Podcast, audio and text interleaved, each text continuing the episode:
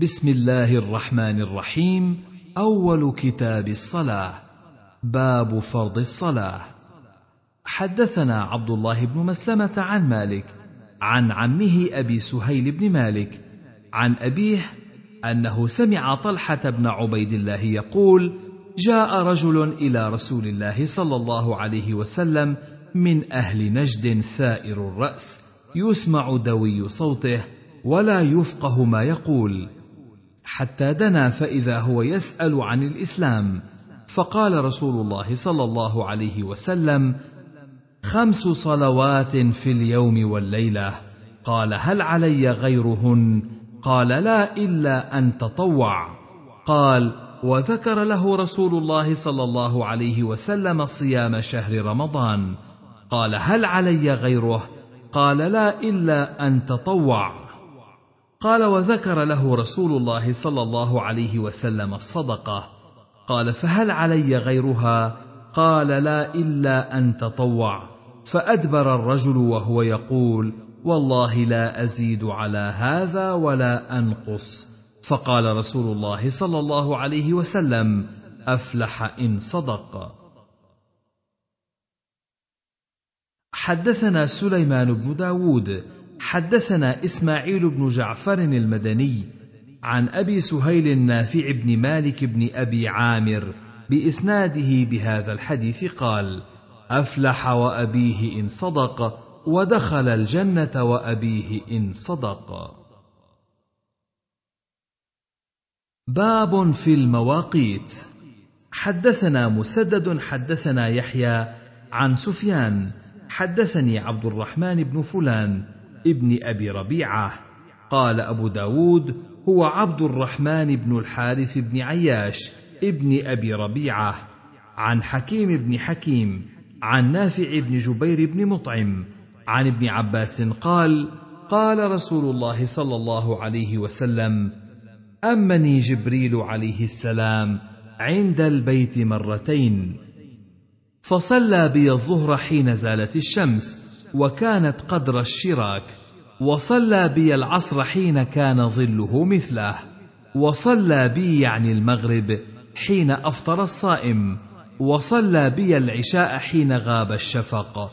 وصلى بي الفجر حين حرم الطعام والشراب على الصائم. فلما كان الغد صلى بي الظهر حين كان ظله مثله.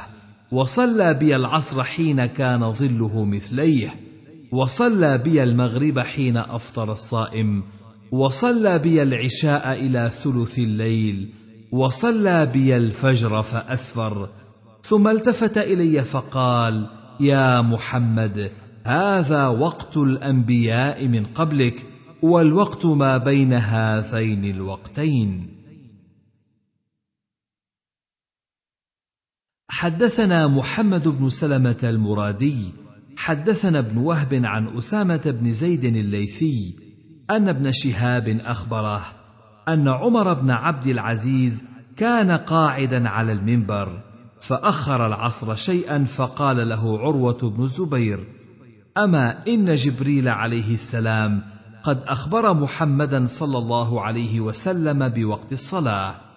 فقال له عمر اعلم ما تقول. فقال عروة سمعت بشير بن أبي مسعود يقول سمعت أبا مسعود الأنصاري يقول سمعت رسول الله صلى الله عليه وسلم يقول نزل جبريل فأخبرني بوقت الصلاة فصليت معه ثم صليت معه ثم صليت معه ثم صليت معه ثم صليت معه يحسب بأصابعه خمس صلوات. فرأيت رسول الله صلى الله عليه وسلم صلى الظهر حين تزول الشمس وربما أخرها حين يشتد الحر ورأيته يصلي العصر والشمس مرتفعة بيضاء قبل أن تدخلها الصفرة.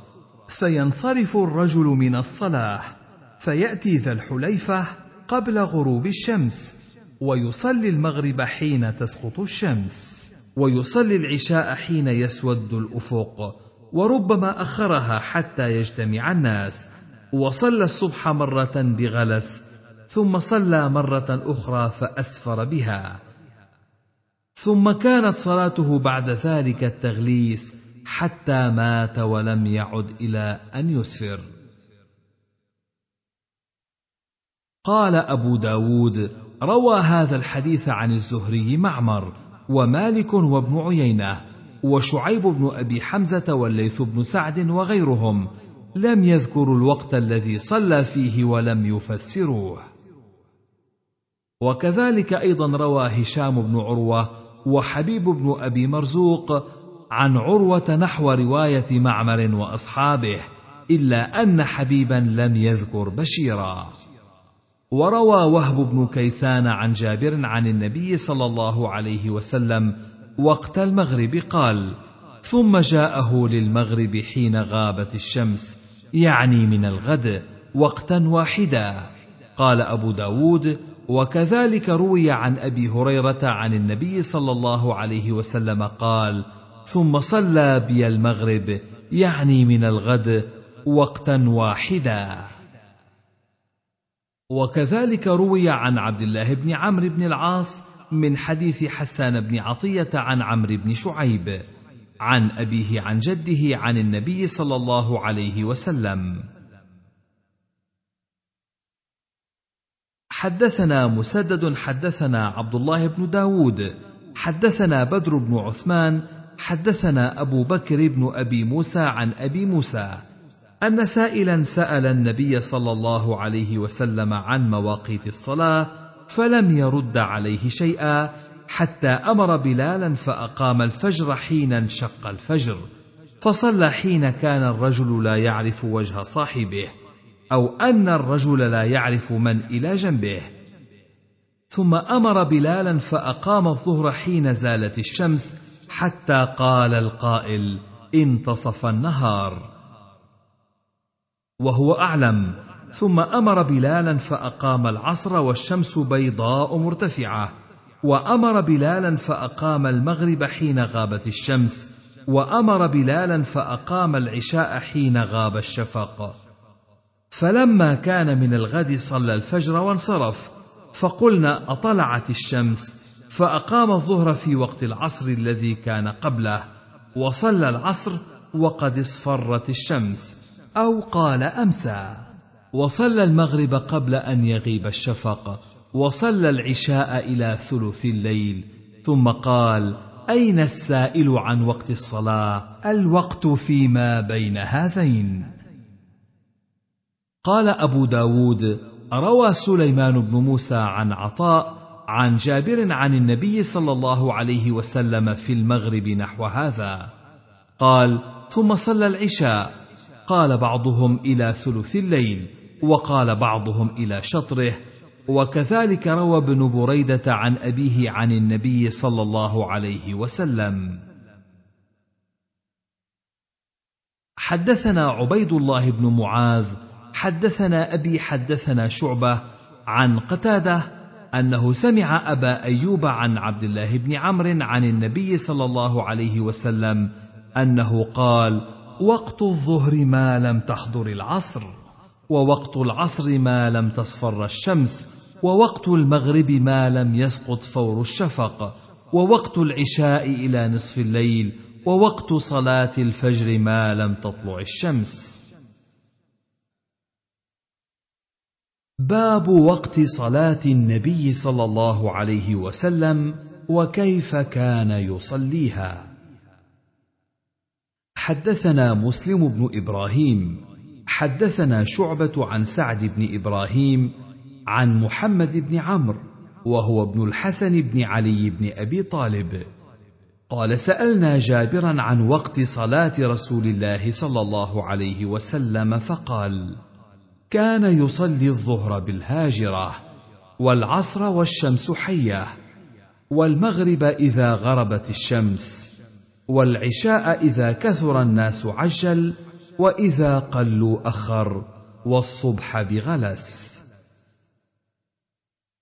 حدثنا حفص بن عمر حدثنا شعبة عن أبي المنهال عن أبي برزة قال كان رسول الله صلى الله عليه وسلم يصلي الظهر إذا زالت الشمس ويصلي العصر وإن أحدنا ليذهب إلى أقصى المدينة ويرجع والشمس حية. ونسيت المغرب وكان لا يبالي تأخير العشاء إلى ثلث الليل. قال ثم قال إلى شطر الليل. قال وكان يكره النوم قبلها والحديث بعدها. وكان يصلي الصبح ويعرف أحدنا جليسه الذي كان يعرفه وكان يقرأ فيها الستين إلى المئة. باب وقت صلاة الظهر. حدثنا أحمد بن حنبل ومسدد. قال حدثنا عباد بن عباد. حدثنا محمد بن عمرو عن سعيد بن الحارث الأنصاري عن جابر بن عبد الله قال كنت أصلي الظهر مع رسول الله صلى الله عليه وسلم فآخذ قبضة من الحصى لتبرد في كفي أضعها لجبهتي أسجد عليها لشدة الحر.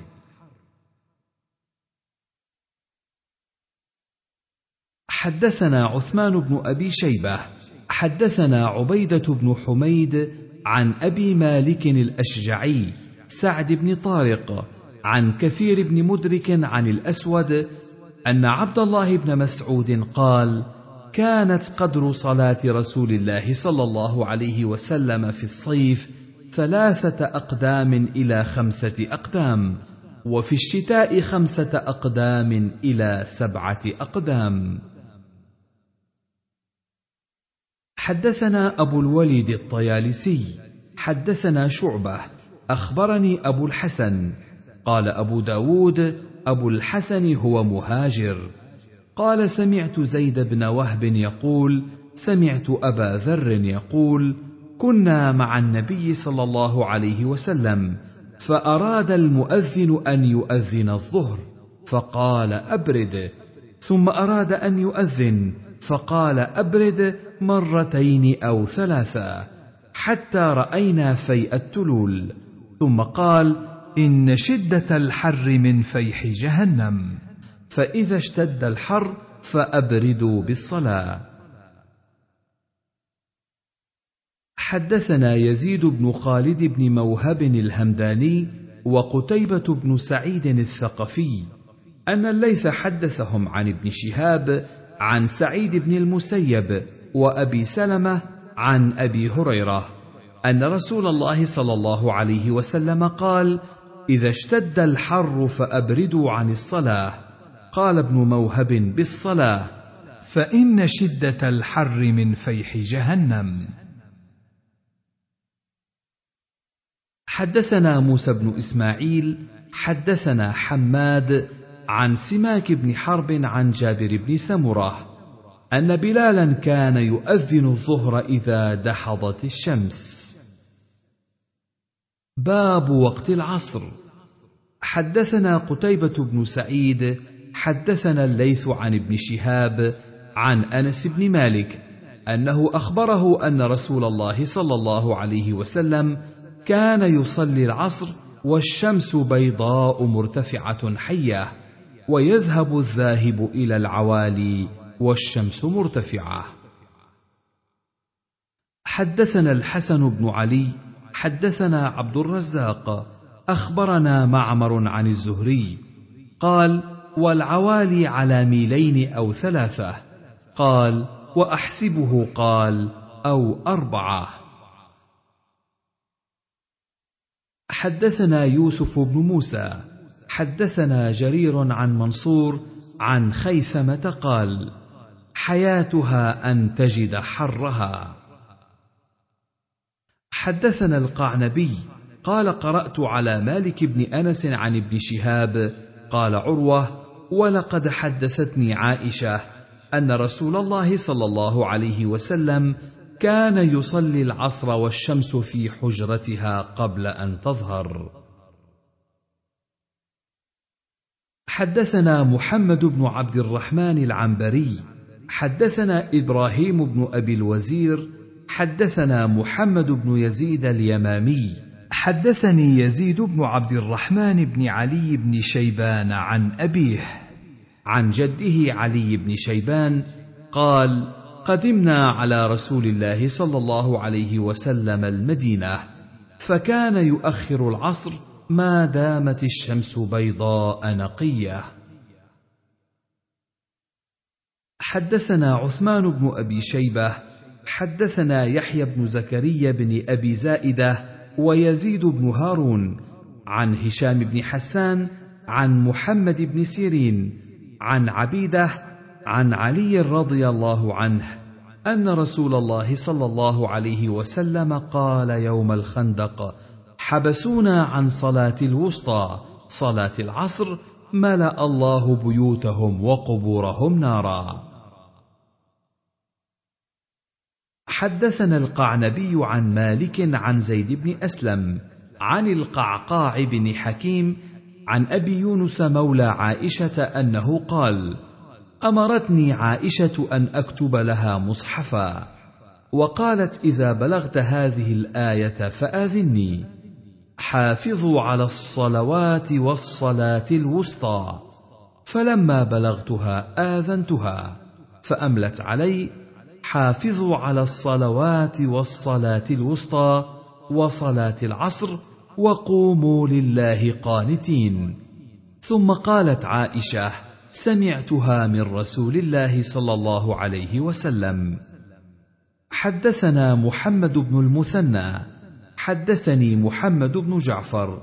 حدثنا شعبة حدثني عمرو بن أبي حكيم قال سمعت الزبرقان يحدث عن عروة بن الزبير. عن زيد بن ثابت قال كان رسول الله صلى الله عليه وسلم يصلي الظهر بالهاجرة ولم يكن يصلي صلاة أشد على أصحاب رسول الله صلى الله عليه وسلم منها. فنزلت حافظوا على الصلوات والصلاة الوسطى وقال إن قبلها صلاتين وبعدها صلاتين.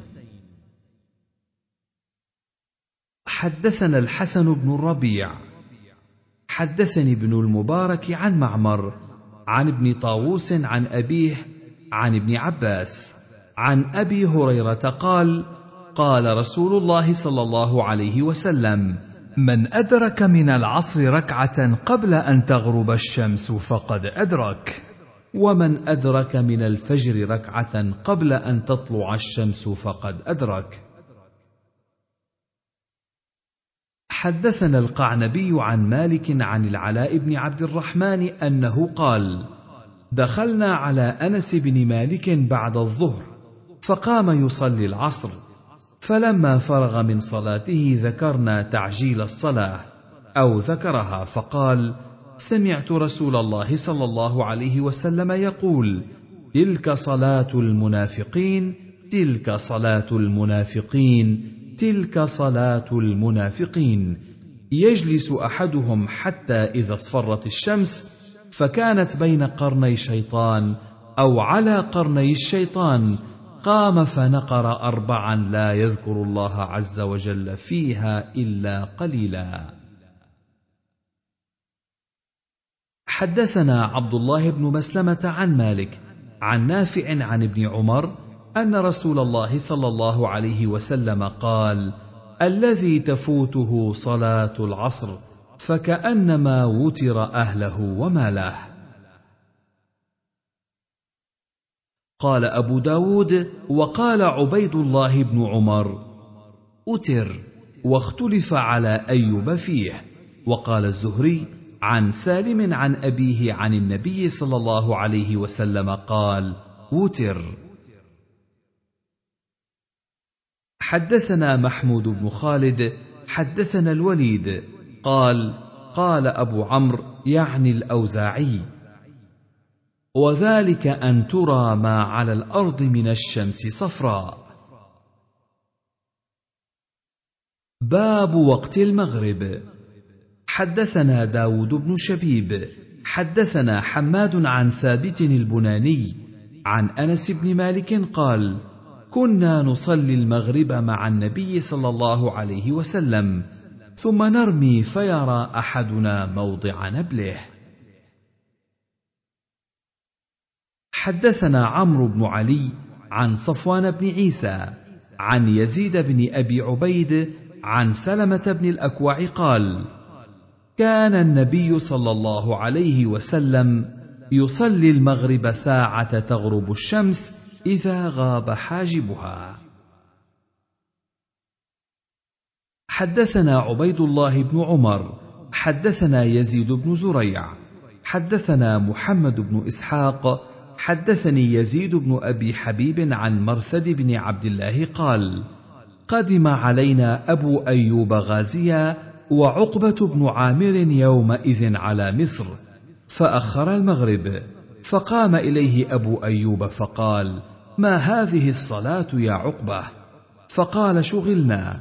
قال أما سمعت رسول الله صلى الله عليه وسلم يقول لا تزال أمتي بخير أو قال على الفطرة ما لم يؤخر المغرب إلى أن تشتبك النجوم. باب وقت العشاء الآخرة. حدثنا مسدد حدثنا أبو عوانة عن أبي بشر عن بشير بن ثابت عن حبيب بن سالم عن النعمان بن بشير قال أنا أعلم الناس بوقت هذه الصلاة صلاة العشاء الآخرة. كان رسول الله صلى الله عليه وسلم يصليها لسقوط القمر لثالثة. حدثنا عثمان بن أبي شيبة حدثنا جرير عن منصور عن الحكم عن نافع عن عبد الله بن عمر قال مكثنا ذات ليلة ننتظر رسول الله صلى الله عليه وسلم لصلاة العشاء فخرج إلينا حين ذهب ثلث الليل أو بعده فلا ندري أشيء شغله أم غير ذلك فقال حين خرج أتنتظرون هذه الصلاة لولا أن تثقل على أمتي لصليت بهم هذه الساعة ثم أمر المؤذن فأقام الصلاة. حدثنا عمرو بن عثمان الحمصي حدثنا أبي حدثنا حريز عن راشد بن سعد عن عاصم بن حميد السكوني أنه سمع معاذ بن جبل يقول أبقينا النبي صلى الله عليه وسلم في صلاة العتمة فتأخر حتى ظن الظان أنه ليس بخارج. والقائل منا يقول صلى فإنا لك ذلك. حتى خرج النبي صلى الله عليه وسلم فقالوا له كما قالوا. فقال أعتموا بهذه الصلاة فإنكم قد فضلتم بها على سائر الأمم ولم تصلها أمة قبلكم. حدثنا مسدد حدثنا بشر بن المفضل حدثنا داود بن أبي هند عن أبي نضرة عن أبي سعيد الخدري قال صلينا مع رسول الله صلى الله عليه وسلم صلاة العتمة فلم يخرج حتى مضى نحو من شطر الليل. فقال خذوا مقاعدكم فأخذنا مقاعدنا.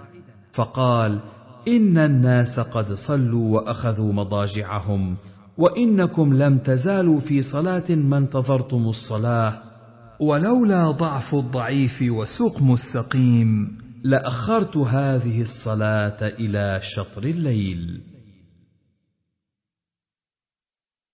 باب وقت الصبح.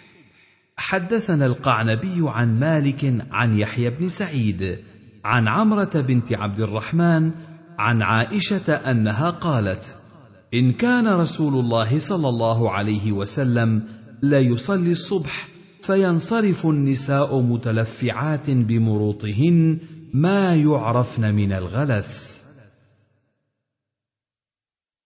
حدثنا إسحاق بن إسماعيل حدثنا سفيان عن ابن عجلان عن عاصم بن عمر ابن قتادة بن النعمان عن محمود بن لبيد عن رافع بن خديج قال قال رسول الله صلى الله عليه وسلم أصبحوا بالصبح فإنه أعظم لأجوركم أو أعظم للأجر.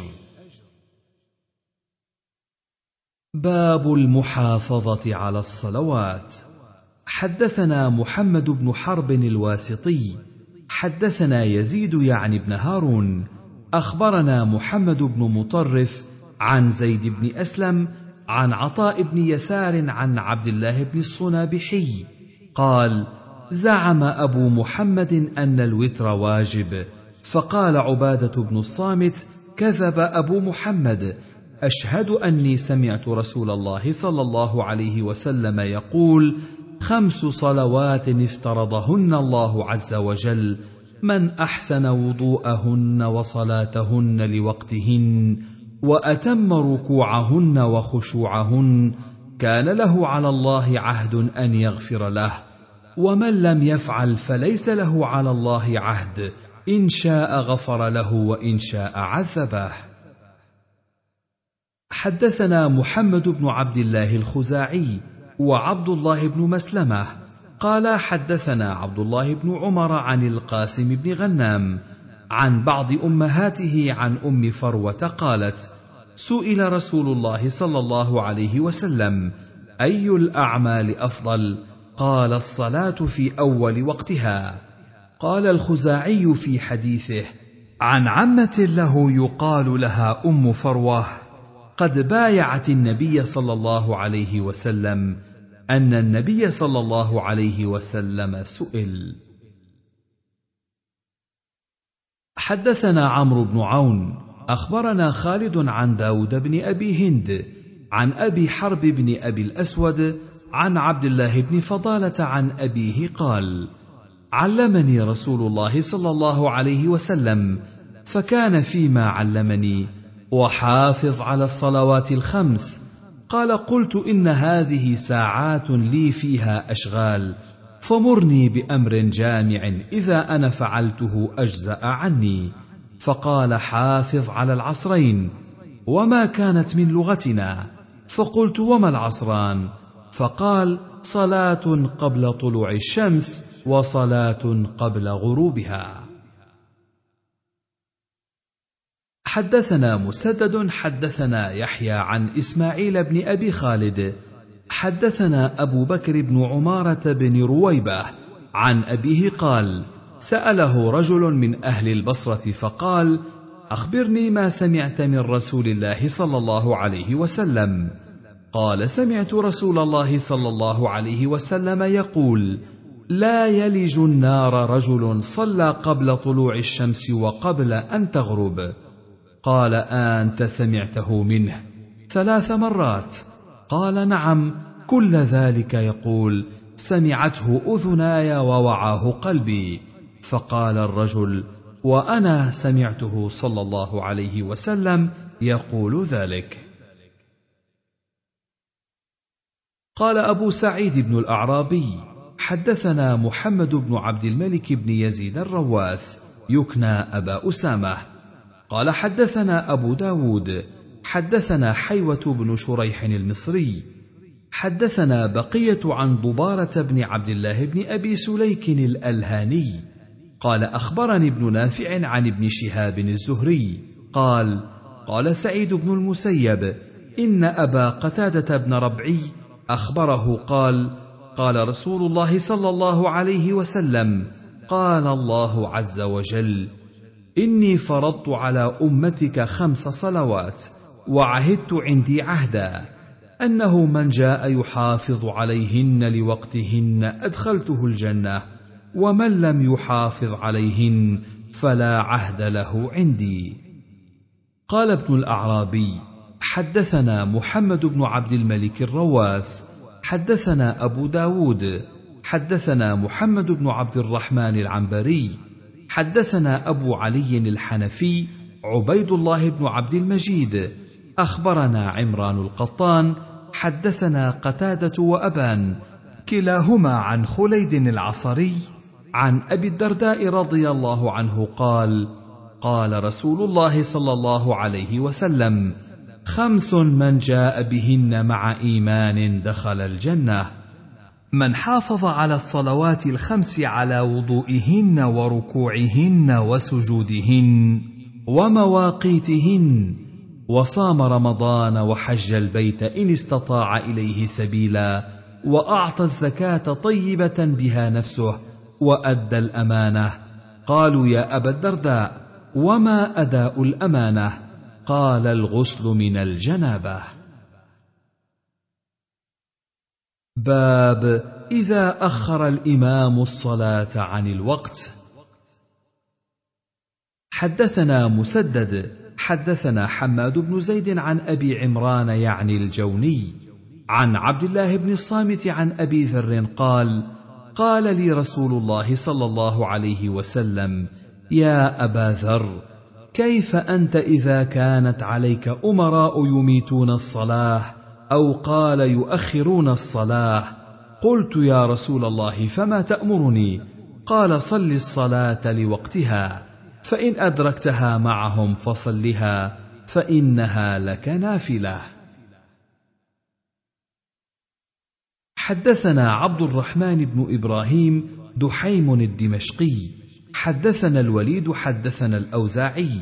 حدثني حسان يعني بن عطية عن عبد الرحمن بن سابط عن عمرو بن ميمون الأودي قال قدم علينا معاذ بن جبل اليمن رسول رسول الله صلى الله عليه وسلم إلينا. قال فسمعت تكبيره مع الفجر رجل أجش الصوت قال فألقيت عليه محبتي فما فارقته حتى دفنته بالشام ميتا. ثم نظرت إلى أفقه الناس بعده فأتيت ابن مسعود فلزمته حتى مات فقال قال لي رسول الله صلى الله عليه وسلم كيف بكم إذا أتت عليكم أمراء يصلون الصلاة لغير ميقاتها؟ قلت فما تأمرني إذا أدركني ذلك يا رسول الله؟ قال صل الصلاة لميقاتها واجعل صلاتك معهم سبحه حدثنا محمد بن قدامة بن أعين حدثنا جرير عن منصور عن هلال بن يساف عن أبي المثنى عن ابن أخت عبادة بن الصامت عن عبادة بن الصامت.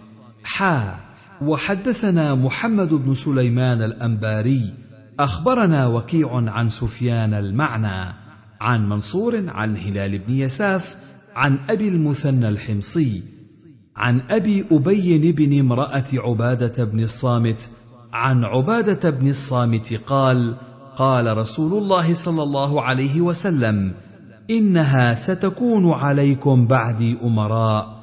تشغلهم أشياء عن الصلاة لوقتها حتى يذهب وقتها. فصلوا الصلاة لوقتها. فقال رجل يا رسول الله أصلي معهم. قال نعم إن شئت. وقال سفيان إن أدركتها معهم أصلي معهم. قال نعم إن شئت. حدثنا أبو الوليد الطيالسي حدثنا أبو هاشم يعني الزعفراني. حدثني صالح بن عبيد عن قبيصة بن وقاص. قال قال رسول الله صلى الله عليه وسلم تكون عليكم أمراء من بعدي يؤخرون الصلاة فهي لكم وهي عليهم فصلوا معهم ما صلوا القبلة. باب في من نام عن صلاة أو نسيها.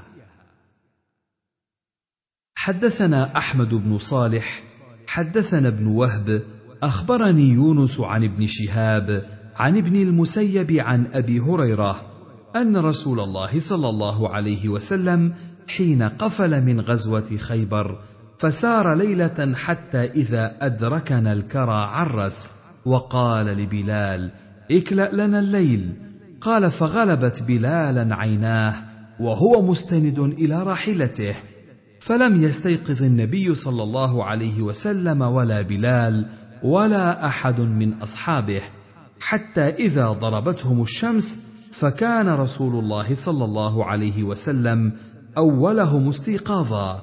ففزع رسول الله صلى الله عليه وسلم فقال يا بلال فقال أخذ بنفسي الذي أخذ بنفسك يا رسول الله بأبي أنت وأمي.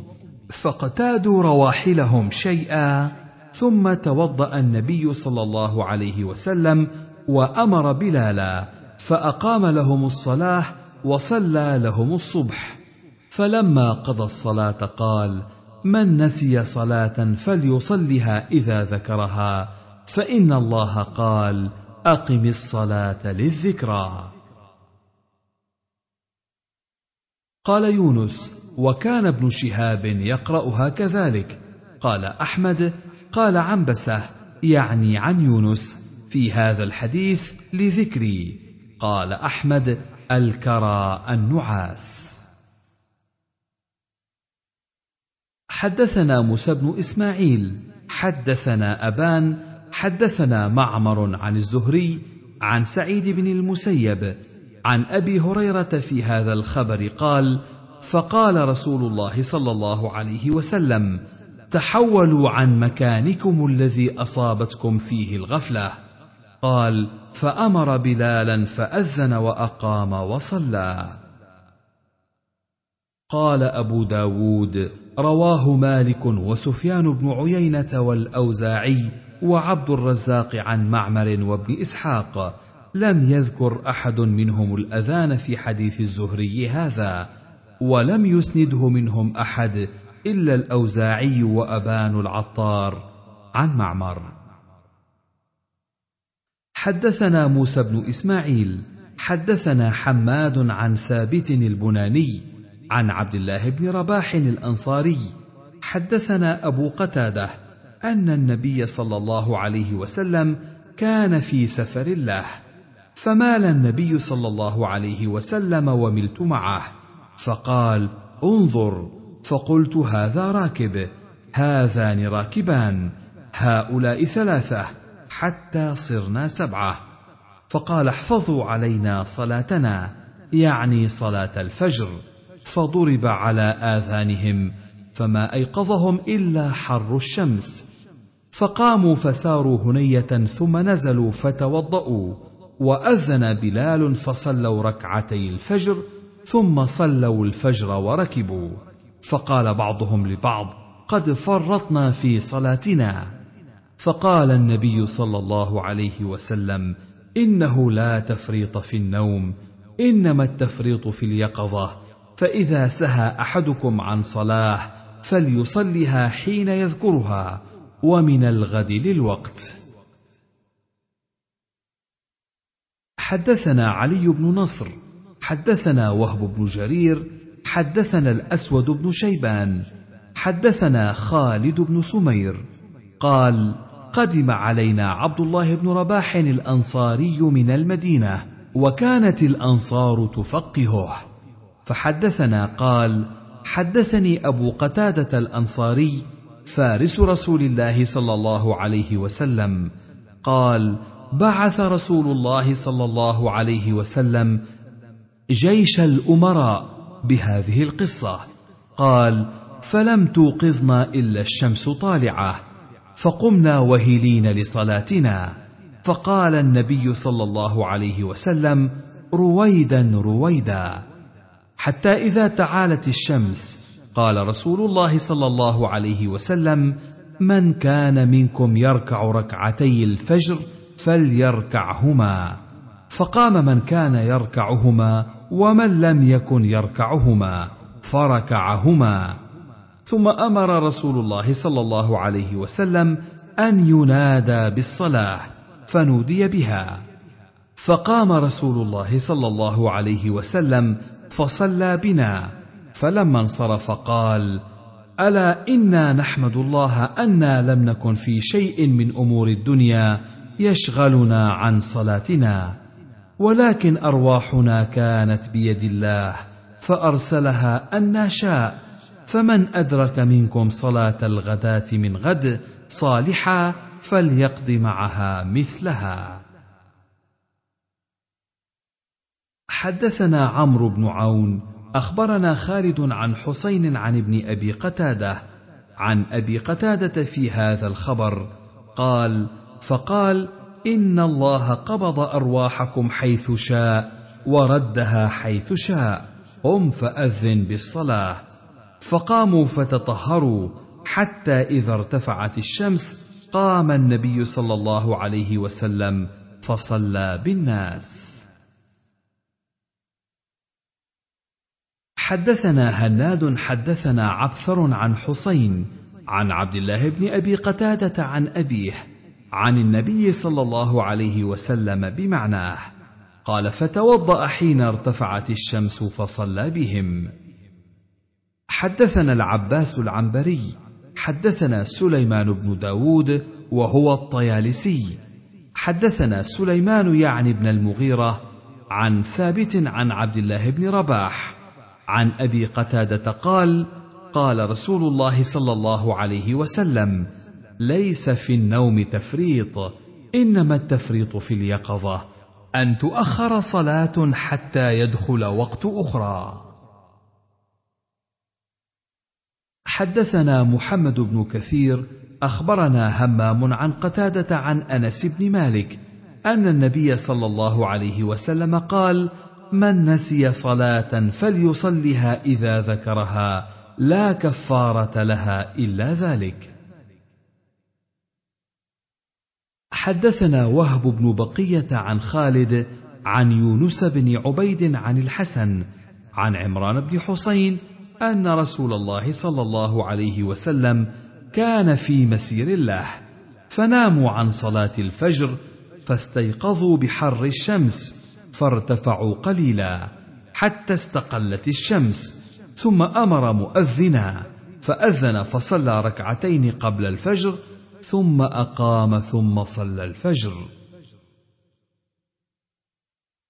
حدثنا عباس العنبري حا وحدثنا أحمد بن صالح وهذا لفظ عباس أن عبد الله بن يزيد حدثهم عن حيوة بن شريح عن عياش بن عباس يعني القتباني أن كليب بن صبح حدثهم أن الزبرقان حدثه عن عمه عمرو بن أمية الضمري قال كنا مع رسول الله صلى الله عليه وسلم في بعض أسفاره فنام عن الصبح حتى طلعت الشمس فاستيقظ رسول الله صلى الله عليه وسلم فقال تنحوا عن هذا المكان قال ثم أمر بلالا فأذن ثم توضأوا وصلوا ركعتي الفجر ثم أمر بلالا فأقام الصلاة فصلى بهم صلاة الصبح. حدثنا إبراهيم بن الحسن حدثنا حجاج يعني ابن محمد حدثنا حريز حا وحدثنا عبيد بن أبي الوزير حدثنا مبشر يعني الحلبي. حدثنا حريز يعني ابن عثمان. حدثني يزيد بن صالح عن ذي مخبر الحبشي وكان يخدم النبي صلى الله عليه وسلم في هذا الخبر. قال فتوضا يعني النبي صلى الله عليه وسلم وضوءا لم يلث منه التراب. ثم أمر بلالا فأذن. ثم قام النبي صلى الله عليه وسلم فركع ركعتين غير عجل. ثم قال لبلال أقم الصلاة. ثم صلى وهو غير عجل. قال عن حجاج عن يزيد بن صليح. حدثني ذو مخبر رجل من الحبشة. وقال عبيد يزيد بن صالح. حدثنا مؤمل بن الفضل. حدثنا الوليد عن حريز يعني ابن عثمان. عن يزيد بن صليح عن ذي مخبر بن أخي النجاشي. في هذا الخبر قال فأذن وهو غير عجل. حدثنا محمد بن المثنى حدثنا محمد بن جعفر حدثنا شعبة عن جامع بن شداد سمعت عبد الرحمن بن أبي علقمة سمعت عبد الله بن مسعود قال أقبلنا مع رسول الله صلى الله عليه وسلم زمن الحديبية. فقال رسول الله صلى الله عليه وسلم من يكلأنا؟ فقال بلال أنا. فناموا حتى طلعت الشمس فاستيقظ النبي صلى الله عليه وسلم فقال افعلوا كما كنتم تفعلون. قال ففعلنا. قال فكذلك فافعلوا لمن نام أو نسي. باب في بناء المساجد. حدثنا محمد بن الصباح بن سفيان. أخبرنا سفيان بن عيينة عن سفيان الثوري عن أبي فزارة عن يزيد بن الأصم عن ابن عباس قال قال رسول الله صلى الله عليه وسلم ما أمرت بتشييد المساجد. قال ابن عباس لتزخرفنها كما زخرفت اليهود والنصارى. حدثنا محمد بن عبد الله الخزاعي حدثنا حماد بن سلمة عن أيوب عن أبي قلابة عن أنس وقتادة عن أنس أن النبي صلى الله عليه وسلم قال لا تقوم الساعة حتى يتباهى الناس في المساجد. حدثنا رجاء بن المرجى حدثنا أبو همام الدلال محمد بن محبب. حدثنا سعيد بن السائب عن محمد بن عبد الله بن عياض.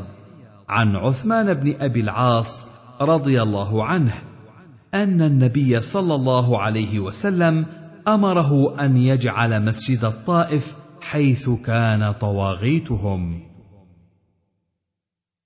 حدثنا محمد بن يحيى بن فارس ومجاهد بن موسى وهو أتم.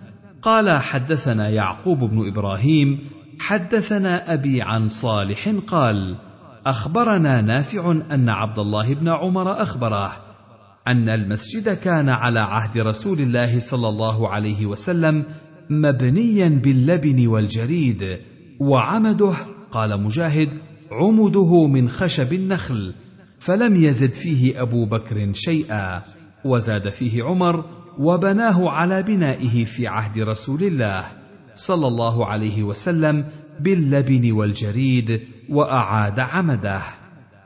وقال مجاهد عمده خشبا وغيره عثمان فزاد فيه زيادة كثيرة وبنى جداره بالحجارة المنقوشة والقصة وجعل عمده من حجارة منقوشة وسقفه بالساج. قال مجاهد وسقفه الساج. قال أبو داود القصة الجص. حدثنا محمد بن حاتم حدثنا عبيد الله بن موسى عن شيبان. عن فراس عن عطية عن ابن عمر قال إن مسجد النبي صلى الله عليه وسلم كانت سواريه على عهد رسول الله صلى الله عليه وسلم من جذوع النخل. أعلاه مظلل بجريد النخل. ثم إنها نخرت في خلافة أبي بكر فبناها بجذوع النخل وبجريد النخل. ثم إنها نخرت في خلافة عثمان فبناها بالآجر فلم تزل ثابتة حتى الآن. حدثنا مسدد حدثنا عبد الوارث عن أبي التياح. عن أنس بن مالك قال قدم رسول الله صلى الله عليه وسلم المدينة فنزل في علو المدينة في حي يقال لهم بنو عمرو بن عوف فأقام فيهم أربع عشرة ليلة ثم أرسل إلى بني النجار فجاءوا متقلدين سيوفهم فقال أنس فكأني أنظر إلى رسول الله صلى الله عليه وسلم على راحلته وأبو بكر ردفه. وملأ بني النجار حوله حتى ألقى بفناء أبي أيوب. وكان رسول الله صلى الله عليه وسلم يصلي حيث أدركته الصلاة ويصلي في مرابض الغنم وإنه أمر ببناء المسجد فأرسل إلى بني النجار قال يا بني النجار ثامنوني بحائطكم هذا فقالوا والله لا نطلب ثمنه إلا إلى الله. قال أنس وكان فيه ما أقول لكم. كانت فيه قبور المشركين وكانت فيه خرب وكانت فيه نخل. فأمر رسول الله صلى الله عليه وسلم بقبور المشركين فنبشت وبالخرب فسويت وبالنخل فقطع. فصفف النخل قبلة المسجد وجعلوا عضادتيه حجارة وجعلوا ينقلون الصخر وهم يرتجزون والنبي صلى الله عليه وسلم معهم ويقول اللهم لا خير إلا خير الآخرة فانصر الأنصار والمهاجرة. حدثنا موسى بن إسماعيل حدثنا حماد بن سلمة عن أبي التياح عن أنس بن مالك قال كان موضع المسجد حائطا لبني النجار فيه حرث ونخل وقبور المشركين. فقال رسول الله صلى الله عليه وسلم ثامنوني به. فقالوا لا نبغي به ثمنا. فقطع النخل وسوي الحرث ونبش قبور المشركين وساق الحديث وقال فاغفر مكان فانصر. قال موسى حدثنا عبد الوارث بنحوه وكان عبد الوارث يقول خرب وزعم عبد الوارث أنه أفاد حمادا هذا الحديث. باب اتخاذ المساجد في الدور.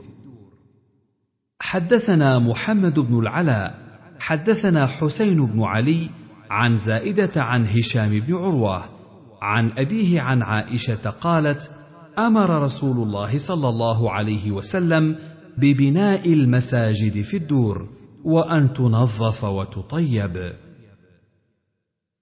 حدثنا محمد بن داود بن سفيان حدثنا يحيى يعني بن حسان حدثنا سليمان بن موسى حدثنا جعفر بن سعد بن سمرة حدثني خبيب بن سليمان عن أبيه سليمان بن سمرة عن أبيه سمرة قال إنه كتب إلى بنيه أما بعد فإن رسول الله صلى الله عليه وسلم كان يأمرنا بالمساجد أن نصنعها في دورنا ونصلح صنعتها ونطهرها.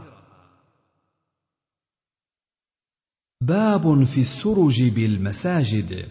حدثنا النفيلي حدثنا مسكين عن سعيد بن عبد العزيز عن زياد بن أبي سودة عن ميمونة مولاه النبي صلى الله عليه وسلم أنها قالت يا رسول الله أفتنا في بيت المقدس. فقال رسول الله صلى الله عليه وسلم ائتوه فصلوا فيه. وكانت البلاد إذ ذاك حربا فإن لم تأتوه وتصلوا فيه فابعثوا بزيت يسرج في قناديله. باب في حصى المسجد. حدثنا سهل بن تمام بن بزيع. حدثنا عمر بن سليم الباهلي عن أبي الوليد قال سألت ابن عمر عن الحصى الذي في المسجد فقال مطرنا ذات ليلة فأصبحت الأرض مبتلة فجعل الرجل يأتي بالحصى في ثوبه فيبسطه تحته. فلما قضى رسول الله صلى الله عليه وسلم الصلاة قال ما أحسن هذا؟ حدثنا عثمان بن أبي شيبة حدثنا أبو معاوية ووكيع قال أخبرنا الأعمش عن أبي صالح قال كان يقال إن الرجل إذا أخرج الحصى من المسجد يناشده. حدثنا محمد بن إسحاق أبو بكر يعني الصاغاني. حدثنا أبو بدر شجاع بن الوليد. حدثنا شريك. حدثنا أبو حصين عن أبي صالح عن أبي هريرة. قال أبو بدر أراه قد رفعه إلى النبي صلى الله عليه وسلم. قال إن الحصاة لتناشد الذي يخرجها من المسجد. باب كنس المسجد. حدثنا عبد الوهاب بن عبد الحكم الخزاز.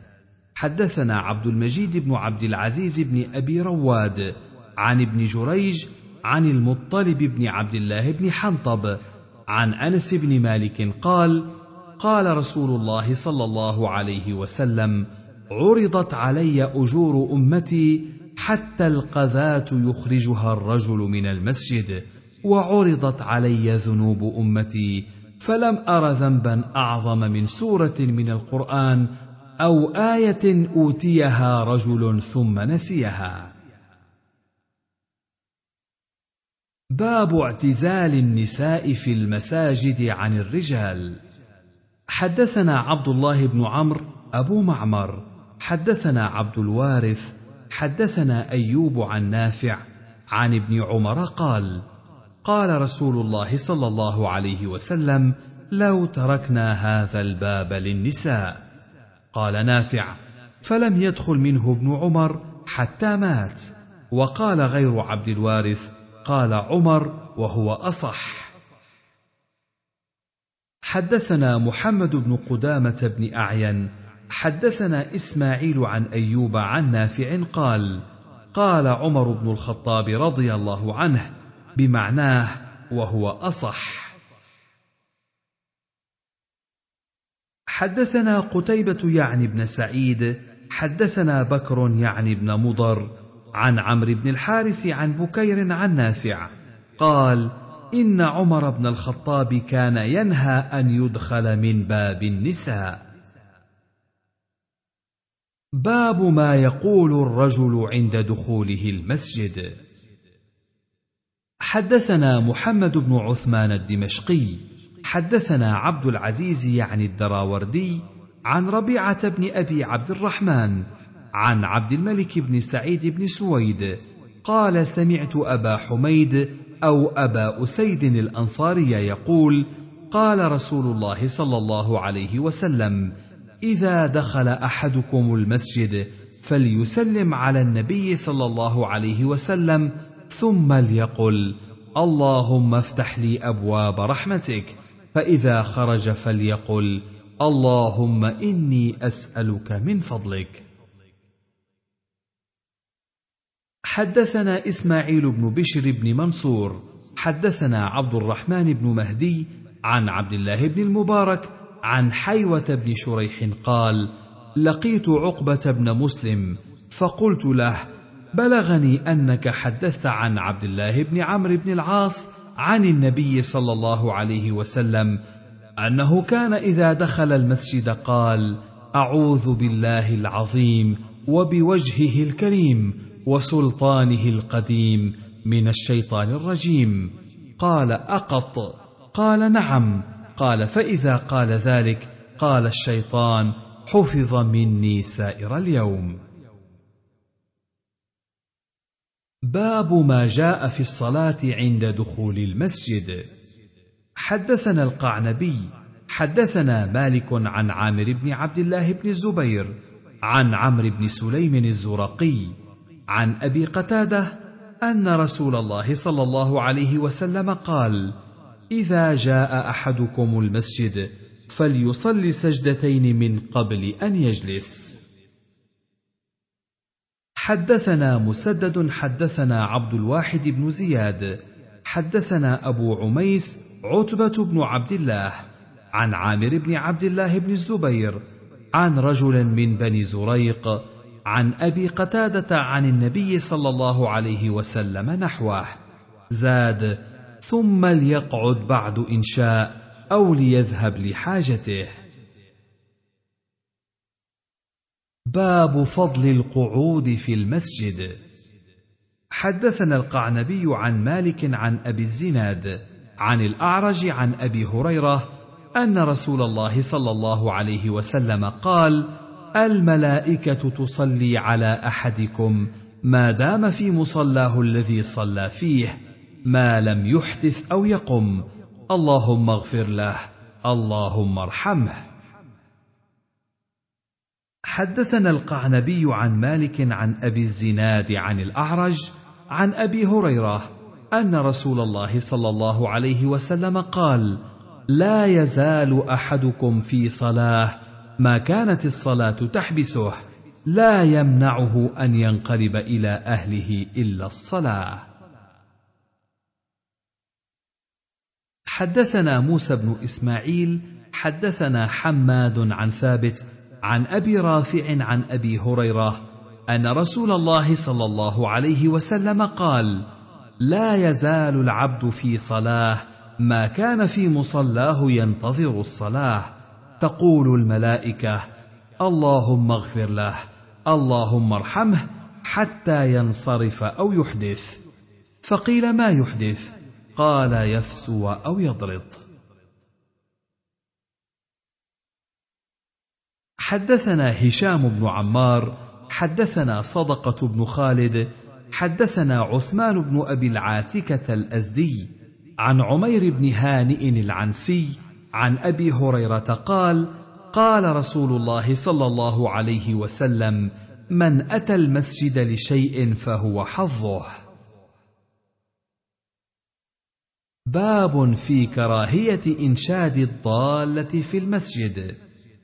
حدثنا عبيد الله بن عمر الجوشمي حدثنا عبد الله بن يزيد حدثنا حيوة يعني بن شريح قال سمعت أبا الأسود يعني محمد بن عبد الرحمن بن نوفل يقول أخبرني أبو عبد الله مولى شداد أنه سمع أبا هريرة يقول سمعت رسول الله صلى الله عليه وسلم يقول من سمع رجلا ينشد ضالة في المسجد فليقل لا أداها الله إليك فإن المساجد لم تبن لهذا.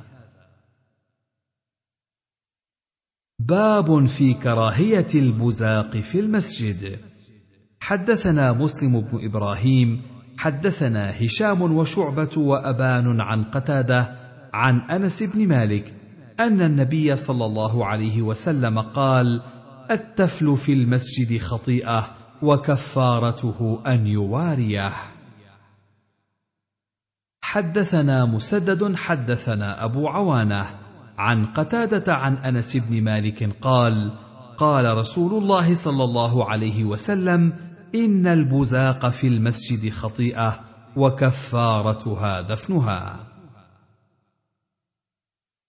حدثنا أبو كامل حدثنا يزيد يعني بن زريع عن سعيد عن قتادة عن أنس بن مالك قال قال رسول الله صلى الله عليه وسلم النخاعة في المسجد فذكر مثله. حدثنا القعنبي حدثنا أبو مودود عن عبد الرحمن بن أبي حدرد الأسلمي قال سمعت أبا هريرة يقول قال رسول الله صلى الله عليه وسلم من دخل هذا المسجد فبزق فيه أو تنخم فليحفر وليدفنه فإن لم يفعل فليبزق في ثوبه ثم ليخرج به. حدثنا هناد بن السري عن أبي الأحوص عن منصور عن ربعي عن طارق بن عبد الله المحاربي قال قال رسول الله صلى الله عليه وسلم إذا قام الرجل إلى الصلاة أو إذا صلى أحدكم فلا يبزقن أمامه ولا عن يمينه ولكن عن تلقاء يساره إن كان فارغا أو تحت قدمه اليسرى ثم ليقل به. حدثنا سليمان بن داود. حدثنا حماد حدثنا أيوب عن نافع عن ابن عمر قال بينما رسول الله صلى الله عليه وسلم يخطب يوما إذ رأى نخامة في قبلة المسجد فتغيظ على الناس ثم حكها قال وأحسبه قال فدعا بزعفران فلطخه به وقال إن الله تعالى قبل وجه أحدكم إذا صلى فلا يبزق بين يديه. قال أبو داود رواه إسماعيل وعبد الوارث عن أيوب عن نافع ومالك وعبيد الله وموسى بن عقبة عن نافع نحو حماد إلا أنه لم يذكر الزعفران. ورواه معمر عن أيوب وأثبت الزعفران فيه. وذكر يحيى بن سليم عن عبيد الله عن نافع الخلوق. حدثنا يحيى بن حبيب بن عربي حدثنا خالد يعني بن الحارث عن محمد بن عجلان عن عياض بن عبد الله عن أبي سعيد الخدري أن النبي صلى الله عليه وسلم كان يحب العراجين ولا يزال في يده منها فدخل المسجد فرأى نخامة في قبلة المسجد فحكها ثم أقبل على الناس مغضبا فقال أيسر أحدكم أن يبصق في وجهه؟ إن أحدكم إذا استقبل القبلة فإنما يستقبل ربه عز وجل والملك عن يمينه فلا يتفل عن يمينه ولا في قبلته وليبصق عن يساره أو تحت قدمه فإن عجل به أمر فليقل هكذا. ووصف لنا ابن عجلان ذلك أن يتفل في ثوبه. ثم يرد بعضه على بعض. حدثنا يحيى بن الفضل السجستاني وهشام بن عمار وسليمان بن عبد الرحمن الدمشقيان بهذا الحديث. وهذا لفظ يحيى بن الفضل السجستاني. قالوا حدثنا حاتم بن إسماعيل حدثنا يعقوب بن مجاهد أبو حزرة عن عبادة بن الوليد بن عبادة بن الصامت قال أتينا جابرا يعني ابن عبد الله وهو في مسجده فقال أتانا رسول الله صلى الله عليه وسلم في مسجدنا هذا وفي يده عرجون بن طاب فنظر فرأى في قبلة المسجد نخامة فأقبل عليها فحتها بالعرجون ثم قال أيكم يحب أن يعرض الله عنه بوجهه؟ ثم قال إن أحدكم إذا قام يصلي فإن الله قبل وجهه فلا يبصقن قبل وجهه ولا عن يمينه وليبصق عن يساره تحت رجله اليسرى. فإن عجلت به بادرة فليقل بثوبه هكذا. ووضعه على فيه ثم دلكه ثم قال أروني عبيرا. فقام فتى من الحي يشتد إلى أهله فجاء بخلوق في راحته. فأخذه رسول الله صلى الله عليه وسلم فجعله على رأس العرجون ثم لطخ به على أثر النخامة. قال جابر فمن هناك جعلتم الخلوق في مساجدكم. حدثنا أحمد بن صالح حدثنا عبد الله بن وهب أخبرني عمرو عن بكر بن سوادة الجذامي عن صالح بن خيوان عن أبي سهلة السائب بن خلاد قال أحمد من أصحاب النبي صلى الله عليه وسلم أن رجلا اما قوما فبصق في القبلة ورسول الله صلى الله عليه وسلم ينظر. فقال رسول الله صلى الله عليه وسلم حين فرغ لا يصلي لكم. فأراد بعد ذلك أن يصلي لهم فمنعوه وأخبروه بقول رسول الله صلى الله عليه وسلم. فذكر ذلك لرسول الله صلى الله عليه وسلم فقال نعم. وحسبت أنه قال إنك آذيت الله ورسوله. حدثنا موسى بن إسماعيل حدثنا حماد أخبرنا سعيد الجريري عن أبي العلاء عن مطرف عن أبيه قال أتيت رسول الله صلى الله عليه وسلم وهو يصلي فبزق تحت قدمه اليسرى. حدثنا مسدد حدثنا يزيد بن زريع عن سعيد الجريري عن أبي العلاء عن أبيه بمعناه زاد ثم دلكه بنعله. حدثنا قتيبة بن سعيد حدثنا الفرج بن فضالة عن أبي سعيد قال: رأيت واثلة بن الأسقع في مسجد دمشق بصق على البوري ثم مسحه برجله، فقيل له: لم فعلت هذا؟ قال: لأني رأيت رسول الله صلى الله عليه وسلم يفعله.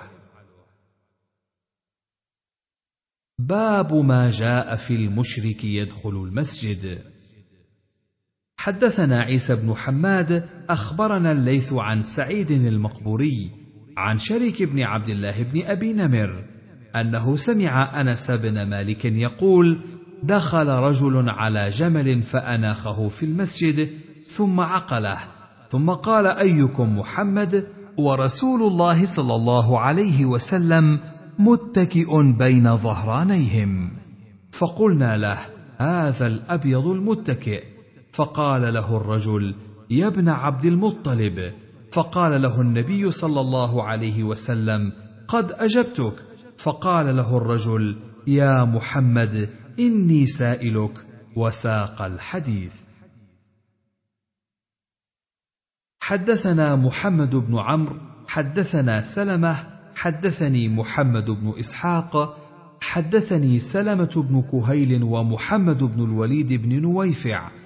عن كريب عن ابن عباس قال بعثت بنو سعد بن بكر ضمام بن ثعلبة إلى رسول الله صلى الله عليه وسلم فقدم عليه فأناخ بعيره عند باب المسجد ثم عقله ثم دخل المسجد فذكر نحوه.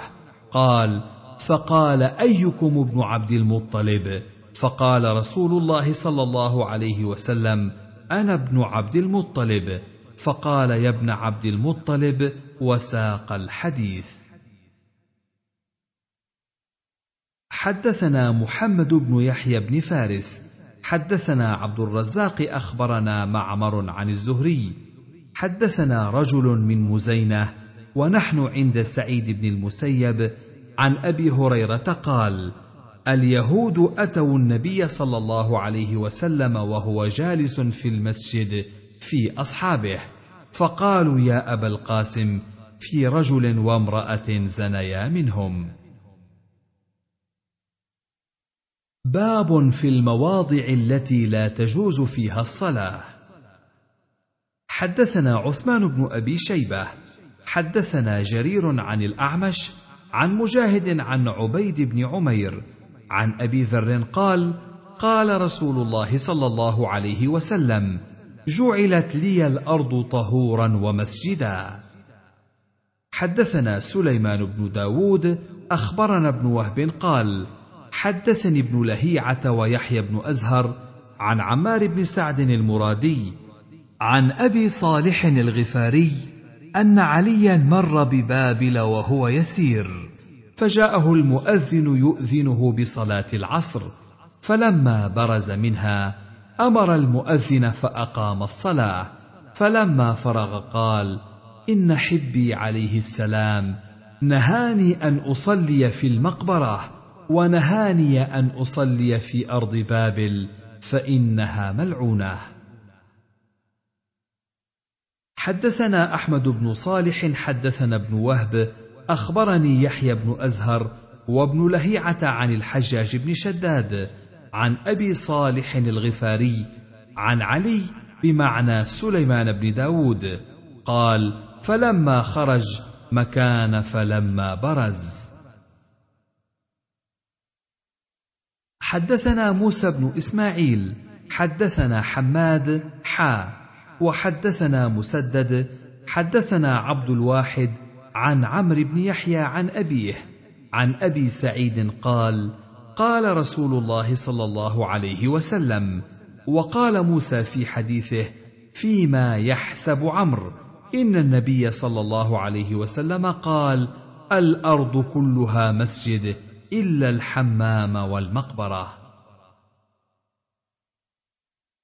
باب النهي عن الصلاة في مبارك الإبل.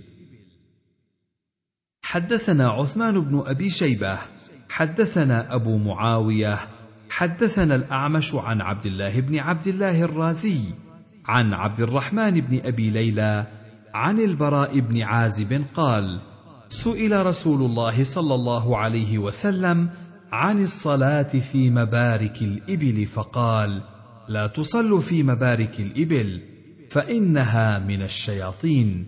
وسئل عن الصلاة في مرابض الغنم فقال صلوا فيها فإنها بركة.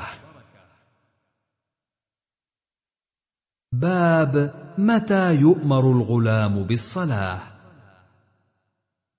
حدثنا محمد بن عيسى يعني ابن الطباع.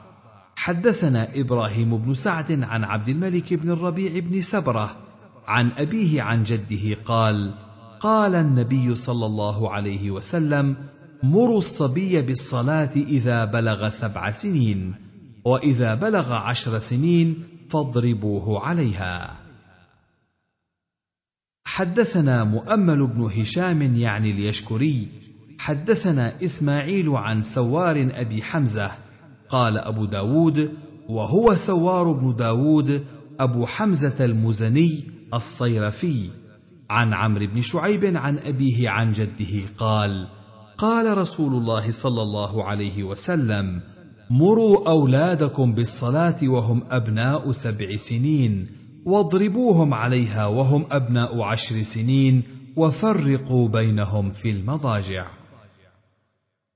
حدثنا زهير بن حرب حدثنا وكيع حدثني داود بن سوار المزني بإسناده ومعناه وزاد وإذا زوج أحدكم خادمه عبده أو أجيره فلا ينظر إلى ما دون السرة وفوق الركبة. قال أبو داود وهم وكيع في اسمه. وروى عنه أبو داود الطيالسي هذا الحديث فقال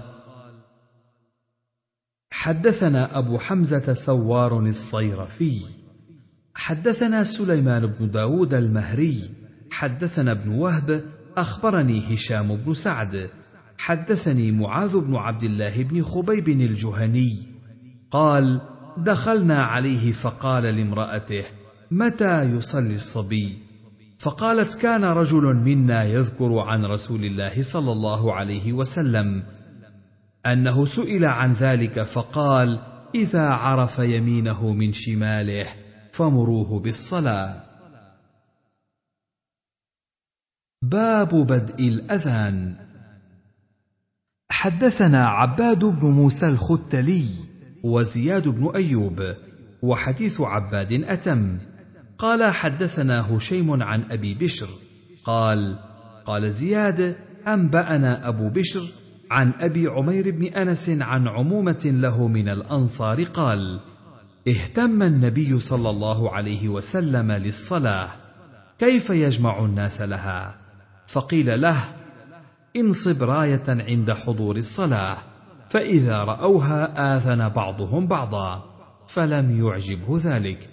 قال فذكر له القنع يعني الشبور. وقال زياد شبور اليهود. فلم يعجبه ذلك وقال هو من أمر اليهود. قال فذكر له الناقوس فقال هو من أمر النصارى. فانصرف عبد الله بن زيد بن عبد ربه وهو مهتم لهم رسول الله صلى الله عليه وسلم فأري الأذان في منامه. قال فغدا على رسول الله صلى الله عليه وسلم فأخبره فقال يا رسول الله إني لبين نائم ويقظان إذ أتاني آت فأراني الأذان. قال وكان عمر بن الخطاب قد رآه قبل ذلك فكتمه عشرين يوما. قال ثم أخبر النبي صلى الله عليه وسلم فقال له ما منعك أن تخبرني؟ قال سبقني عبد الله بن زيد فاستحييت. فقال رسول الله صلى الله عليه وسلم يا بلال قم فانظر ما يأمرك به عبد الله بن زيد فافعله. قال فأذن بلال. قال أبو بشر فأخبرني أبو عمير أن الأنصار تزعم أن عبد الله بن زيد لولا أنه كان يومئذ مريضا لجعله رسول الله صلى الله عليه وسلم مؤذنا. باب كيف الأذان. حدثنا محمد بن منصور الطوسي حدثنا يعقوب حدثنا أبي عن محمد بن إسحاق حدثني محمد بن إبراهيم بن الحارث التيمي عن محمد بن عبد الله بن زيد بن عبد ربه. حدثني أبي عبد الله بن زيد قال لما أمر رسول الله صلى الله عليه وسلم بالناقوس يعمل ليضرب به للناس لجمع الصلاة. طاف بي وأنا نائم رجل يحمل ناقوسا في يده. فقلت يا عبد الله أتبيع الناقوس؟ قال وما تصنع به؟ فقلت ندعو به إلى الصلاة. قال أفلا أدلك على ما هو خير من ذلك؟ فقلت له بلى. قال فقال تقول الله أكبر الله أكبر الله أكبر الله أكبر. أشهد أن لا إله إلا الله. أشهد أن لا إله إلا الله. أشهد أن محمدا رسول الله. أشهد أن محمدا رسول الله. حي على الصلاة. حي على الصلاة. حي على الفلاح. حي على الفلاح. الله أكبر. الله أكبر. لا إله إلا الله. قال ثم استأخر عني غير بعيد. ثم قال ثم تقول إذا أقمت الصلاة. الله أكبر الله أكبر. أشهد أن لا إله إلا الله. أشهد أن محمدا رسول الله. حي على الصلاة. حي على الفلاح.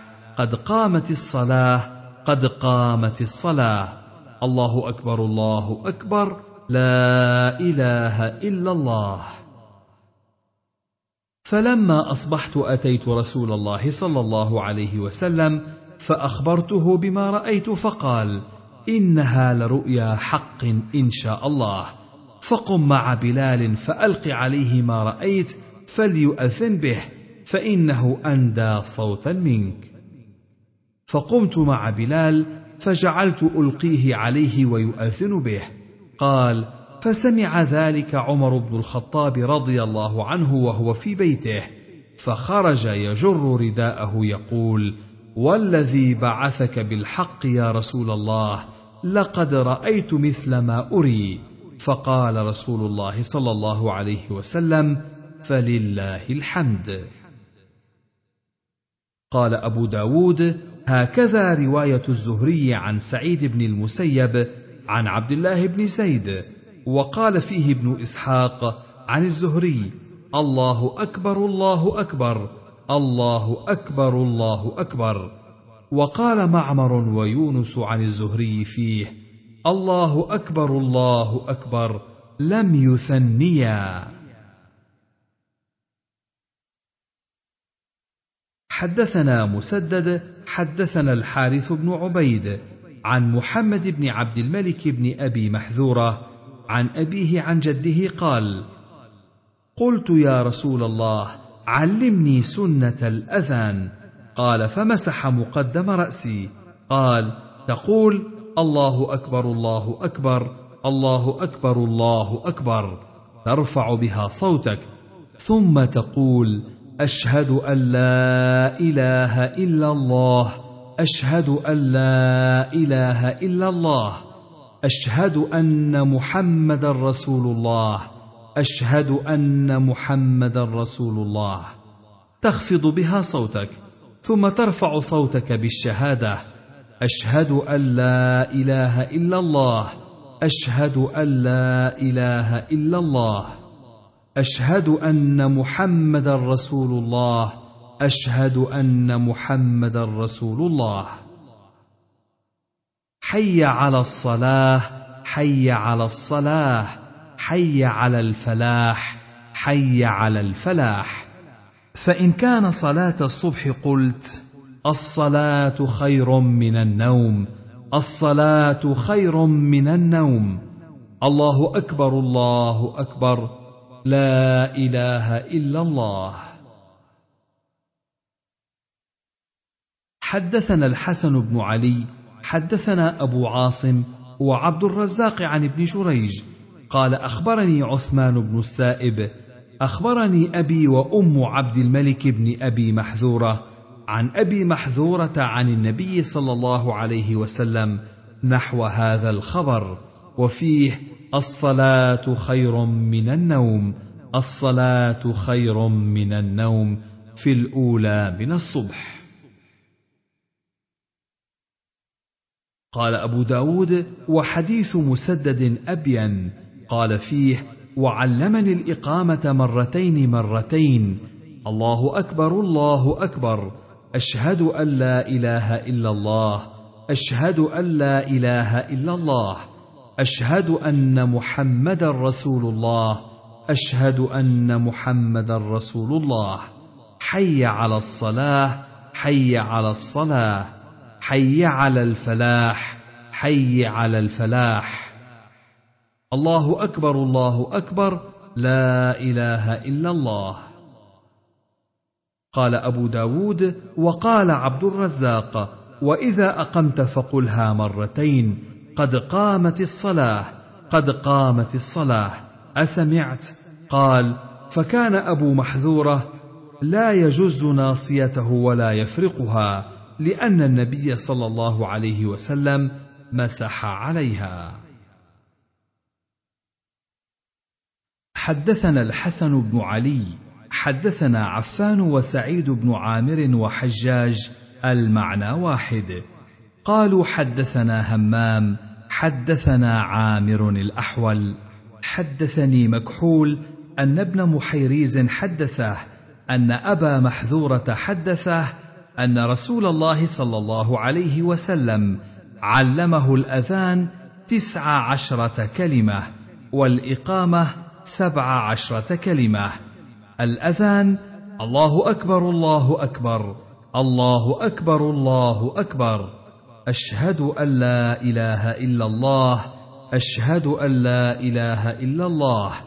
أشهد أن محمدا رسول الله أشهد أن محمدا رسول الله. أشهد أن لا إله إلا الله أشهد أن لا إله إلا الله. أشهد أن محمدا رسول الله. أشهد أن محمدا رسول الله. حي على الصلاة. حي على الصلاة. حي على الفلاح. حي على الفلاح. الله أكبر الله أكبر. لا إله إلا الله. والإقامة الله أكبر الله أكبر. الله أكبر الله أكبر. أشهد أن لا إله إلا الله. أشهد أن لا إله إلا الله. أشهد أن محمدا رسول الله. أشهد أن محمدا رسول الله. حي على الصلاة. حي على الصلاة. حي على الفلاح. حي على الفلاح. قد قامت الصلاة قد قامت الصلاة. الله أكبر الله أكبر. لا إله إلا الله. كذا في كتابه في حديث أبي محذورة. حدثنا محمد بن بشار حدثنا أبو عاصم حدثنا ابن جريج أخبرني ابن عبد الملك بن أبي محذورة يعني عبد العزيز عن ابن محيريز عن أبي محذورة قال ألقى علي رسول الله صلى الله عليه وسلم التاذين هو بنفسه فقال قل الله أكبر الله أكبر الله أكبر الله أكبر. أشهد أن لا إله إلا الله أشهد أن لا إله إلا الله. أشهد أن محمدا رسول الله.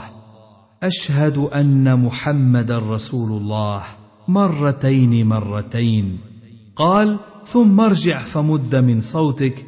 أشهد أن لا إله إلا الله. أشهد أن لا إله إلا الله.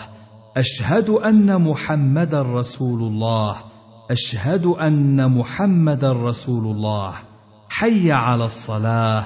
حي على الصلاة. حي على الفلاح. حي على الفلاح. الله أكبر الله أكبر. لا إله إلا الله. حدثنا النفيلي حدثنا إبراهيم بن إسماعيل بن عبد الملك بن أبي محذورة قال سمعت جدي عبد الملك بن أبي محذورة يذكر أنه سمع أبا محذورة يقول ألقى علي رسول الله صلى الله عليه وسلم الأذان حرفا حرفا. الله أكبر الله أكبر الله أكبر الله أكبر. أشهد أن لا إله إلا الله. أشهد أن لا إله إلا الله. أشهد أن محمدا رسول الله. أشهد أن محمدا رسول الله. أشهد أن لا إله إلا الله. أشهد أن لا إله إلا الله. أشهد أن محمدا رسول الله. أشهد أن محمدا رسول الله. حي على الصلاة. حي على الصلاة. حي على الفلاح. حي على الفلاح. قال وكان يقول في الفجر الصلاة خير من النوم. حدثنا محمد بن داود الإسكندراني حدثنا زياد يعني بن يونس عن نافع بن عمر يعني الجمحي عن عبد الملك بن أبي محذورة أخبره عن عبد الله بن محيريز الجمحي عن أبي محذورة أن رسول الله صلى الله عليه وسلم علمه الأذان. يقول الله أكبر الله أكبر أشهد أن لا إله إلا الله أشهد أن لا إله إلا الله. ثم ذكر مثل أذان حديث ابن جريج عن عبد العزيز بن عبد الملك ومعناه. قال أبو داود وفي حديث مالك بن دينار قال سألت ابن أبي محذورة قلت حدثني عن أذان أبيك عن رسول الله صلى الله عليه وسلم. فذكر فقال الله أكبر الله أكبر. قط. وكذلك حديث جعفر بن سليمان عن ابن أبي محذورة عن عمه عن جده إلا أنه قال ثم ترجع فترفع صوتك الله أكبر الله أكبر. حدثنا عمرو بن مرزوق أخبرنا شعبة عن عمرو بن مرة قال سمعت ابن أبي ليلى حا وحدثنا ابن المثنى حدثنا محمد بن جعفر عن شعبة عن عمرو بن مرة قال سمعت ابن أبي ليلى قال أحيلت الصلاة ثلاثة أحوال. قال وحدثنا أصحابنا أن رسول الله صلى الله عليه وسلم قال لقد أعجبني أن تكون صلاة المسلمين أو قال المؤمنين واحدة حتى لقد هممت أن أبث رجالا في الدور. ينادون الناس بحين الصلاة وحتى هممت أن آمر رجالا يقومون على الآطام ينادون المسلمين بحين الصلاة حتى نقصوا أو كادوا أن ينقصوا. قال فجاء رجل من الأنصار فقال يا رسول الله إني لما رجعت لما رأيت من اهتمامك رأيت رجلا كأن عليه ثوبين أخضرين. فقام على المسجد فأذن ثم قعد قعده ثم قام فقال مثلها إلا أنه يقول قد قامت الصلاة ولولا أن يقول الناس قال ابن المثنى أن تقولوا لقلت إني كنت يقظانا غير نائم. فقال رسول الله صلى الله عليه وسلم وقال ابن المثنى لقد أراك الله خيرا ولم يقل عمرو لقد أراك الله خيرا فمر بلالا فليؤذن. قال فقال عمر أما إني قد رأيت مثل الذي رأى؟ ولكن لما سبقت استحييت. قال وحدثنا أصحابنا. قال وكان الرجل إذا جاء يسأل. فيخبر بما سبق من صلاته وأنهم قاموا مع رسول الله صلى الله عليه وسلم من بين قائم وراكع وقاعد ومصل مع رسول الله صلى الله عليه وسلم. قال ابن المثنى قال عمرو وحدثني بها حسين عن ابن أبي ليلى حتى جاء معاذ. قال شعبة وقد سمعتها من حسين فقال لا أراه على حال إلى قوله كذلك فافعلوا. قال أبو داود ثم رجعت إلى حديث عمرو بن مرزوق قال فجاء معاذ فأشاروا إليه. قال شعبة وهذه سمعتها من حسين قال فقال معاذ لا أراه على حال إلا كنت عليها. قال فقال إن معاذا قد سن لكم سنة كذلك فافعلوا.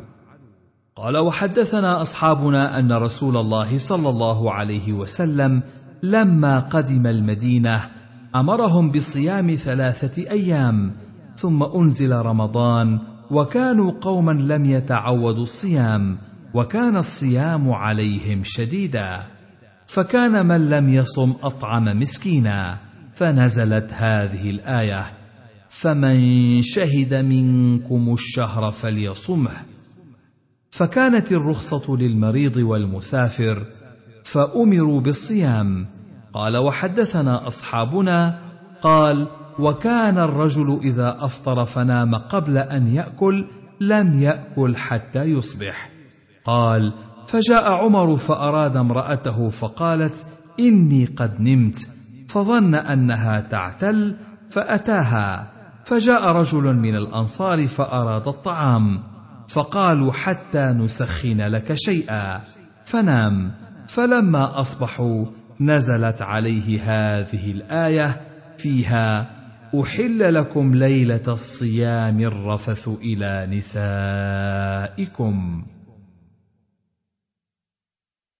حدثنا ابن المثنى عن أبي داود حا وحدثنا نصر بن المهاجر حدثنا يزيد بن هارون عن المسعودي عن عمرو بن مرة عن ابن أبي ليلى عن معاذ بن جبل قال أحيلت الصلاة ثلاثة أحوال وأحيل الصيام ثلاثة أحوال وساق نصر الحديث بطوله واقتص ابن المثنى منه قصة صلاتهم نحو بيت المقدس قط. قال الحال الثالث أن رسول الله صلى الله عليه وسلم قدم المدينة فصلى يعني نحو بيت المقدس ثلاثة عشر شهرا. فأنزل الله هذه الآية قد نرى تقلب وجهك في السماء فلنولينك قبلة ترضاها. فول وجهك شطر المسجد الحرام وحيثما كنتم فولوا وجوهكم شطرة. فوجهه الله عز وجل إلى الكعبة وتم حديثه وسمى نصر صاحب الرؤيا.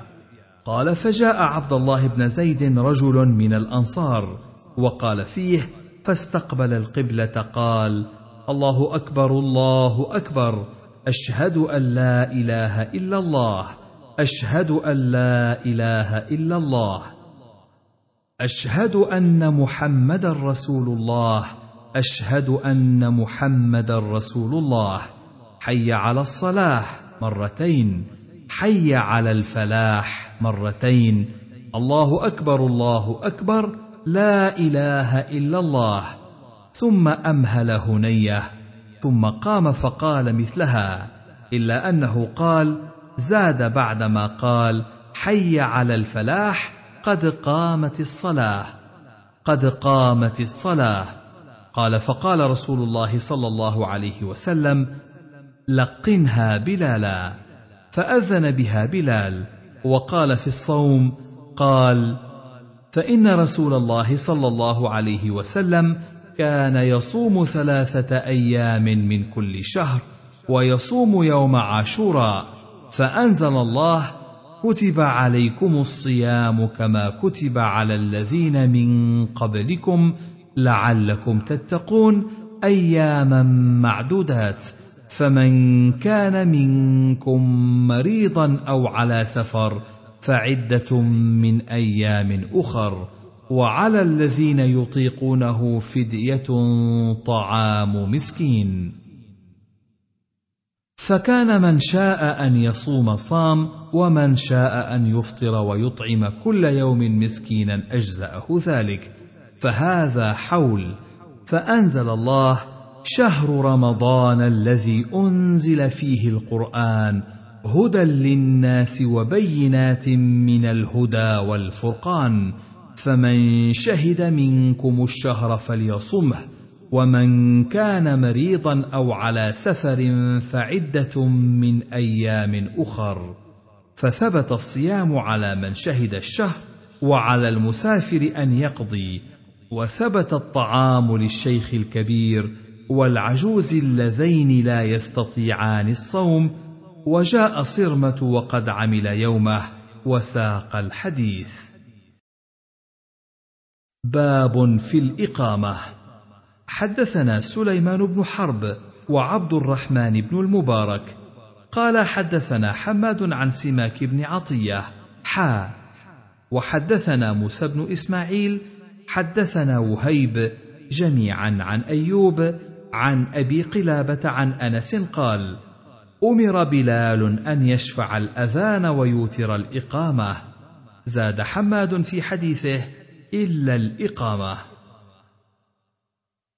حدثنا حميد بن مسعدة حدثنا إسماعيل عن خالد الحذاء عن أبي قلابة عن أنس مثل حديث وهيب.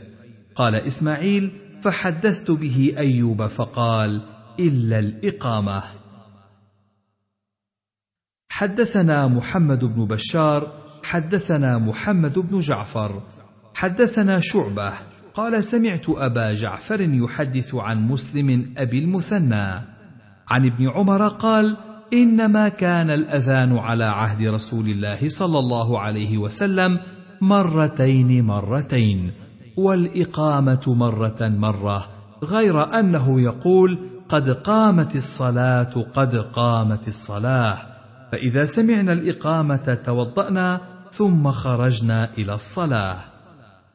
قال شعبة لم أسمع عن أبي جعفر غير هذا الحديث. حدثنا محمد بن يحيى بن فارس حدثنا أبو عامر يعني العقدي عبد الملك بن عمرو. حدثنا شعبة عن أبي جعفر مؤذن مسجد العريان. قال سمعت أبا المثنى مؤذن مسجد الأكبر يقول سمعت ابن عمر وساق الحديث. باب الرجل يؤذن ويقيم آخر. حدثنا عثمان بن أبي شيبة حدثنا حماد بن خالد حدثنا محمد بن عمرو عن محمد بن عبد الله عن عمه عبد الله بن زيد قال أراد النبي صلى الله عليه وسلم في الأذان أشياء لم يصنع منها شيئا.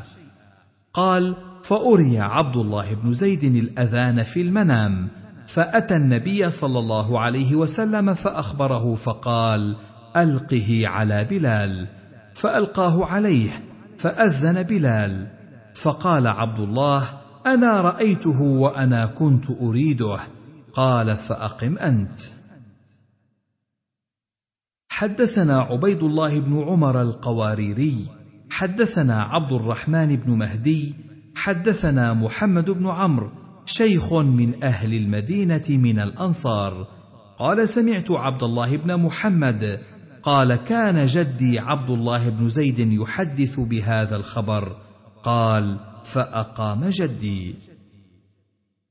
حدثنا عبد الله بن مسلمة قال حدثنا عبد الله بن عمر بن غانم عن عبد الرحمن بن زياد يعني الإفريقي أنه سمع زياد بن نعيم الحضرمي أنه سمع زياد بن الحارث الصدائي قال لما كان أول أذان الصبح أمرني يعني النبي صلى الله عليه وسلم فأذنت فجعلت أقول أقيم يا رسول الله فجعل ينظر إلى ناحية المشرق إلى الفجر فيقول لا حتى إذا طلع الفجر نزل فبرز ثم انصرف إلي وقد تلاحق أصحابه يعني فتوضأ فأراد بلال أن يقيم. فقال له نبي الله صلى الله عليه وسلم إن أخا صداء هو أذن ومن أذن فهو يقيم. قال فأقمت. باب رفع الصوت بالأذان.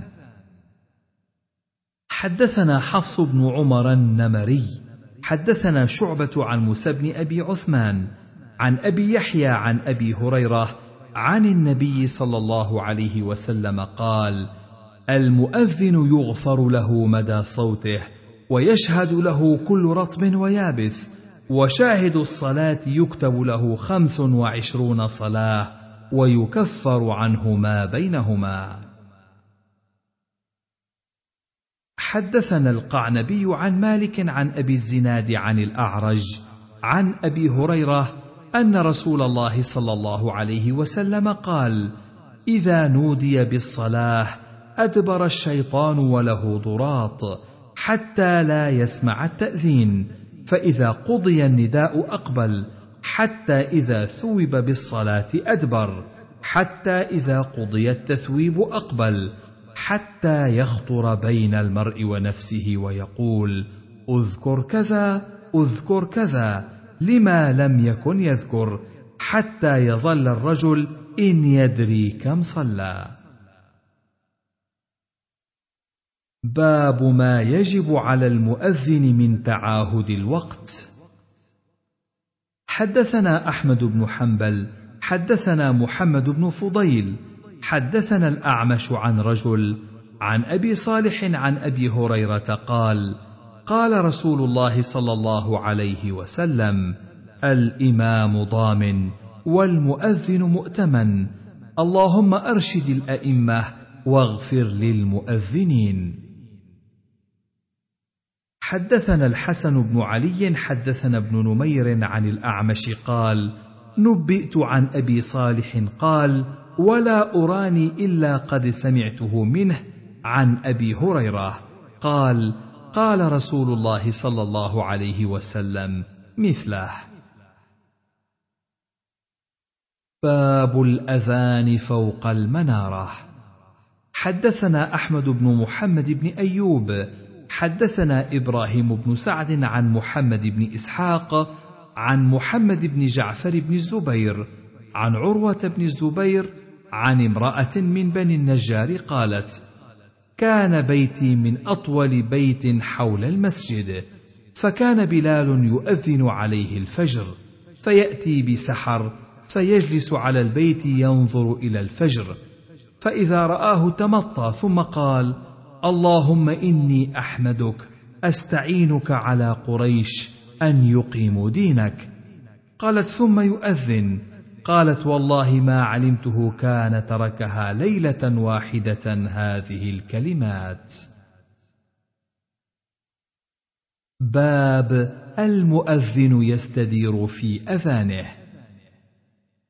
حدثنا موسى بن إسماعيل حدثنا قيس يعني بن الربيع حا. وحدثنا محمد بن سليمان الأنباري. حدثنا وكيع عن سفيان جميعا عن عون بن أبي جحيفة عن أبيه. قال أتيت النبي صلى الله عليه وسلم بمكة وهو في قبة حمراء من أدم. فخرج بلال فأذن فكنت أتتبع فمه ها هنا وها هنا. قال ثم خرج رسول الله صلى الله عليه وسلم وعليه حلة حمراء برود يمانية قطرية. وقال موسى قال رأيت بلالا خرج إلى الأبطح فأذن فلما بلغ حي على الصلاة حي على الفلاح. لوى عنقه يمينا وشمالا ولم يستدر ثم دخل فأخرج العنزة وساق حديثه. باب في الدعاء بين الأذان والإقامة. حدثنا محمد بن كثير حدثنا سفيان عن زيد العمي عن أبي إياس عن أنس بن مالك قال قال رسول الله صلى الله عليه وسلم لا يرد الدعاء بين الأذان والإقامة. باب ما يقول إذا سمع المؤذن.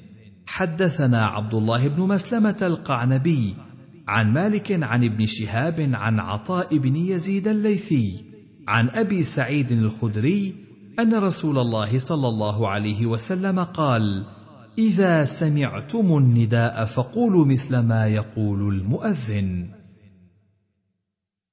حدثنا محمد بن سلمة حدثنا ابن وهب عن ابن لهيعة وحيوة وسعيد بن أيوب عن كعب بن علقمة عن عبد الرحمن بن جبير عن عبد الله بن عمرو بن العاص أنه سمع النبي صلى الله عليه وسلم يقول إذا سمعتم المؤذن فقولوا مثل ما يقول ثم صلوا علي فإنه من صلى علي صلاة صلى الله عليه بها عشرا.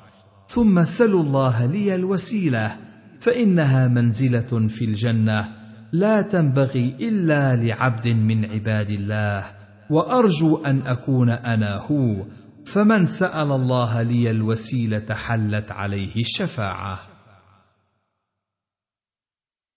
حدثنا ابن السرح ومحمد بن سلمة قال حدثنا ابن وهب عن حيي بن أبي عبد الرحمن يعني الحبلي عن عبد الله بن عمرو أن رجلا قال يا رسول الله إن المؤذنين يفضلوننا. فقال رسول الله صلى الله عليه وسلم قل كما يقولون فإذا انتهيت فسل تعطه حدثنا قتيبة بن سعيد حدثنا الليث عن الحكيم بن عبد الله بن قيس عن عامر بن سعد بن أبي وقاص عن سعد بن أبي وقاص عن رسول الله صلى الله عليه وسلم قال: من قال حين يسمع المؤذن وأنا أشهد أن لا إله إلا الله وحده لا شريك له وأن محمدا عبده ورسوله رضيت بالله ربا وبمحمد رسولا وبالإسلام دينا غفر له. حدثنا إبراهيم بن مهدي حدثنا علي بن مسهر عن هشام بن عروة عن أبيه عن عائشة أن رسول الله صلى الله عليه وسلم كان إذا سمع المؤذن يتشهد قال وأنا وأنا. حدثنا محمد بن المثنى حدثنا محمد بن جهضم حدثنا إسماعيل بن جعفر عن عمارة بن غزية عن خبيب بن عبد الرحمن بن إساف عن حفص بن عاصم بن عمر عن أبيه عن جده عمر بن الخطاب أن رسول الله صلى الله عليه وسلم قال إذا قال المؤذن الله أكبر الله أكبر فقال أحدكم الله أكبر الله أكبر فإذا قال أشهد أن لا إله إلا الله قال أشهد أن لا إله إلا الله فإذا قال أشهد أن محمدا رسول الله قال أشهد أن محمدا رسول الله ثم قال حي على الصلاة قال لا حول ولا قوة إلا بالله ثم قال حي على الفلاح قال لا حول ولا قوة إلا بالله ثم قال الله أكبر الله أكبر قال الله أكبر الله أكبر. ثم قال لا إله إلا الله. قال لا إله إلا الله. من قلبه دخل الجنة. باب ما يقول إذا سمع الإقامة. حدثنا سليمان بن داود العتكي حدثنا محمد بن ثابت. حدثني رجل من أهل الشام عن شهر بن حوشب عن أبي أمامة أو عن بعض أصحاب النبي صلى الله عليه وسلم أن بلالا أخذ في الإقامة فلما أن قال قد قامت الصلاة قال النبي صلى الله عليه وسلم أقامها الله وأدامها وقال في سائر الإقامة كنحو حديث عمر رضي الله عنه في الأذان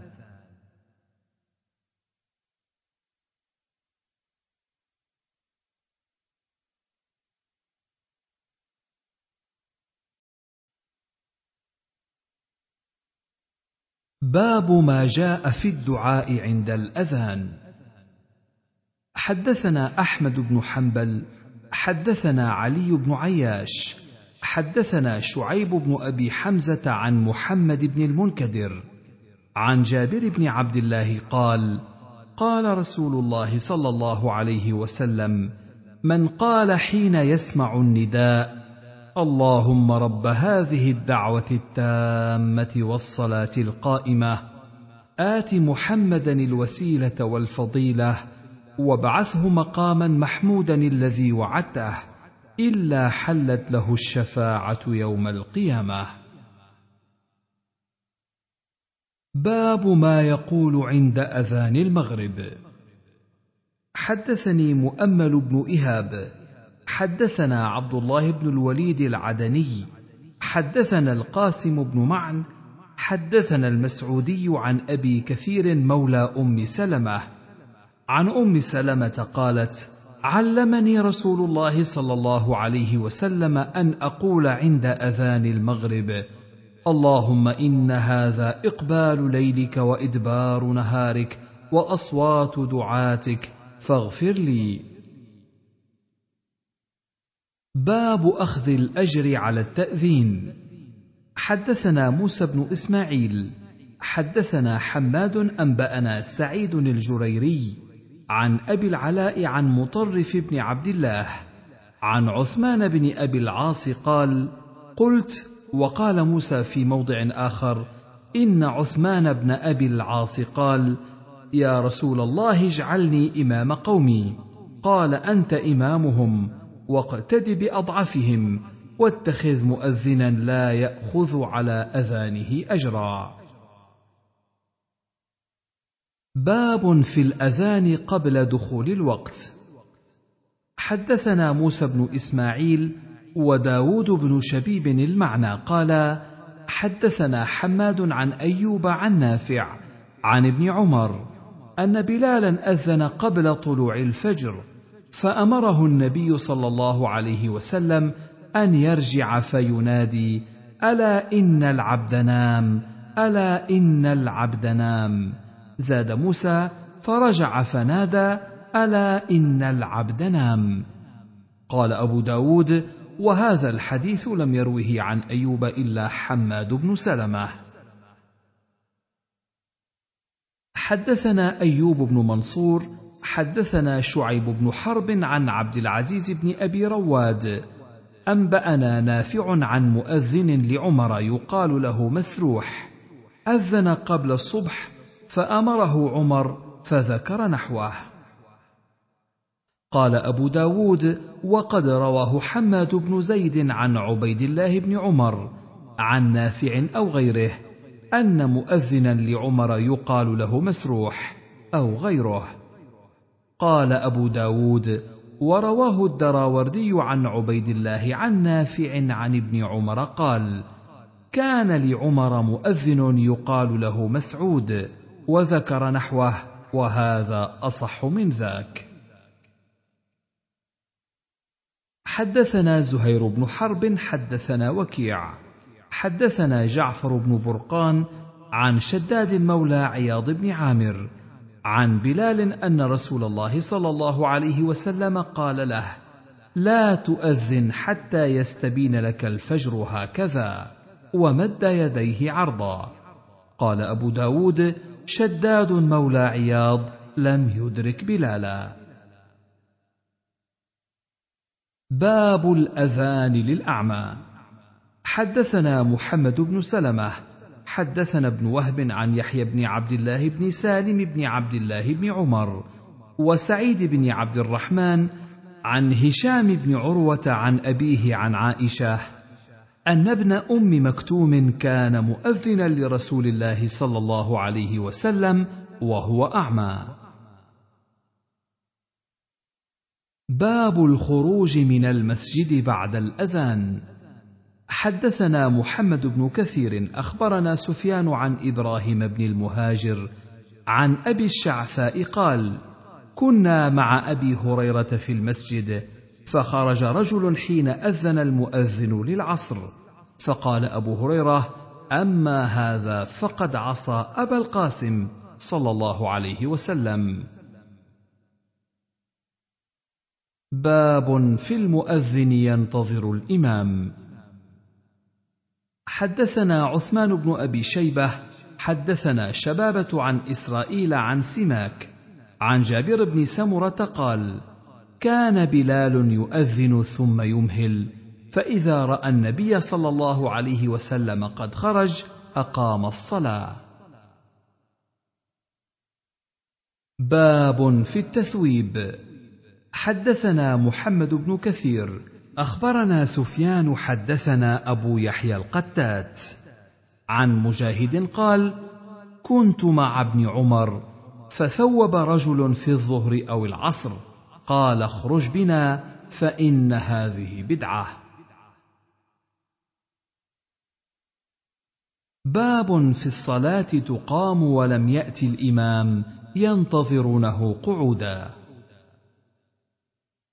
حدثنا مسلم بن إبراهيم وموسى بن إسماعيل قالا حدثنا أبان عن يحيى عن عبد الله بن أبي قتادة عن أبيه عن النبي صلى الله عليه وسلم قال إذا أقيمت الصلاة فلا تقوموا حتى تروني. قال أبو داود هكذا رواه أيوب وحجاج الصواف عن يحيى. وهشام الدستوائي قال كتب إلي يحيى ورواه معاوية بن سلام وعلي بن المبارك عن يحيى وقال فيه حتى تروني وعليكم السكينة.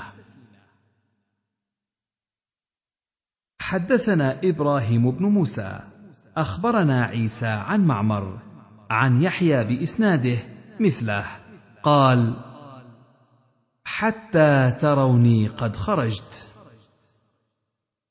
قال أبو داود لم يذكر قد خرجت إلا معمر ورواه ابن عيينة عن معمر لم يقل فيه قد خرجت. حدثنا محمود بن خالد حدثنا الوليد قال قال أبو عمرو حا.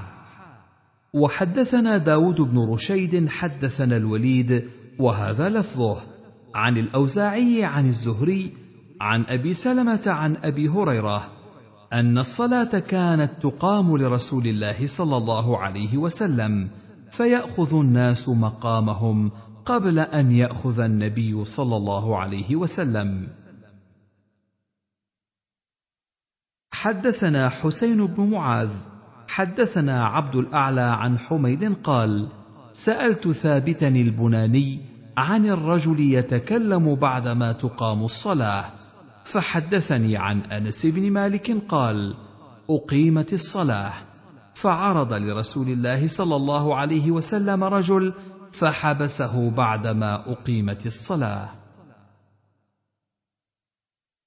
حدثنا أحمد بن علي بن سويد ابن منجوف السدوسي.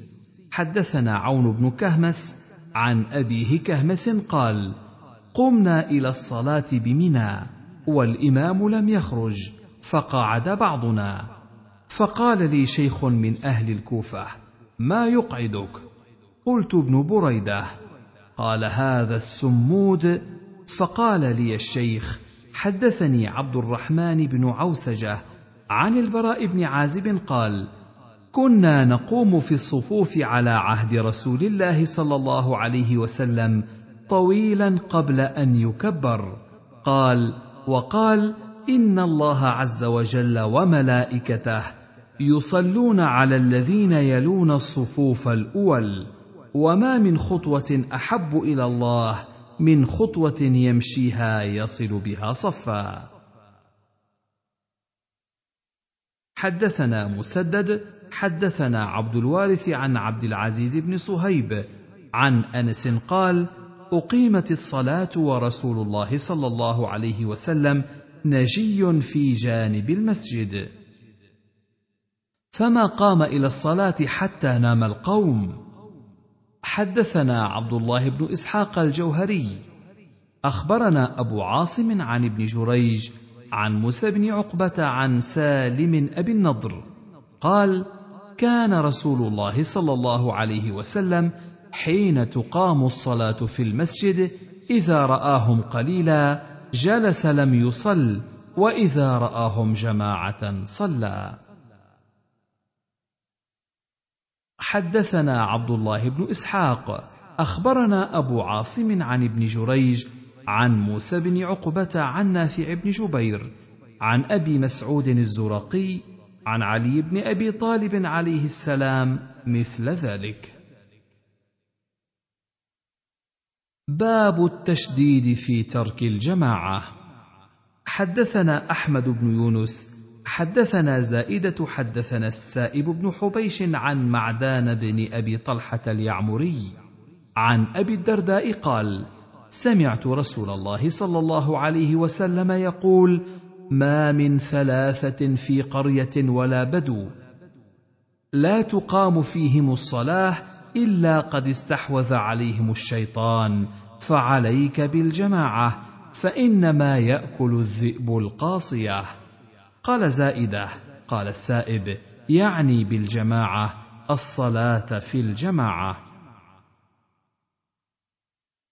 حدثنا عثمان بن أبي شيبة حدثنا أبو معاوية عن الأعمش عن أبي صالح عن أبي هريرة قال قال رسول الله صلى الله عليه وسلم لقد هممت أن آمر بالصلاة فتقام ثم آمر رجلا فيصلي بالناس ثم أنطلق معي برجال معهم حزم من حطب إلى قوم لا يشهدون الصلاة فأحرق عليهم بيوتهم بالنار. حدثنا النفيلي حدثنا أبو المليح حدثني يزيد بن يزيد. حدثني يزيد بن الأصم قال سمعت أبا هريرة يقول قال رسول الله صلى الله عليه وسلم لقد هممت أن آمر فتيتي فيجمعوا حزما من حطب ثم آتي قوما يصلون في بيوتهم ليست بهم علة فأحرقها عليهم. قلت ليزيد بن الأصم يا أبا عوف الجمعة عنا أو غيرها. قال صمتا أذناي إن لم أكن سمعت أبا هريرة يأثره عن رسول الله صلى الله عليه وسلم ما ذكر جمعة ولا غيرها. حدثنا هارون بن عباد الأزدي حدثنا وكيع عن المسعودي عن علي بن الأقمر عن أبي الأحوص عن عبد الله بن مسعود قال حافظوا على هؤلاء الصلوات الخمس حيث ينادى بهن فإنهن من سنن الهدى. وإن الله عز وجل شرع لنبيه صلى الله عليه وسلم سنن الهدى. ولقد رأيتنا وما يتخلف عنها إلا منافق بين النفاق. ولقد رأيتنا وإن الرجل ليهادى بين الرجلين حتى يقام في الصف. وما منكم من أحد إلا وله مسجد في بيته. ولو صليتم في بيوتكم وتركتم مساجدكم تركتم سنة نبيكم صلى الله عليه وسلم. ولو تركتم سنة نبيكم صلى الله عليه وسلم لكفرتم. حدثنا قتيبة حدثنا جرير عن أبي جناب عن مغراء العبدي عن عدي بن ثابت عن سعيد بن جبير عن ابن عباس قال قال رسول الله صلى الله عليه وسلم من سمع المنادي فلم يمنعه من اتباعه عذر. قالوا وما العذر؟ قال خوف أو مرض لم تقبل منه الصلاة التي صلى. قال أبو داود روى عن مغراء أبو إسحاق. حدثنا سليمان بن حرب حدثنا حماد بن زيد عن عاصم بن بهدلة عن أبي رزين عن ابن أم مكتوم أنه سأل النبي صلى الله عليه وسلم فقال يا رسول الله إني رجل ضرير البصر شاسع الدار ولي قائد لا يلاومني فهل لي رخصة أن أصلي في بيتي؟ قال هل تسمع النداء؟ قال نعم. قال لا أجد لك رخصة. حدثنا هارون بن زيد بن أبي الزرقاء. حدثنا أبي حدثنا سفيان عن عبد الرحمن بن عابس عن عبد الرحمن بن أبي ليلى عن ابن أم مكتوم قال يا رسول الله إن المدينة كثيرة الهوام والسباع.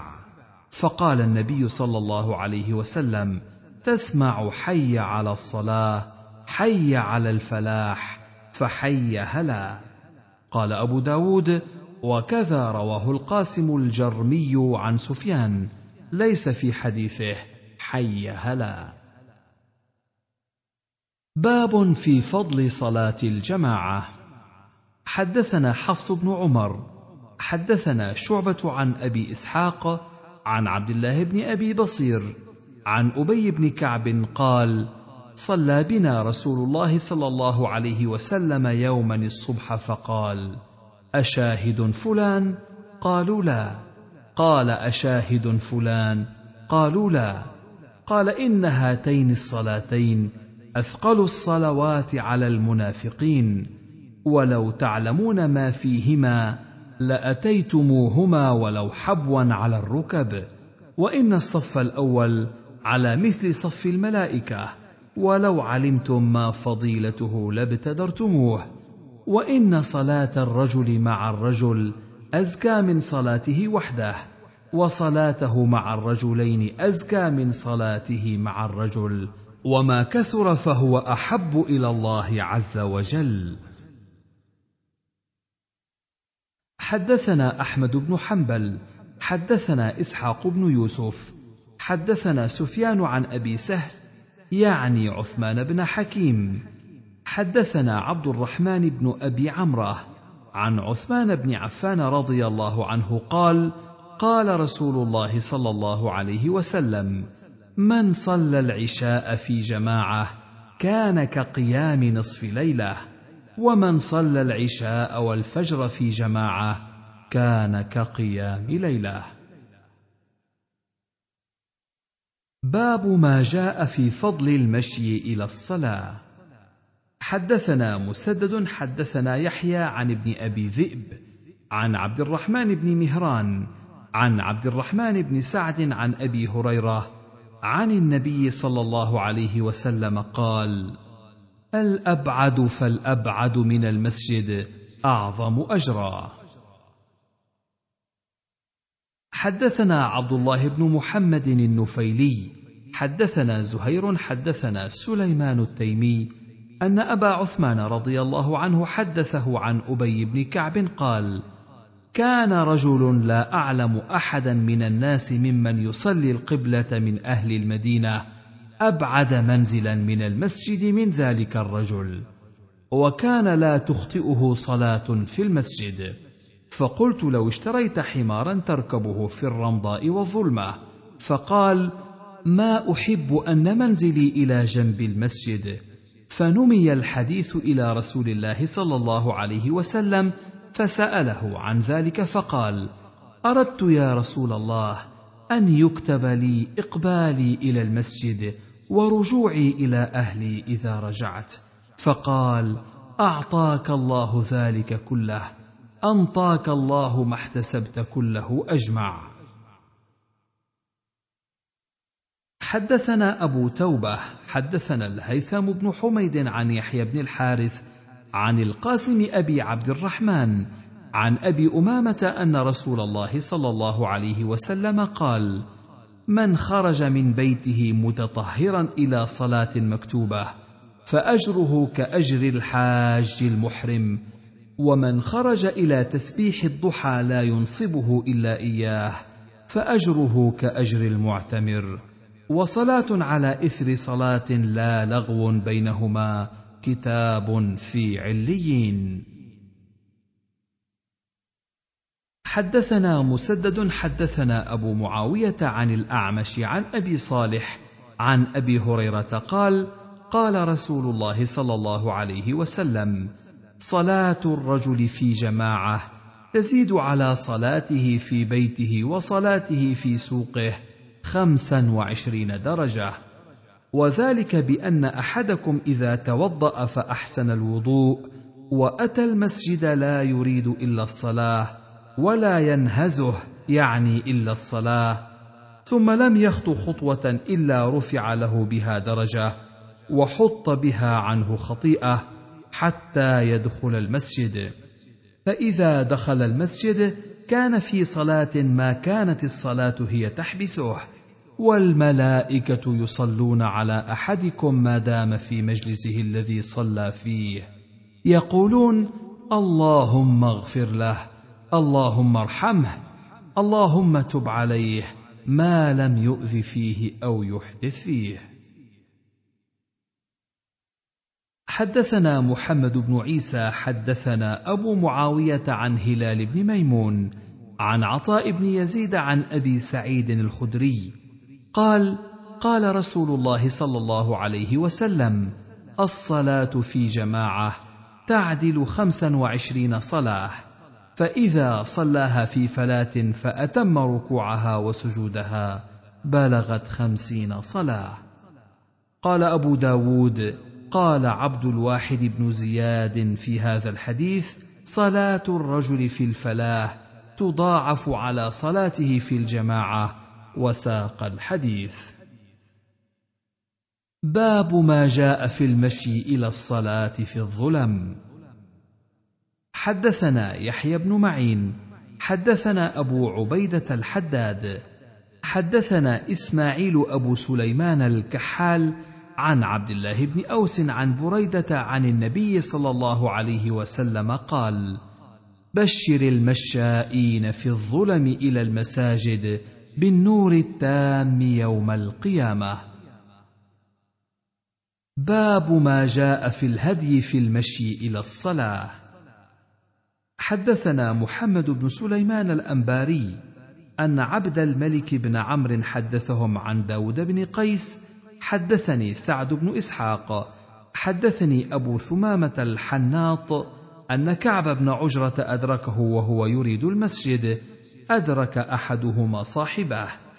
قال فوجدني وأنا مشبك بيدي. فنهاني عن ذلك وقال إن رسول الله صلى الله عليه وسلم قال إذا توضأ أحدكم فأحسن وضوءه ثم خرج عامدا إلى المسجد فلا يشبكن يديه فإنه في صلاه حدثنا محمد بن معاذ بن عباد العنبري. حدثنا أبو عوانة عن يعلى بن عطاء عن معبد بن هرمز عن سعيد بن المسيب قال حضر رجلا من الأنصار الموت فقال إني محدثكم حديثا ما أحدثكموه إلا احتسابا. سمعت رسول الله صلى الله عليه وسلم يقول إذا توضأ أحدكم فأحسن الوضوء ثم خرج إلى الصلاة لم يرفع قدمه اليمنى إلا كتب الله عز وجل له حسنة ولم يضع قدمه اليسرى إلا حط الله عز وجل عنه سيئة. فليقرب أحدكم أو ليبعد فإن أتى المسجد فصلى في جماعة غفر له. فإن أتى المسجد وقد صلوا بعضا وبقي بعض صلى ما أدرك وأتم ما بقي. كان كذلك. فإن أتى المسجد وقد صلوا فأتم الصلاة كان كذلك. باب في من خرج يريد الصلاة فيسبق بها. حدثنا عبد الله بن مسلمة حدثنا عبد العزيز يعني ابن محمد عن محمد يعني ابن طحلاء عن محصن بن علي. عن عوف بن الحارث عن أبي هريرة قال قال النبي صلى الله عليه وسلم من توضأ فأحسن وضوءه ثم راح فوجد الناس قد صلوا أعطاه الله عز وجل مثل أجر من صلاها وحضرها لا ينقص ذلك من أجرهم شيئا. باب ما جاء في خروج النساء إلى المسجد. حدثنا موسى بن إسماعيل.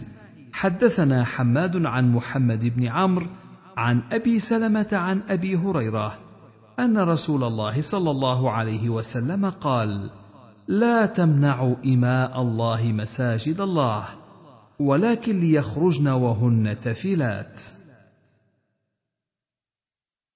حدثنا سليمان بن حرب حدثنا حماد عن أيوب عن نافع عن ابن عمر قال قال رسول الله صلى الله عليه وسلم لا تمنعوا إماء الله مساجد الله. حدثنا عثمان بن أبي شيبة حدثنا يزيد بن هارون أخبرنا العوام بن حوشب حدثني حبيب بن أبي ثابت عن ابن عمر رضي الله عنهما قال قال رسول الله صلى الله عليه وسلم لا تمنعوا نساءكم المساجد وبيوتهن خير لهن. حدثنا عثمان بن أبي شيبة حدثنا جرير وأبو معاوية عن الأعمش عن مجاهد قال قال عبد الله بن عمر قال النبي صلى الله عليه وسلم إذنوا للنساء إلى المساجد بالليل. فقال ابن له والله لا نأذن لهن فيتخذنه دغلا. والله لا نأذن لهن. قال فسبه وغضب. وقال أقول قال رسول الله صلى الله عليه وسلم اذنوا لهن وتقول لا نأذن لهن. باب التشديد في ذلك. حدثنا القعنبي عن مالك عن يحيى بن سعيد عن عمرة بنت عبد الرحمن أنها أخبرته أن عائشة رضي الله عنها زوج النبي صلى الله عليه وسلم قالت لو أدرك رسول الله صلى الله عليه وسلم ما أحدث النساء لمنعهن المسجد كما منعه نساء بني إسرائيل. قال يحيى فقلت لعمره أمنعه نساء بني إسرائيل؟ قالت نعم. حدثنا ابن المثنى أن عمرو بن عاصم حدثهم قال حدثنا همام عن قتادة عن مورق عن أبي الاحوص عن عبد الله عن النبي صلى الله عليه وسلم قال صلاة المرأة في بيتها أفضل من صلاتها في حجرتها وصلاتها في مخدعها أفضل من صلاتها في بيتها. حدثنا أبو معمر حدثنا عبد الوارث حدثنا أيوب عن نافع عن ابن عمر قال قال رسول الله صلى الله عليه وسلم لو تركنا هذا الباب للنساء. قال نافع فلم يدخل منه ابن عمر حتى مات. قال أبو داود رواه إسماعيل بن إبراهيم. عن أيوب عن نافع قال قال عمر وهذا أصح. باب السعي إلى الصلاة. حدثنا أحمد بن صالح حدثنا عنبسة. أخبرني يونس عن ابن شهاب. أخبرني سعيد بن المسيب وأبو سلمة بن عبد الرحمن أن أبا هريرة قال سمعت رسول الله صلى الله عليه وسلم يقول إذا أقيمت الصلاة فلا تأتوها تسعون وأتوها تمشون وعليكم السكينة. فما أدركتم فصلوا وما فاتكم فأتموا. قال أبو داود وكذا قال الزبيدي وابن أبي ذئب وإبراهيم بن سعد ومعمر وشعيب بن أبي حمزة عن الزهري وما فاتكم فأتموا.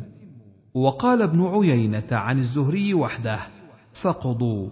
وقال محمد بن عمرو عن أبي سلمة عن أبي هريرة وجعفر بن ربيعة عن الأعرج عن أبي هريرة فاتموا وابن مسعود عن النبي صلى الله عليه وسلم وأبو قتادة وأنس عن النبي صلى الله عليه وسلم كلهم قالوا فاتموا حدثنا أبو الوليد الطيالسي حدثنا شعبة عن سعد بن إبراهيم قال سمعت أبا سلمة عن أبي هريرة عن النبي صلى الله عليه وسلم قال إيتوا الصلاة وعليكم السكينة فصلوا ما أدركتم وقضوا ما سبقكم. قال أبو داود وكذا قال ابن سيرين عن أبي هريرة وليقض. وكذلك قال أبو رافع عن أبي هريرة وأبو ذر روي عنه فأتموا واقضوا واختلف فيه. باب في الجمع في المسجد مرتين. حدثنا موسى بن إسماعيل حدثنا وهيب عن سليمان الأسود عن أبي المتوكل عن أبي سعيد الخدري أن رسول الله صلى الله عليه وسلم أبصر رجلا يصلي وحده فقال ألا رجل يتصدق على هذا فيصلي معه؟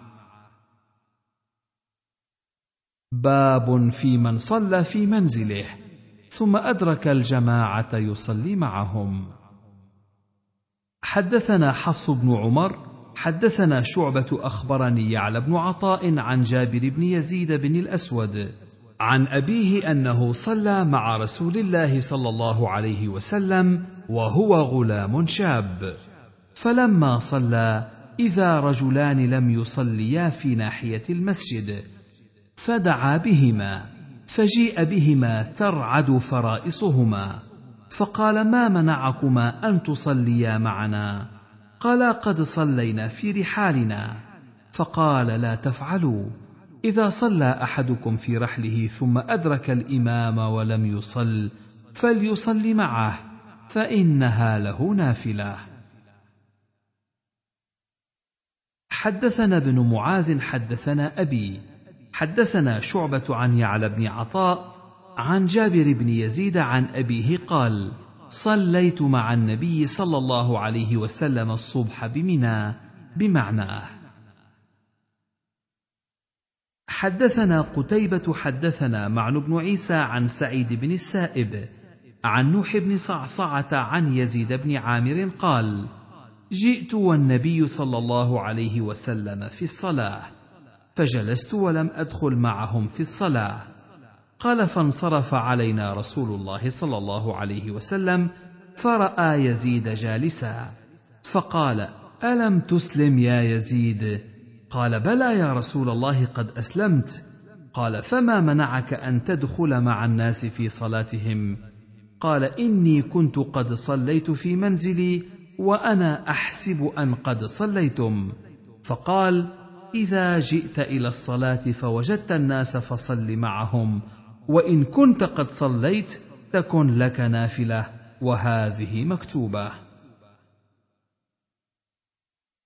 حدثنا أحمد بن صالح قال قرأت على ابن وهب أخبرني عمرو عن بكير أنه سمع عفيف بن عمرو بن المسيب يقول حدثني رجل من بني أسد بن خزيمة أنه سأل أبا أيوب الأنصاري فقال يصلي أحدنا في منزله الصلاة ثم يأتي المسجد وتقام الصلاة فأصلي معهم فأجد في نفسي من ذلك شيئا.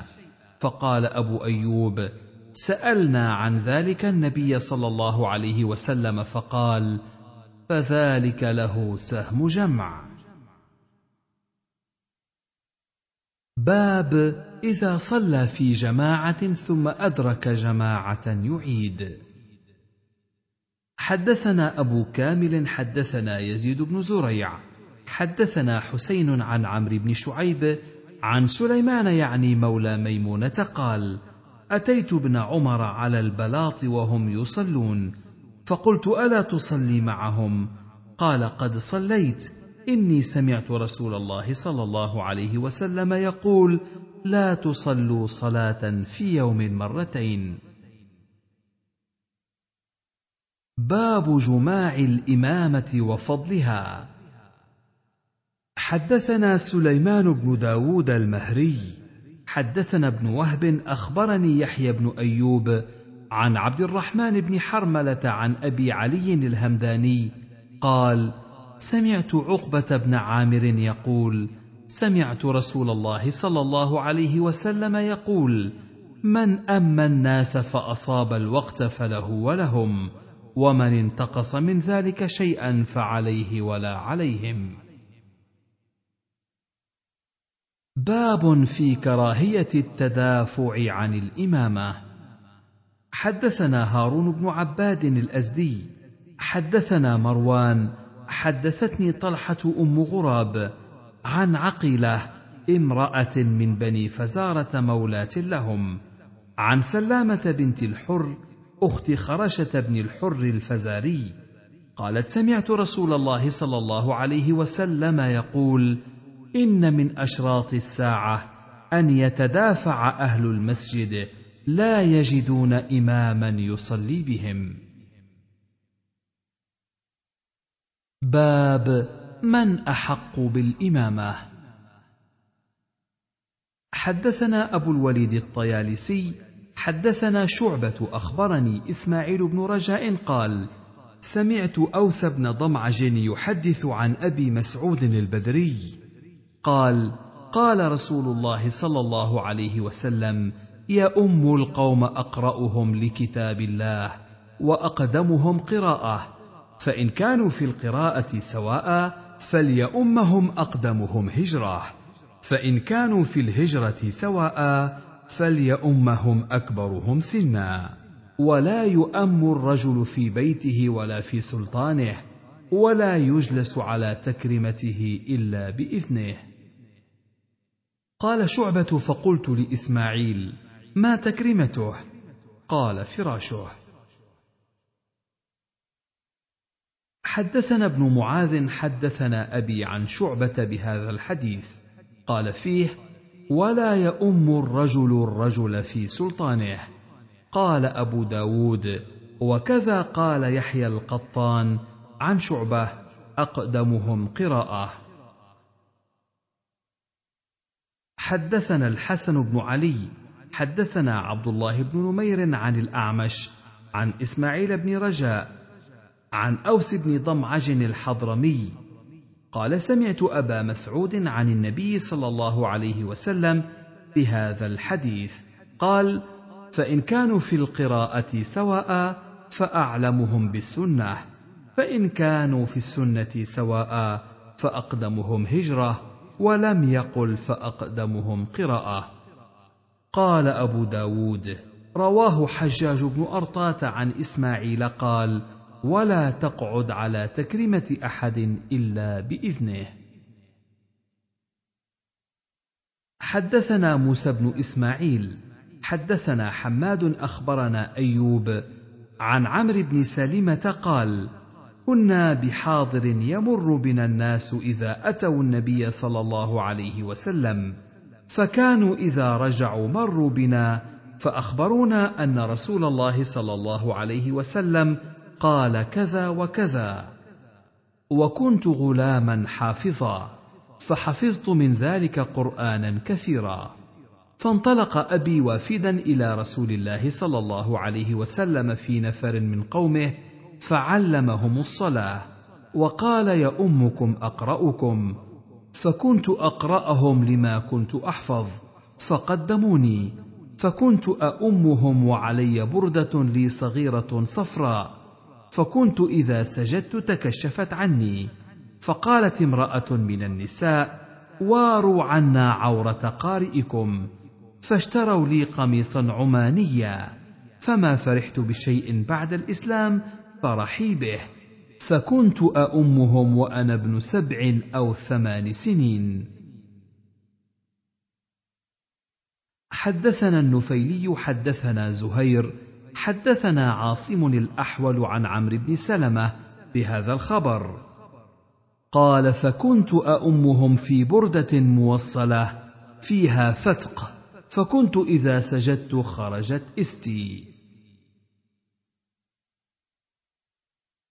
أخبرنا قتيبة حدثنا وكيع عن مسعر بن حبيب الجرمي حدثنا عمرو بن سلمة عن أبيه أنهم وفدوا إلى النبي صلى الله عليه وسلم.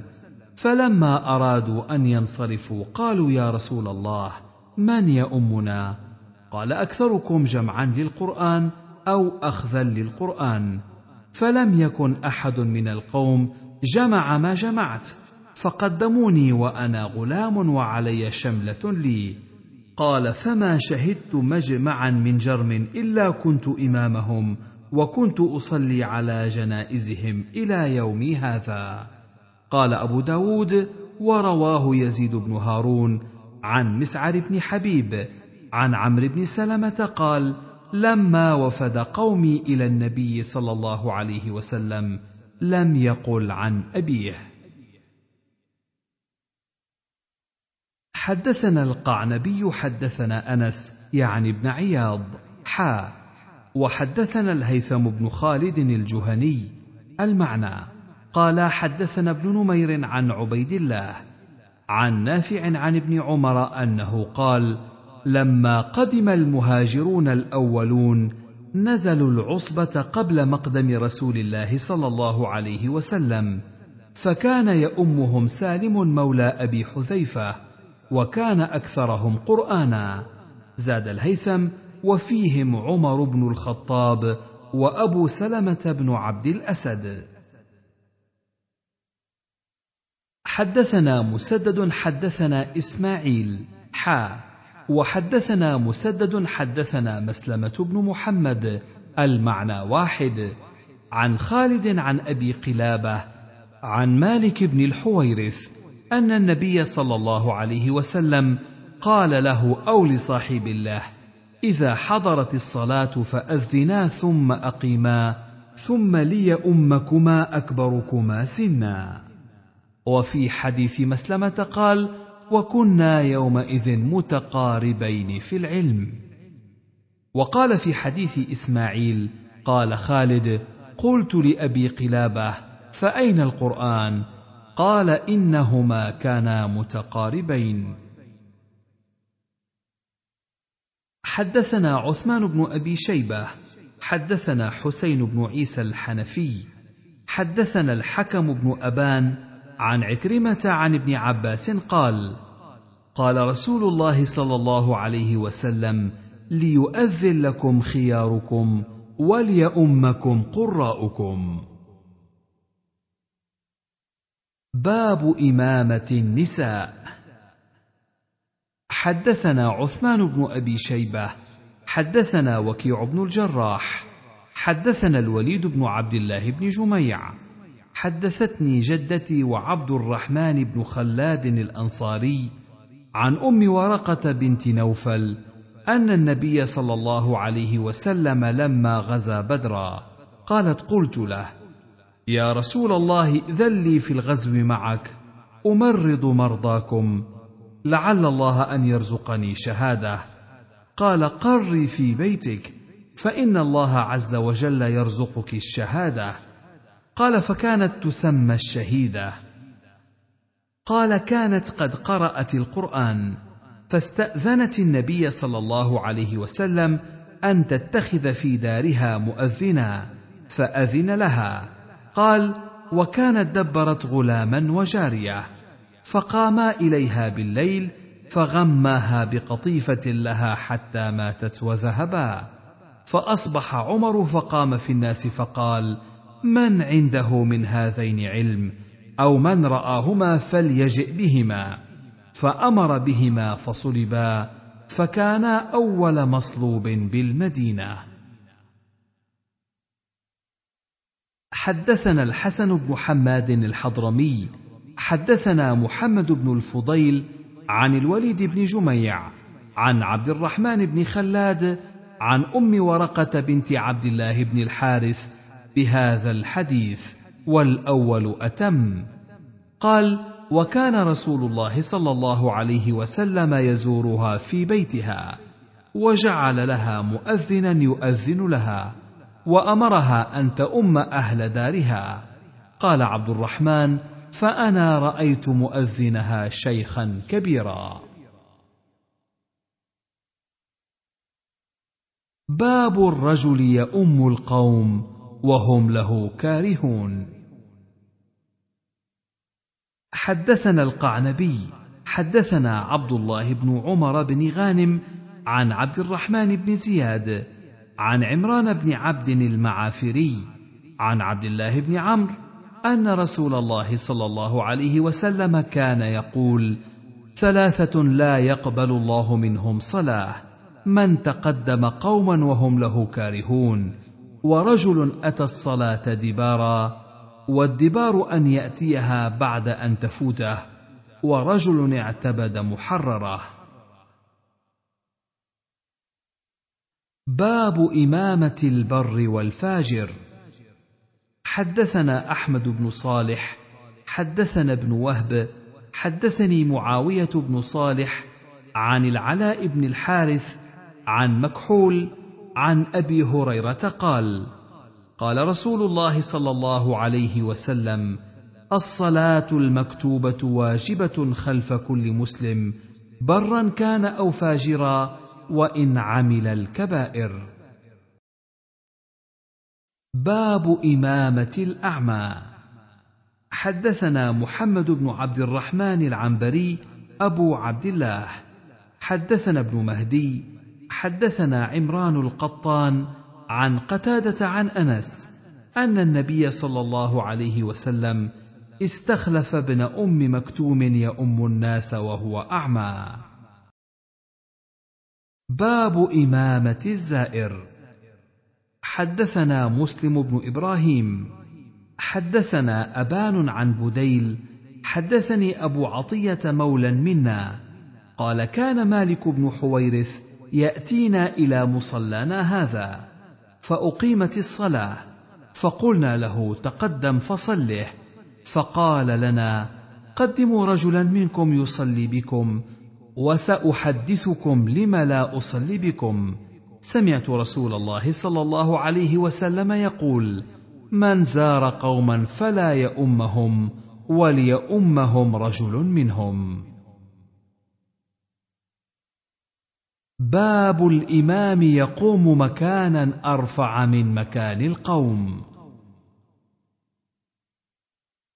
حدثنا أحمد بن سنان وأحمد بن الفرات أبو مسعود الرازي المعنى قال حدثنا يعلى حدثنا الأعمش عن إبراهيم عن همام أن حذيفة اما الناس بالمدائن على دكان فأخذ أبو مسعود بقميصه فجبذه فلما فرغ من صلاته قال ألم تعلم أنهم كانوا ينهون عن ذلك؟ قال بلى قد ذكرت حين مددتني.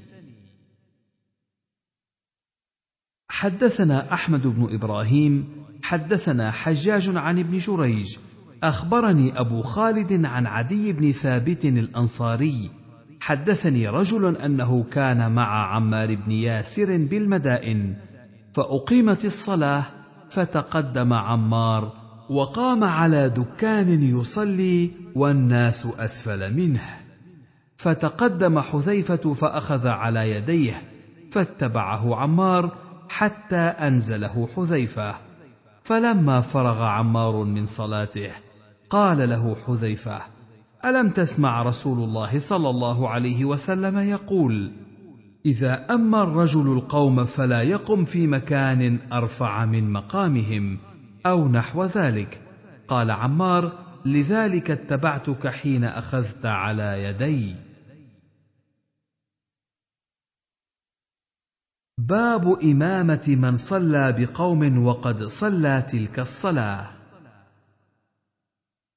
حدثنا عبيد الله بن عمر بن ميسرة حدثنا يحيى بن سعيد عن محمد بن عجلان حدثنا عبيد الله بن مقسم عن جابر بن عبد الله أن معاذ بن جبل كان يصلي مع رسول الله صلى الله عليه وسلم العشاء ثم يأتي قومه فيصلي بهم تلك الصلاة. حدثنا مسدد حدثنا سفيان عن عمرو بن دينار. سمع جابر بن عبد الله يقول إن معاذا كان يصلي مع النبي صلى الله عليه وسلم ثم يرجع فيؤم قومه. باب الإمام يصلي من قعود. حدثنا القعنبي عن مالك عن ابن شهاب عن أنس بن مالك أن رسول الله صلى الله عليه وسلم ركب فرسا فصرع عنه فجحش شقه الأيمن. فصلى صلاة من الصلوات وهو قاعد فصلينا وراءه قعودا. فلما انصرف قال إنما جعل الإمام ليؤتم به. فإذا صلى قائما فصلوا قياما. وإذا ركع فاركعوا وإذا رفع فارفعوا وإذا قال سمع الله لمن حمده فقولوا ربنا ولك الحمد وإذا صلى جالسا فصلوا جلوسا أجمعون. حدثنا عثمان بن أبي شيبة حدثنا جرير ووكيع عن الأعمش عن أبي سفيان عن جابر قال ركب رسول الله صلى الله عليه وسلم فرسا بالمدينة فصرعه على جذم نخلة فانفكت قدمه. فأتيناه نعوده فوجدناه في مشربه لعائشة رضي الله عنها يسبح جالسا. قال فقمنا خلفه فسكت عنا. ثم أتيناه مرة أخرى نعوده فصلى المكتوبة جالسا. فقمنا خلفه فأشار إلينا فقعدنا. قال فلما قضى الصلاة قال إذا صلى الإمام جالسا فصلوا جلوسا وإذا صلى الإمام قائما فصلوا قياما ولا تفعلوا كما يفعل أهل فارس بعظمائها. حدثنا سليمان بن حرب ومسلم بن إبراهيم عن وهيب عن مصعب بن محمد عن أبي صالح عن أبي هريرة قال قال رسول الله صلى الله عليه وسلم إنما جعل الإمام ليؤتم به فإذا كبر فكبروا ولا تكبروا حتى يكبر وإذا ركع فاركعوا ولا تركعوا حتى يركع وإذا قال سمع الله لمن حمده. فقولوا اللهم ربنا لك الحمد. قال مسلم ولك الحمد. وإذا سجد فاسجدوا ولا تسجدوا حتى يسجد. وإذا صلى قائما فصلوا قياما. وإذا صلى قاعدا فصلوا قعودا أجمعون. قال أبو داود اللهم ربنا لك الحمد. أفهمني بعض أصحابنا عن سليمان. حدثنا محمد بن آدم المصيصي. حدثنا أبو خالد عن ابن عجلان عن زيد بن أسلم عن أبي صالح عن أبي هريرة عن النبي صلى الله عليه وسلم قال إنما جعل الإمام ليؤتم به. بهذا الخبر زاد وإذا قرأ فأنصتوا. قال أبو داود هذه الزيادة وإذا قرأ فأنصتوا ليست بمحفوظة. الوهم عندنا من أبي خالد. حدثنا القعنبي عن مالك عن هشام بن عروة عن أبيه عن عائشة رضي الله عنها أنها قالت صلى رسول الله صلى الله عليه وسلم في بيته وهو جالس فصلى وراءه قوم قياما فأشار إليهم أن اجلسوا. فلما انصرف قال إنما جعل الإمام ليؤتم به. فإذا ركع فاركعوا وإذا رفع فارفعوا وإذا صلى جالسا فصلوا جلوسا. حدثنا قتيبة بن سعيد ويزيد بن خالد بن موهب.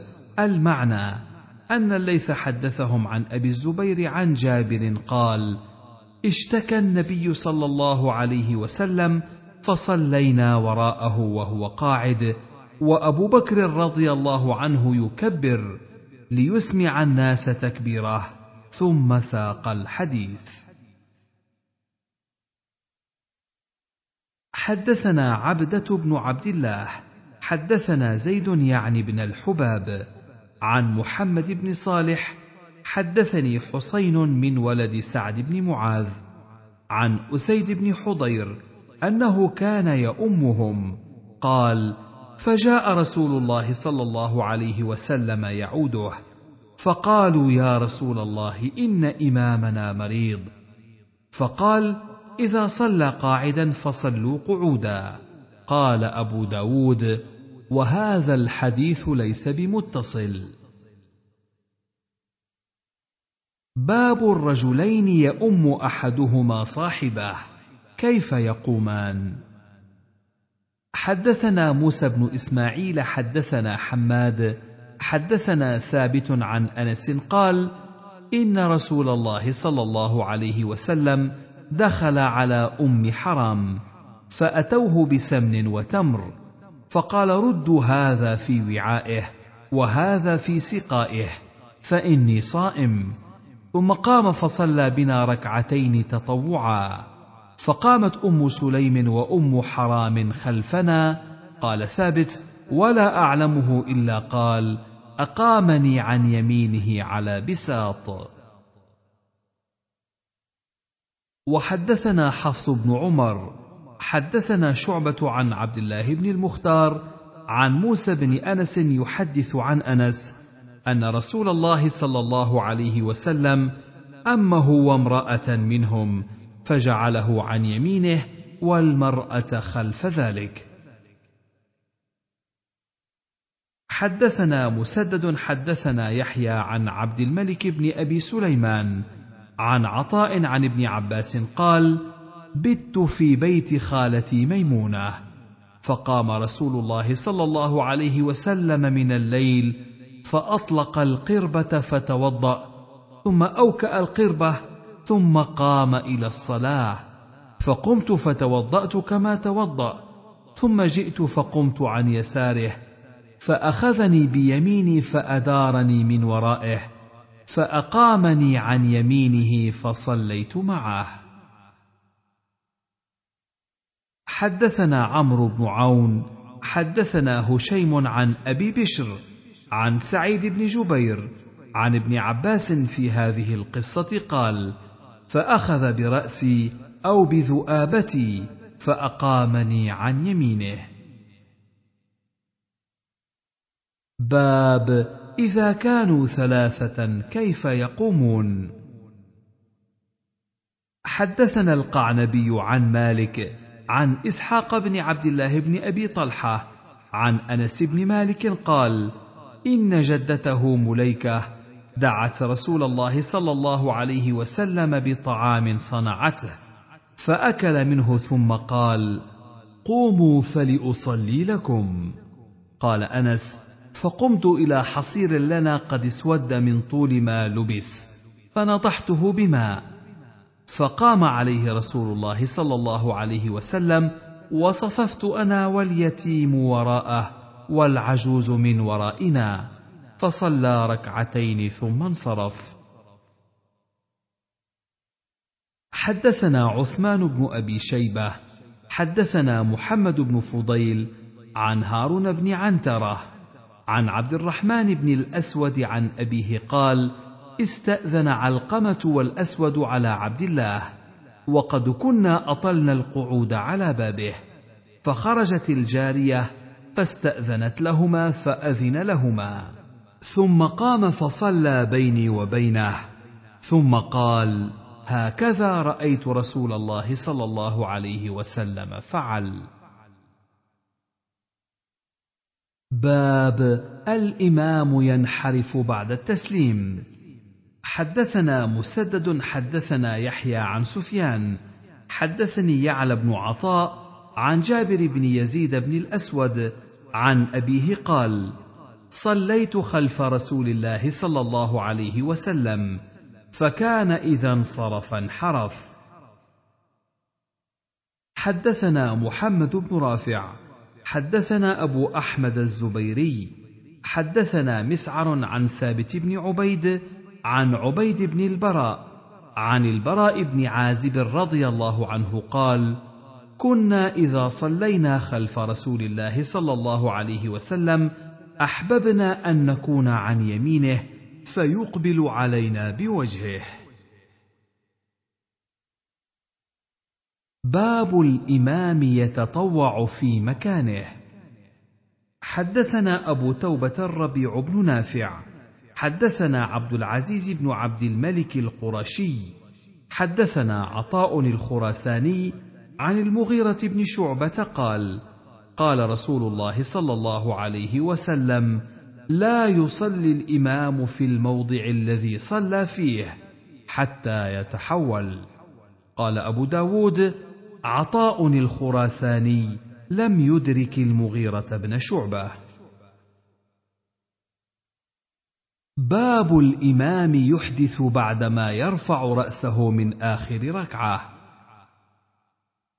حدثنا أحمد بن يونس حدثنا زهير حدثنا عبد الرحمن بن زياد ابن أنعم عن عبد الرحمن بن رافع وبكر بن سوادة عن عبد الله بن عمرو أن رسول الله صلى الله عليه وسلم قال إذا قضى الإمام الصلاة وقعد فأحدث قبل أن يتكلم فقد تمت صلاته ومن كان خلفه ممن أتم الصلاة.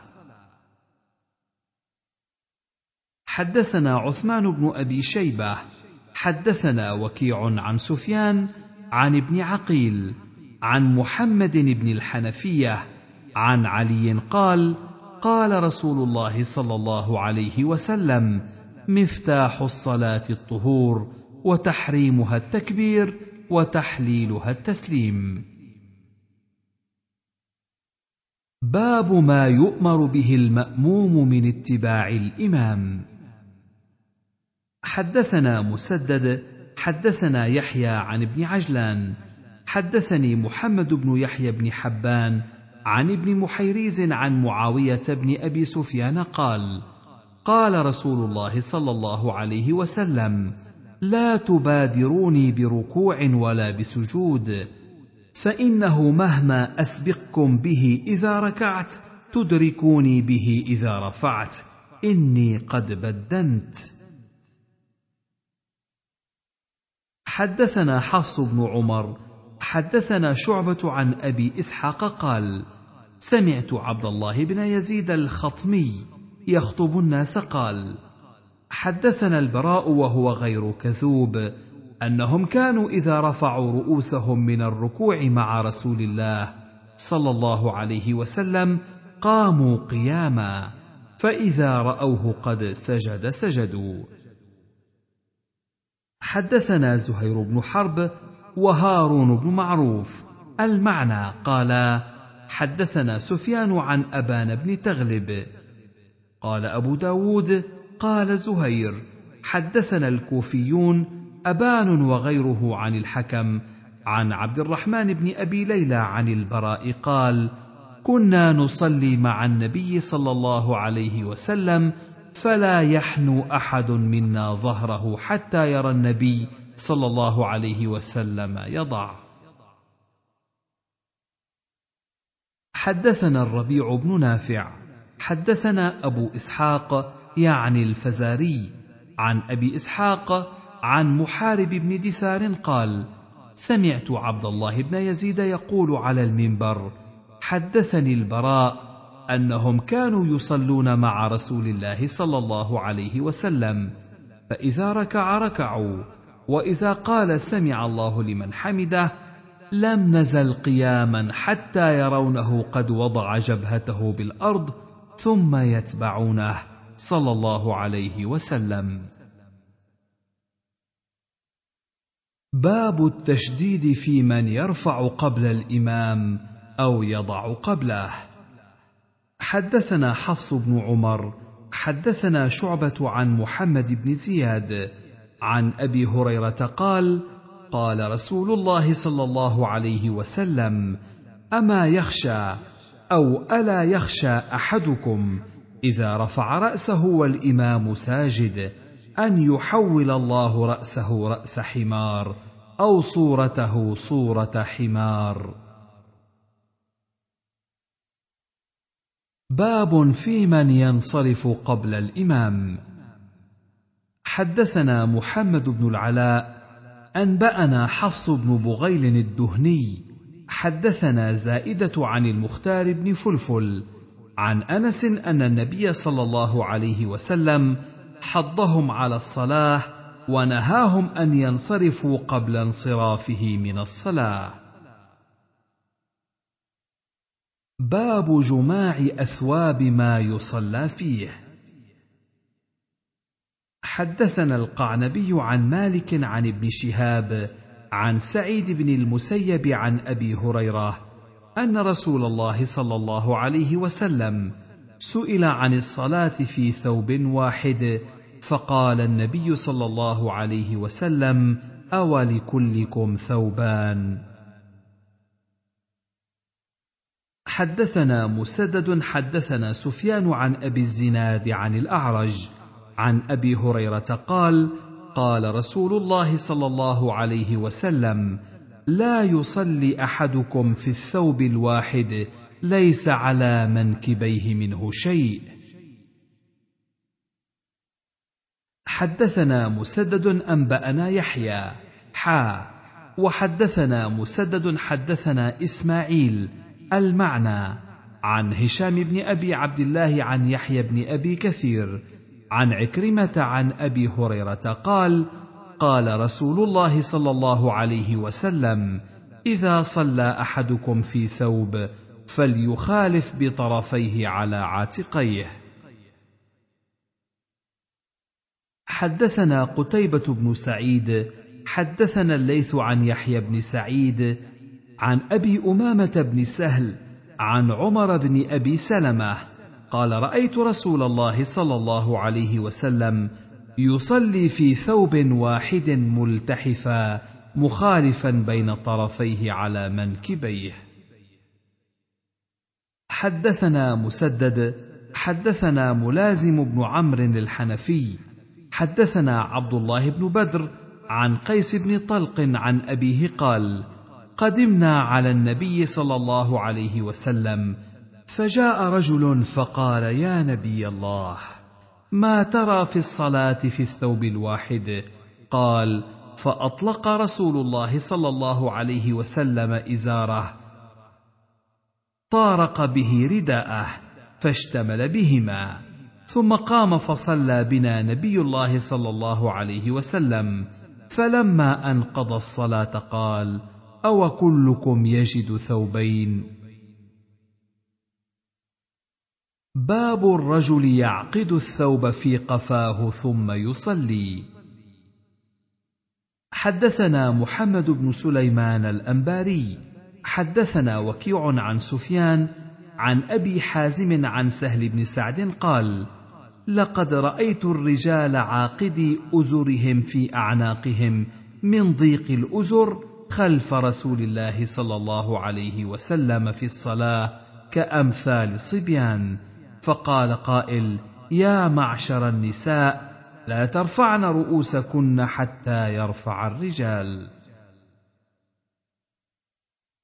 باب الرجل يصلي في ثوب بعضه على غيره. حدثنا أبو الوليد الطيالسي حدثنا زائدة عن أبي حصين عن أبي صالح عن عائشة أن النبي صلى الله عليه وسلم صلى في ثوب بعضه علي باب الرجل يصلي في قميص واحد. حدثنا القعنبي حدثنا عبد العزيز يعني ابن محمد عن موسى بن إبراهيم عن سلمة بن الأكوع قال قلت يا رسول الله إني رجل أصيد أفأصلي في القميص الواحد؟ قال نعم وازرره ولو بشوكة. حدثنا محمد بن حاتم بن بزيع. حدثنا يحيى بن أبي بكير عن إسرائيل عن أبي حومل العامري. قال أبو داود وكذا قال وهو أبو حرمل والصواب أبو حرمل. عن محمد بن عبد الرحمن بن أبي بكر عن أبيه قال أمنا جابر بن عبد الله في قميص ليس عليه رداء فلما انصرف قال إني رأيت رسول الله صلى الله عليه وسلم يصلي في قميص. باب إذا كان الثوب ضيقا يتزر به. حدثنا هشام بن عمار وسليمان بن عبد الرحمن ويحيى بن الفضل السجستاني. قالوا حدثنا حاتم يعني ابن إسماعيل. حدثنا يعقوب عن مجاهد أبو حزرة عن عبادة بن الوليد بن عبادة بن الصامت قال أتينا جابرا يعني ابن عبد الله قال سرت مع رسول الله صلى الله عليه وسلم في غزوة فقام يصلي وكانت علي بردة ذهبت أخالف بين طرفيها فلم تبلغ لي وكانت لها ذباذب فنكستها ثم خالفت بين طرفيها ثم تواقصت عليها لا تسقط ثم جئت حتى قمت عن يسار رسول الله صلى الله عليه وسلم. فأخذ بيدي فأدارني حتى أقامني عن يمينه فجاء ابن صخر حتى قام عن يساره فأخذنا بيديه جميعا حتى أقامنا خلفه. قال وجعل رسول الله صلى الله عليه وسلم يرمقني وأنا لا أشعر ثم فطنت به فأشار إلي أن أتزر بها. فلما فرغ رسول الله صلى الله عليه وسلم قال يا جابر قلت لبيك يا رسول الله.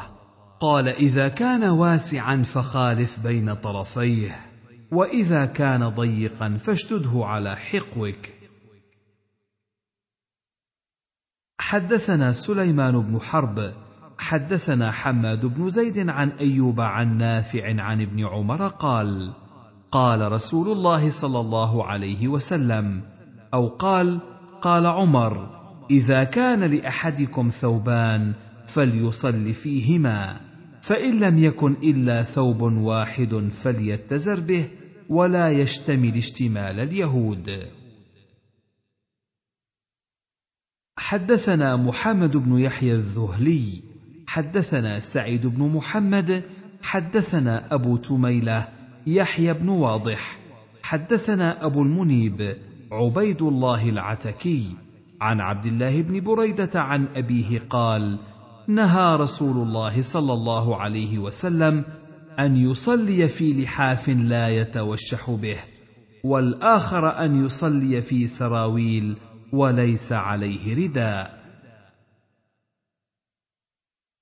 باب الإسبال في الصلاة. حدثنا زيد بن أخزم حدثنا أبو داود عن أبي عوانة عن عاصم عن أبي عثمان عن ابن مسعود قال سمعت رسول الله صلى الله عليه وسلم يقول من أسبل إزاره في صلاته خيلاء فليس من الله جل ذكره في حل ولا حرام. قال أبو داود روى هذا جماعة عن عاصم موقوفا على ابن مسعود منهم حماد بن سلمة وحماد بن زيد وأبو الأحوص وأبو معاوية. حدثنا موسى بن إسماعيل حدثنا ابان حدثنا يحيى عن أبي جعفر عن عطاء بن يسار عن أبي هريرة قال بينما رجل يصلي مسبلا إزاره إذ قال له رسول الله صلى الله عليه وسلم اذهب فتوضأ. فذهب فتوضأ ثم جاء ثم قال اذهب فتوضأ. فذهب فتوضأ ثم جاء. فقال له رجل يا رسول الله ما لك أمرته أن يتوضأ؟ ثم سكت عنه. قال إنه كان يصلي وهو مسبل ازاره وإن الله جل ذكره لا يقبل صلاة رجل مسبل إزارة. باب في كم تصلي المرأة. حدثنا القعنبي عن مالك عن محمد بن زيد بن قنفذ عن أمه أنها سألت أم سلمة ماذا تصلي فيه المرأة من الثياب. فقالت تصلي في الخمار والدرع السابغ الذي يغيب ظهور قدميها. حدثنا مجاهد بن موسى حدثنا عثمان بن عمر حدثنا عبد الرحمن بن عبد الله يعني ابن دينار. عن محمد بن زيد بهذا الحديث قال عن أم سلمة أنها سألت النبي صلى الله عليه وسلم اتصلي المراه في درع وخمار ليس عليها إزار؟ قال إذا كان الدرع سابغا يغطي ظهور قدميها. قال أبو داود روى هذا الحديث مالك بن أنس وبكر بن مضر وحفص بن غياث وإسماعيل بن جعفر وابن أبي ذئب وابن إسحاق عن محمد بن زيد عن أمه عن أم سلمة لم يذكر أحد منهم النبي صلى الله عليه وسلم قصروا به على أم سلمة. باب المرأة تصلي بغير خمار. حدثنا محمد بن المثنى حدثنا حجاج بن منهال حدثنا حماد عن قتادة عن محمد بن سيرين عن صفية بنت الحارث عن عائشة عن النبي صلى الله عليه وسلم أنه قال لا يقبل الله صلاة حائض إلا بخمار قال أبو داود رواه سعيد يعني ابن أبي عروبة عن قتادة عن الحسن عن النبي صلى الله عليه وسلم حدثنا محمد بن عبيد حدثنا حماد بن زيد عن أيوب عن محمد أن عائشة نزلت على صفية أم طلحة الطلحات فرأت بنات لها. فقالت إن رسول الله صلى الله عليه وسلم دخل وفي حجرتي جارية. فألقى إلي حقوة وقال لي شقيه بشقتين فأعطي هذه نصفا والفتاة التي عند أم سلمة نصفا. فإني لا أراها إلا قد حاضت أو لا أراهما إلا قد حاضتا. قال أبو داود وكذلك رواه هشام عن ابن سيرين. باب السدل في الصلاة. حدثنا محمد بن العلاء وإبراهيم بن موسى عن ابن المبارك عن الحسن بن ذكوان عن سليمان الأحول عن عطاء. قال إبراهيم عن أبي هريرة إن رسول الله صلى الله عليه وسلم نهى عن السدل في الصلاة وأن يغطي الرجل فاه. قال أبو داود رواه عسل عن عطاء عن أبي هريرة أن النبي صلى الله عليه وسلم نهى عن السدل في الصلاة. حدثنا محمد بن عيسى بن الطباع. حدثنا حجاج عن ابن جريج قال أكثر ما رأيت عطاء يصلي سادلا. قال أبو داود وهذا يضعف ذلك الحديث. باب الصلاة في شعر النساء. حدثنا عبيد الله بن معاذ حدثنا أبي حدثنا الأشعث عن محمد يعني ابن سيرين عن عبد الله بن شقيق عن عائشة رضي الله عنها قالت كان رسول الله صلى الله عليه وسلم لا يصلي في شعرنا أو لحفنا قال عبيد الله شك أبي. باب الرجل يصلي عاقصا شعره. حدثنا الحسن بن علي حدثنا عبد الرزاق عن ابن جريج.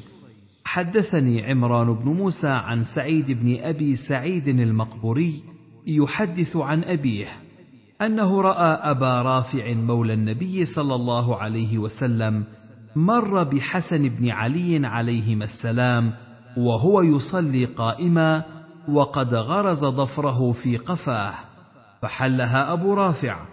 فالتفت حسن إليه مغضبا فقال أبو رافع أقبل على صلاتك ولا تغضب فإني سمعت رسول الله صلى الله عليه وسلم يقول ذلك كفل الشيطان يعني مقعد الشيطان يعني مغرز ظفره. حدثنا محمد بن سلمة حدثنا ابن وهب عن عمرو بن الحارث أن بكيرا حدثه أن كريبا مولى ابن عباس حدثه أن عبد الله بن عباس رأى عبد الله بن الحارث يصلي ورأسه معقوص من ورائه فقام وراءه فجعل يحله وأقر له الآخر. فلما انصرف أقبل إلى ابن عباس فقال ما لك ورأسي؟ قال إني سمعت رسول الله صلى الله عليه وسلم يقول إنما مثل هذا مثل الذي يصلي وهو مكتوف. باب الصلاة في النعل. حدثنا مسدد حدثنا يحيى عن ابن جريج. حدثني محمد بن عباد بن جعفر عن ابن سفيان عن عبد الله بن السائب قال رأيت النبي صلى الله عليه وسلم يصلي يوم الفتح ووضع نعليه عن يساره. حدثنا الحسن بن علي حدثنا عبد الرزاق وأبو عاصم. قال أخبرنا ابن جريج. قال سمعت محمد بن عباد بن جعفر يقول أخبرني أبو سلمة بن سفيان وعبد الله بن المسيب العابدي وعبد الله بن عمرو عن عبد الله بن السائب قال صلى بنا رسول الله صلى الله عليه وسلم الصبح بمكة فاستفتح سورة المؤمنين. حتى إذا جاء ذكر موسى وهارون أو ذكر موسى وعيسى ابن عباد يشك أو اختلفوا. أخذت النبي صلى الله عليه وسلم سعله فحذف فركع وعبد الله بن السائب حاضر لذلك. حدثنا موسى بن إسماعيل حدثنا حماد بن سلمة عن أبي نعامة السعدي عن أبي نضرة عن أبي سعيد الخدري قال بينما رسول الله صلى الله عليه وسلم يصلي بأصحابه إذ خلع عليه فوضعهما عن يساره فلما رأى ذلك القوم ألقوا نعالهم فلما قضى رسول الله صلى الله عليه وسلم صلاته قال ما حملكم على إلقائكم نعالكم؟ قالوا رأيناك القيت نعليك فألقينا نعالنا. فقال رسول الله صلى الله عليه وسلم إن جبريل عليه السلام أتاني فأخبرني أن فيهما قذرا أو قال أذى. وقال إذا جاء أحدكم إلى المسجد فلينظر فإن رأى في نعليه قذرا أو أذى فليمسحه وليصلي فيهما. حدثنا موسى يعني ابن إسماعيل حدثنا ابان حدثنا قتادة حدثني بكر بن عبد الله عن النبي صلى الله عليه وسلم بهذا. قال فيهما خبث. قال في الموضعين خبث. حدثنا قتيبة بن سعيد حدثنا مروان بن معاوية الفزاري عن هلال بن ميمون الرملي عن يعلى بن شداد بن أوس عن أبيه قال قال رسول الله صلى الله عليه وسلم خالفوا اليهود فإنهم لا يصلون في نعالهم ولا خفافهم. حدثنا مسلم بن إبراهيم حدثنا علي بن المبارك عن حسين المعلم عن عمرو بن شعيب عن أبيه عن جده قال رأيت رسول الله صلى الله عليه وسلم يصلي حافيا ومتنعلا. باب المصلي إذا خلع نعليه أين يضعهما؟ حدثنا الحسن بن علي حدثنا عثمان بن عمر حدثنا صالح بن رستم أبو عامر عن عبد الرحمن بن قيس عن يوسف بن ماهك عن أبي هريرة رضي الله عنه أن رسول الله صلى الله عليه وسلم قال إذا صلى أحدكم فلا يضعن عليه عن يمينه ولا عن يساره فتكون عن يمين غيره إلا الا يكون عن يساره أحد وليضعهما بين رجليه. حدثنا عبد الوهاب بن نجدة حدثنا بقية وشعيب بن إسحاق عن الأوزاعي حدثني محمد بن الوليد عن سعيد بن أبي سعيد عن أبيه عن أبي هريرة عن رسول الله صلى الله عليه وسلم قال إذا صلى أحدكم فخلع نعليه فلا يؤذي بهما أحدا ليجعلهما بين رجليه. أو ليصلي فيهما. باب الصلاة على الخمرة. حدثنا عمرو بن عون حدثنا خالد عن الشيباني عن عبد الله بن شداد حدثتني ميمونة بنت الحارث قالت كان رسول الله صلى الله عليه وسلم يصلي وأنا حذاءه وأنا حائض وربما أصابني ثوبه إذا سجد وكان يصلي على الخمرة. باب الصلاة على الحصير. حدثنا عبيد الله بن معاذ حدثنا أبي حدثنا شعبة عن أنس بن سيرين عن أنس بن مالك قال قال رجل من الأنصار يا رسول الله إني رجل ضخم وكان ضخما. لا أستطيع أن أصلي معك. وصنع له طعاما ودعاه إلى بيته. فصل حتى أراك كيف تصلي فأقتدي بك. فنضحوا له طرف حصير لهم. فقام فصلى ركعتين. قال فلان بن الجارود لأنس بن مالك أكان يصلي الضحى؟ قال لم أره صلى إلا يومئذ. حدثنا مسلم بن إبراهيم حدثنا المثنى بن سعيد حدثني قتادة عن أنس بن مالك أن النبي صلى الله عليه وسلم كان يزور أم سليم فتدركه الصلاة أحيانا فيصلي على بساط لنا وهو حصير تنضحه بالماء.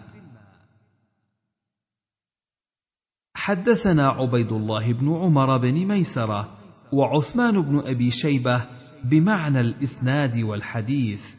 قال حدثنا أبو أحمد الزبيري عن يونس بن الحارث عن أبي عون عن أبيه عن المغيرة بن شعبة قال كان رسول الله صلى الله عليه وسلم يصلي على الحصير والفروة المدبوغة. باب الرجل يسجد على ثوبه. حدثنا أحمد بن حنبل رحمه الله. حدثنا بشر يعني ابن المفضل. حدثنا غالب القطان عن بكر بن عبد الله عن أنس بن مالك قال كنا نصلي مع رسول الله صلى الله عليه وسلم في شدة الحر فإذا لم يستطع أحدنا أن يمكن وجهه من الأرض بسط ثوبه فسجد عليه.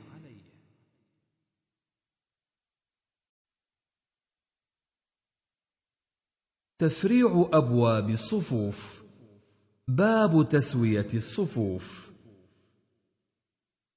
حدثنا عبد الله بن محمد النفيلي حدثنا زهير قال سألت سليمان الأعمش عن حديث جابر بن سمرة في الصفوف المقدمة فحدثنا عن المسيب بن رافع عن تميم بن طرفة عن جابر بن سمره قال قال رسول الله صلى الله عليه وسلم ألا تصفون كما تصف الملائكة عند ربهم؟ قلنا وكيف تصف الملائكة عند ربهم؟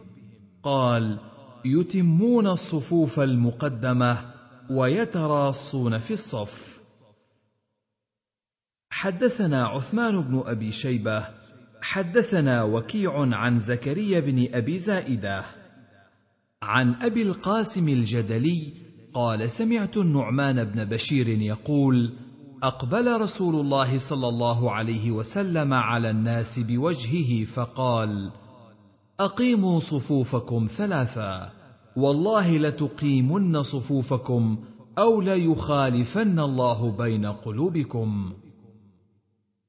قال فرأيت الرجل يلزق منكبه بمنكب صاحبه وركبته بركبة صاحبه وكعبه بكعبه.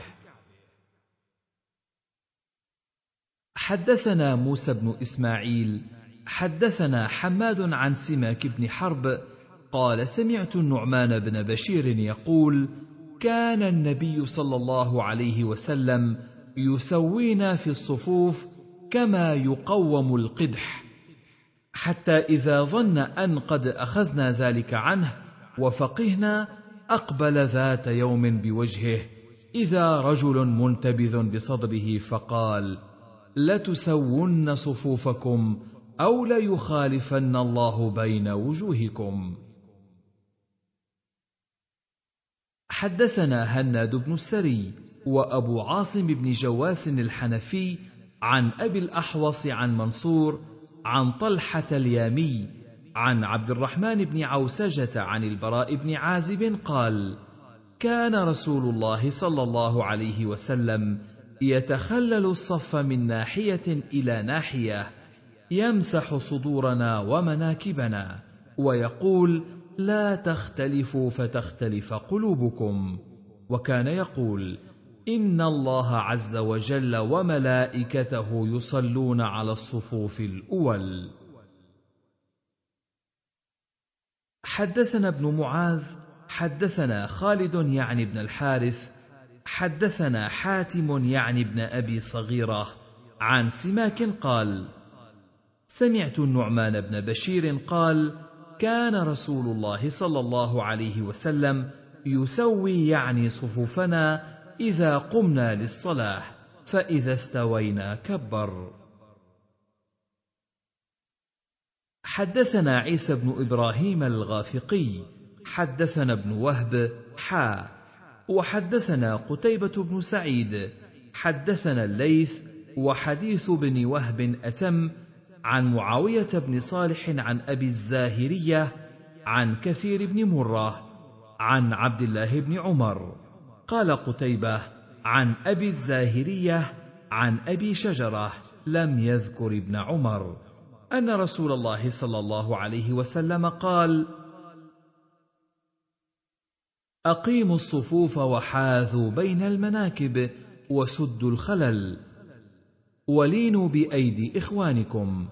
لم يقل عيسى بأيدي إخوانكم. ولا تذروا فرجات للشيطان ومن وصل صفا وصله الله ومن قطع صفا قطعه الله. قال أبو داود أبو شجرة كثير بن مرة. قال أبو داود ومعنى ولينوا بأيدي إخوانكم. إذا جاء رجل إلى الصف فذهب يدخل فيه فينبغي أن يلين له كل رجل منكبيه حتى يدخل في الصف. حدثنا مسلم بن إبراهيم حدثنا أبان عن قتادة عن أنس بن مالك عن رسول الله صلى الله عليه وسلم قال رصوا صفوفكم وقاربوا بينها وحاذوا بالأعناق فوالذي نفسي بيده إني لأرى الشيطان يدخل من خلل الصف كأنها الحذف. حدثنا أبو الوليد الطيالسي وسليمان بن حرب. قال حدثنا شعبة عن قتادة عن أنس قال قال رسول الله صلى الله عليه وسلم سووا صفوفكم فإن تسوية الصف من تمام الصلاة. حدثنا قتيبة حدثنا حاتم بن إسماعيل عن مصعب بن ثابت بن عبد الله بن الزبير عن محمد بن مسلم بن السائب صاحب المقصورة. قال صليت إلى جنب أنس بن مالك يوما فقال هل تدري لم صنع هذا العود؟ فقلت لا والله. قال كان رسول الله صلى الله عليه وسلم يضع عليه يده فيقول استووا واعدلوا صفوفكم. حدثنا مسدد حدثنا حميد بن الأسود حدثنا مصعب بن ثابت عن محمد بن مسلم عن أنس بهذا الحديث. قال إن رسول الله صلى الله عليه وسلم كان إذا قام إلى الصلاة أخذ بيمينه ثم التفت فقال اعتدلوا سووا صفوفكم. ثم أخذ بيساره فقال اعتدلوا سووا صفوفكم. حدثنا محمد بن سليمان الأنباري حدثنا عبد الوهاب يعني ابن عطاء عن سعيد عن قتادة عن أنس أن رسول الله صلى الله عليه وسلم قال اتموا الصف المقدم ثم الذي يليه فما كان من نقص فليكن في الصف المؤخر. حدثنا ابن بشار حدثنا أبو عاصم حدثنا جعفر بن يحيى بن ثوبان. أخبرني عمي عمارة بن ثوبان عن عطاء عن ابن عباس رضي الله عنهما قال قال رسول الله صلى الله عليه وسلم خياركم ألينكم مناكب في الصلاة. قال أبو داود جعفر بن يحيى من أهل مكة. باب الصفوف بين السواري. حدثنا محمد بن بشار حدثنا عبد الرحمن حدثنا سفيان عن يحيى بن هانئ عن عبد الحميد بن محمود قال صليت مع أنس بن مالك يوم الجمعة فدفعنا إلى السواري فتقدمنا وتأخرنا فقال أنس كنا نتقي هذا على عهد رسول الله صلى الله عليه وسلم. باب من يستحب أن يلي الإمام في الصف وكراهية التأخر. حدثنا ابن كثير أخبرنا سفيان عن الأعمش عن عمارة بن عمير عن أبي معمر عن أبي مسعود قال قال رسول الله صلى الله عليه وسلم ليليني منكم أولو الأحلام والنهى ثم الذين يلونهم ثم الذين يلونهم. حدثنا مسدد حدثنا يزيد بن زريع حدثنا خالد عن أبي معشر عن إبراهيم عن علقمة عن عبد الله عن النبي صلى الله عليه وسلم مثله وزاد ولا تختلفوا فتختلف قلوبكم وإياكم وهيشات الأسواق. حدثنا عثمان بن أبي شيبة حدثنا معاوية بن هشام حدثنا سفيان عن أسامة بن زيد عن عثمان بن عروة عن عروة عن عائشة قالت قال رسول الله صلى الله عليه وسلم إن الله وملائكته يصلون على ميامن الصفوف. باب مقام الصبيان من الصف. حدثنا عيسى بن شاذان حدثنا عياش الرقام حدثنا عبد الأعلى حدثنا قرة بن خالد حدثنا بديل حدثنا شهر بن حوشب عن عبد الرحمن بن غنم قال قال أبو مالك الأشعري ألا أحدثكم بصلاة النبي صلى الله عليه وسلم؟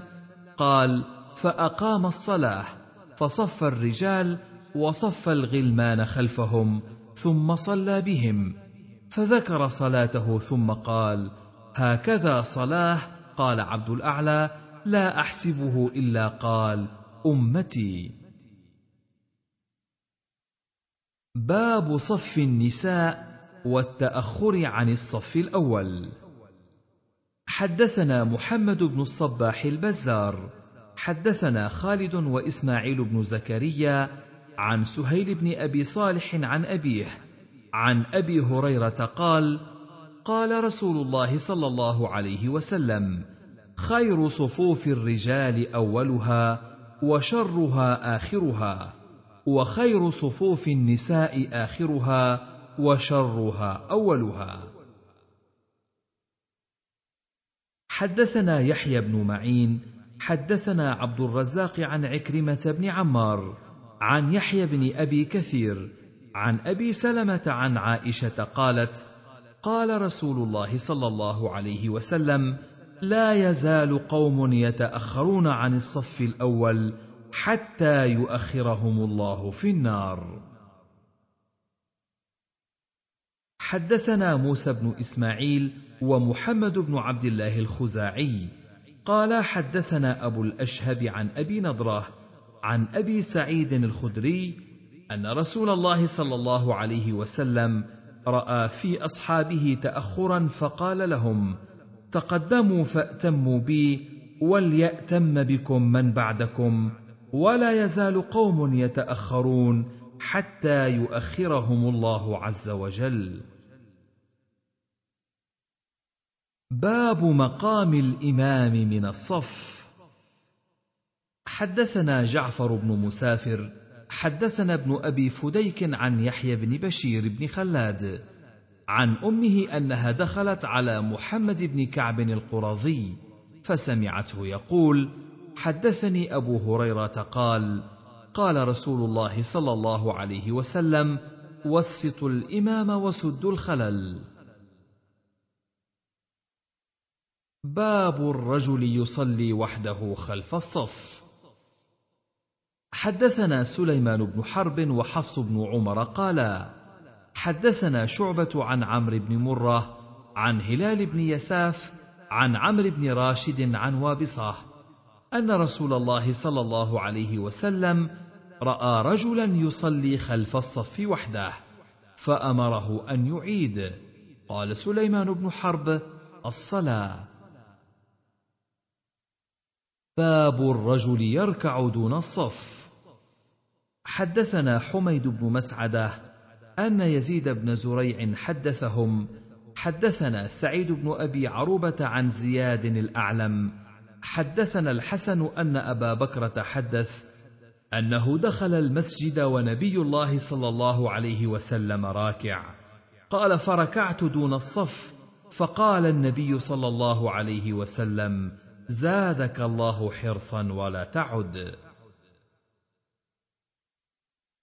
حدثنا موسى بن إسماعيل حدثنا حماد أخبرنا زياد الأعلم عن الحسن أن أبا بكرة جاء ورسول الله صلى الله عليه وسلم راكع فركع دون الصف ثم مشى إلى الصف فلما قضى النبي صلى الله عليه وسلم صلاته قال أيكم الذي ركع دون الصف ثم مشى إلى الصف؟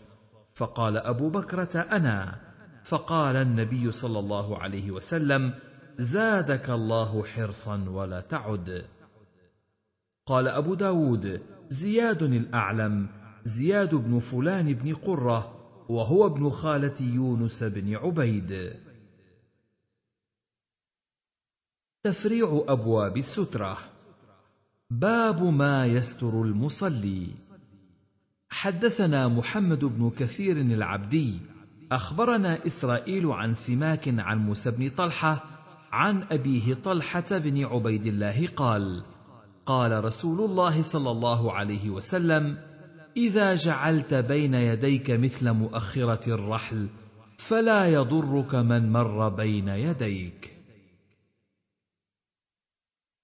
حدثنا الحسن بن علي أخبرنا عبد الرزاق عن ابن جريج عن عطاء قال آخرة الرحل ذراع فما فوقه حدثنا الحسن بن علي حدثنا ابن نمير عن عبيد الله عن نافع عن ابن عمر أن رسول الله صلى الله عليه وسلم كان إذا خرج يوم العيد أمر بالحربة فتوضع بين يديه فيصلي إليها والناس وراءه وكان يفعل ذلك في السفر فمن ثم اتخذها الأمراء.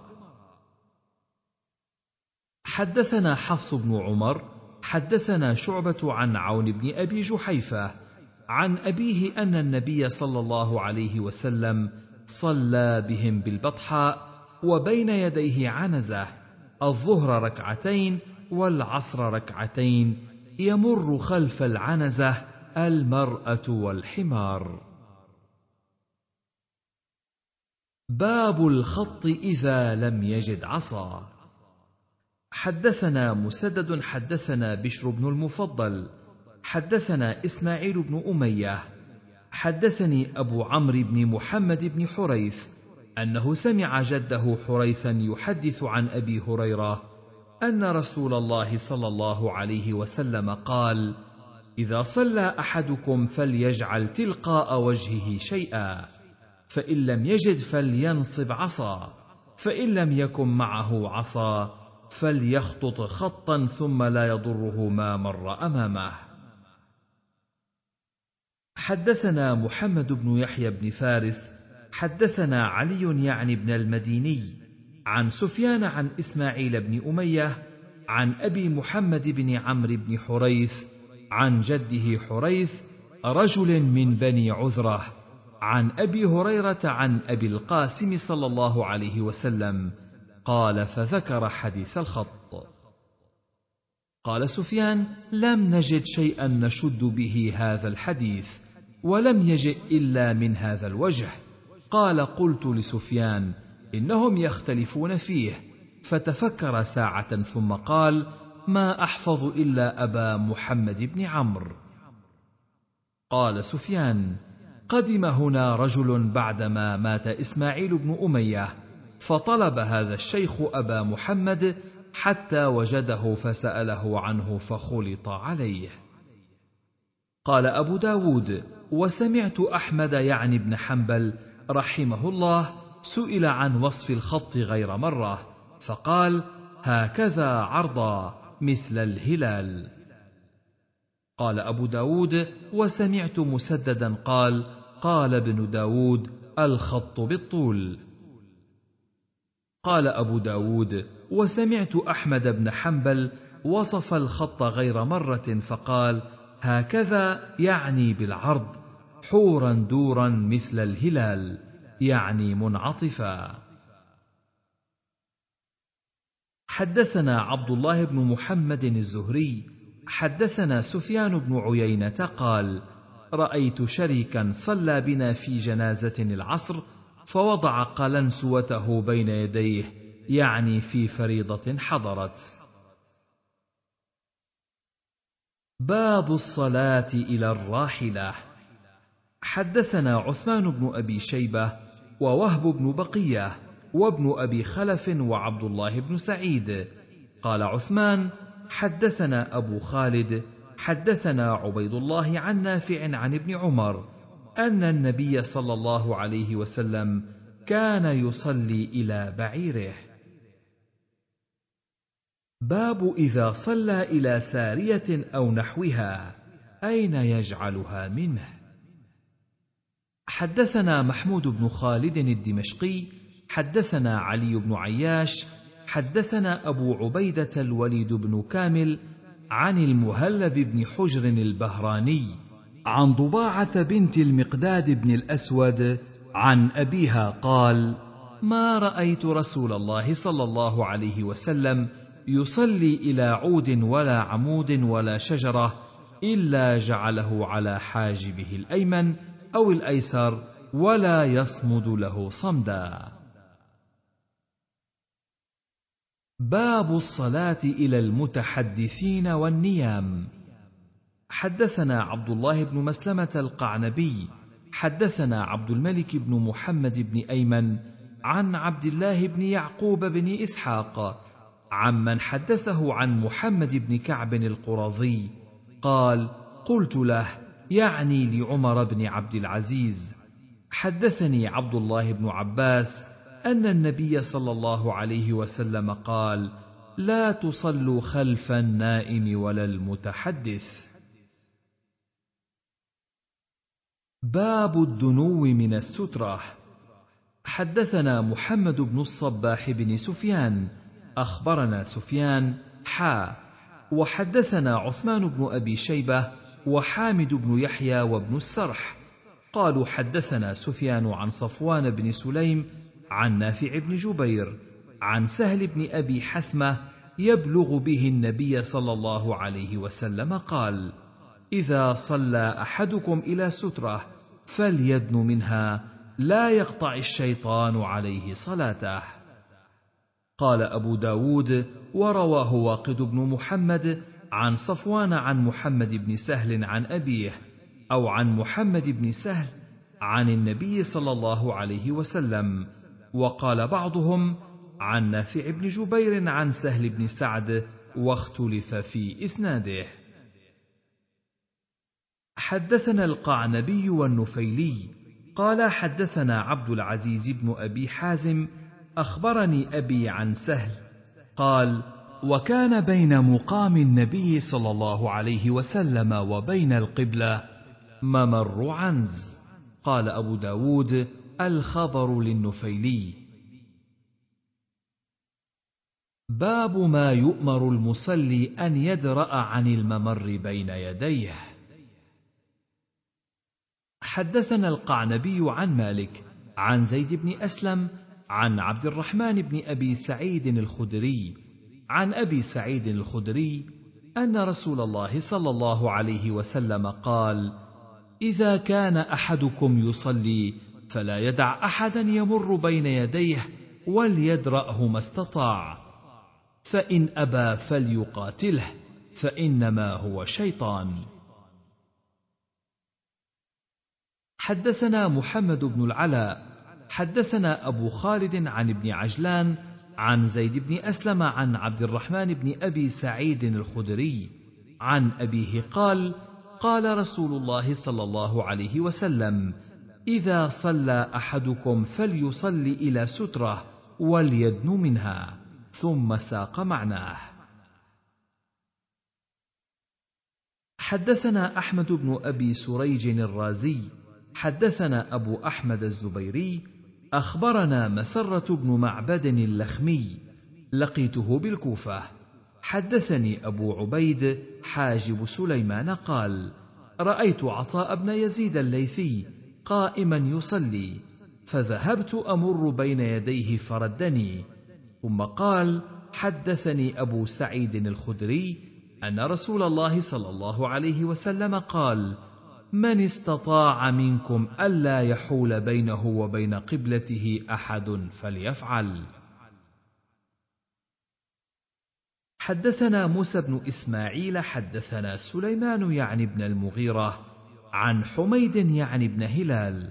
قال قال أبو صالح أحدثك عما رأيت من أبي سعيد وسمعته منه.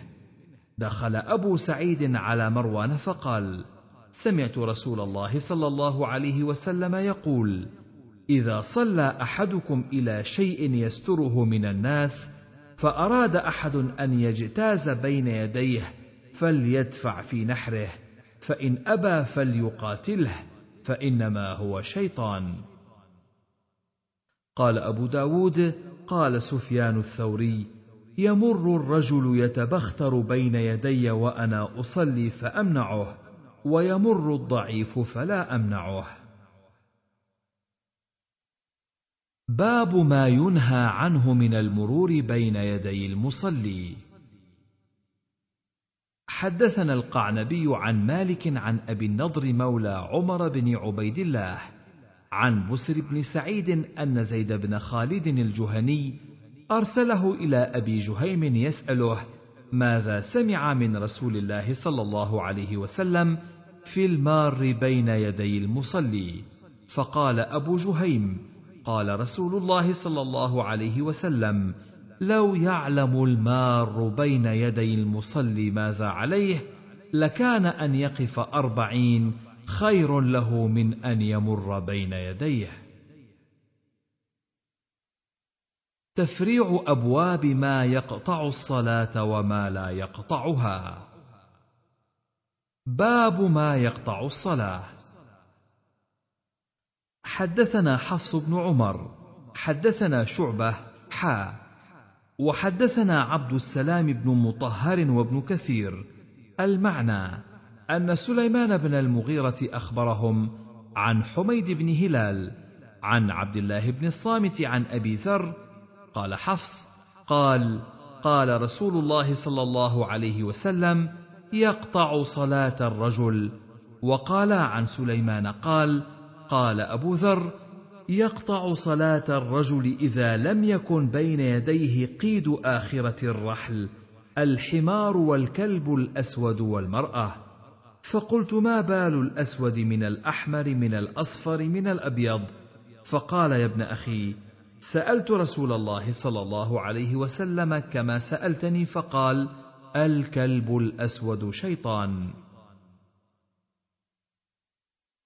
حدثنا مسدد حدثنا يحيى عن شعبة حدثنا قتادة قال سمعت جابر بن زيد يحدث عن ابن عباس رفعه شعبة قال يقطع الصلاة المرأة الحائض والكلب. قال أبو داود أوقفه سعيد وهشام وهمام عن قتادة عن جابر بن زيد على ابن عباس. حدثنا محمد بن إسماعيل البصري حدثنا معاذ حدثنا هشام عن يحيى عن عكرمة عن ابن عباس قال أحسبه عن رسول الله صلى الله عليه وسلم قال إذا صلى أحدكم إلى غير سترة فإنه يقطع صلاته الكلب والحمار والخنزير واليهودي والمجوسي والمرأة ويجزئ عنه إذا مروا بين يديه على قذفة بحجر. قال أبو داود في نفسي من هذا الحديث شيء كنت ذاكرته إبراهيم وغيره فلم أر أحدا جاء به عن هشام ولا يعرفه ولم أر احدا يحدث به عن هشام وأحسب الوهم من ابن أبي سمينة والمنكر فيه ذكر المجوسي وفيه على قذفة بحجر وذكر الخنزير وفيه نكارة. قال أبو داود ولم أسمع هذا الحديث إلا من محمد بن إسماعيل وأحسبه وهم لأنه كان يحدثنا من حفظه. حدثنا محمد بن سليمان الأنباري حدثنا وكيع عن سعيد بن عبد العزيز عن مولى ليزيد بن نمران. عن يزيد بن نمران قال رأيت رجلا بتبوك مقعدا فقال مررت بين يدي النبي صلى الله عليه وسلم وأنا على حمار وهو يصلي فقال اللهم اقطع أثره فما مشيت عليها بعد. حدثنا كثير بن عبيد يعني المذحجي حدثنا أبو حيوة عن سعيد بأسناده ومعناه. زاد فقال قطع صلاتنا قطع الله أثره. قال أبو داود ورواه أبو مسهر عن سعيد قال فيه قطع صلاتنا. حدثنا أحمد بن سعيد الهمداني حا.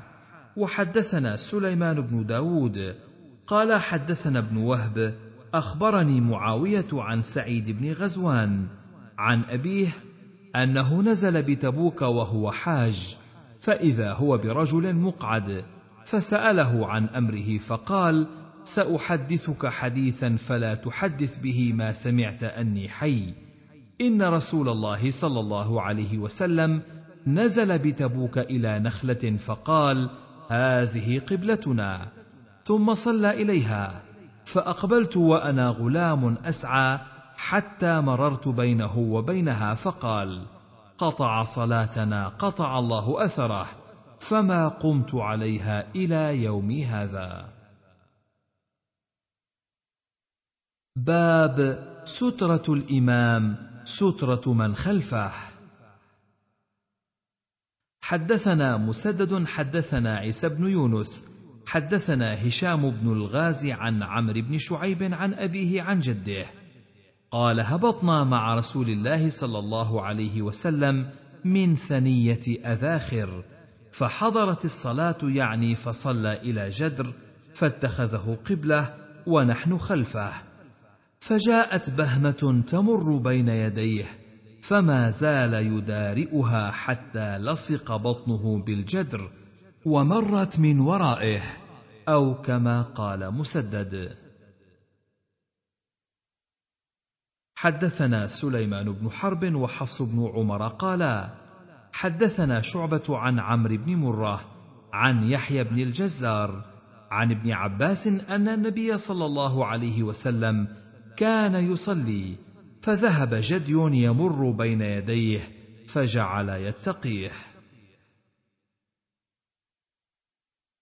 باب من قال المرأة لا تقطع الصلاة.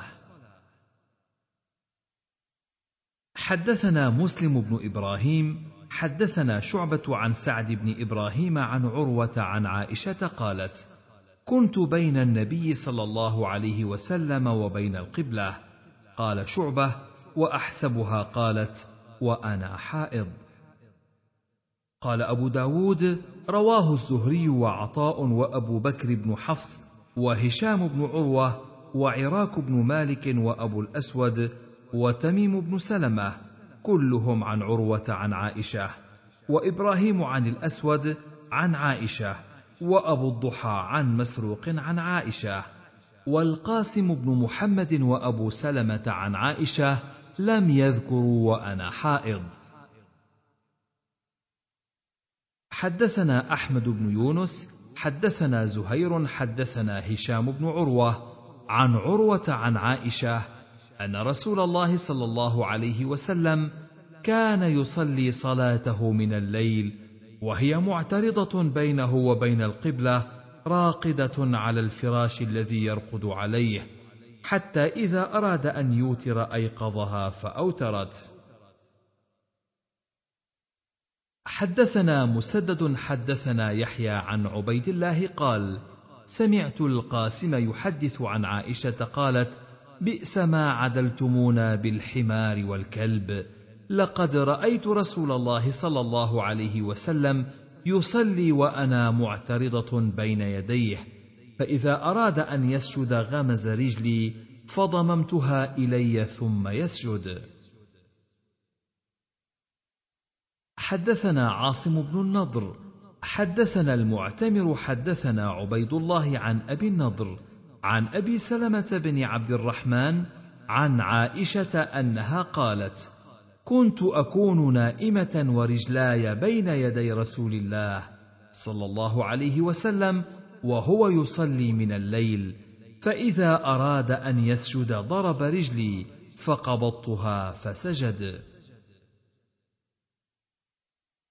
حدثنا عثمان بن أبي شيبة حدثنا محمد بن بشر حا وحدثنا القعنبي حدثنا عبد العزيز يعني ابن محمد وهذا لفظه عن محمد بن عمرو عن أبي سلمة عن عائشة أنها قالت كنت أنام وأنا معترضة في قبلة رسول الله صلى الله عليه وسلم فيصلي رسول الله صلى الله عليه وسلم وأنا أمامه إذا أراد أن يوتر.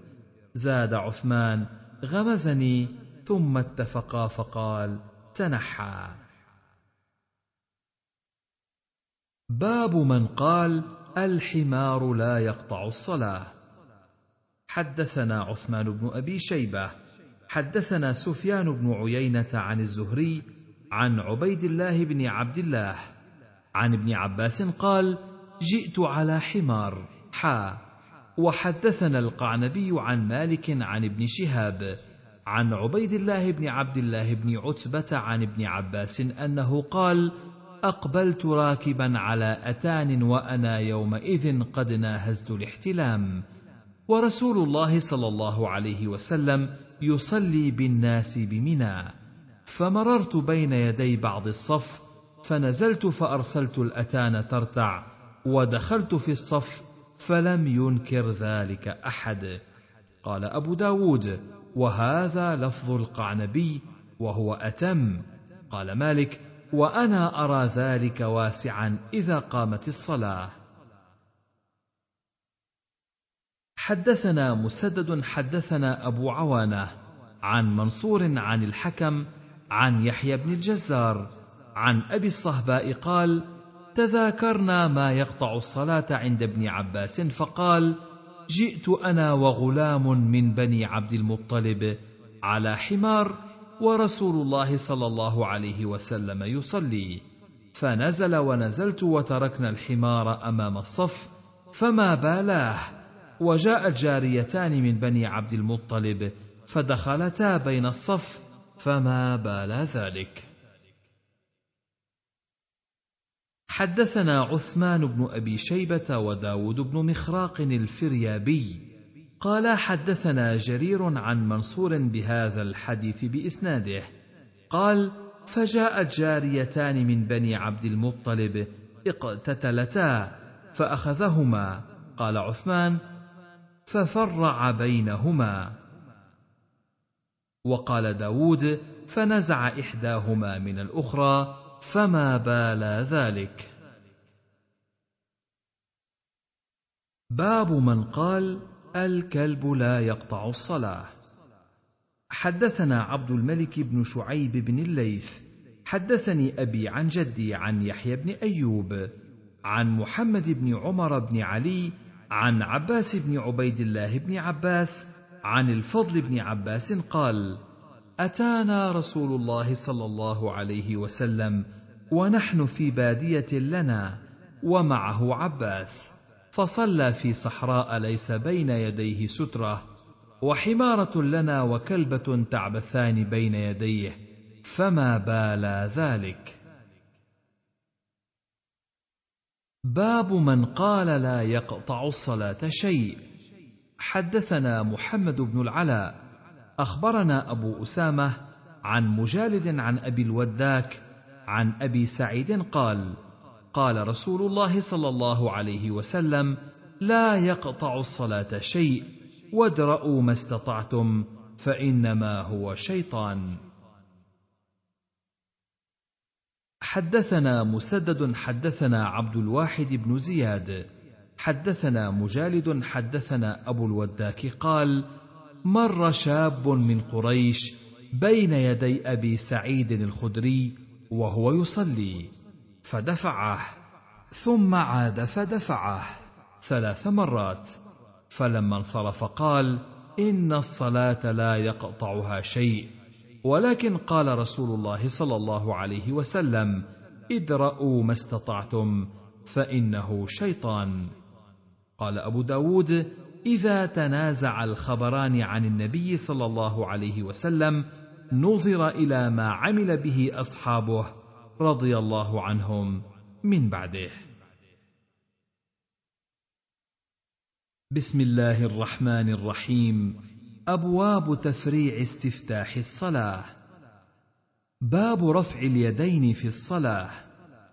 حدثنا أحمد بن حنبل حدثنا سفيان عن الزهري عن سالم عن أبيه قال رأيت رسول الله صلى الله عليه وسلم إذا استفتح الصلاة رفع يديه حتى يحاذي منكبيه وإذا أراد أن يركع وبعدما يرفع رأسه من الركوع.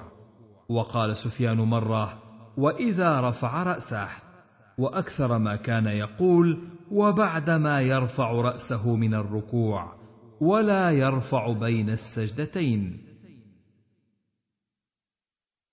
حدثنا محمد بن المصفى الحمصي حدثنا بقية حدثنا الزبيدي عن الزهري عن سالم بن عبد الله بن عمر قال كان رسول الله صلى الله عليه وسلم إذا قام إلى الصلاة رفع يديه حتى تكونا حذو منكبيه ثم كبر وهما كذلك فيركع ثم إذا أراد أن يرفع صلبه رفعهما حتى تكونا حذو منكبيه ثم قال سمع الله لمن حمده ولا يرفع يديه في السجود ويرفعهما في كل تكبيرة يكبرها قبل الركوع حتى تنقضي صلاته. حدثنا عبيد الله بن عمر بن ميسرة الجشمي حدثنا عبد الوارث بن سعيد حدثنا محمد بن جحادة حدثني عبد الجبار بن وائل بن حجر قال كنت غلاما لا أعقل صلاة أبي فحدثني وائل بن علقمة عن أبي وائل بن حجر قال صليت مع رسول الله صلى الله عليه وسلم فكان إذا كبر رفع يديه. قال ثم التحف ثم أخذ شماله بيمينه وأدخل يديه في ثوبه. قال فإذا أراد أن يركع أخرج يديه ثم رفعهما وإذا أراد أن يرفع رأسه من الركوع رفع يديه. ثم سجد ووضع وجهه بين كفيه وإذا رفع رأسه من السجود أيضا رفع يديه. حتى فرغ من صلاته. قال محمد فذكرت ذلك للحسن بن أبي الحسن فقال هي صلاة رسول الله صلى الله عليه وسلم فعله من فعله وتركه من تركه. قال أبو داود روى هذا الحديث همام عن ابن جحادة لم يذكر الرفع مع الرفع من السجود. حدثنا مسدد حدثنا يزيد يعني بن زريع. حدثنا المسعودي حدثنا عبد الجبار بن وائل. حدثني أهل بيتي عن أبي أنه حدثهم أنه رأى رسول الله صلى الله عليه وسلم يرفع يديه مع التكبير. حدثنا عثمان بن أبي شيبة حدثنا عبد الرحيم بن سليمان عن الحسن بن عبيد الله النخعي عن عبد الجبار بن وائل عن أبيه أنه أبصر النبي صلى الله عليه وسلم حين قام إلى الصلاة رفع يديه حتى كانتا بحيال منكبيه وحاذى بإبهاميه أذنيه ثم كبر. حدثنا مسدد حدثنا بشر بن المفضل عن عاصم بن كليب عن أبيه عن وائل بن حجر قال قلت لأنظرن إلى صلاة رسول الله صلى الله عليه وسلم كيف يصلي. قال فقام رسول الله صلى الله عليه وسلم فاستقبل القبلة فكبر فرفع يديه حتى حاذتا أذنيه ثم أخذ شماله بيمينه فلما أراد أن يركع رفعهما مثل ذلك ثم وضع يديه على ركبتيه فلما رفع رأسه من الركوع رفعهما مثل ذلك فلما سجد وضع رأسه بذلك المنزل من بين يديه ثم جلس فافترش رجله اليسرى ووضع يده اليسرى على فخذه اليسرى وحد مرفقه الأيمن على فخذه اليمنى. وقبض ثنتين وحلق حلقة ورأيته يقول هكذا وحلق بشر الإبهام والوسطى وأشار بالسبابة.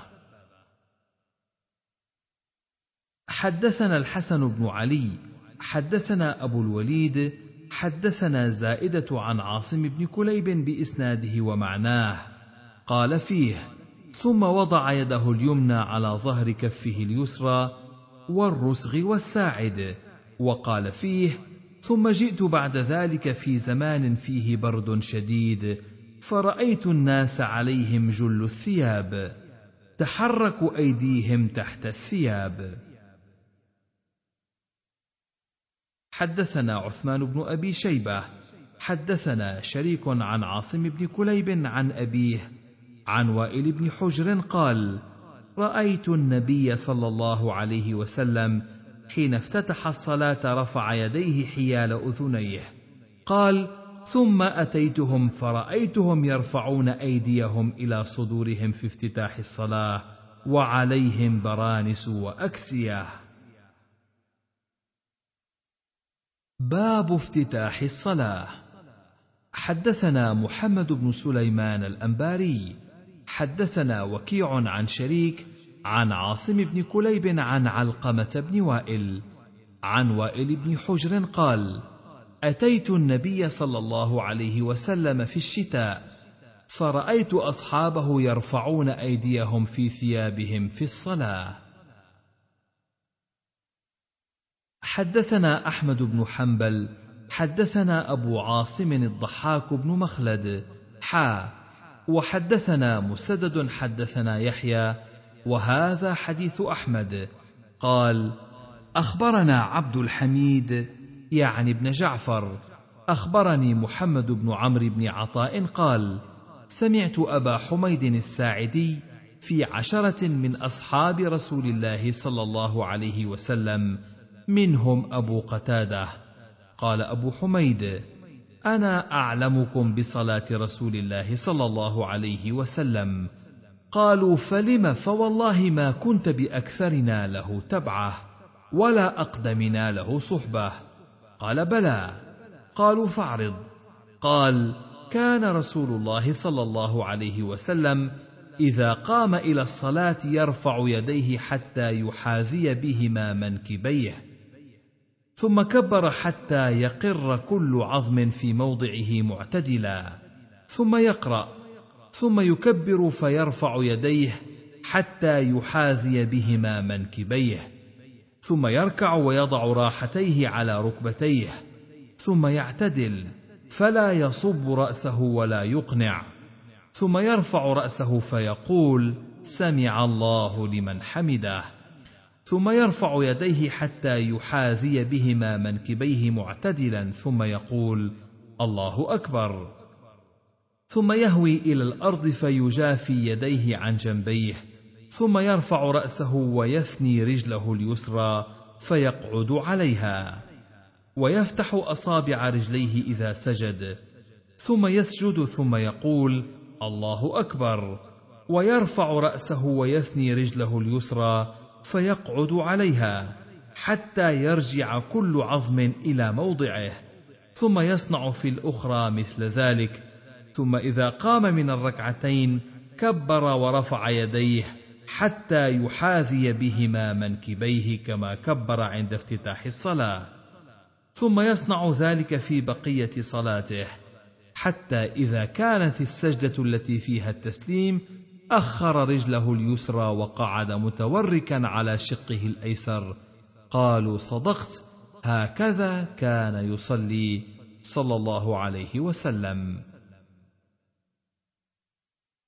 حدثنا قتيبة بن سعيد حدثنا ابن لهيعة عن يزيد يعني ابن أبي حبيب عن محمد بن عمرو بن حلحلة عن محمد بن عمرو العامري قال كنت في مجلس من أصحاب رسول الله صلى الله عليه وسلم فتذاكروا صلاته صلى الله عليه وسلم. فقال أبو حميد فذكر بعض هذا الحديث وقال فإذا ركع أمكن كفيه من ركبتيه وفرج بين أصابعه ثم هصر ظهره غير مقنع رأسه ولا صافح بخده وقال فإذا قعد في الركعتين قعد على بطن قدمه اليسرى ونصب اليمنى. فإذا كان في الرابعة أفضى بوركه اليسرى إلى الأرض وأخرج قدميه من ناحية واحدة. حدثنا عيسى بن إبراهيم المصري حدثنا ابن وهب عن الليث بن سعد عن يزيد بن محمد القرشي ويزيد بن أبي حبيب عن محمد بن عمرو بن حلحلة عن محمد بن عمرو بن عطاء نحو هذا. قال فإذا سجد وضع يديه غير مفترش ولا قابضهما واستقبل بأطراف أصابعه القبلة. حدثنا علي بن حسين ابن إبراهيم حدثنا أبو بدر حدثني زهير أبو خيثمة حدثنا الحسن بن الحر حدثني عيسى بن عبد الله بن مالك عن محمد بن عمرو بن عطاء أحد بني مالك عن عباس أو عياش بن سهل الساعدي أنه كان في مجلس فيه أبوه وكان من أصحاب النبي صلى الله عليه وسلم. وفي المجلس أبو هريرة وأبو حميد الساعدي وأبو أسيد بهذا الخبر يزيد أو ينقص. قال فيه ثم رفع رأسه يعني من الركوع فقال سمع الله لمن حمده اللهم ربنا لك الحمد ورفع يديه ثم قال الله أكبر فسجد فانتصب على كفيه وركبتيه وصدور قدميه وهو ساجد. ثم كبر فجلس فتورك ونصب قدمه الأخرى. ثم كبر فسجد. ثم كبر فقام ولم يتورك. ثم ساق الحديث. قال ثم جلس بعد الركعتين حتى إذا هو أراد أن ينهض للقيام قام بتكبيره. ثم ركع الركعتين الأخريين ولم يذكر التورك في التشهد. حدثنا أحمد بن حنبل حدثنا عبد الملك بن عمرو أخبرني فليح حدثني عباس بن سهل قال اجتمع أبو حميد وأبو أسيد وسهل بن سعد ومحمد بن مسلمة فذكروا صلاة رسول الله صلى الله عليه وسلم فقال أبو حميد أنا أعلمكم بصلاة رسول الله صلى الله عليه وسلم فذكر بعض هذا قال ثم ركع فوضع يديه على ركبتيه كأنه قابض عليهما ووتر يديه فتجافى عن جنبيه. قال ثم سجد فأمكن أنفه وجبهته ونحى يديه عن جنبيه ووضع كفيه حذو منكبيه ثم رفع رأسه حتى رجع كل عظم في موضعه حتى فرغ ثم جلس فافترش رجله اليسرى وأقبل بصدر اليمنى على قبلته ووضع كفه اليمنى على ركبته اليمنى وكفه اليسرى على ركبته اليسرى وأشار بإصبعه. قال أبو داود روى هذا الحديث عتبة بن أبي حكيم عن عبد الله بن عيسى عن العباس بن سهل لم يذكر التورك وذكر نحو حديث فليح وذكر الحسن بن الحر نحو جلسة حديث فليح وعتبة. حدثنا عمرو بن عثمان حدثنا بقية حدثني عتبة حدثني عبد الله بن عيسى عن العباس بن سهل الساعدي عن أبي حميد بهذا الحديث قال وإذا سجد فرج بين فخذيه غير حامل بطنه على شيء من فخذيه قال أبو داود ورواه ابن المبارك. أخبرنا فليح سمعت عباس بن سهل يحدث فلم أحفظه فحدثنيه. وراه ذكر عيسى بن عبد الله أنه سمعه من عباس بن سهل. قال حضرت أبا حميد الساعدي بهذا الحديث. حدثنا محمد بن معمر حدثنا حجاج بن منهال. حدثنا همام حدثنا محمد بن جحادة عن عبد الجبار بن وائل عن أبيه عن النبي صلى الله عليه وسلم في هذا الحديث قال فلما سجد وقعتا ركبتاه إلى الأرض قبل أن تقعا كفاه فلما سجد وضع جبهته بين كفيه وجافى عن إبطيه. قال حجاج قال همام وحدثنا شقيق حدثني عاصم بن كليب عن أبيه عن النبي صلى الله عليه وسلم بمثل هذا.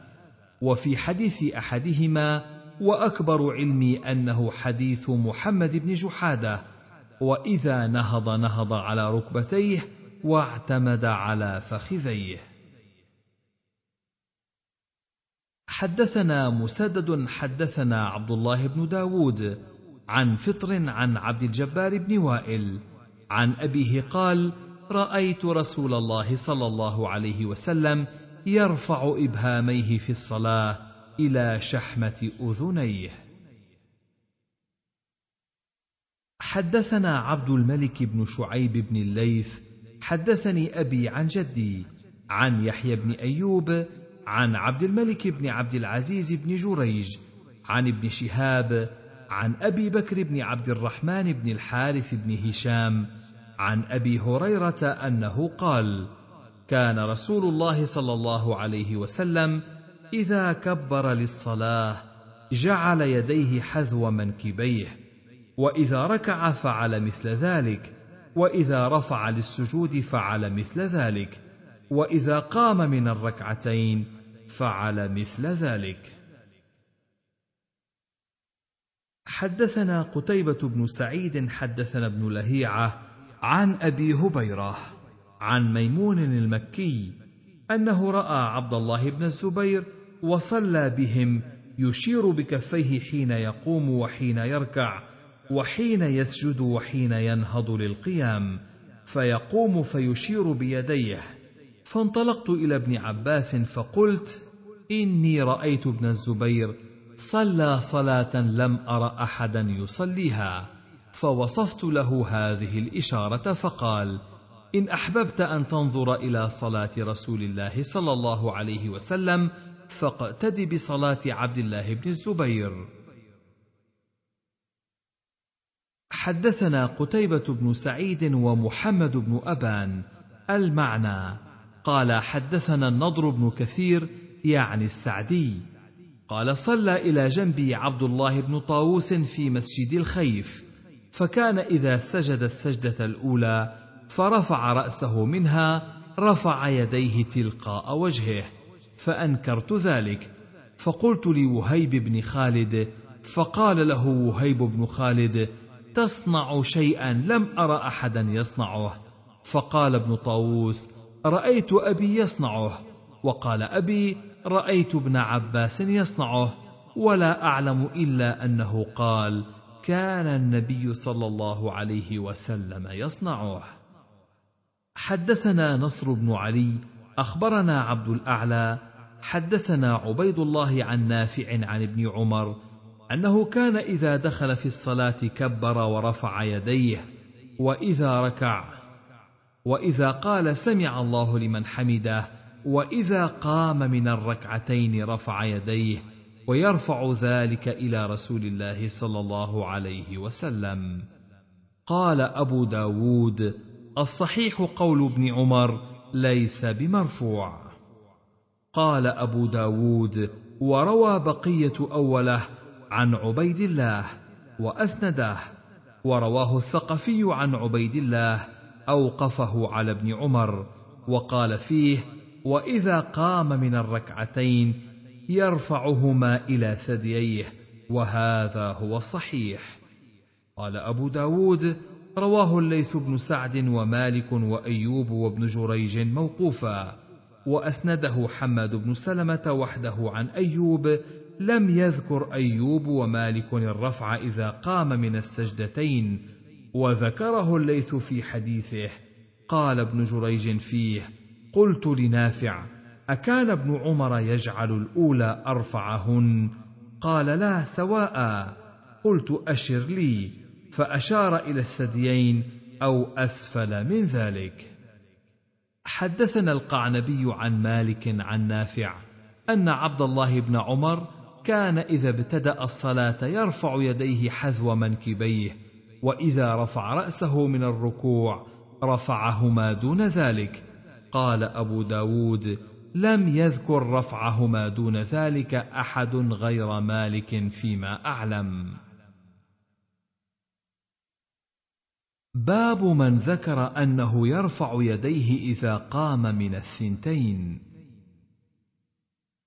حدثنا عثمان بن أبي شيبة ومحمد بن عبيد المحاربي قال حدثنا محمد بن فضيل عن عاصم بن كليب عن محارب بن دثار عن ابن عمر قال كان رسول الله صلى الله عليه وسلم إذا قام في الركعتين كبر ورفع يديه.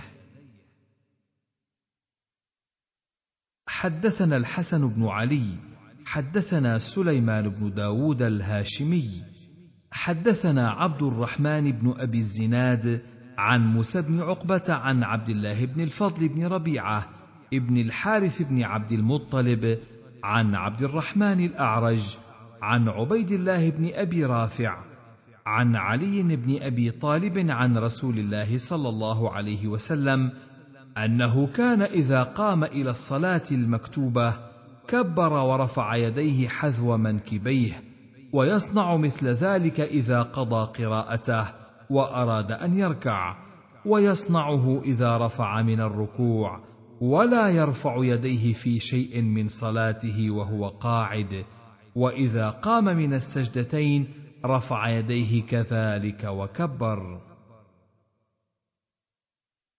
قال أبو داود وفي حديث أبي حميد الساعدي حين وصف صلاة النبي صلى الله عليه وسلم إذا قام من الركعتين كبر ورفع يديه حتى يحاذي بهما منكبيه كما كبر عند افتتاح الصلاة.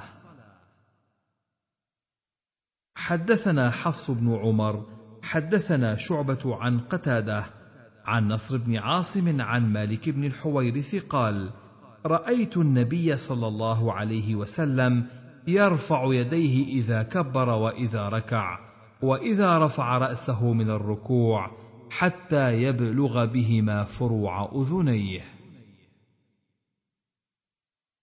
حدثنا ابن معاذ حدثنا أبي حا وحدثنا موسى بن مروان حدثنا شعيب يعني ابن إسحاق المعنى عن عمران عن لاحق عن بشير بن نهيك قال قال أبو هريرة لو كنت قدام النبي صلى الله عليه وسلم لرأيت إبطيه زاد ابن معاذ قال يقول لاحق ألا ترى أنه في الصلاة ولا يستطيع أن يكون قدام النبي صلى الله عليه وسلم؟ وزاد موسى يعني إذا كبر رفع يديه. حدثنا عثمان بن أبي شيبة حدثنا ابن إدريس عن عاصم بن كليب عن عبد الرحمن بن الأسود عن علقمة قال قال عبد الله علمنا رسول الله صلى الله عليه وسلم الصلاة فكبر ورفع يديه فلما ركع طبق يديه بين ركبتيه قال فبلغ ذلك سعدا فقال صدق أخي قد كنا نفعل هذا ثم أمرنا بهذا. يعني الإمساك على الركبتين. باب من لم يذكر الرفع عند الركوع. حدثنا عثمان بن أبي شيبة حدثنا وكيع عن سفيان عن عاصم يعني ابن كليب. عن عبد الرحمن بن الأسود عن علقمة قال قال عبد الله بن مسعود ألا أصلي بكم صلاة رسول الله صلى الله عليه وسلم؟ قال فصلى فلم يرفع يديه إلا مرة. قال أبو داود هذا حديث مختصر من حديث طويل وليس هو بصحيح على هذا اللفظ. حدثنا الحسن بن علي حدثنا معاوية وخالد بن عمرو وأبو حذيفة قالوا أخبرنا سفيان بإسناده بهذا قال فرفع يديه في أول مرة وقال بعضهم مرة واحدة. حدثنا محمد بن الصباح البزاز. حدثنا شريك عن يزيد بن أبي زياد عن عبد الرحمن بن أبي ليلى عن البراء أن رسول الله صلى الله عليه وسلم كان إذا افتتح الصلاة رفع يديه إلى قريب من أذنيه ثم لا يعود. حدثنا عبد الله بن محمد الزهري حدثنا سفيان عن يزيد نحو حديث شريك لم يقل ثم لا يعود. قال سفيان قال لنا بالكوفة بعد ثم لا يعود. قال أبو داود روى هذا الحديث هشيم وخالد وابن إدريس عن يزيد لم يذكروا ثم لا يعود. حدثنا حسين بن عبد الرحمن أخبرنا وكيع عن ابن أبي ليلى عن أخيه عيسى عن الحكم عن عبد الرحمن بن أبي ليلى عن البراء بن عازب قال رأيت رسول الله صلى الله عليه وسلم رفع يديه حين افتتح الصلاة ثم لم يرفعهما حتى انصرف. قال أبو داود هذا الحديث ليس بصحيح. حدثنا مسدد حدثنا يحيى عن ابن أبي ذئب عن سعيد بن سمعان عن أبي هريرة قال كان رسول الله صلى الله عليه وسلم إذا دخل في الصلاة رفع يديه مدا. باب وضع اليمنى على اليسرى في الصلاة.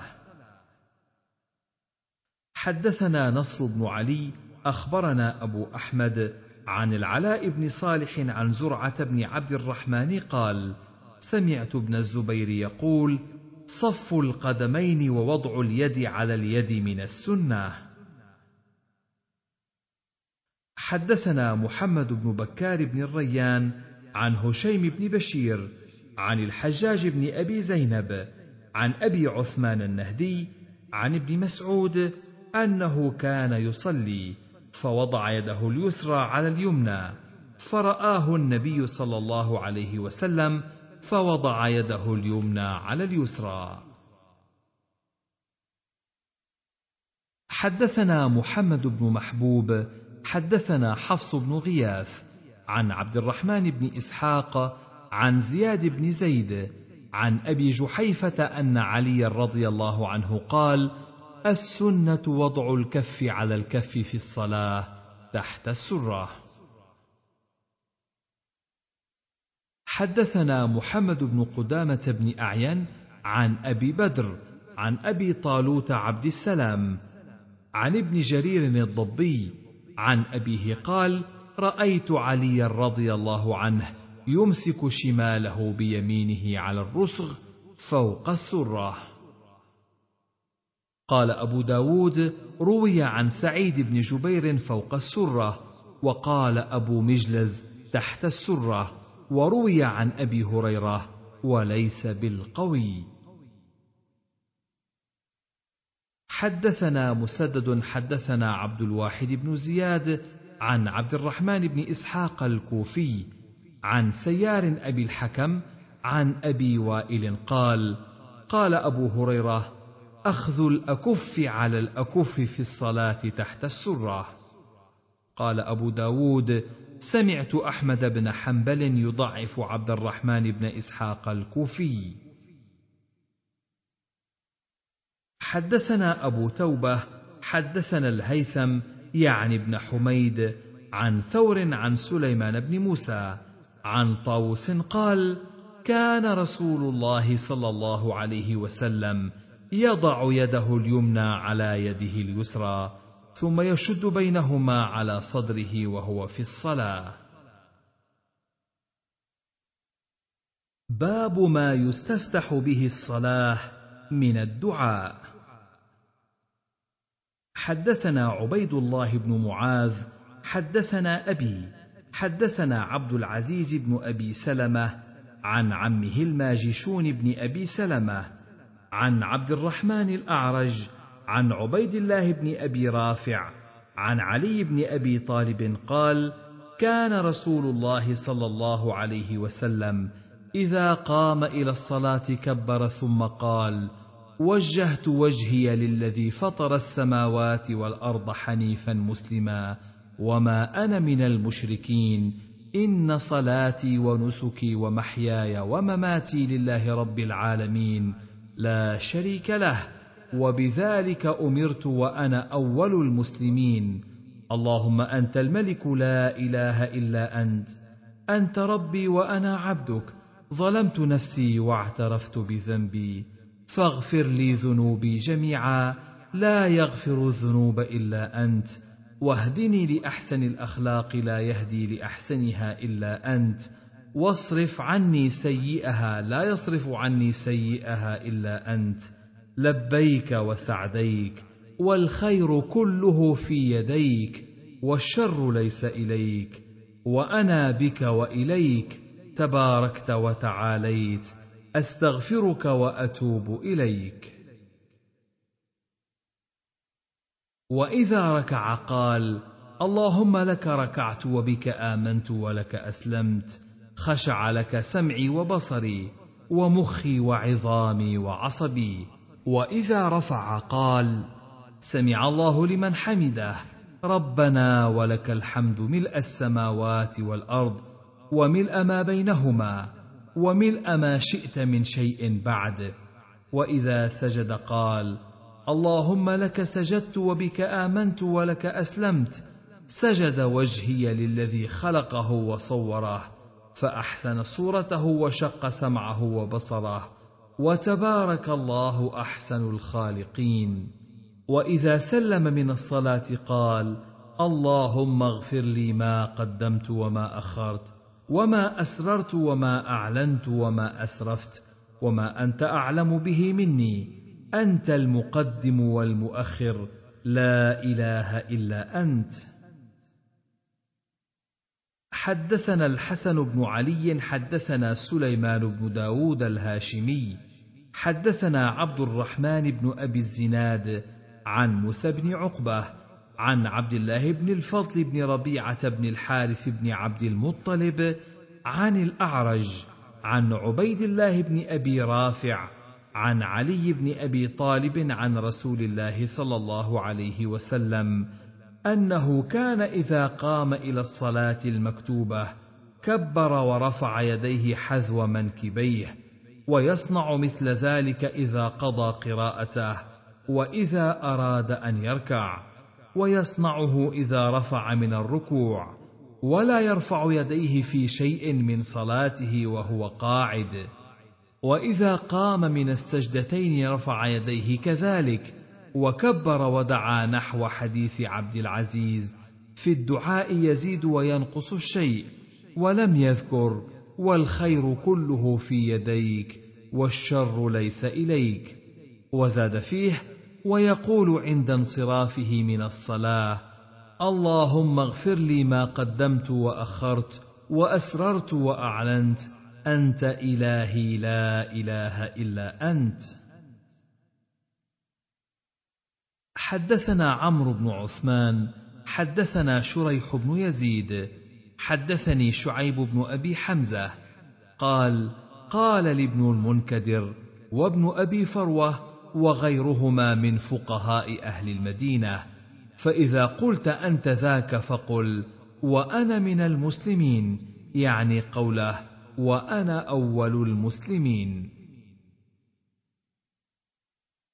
حدثنا موسى بن إسماعيل. حدثنا حماد عن قتادة وثابت وحميد عن أنس بن مالك أن رجلا جاء إلى الصلاة وقد حفزه النفس. فقال الله أكبر الحمد لله حمدا كثيرا طيبا مباركا فيه. فلما قضى رسول الله صلى الله عليه وسلم صلاته قال أيكم المتكلم بالكلمات؟ فإنه لم يقل بأسا. فقال الرجل أنا يا رسول الله جئت وقد حفزني النفس فقلتها. فقال لقد رأيت اثني عشر ملكا يبتدرونها أيهم يرفعها؟ وزاد حميد فيه وإذا جاء أحدكم فليمشي نحو ما كان يمشي فليصل ما أدرك وليقض ما سبقه.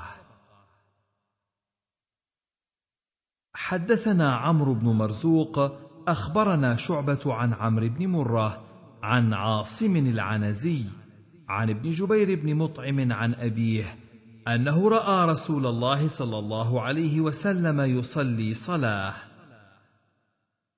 قال عمرو لا أدري أي صلاة هي.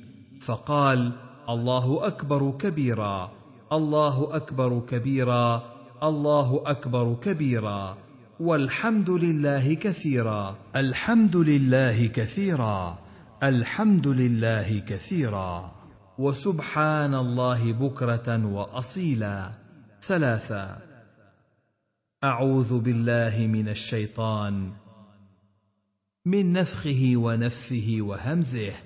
قال نفثه الشعر ونفخه الكبر وهمزه الموته حدثنا مسدد حدثنا يحيى عن مسعر عن عمرو بن مرة عن رجل عن نافع بن جبير عن أبيه قال سمعت النبي صلى الله عليه وسلم يقول في التطوع ذكر نحوه. حدثنا محمد بن رافع حدثنا زيد بن الحباب أخبرني معاوية بن صالح أخبرني أزهر بن سعيد الحرازي. عن عاصم بن حميد قال سألت عائشة بأي شيء كان يفتتح رسول الله صلى الله عليه وسلم قيام الليل. فقالت لقد سألتني عن شيء ما سألني عنه أحد قبلك. كان إذا قام كبر عشرا وحمد الله عشرا وسبح عشرا وهلل عشرا واستغفر عشرا وقال اللهم اغفر لي واهدني وارزقني وعافني ويتعوذ من ضيق المقام يوم القيامة. قال أبو داود رواه خالد بن معدان عن ربيعة الجرشي عن عائشة نحوه. حدثنا ابن المثنى حدثنا عمر بن يونس. حدثنا عكرمة حدثني يحيى بن أبي كثير. حدثني أبو سلمة بن عبد الرحمن بن عوف قال سألت عائشة بأي شيء كان نبي الله صلى الله عليه وسلم يفتتح صلاته إذا قام من الليل؟ قالت كان إذا قام من الليل كان يفتتح صلاته.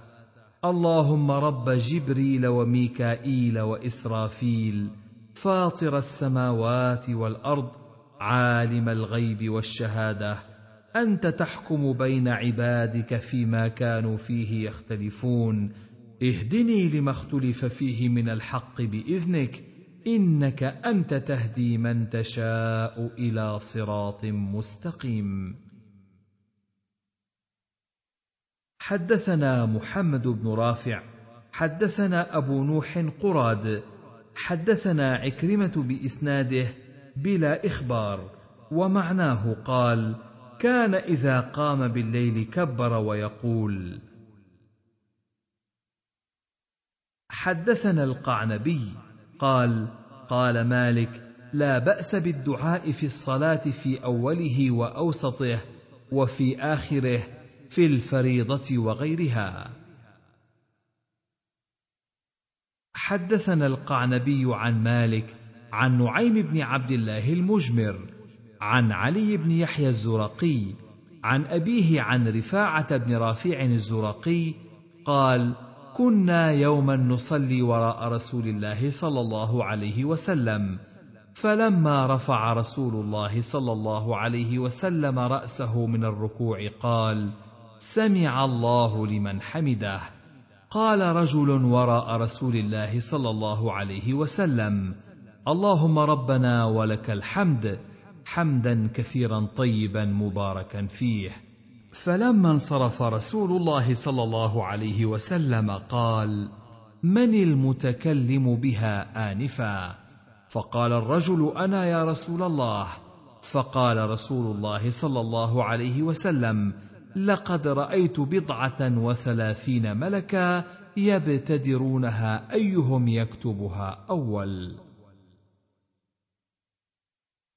حدثنا عبد الله بن مسلمة عن مالك عن أبي الزبير عن طاووس عن ابن عباس أن رسول الله صلى الله عليه وسلم كان إذا قام إلى الصلاة من جوف الليل يقول اللهم لك الحمد أنت نور السماوات والأرض ولك الحمد أنت قيام السماوات والأرض ولك الحمد أنت رب السماوات والأرض ومن فيهن أنت الحق وقولك الحق ووعدك الحق ولقاؤك حق والجنة حق والنار حق والساعة حق اللهم لك أسلمت وبك آمنت وعليك توكلت وإليك أنبت وبك خاصمت وإليك حاكمت فاغفر لي ما قدمت وأخرت وأسررت وأعلنت أنت إلهي لا إله إلا أنت.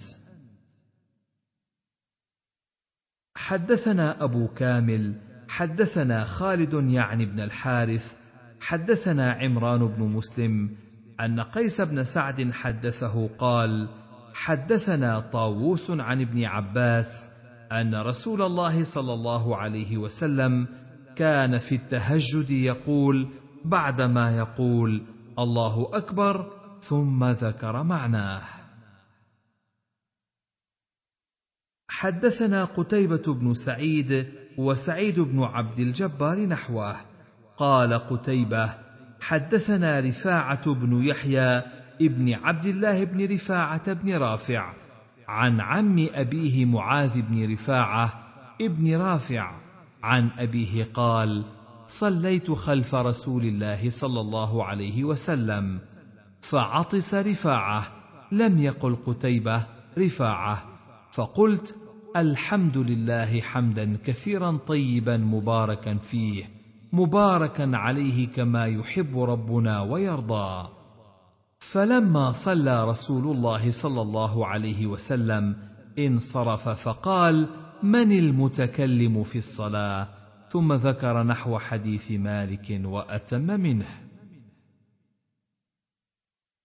حدثنا العباس بن عبد العظيم حدثنا يزيد بن هارون حدثنا شريك عن عاصم بن عبيد الله عن عبد الله بن عامر بن ربيعة عن أبيه قال عطس شاب من الأنصار خلف رسول الله صلى الله عليه وسلم وهو في الصلاة فقال الحمد لله حمدا كثيرا طيبا مباركا فيه حتى يرضى ربنا وبعد ما يرضى من أمر الدنيا والآخرة. فلما انصرف رسول الله صلى الله عليه وسلم قال من القائل الكلمة؟ قال فسكت الشاب. ثم قال من القائل الكلمة؟ فإنه لم يقل بأسا. فقال يا رسول الله أنا قلتها لم أرد بها إلا خيرا. قال ما تناهت دون عرش الرحمن جل ذكره. باب من رأى الاستفتاح. بسبحانك اللهم وبحمدك.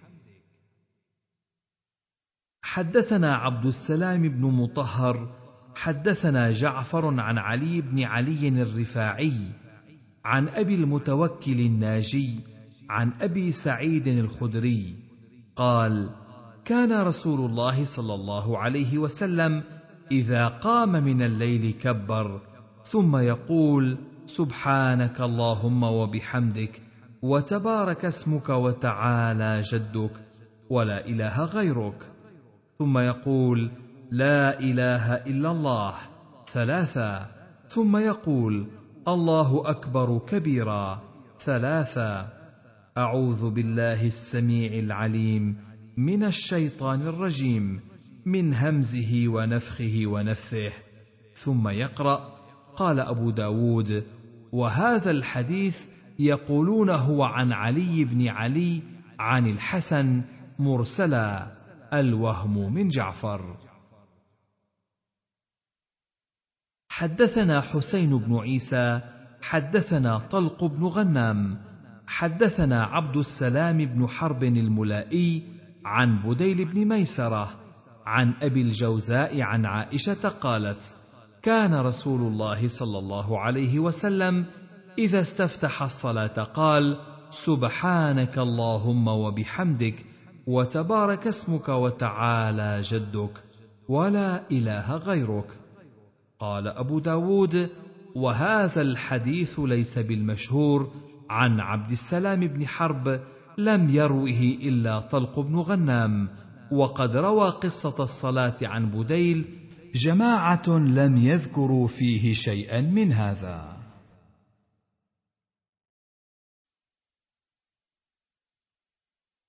باب السكتة عند الافتتاح. حدثنا يعقوب بن إبراهيم حدثنا إسماعيل عن يونس عن الحسن قال قال سمرة حفظت سكتتين في الصلاة سكتة إذا كبر الإمام حتى يقرأ وسكتة إذا فرغ من فاتحة الكتاب وسورة عند الركوع. قال فأنكر ذاك عليه عمران بن حسين قال فكتبوا في ذلك إلى المدينة إلى أبي فصدق سمره قال أبو داود كذا قال حميد في هذا الحديث وسكتة إذا فرغ من القراءة. حدثنا أبو بكر بن خلاد حدثنا خالد بن الحارث عن أشعث عن الحسن عن سمرة بن جندب عن النبي صلى الله عليه وسلم أنه كان يسكت سكتتين إذا استفتح الصلاة وإذا فرغ من القراءة كلها فذكر معنى يونس. حدثنا مسدد حدثنا يزيد حدثنا سعيد حدثنا قتادة عن الحسن أن سمرة بن جندب وعمران بن حسين تذاكرا فحدث سمرة بن جندب أنه حفظ عن رسول الله صلى الله عليه وسلم سكتتين سكتة إذا كبر وسكتة إذا فرغ من قراءة غير المغضوب عليهم ولا الضالين. فحفظ ذلك سمرة وأنكر عليه عمران بن حسين فكتبا في ذلك إلى أبي بن كعب فكان في كتابه إليهما أو في رده عليهما أن سمرة قد حفظ. حدثنا ابن المثنى. حدثنا عبد الأعلى. حدثنا سعيد بهذا. قال عن قتادة عن الحسن عن سمره قال سكتتان حفظتهما عن رسول الله صلى الله عليه وسلم. قال فيه قال سعيد قلنا لقتادة ما هاتان السكتتان؟ قال إذا دخل في صلاته وإذا فرغ من القراءة. ثم قال بعد وإذا قال غير المغضوب عليهم ولا الضالين. حدثنا أحمد بن أبي شعيب حدثنا محمد بن فضيل عن عمارة وحدثنا أبو كامل حدثنا عبد الواحد عن عمارة المعنى عن أبي زرعة عن أبي هريرة قال كان رسول الله صلى الله عليه وسلم إذا كبر في الصلاة سكت بين التكبير والقراءة فقلت له بأبي أنت وأمي أرأيت سكوتك بين التكبير والقراءة؟ أخبرني ما تقول. قال اللهم باعد بيني وبين خطاياي كما باعدت بين المشرق والمغرب. اللهم أنقني من خطاياي كالثوب الأبيض من الدنس. اللهم اغسلني بالثلج والماء والبرد. باب من لم ير الجهر ببسم الله الرحمن الرحيم. حدثنا مسلم بن إبراهيم حدثنا هشام عن قتادة عن أنس أن النبي صلى الله عليه وسلم وأبا بكر وعمر وعثمان كانوا يفتتحون القراءة بالحمد لله رب العالمين. حدثنا مسدد حدثنا عبد الوارث بن سعيد عن حسين المعلم عن بديل بن ميسرة عن أبي الجوزاء عن عائشة قالت كان رسول الله صلى الله عليه وسلم يفتتح الصلاة بالتكبير والقراءة بالحمد لله رب العالمين. وكان إذا ركع لم يشخص رأسه ولم يصوبه ولكن بين ذلك وكان إذا رفع رأسه من الركوع لم يسجد حتى يستوي قائما وكان إذا رفع رأسه من السجود لم يسجد حتى يستوي قاعدا. وكان يقول في كل ركعتين التحيات. وكان إذا جلس يفرش رجله اليسرى وينصب رجله اليمنى. وكان ينهى عن عقب الشيطان وعن فرشة السبع. وكان يختم الصلاة بالتسليم. حدثنا هناد بن السري حدثنا ابن فضيل عن المختار بن فلفل. قال سمعت أنس بن مالك يقول قال رسول الله صلى الله عليه وسلم أنزلت علي انفا سورة فقرأ بسم الله الرحمن الرحيم إنا أعطيناك الكوثر حتى ختمها. قال هل تدرون ما الكوثر؟ قالوا الله ورسوله أعلم. قال فإنه نهر وعدنيه ربي عز وجل في الجنة. حدثنا قطن بن نسير حدثنا جعفر حدثنا حميد الأعرج المكي عن ابن شهاب عن عروة عن عائشة وذكر الإفك. قالت جلس رسول الله صلى الله عليه وسلم وكشف عن وجهه وقال أعوذ بالله السميع العليم من الشيطان الرجيم. إن الذين جاءوا بالإفك عصبة منكم. قال أبو داود وهذا حديث منكر. قد روى هذا الحديث جماعة عن الزهري لم يذكروا هذا الكلام على هذا الشرح وأخاف أن يكون أمر الاستعاذة منه. كلام حميد. باب من جهر بها. أخبرنا عمرو بن عون أخبرنا هشيم عن عوف عن يزيد الفارسي.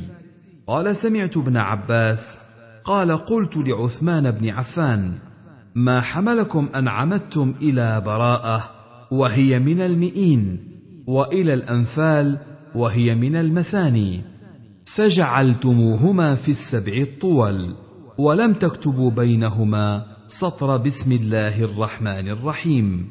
قال عثمان كان النبي صلى الله عليه وسلم مما تنزل عليه الآيات فيدعو بعض من كان يكتب له ويقول له ضع هذه الايه في السورة التي يذكر فيها كذا وكذا وتنزل عليه الآية والآيتان فيقول مثل ذلك وكانت الانفال من أول ما نزل عليه بالمدينة. وكانت براءة من آخر ما نزل من القرآن وكانت قصتها شبيهة بقصتها فظننت أنها منها فمن هناك وضعتهما في السبع الطول ولم أكتب بينهما سطر بسم الله الرحمن الرحيم. حدثنا زياد بن أيوب حدثنا مروان يعني بن معاوية أخبرنا عوف الأعرابي عن يزيد الفارسي حدثنا ابن عباس بمعناه قال فيه فقبض رسول الله صلى الله عليه وسلم ولم يبين لنا أنها منها. قال أبو داود قال الشعبي وأبو مالك وقتاده وثابت بن عمارة إن النبي صلى الله عليه وسلم لم يكتب بسم الله الرحمن الرحيم حتى نزلت سورة النمل. هذا معناه. حدثنا قتيبة بن سعيد وأحمد بن محمد المروزي وابن السرح. قالوا حدثنا سفيان عن عمرو عن سعيد بن جبير. قال قتيبة فيه عن ابن عباس. قال كان النبي صلى الله عليه وسلم لا يعرف فصل السورة حتى تنزل عليه. بسم الله الرحمن الرحيم. وهذا لفظ ابن السرح. باب تخفيف الصلاة للأمر يحدث. حدثنا عبد الرحمن بن إبراهيم حدثنا عمر بن عبد الواحد وبشر بن بكر عن الأوزاعي عن يحيى بن أبي كثير عن عبد الله بن أبي قتادة عن أبيه قال قال رسول الله صلى الله عليه وسلم إني لأقوم إلى الصلاة وأنا أريد أن أطول فيها فأسمع بكاء الصبي فأتجوز كراهية أن أشق على أمه. باب ما جاء في نقصان الصلاة. حدثنا قتيبة بن سعيد عن بكر يعني ابن مضر عن ابن عجلان عن سعيد المقبوري عن عمر بن الحكم عن عبد الله بن عنمه المزني عن عمار بن ياسر قال سمعت رسول الله صلى الله عليه وسلم يقول إن الرجل لينصرف وما كتب له إلا عشر صلاته تسعها ثمنها سبعها سدسها خمسها ربعها ثلثها نصفها. باب تخفيف الصلاة. حدثنا أحمد بن حنبل حدثنا سفيان عن عمرو سمعه من جابر كان معاذ يصلي مع النبي صلى الله عليه وسلم ثم يرجع فيؤمنا قال مرة ثم يرجع فيصلي بقومه. فأخر النبي صلى الله عليه وسلم ليلة الصلاة وقال مرة العشاء. فصلى معاذ مع النبي صلى الله عليه وسلم ثم جاء يؤم قومه فقرأ البقرة فاعتزل رجل من القوم فصلى. فقيل نافقت يا فلان فقال ما نافقت؟ فأتى النبي صلى الله عليه وسلم فقال إن معاذا يصلي معك؟ ثم يرجع فيؤمنا يا رسول الله صلى الله عليه وسلم. وإنما نحن اصحاب نواضح ونعمل بأيدينا. وإنه جاء يؤمنا فقرأ بسورة البقرة. فقال يا معاذ أفتان أنت؟ أفتان أنت؟ اقرأ بكذا اقرأ بكذا. قال أبو الزبير سبح اسم ربك الأعلى والليل إذا يغشى. فذكرنا لعمر فقال أراه قد ذكره. حدثنا موسى بن إسماعيل. حدثنا طالب بن حبيب سمعت عبد الرحمن بن جابر يحدث عن حزم بن أبي بن كعب أنه أتى معاذ بن جبل وهو يصلي بقوم صلاة المغرب في هذا الخبر. قال فقال رسول الله صلى الله عليه وسلم يا معاذ لا تكن فتانا فإنه يصلي وراءك الكبير والضعيف وذو الحاجة والمسافر. حدثنا عثمان بن أبي شيبة حدثنا حسين بن علي عن زائدة عن سليمان عن أبي صالح عن بعض أصحاب النبي صلى الله عليه وسلم قال قال النبي صلى الله عليه وسلم لرجل كيف تقول في الصلاة؟ قال أتشهد وأقول اللهم إني أسألك الجنة وأعوذ بك من النار. اما اني لا احسن دندنتك ولا دندنه معاذ؟ فقال النبي صلى الله عليه وسلم حولها ندندن. حدثنا يحيى بن حبيب حدثنا خالد بن الحارث حدثنا محمد بن عجلان عن عبيد الله بن مقسم. عن جابر ذكر قصه معاذ قال وقال يعني النبي صلى الله عليه وسلم للفتى كيف تصنع يا ابن أخي إذا صليت؟ قال أقرأ بفاتحة الكتاب وأسأل الله الجنة وأعوذ به من النار وإني لا أدري ما دندنتك ولا دندنة معاذ. فقال النبي صلى الله عليه وسلم إني ومعاذ حول هاتين أو نحو هذا. حدثنا القعنبي عن مالك عن أبي الزناد عن الأعرج عن أبي هريرة أن النبي صلى الله عليه وسلم قال إذا صلى أحدكم للناس فليخفف فإن فيهم الضعيف والسقيم والكبير وإذا صلى لنفسه فليطول ما شاء. حدثنا الحسن بن علي حدثنا عبد الرزاق حدثنا معمر عن الزهري عن ابن المسيب وأبي سلمة عن أبي هريرة أن النبي صلى الله عليه وسلم قال إذا صلى أحدكم للناس فليخفف فإن فيهم السقيم والشيخ الكبير وذا الحاجة. باب القراءة في الظهر. حدثنا موسى بن إسماعيل حدثنا حماد عن قيس بن سعد وعمارة بن ميمون وحبيب عن عطاء بن أبي رباح أن أبا هريرة رضي الله عنه قال في كل صلاة يقرأ فما أسمعنا رسول الله صلى الله عليه وسلم أسمعناكم وما أخفى علينا أخفينا عليكم.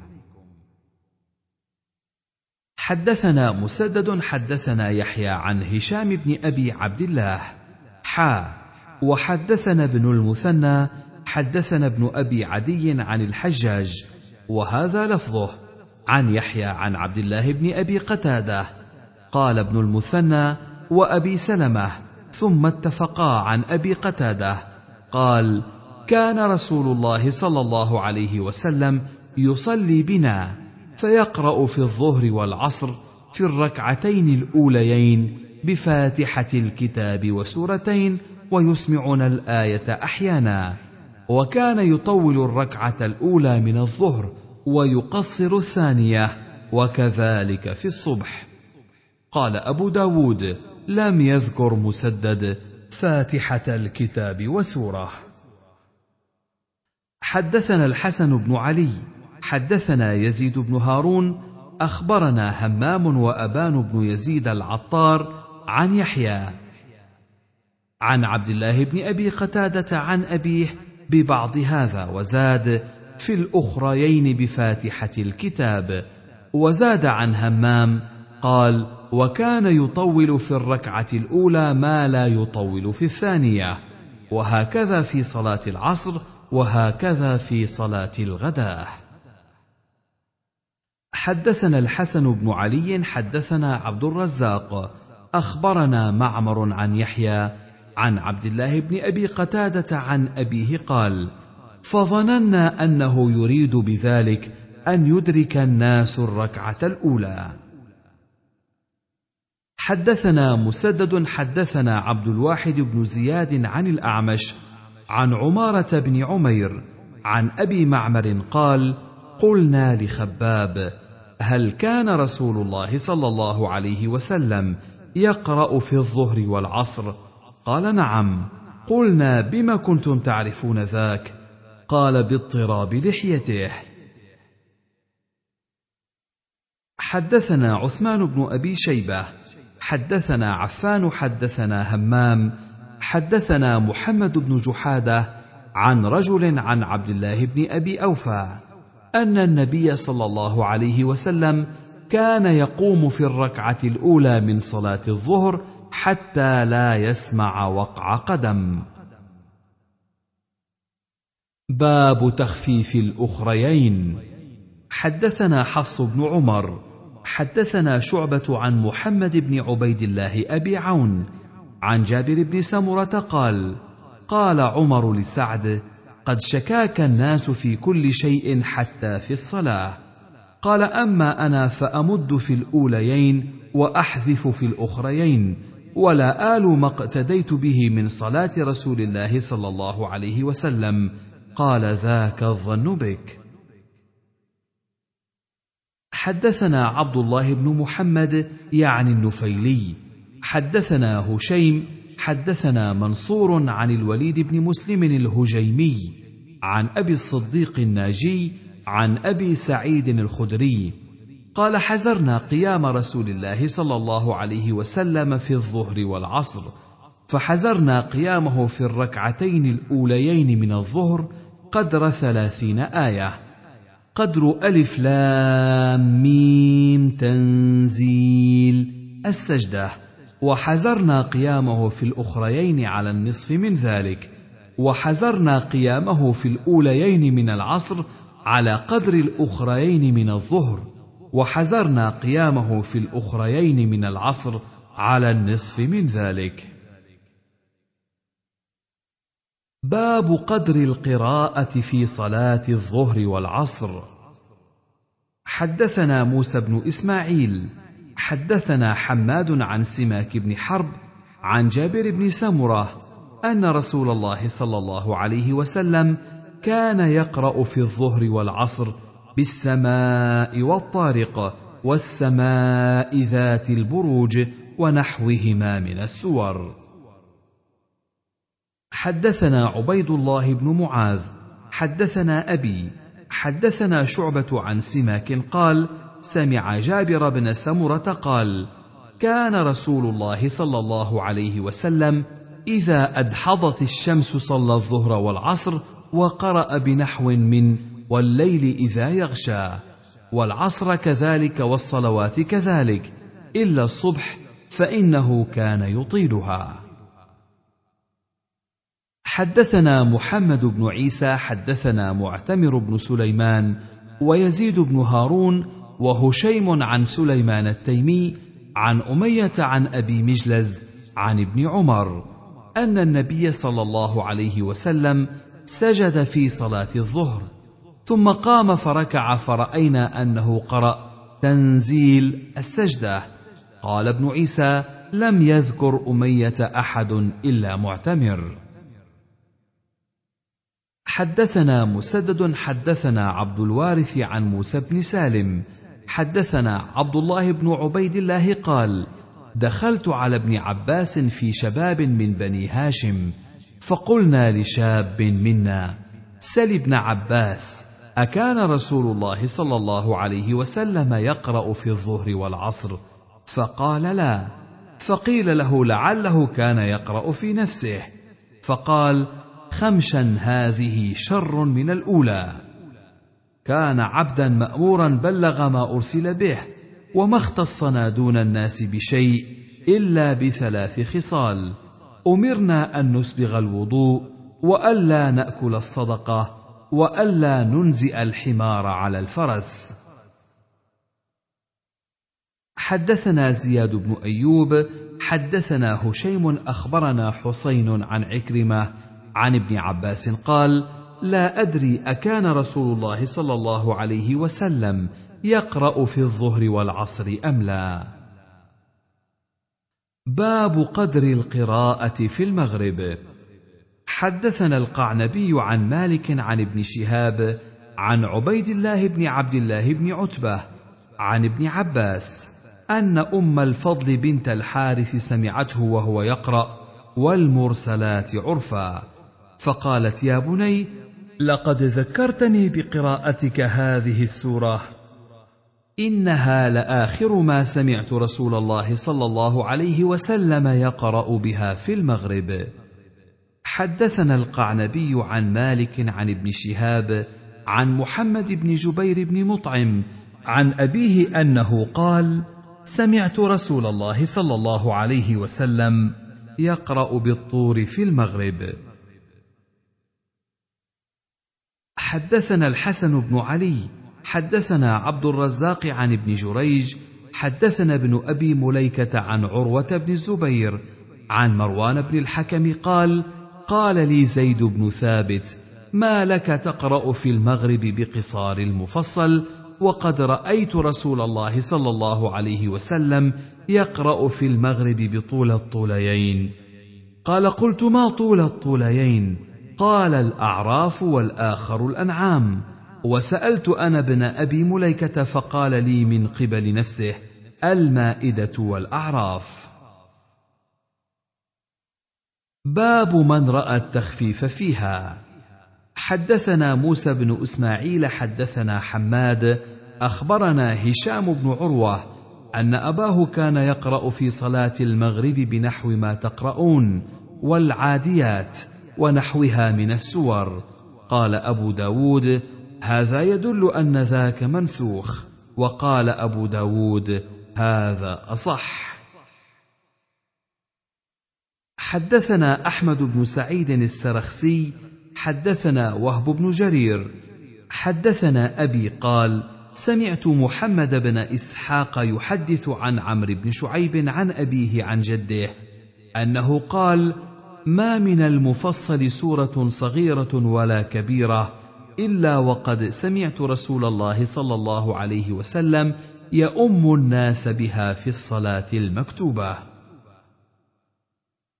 حدثنا عبيد الله بن معاذ حدثنا أبي حدثنا قرة عن النزال بن عمار عن أبي عثمان النهدي أنه صلى خلف ابن مسعود المغرب فقرأ بقل هو الله أحد.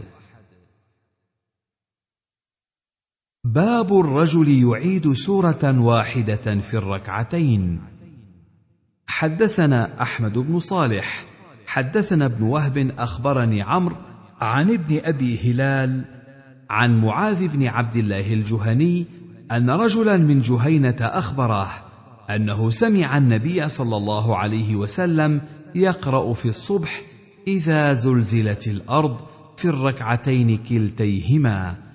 فلا أدري أنسي رسول الله صلى الله عليه وسلم أم قرأ ذلك عمدا. باب القراءة في الفجر. حدثنا إبراهيم بن موسى الرازي أخبرنا عيسى يعني بن يونس عن إسماعيل عن أصبغ مولى عمرو بن حريث عن عمرو بن حريث قال كأني أسمع صوت النبي صلى الله عليه وسلم يقرأ في صلاة الغداة فلا أقسم بالخنس الجوار الكنس. باب من ترك القراءة في صلاته بفاتحة الكتاب. حدثنا أبو الوليد الطيالسي حدثنا همام عن قتادة عن أبي نضرة عن أبي سعيد قال أمرنا أن نقرأ بفاتحة الكتاب وما تيسر. حدثنا إبراهيم بن موسى الرازي أخبرنا عيسى عن جعفر بن ميمون البصري حدثنا أبو عثمان النهدي حدثني أبو هريرة قال قال لي رسول الله صلى الله عليه وسلم أخرج فنادي في المدينة أنه لا صلاة إلا بقرآن ولو بفاتحة الكتاب. فما زاد ولو بفاتحة الكتاب فما زاد. حدثنا ابن بشار حدثنا يحيى حدثنا جعفر عن أبي عثمان عن أبي هريرة قال أمرني رسول الله صلى الله عليه وسلم أن أنادي أنه لا صلاة إلا بقراءة فاتحة الكتاب فما زاد. حدثنا القعنبي عن مالك عن العلاء بن عبد الرحمن أنه سمع أبا السائب مولى هشام بن زهرة يقول سمعت أبا هريرة يقول قال رسول الله صلى الله عليه وسلم من صلى صلاة لم يقرأ فيها بأم القرآن فهي خداج فهي خداج فهي خداج غير تمام قال فقلت يا أبا هريرة إني أكون أحيانا وراء الإمام. قال فغمز ذراعي وقال اقرأ بها يا فارسي في نفسك. فإني سمعت رسول الله صلى الله عليه وسلم يقول قال الله عز وجل قسمت الصلاة بيني وبين عبدي نصفين فنصفها لي ونصفها لعبدي ولعبدي ما سأل. قال رسول الله صلى الله عليه وسلم اقرأوا يقول العبد الحمد لله رب العالمين. يقول الله عز وجل حمدني عبدي. يقول الرحمن الرحيم. يقول الله عز وجل أثنى علي عبدي. يقول العبد مالك يوم الدين. يقول الله عز وجل مجدني عبدي. يقول العبد إياك نعبد وإياك نستعين. فهذه بيني وبين عبدي ولعبدي ما سأل يقول العبد اهدنا الصراط المستقيم صراط الذين أنعمت عليهم غير المغضوب عليهم ولا الضالين. فهؤلاء لعبدي ولعبدي ما سأل. حدثنا قتيبة بن سعيد وابن السرح قال حدثنا سفيان عن الزهري عن محمود بن الربيع عن عبادة بن الصامت يبلغ به النبي صلى الله عليه وسلم قال لا صلاة لمن لم يقرأ بفاتحة الكتاب فصاعدا. قال سفيان لمن يصلي وحده. حدثنا عبد الله بن محمد النفيلي حدثنا محمد بن سلمة عن محمد بن إسحاق عن مكحول عن محمود بن الربيع عن عبادة بن الصامت قال كنا خلف رسول الله صلى الله عليه وسلم في صلاة الفجر فقرأ رسول الله صلى الله عليه وسلم فثقلت عليه القراءة فلما فرغ قال لعلكم تقرؤون خلف إمامكم؟ قلنا نعم هذا يا رسول الله. قال لا تفعلوا إلا بفاتحة الكتاب فإنه لا صلاة لمن لم يقرأ بها.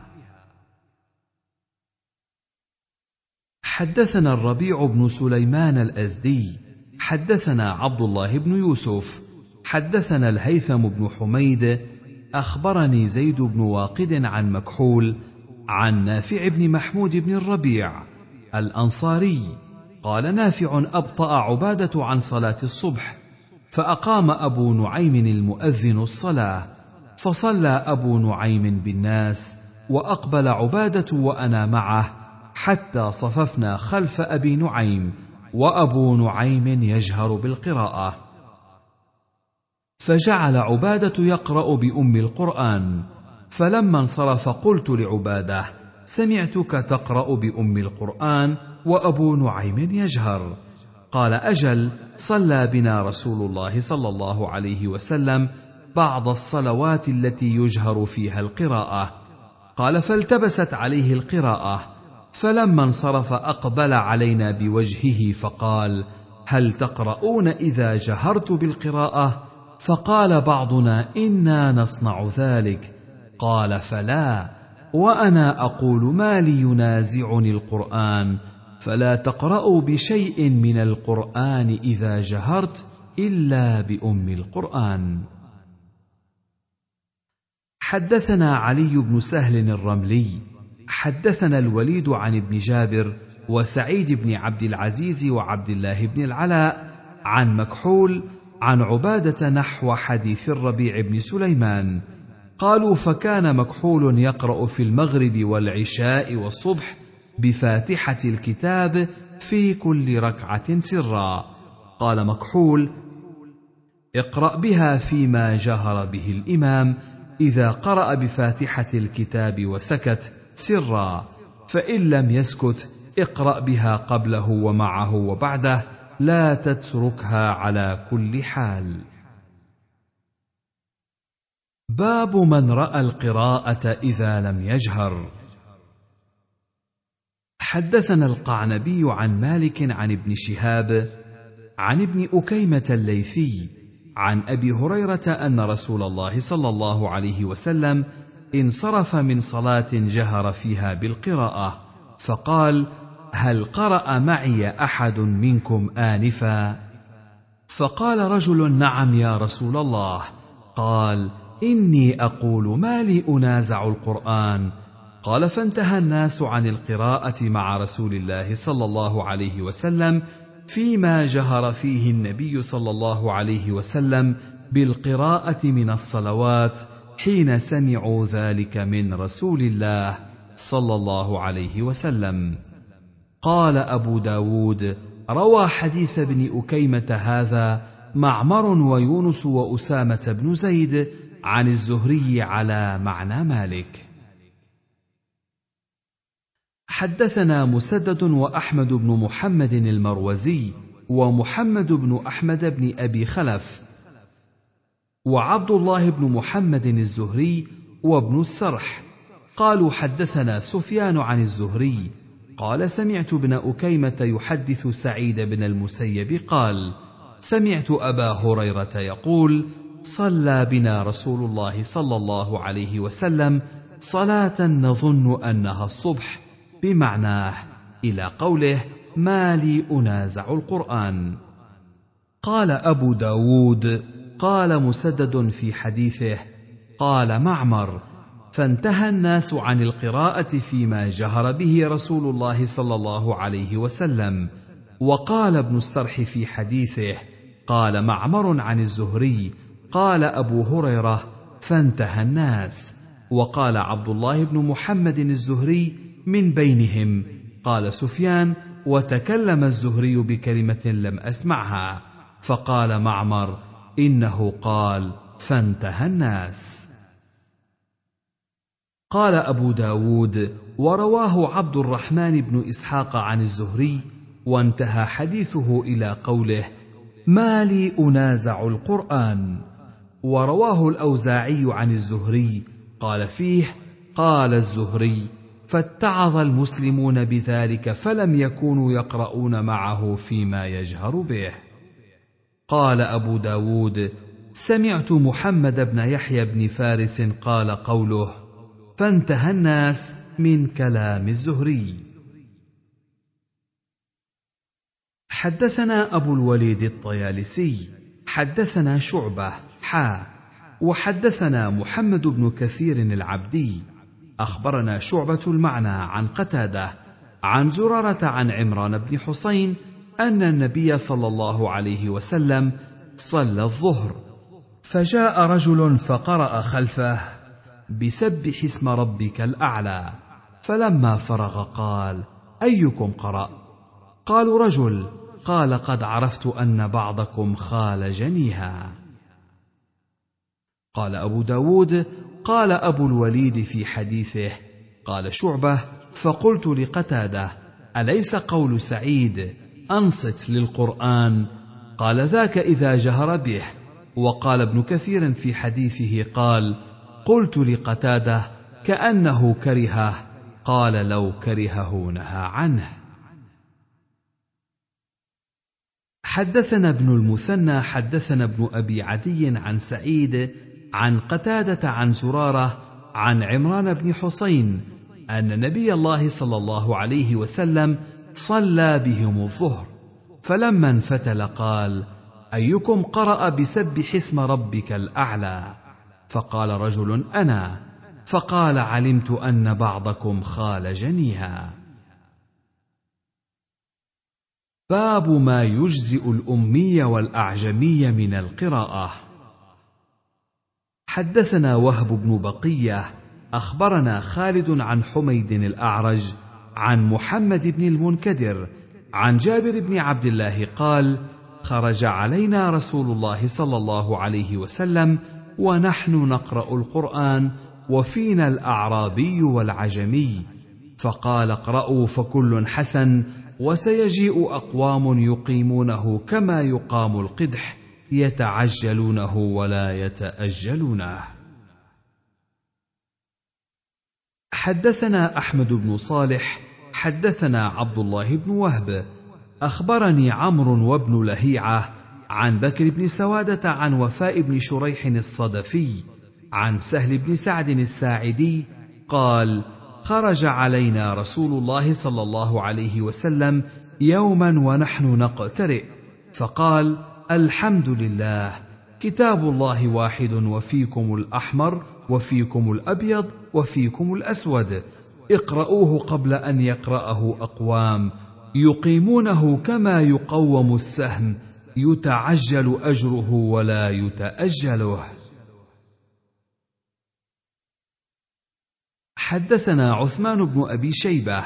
حدثنا وكيع بن الجراح. حدثنا سفيان الثوري. عن أبي خالد الدالاني عن إبراهيم السكسكي. عن عبد الله بن أبي أوفى قال جاء رجل إلى النبي صلى الله عليه وسلم فقال إني لا أستطيع أن آخذ من القرآن شيئا فعلمني ما يجزئني منه. فقال قل سبحان الله والحمد لله ولا إله إلا الله والله أكبر ولا حول ولا قوة إلا بالله العلي العظيم. قال يا رسول الله هذا لله فما لي. قال قل اللهم ارحمني وارزقني وعافني واهدني. فلما قام قال هكذا بيده. فقال رسول الله صلى الله عليه وسلم أما هذا فقد ملأ يده من الخير. حدثنا أبو توبة الربيع بن نافع أخبرنا أبو إسحاق يعني الفزاري عن حميد عن الحسن عن جابر بن عبد الله قال كنا نصلي التطوع ندعو قياما وقعودا ونسبح ركوعا وسجودا. حدثنا موسى بن إسماعيل حدثنا حماد عن حميد مثله لم يذكر التطوع. قال كان الحسن يقرأ في الظهر والعصر إماما أو خلف إمام بفاتحة الكتاب ويسبح ويكبر ويهلل قدر قاف والذاريات. باب تمام التكبير. حدثنا سليمان بن حرب حدثنا حماد عن غيلان بن جرير عن مطرف قال صليت أنا وعمران بن حسين خلف علي بن أبي طالب رضي الله عنه فكان إذا سجد كبر وإذا ركع كبر وإذا نهض من الركعتين كبر. فلما انصرفنا أخذ عمران بيدي وقال لقد صلى هذا قبل أو قال لقد صلى بنا هذا قبل صلاة محمد صلى الله عليه وسلم حدثنا عمرو بن عثمان حدثنا أبي وبقية عن شعيب عن الزهري قال أخبرني أبو بكر بن عبد الرحمن وأبو سلمة أن أبا هريرة كان يكبر في كل صلاة من المكتوبة وغيرها يكبر حين يقوم ثم يكبر حين يركع ثم يقول سمع الله لمن حمده ثم يقول ربنا ولك الحمد قبل أن يسجد. ثم يقول الله أكبر حين يهوي ساجدا ثم يكبر حين يرفع رأسه ثم يكبر حين يسجد ثم يكبر حين يرفع رأسه ثم يكبر حين يقوم من الجلوس في اثنتين فيفعل ذلك في كل ركعة حتى يفرغ من الصلاة. ثم يقول حين ينصرف والذي نفسي بيده إني لأقربكم شبها بصلاة رسول الله صلى الله عليه وسلم. إن كانت هذه لصلاته حتى فارق الدنيا. قال أبو داود هذا الكلام الأخير يجعله مالك والزبيدي وغيرهما عن الزهري عن علي بن حسين ووافق عبد الأعلى عن معمر شعيب بن أبي حمزة عن الزهري. حدثنا محمد بن بشار وابن المثنى. قال حدثنا أبو داود. حدثنا شعبة عن الحسن بن عمران. قال ابن بشار الشامي. قال أبو داود. أبو عبد الله العسقلاني عن ابن عبد الرحمن بن أبزة عن أبيه. أنه صلى مع رسول الله صلى الله عليه وسلم وكان لا يتم التكبير. قال أبو داود معناه إذا رفع رأسه من الركوع وأراد أن يسجد لم يكبر وإذا قام من السجود لم يكبر. باب كيف يضع ركبتيه قبل يديه. حدثنا الحسن بن علي وحسين بن عيسى قالا حدثنا يزيد بن هارون أخبرنا شريك عن عاصم بن كليب عن أبيه. عن وائل بن حجر قال رأيت النبي صلى الله عليه وسلم إذا سجد وضع ركبتيه قبل يديه وإذا نهض رفع يديه قبل ركبتيه. حدثنا محمد بن معمر حدثنا حجاج بن منهال حدثنا همام حدثنا محمد بن جحادة عن عبد الجبار بن وائل عن أبيه أن النبي صلى الله عليه وسلم فذكر حديث الصلاة قال فلما سجد وقعتا ركبتاه إلى الأرض قبل أن يقعا كفاه قال همام وحدثنا شقيق حدثني عاصم بن كليب عن أبيه عن النبي صلى الله عليه وسلم بمثل هذا وفي حديث أحدهما وأكبر علمي أنه في حديث محمد بن جحادة وإذا نهض نهض على ركبتيه واعتمد على فخذه. حدثنا سعيد بن منصور حدثنا عبد العزيز بن محمد حدثني محمد بن عبد الله بن حسن عن أبي الزناد عن الأعرج عن أبي هريرة قال قال رسول الله صلى الله عليه وسلم إذا سجد أحدكم فلا يبرك كما يبرك البعير وليضع يديه قبل ركبتيه. حدثنا قتيبة بن سعيد حدثنا عبد الله بن نافع عن محمد بن عبد الله بن حسن عن أبي الزناد عن الأعرج عن أبي هريرة قال: قال رسول الله صلى الله عليه وسلم: يعمد أحدكم في صلاته يبرك كما يبرك الجمل. باب النهوض في الفرد حدثنا مسدد حدثنا إسماعيل يعني ابن إبراهيم عن أيوب عن أبي قلابة قال جاءنا أبو سليمان مالك بن الحويرث إلى مسجدنا. فقال والله إني لأصلي بكم وما أريد الصلاة ولكني أريد أن أريكم كيف رأيت رسول الله صلى الله عليه وسلم يصلي. قال قلت لأبي قلابة كيف صلى؟ قال مثل صلاة شيخنا هذا يعني عمرو بن سلمة إمامهم وذكر أنه كان إذا رفع رأسه من السجدة الآخرة في الركعة الأولى قعد ثم قام. حدثنا زياد بن أيوب حدثنا إسماعيل عن أيوب عن أبي قلابة قال جاءنا أبو سليمان مالك بن الحويرث إلى مسجدنا فقال والله إني لأصلي وما أريد الصلاة. ولكني أريد أن أريكم كيف رأيت رسول الله صلى الله عليه وسلم يصلي. قال فقعد في الركعة الأولى حين رفع رأسه من السجدة الآخرة. حدثنا مسدد حدثنا هشيم عن خالد عن أبي قلابة عن مالك بن الحويرث أنه رأى النبي صلى الله عليه وسلم إذا كان في وتر من صلاته. لم ينهض حتى يستوي قاعدا. باب الإقعاء بين السجدتين. حدثنا يحيى بن معين حدثنا حجاج بن محمد عن ابن جريج. أخبرني أبو الزبير أنه سمع طاووسا يقول قلنا لابن عباس في الإقعاء على القدمين في السجود فقال هي السنة. قال قلنا إنا لنراه جفاء بالرجل. فقال ابن عباس هي سنة نبيك صلى الله عليه وسلم.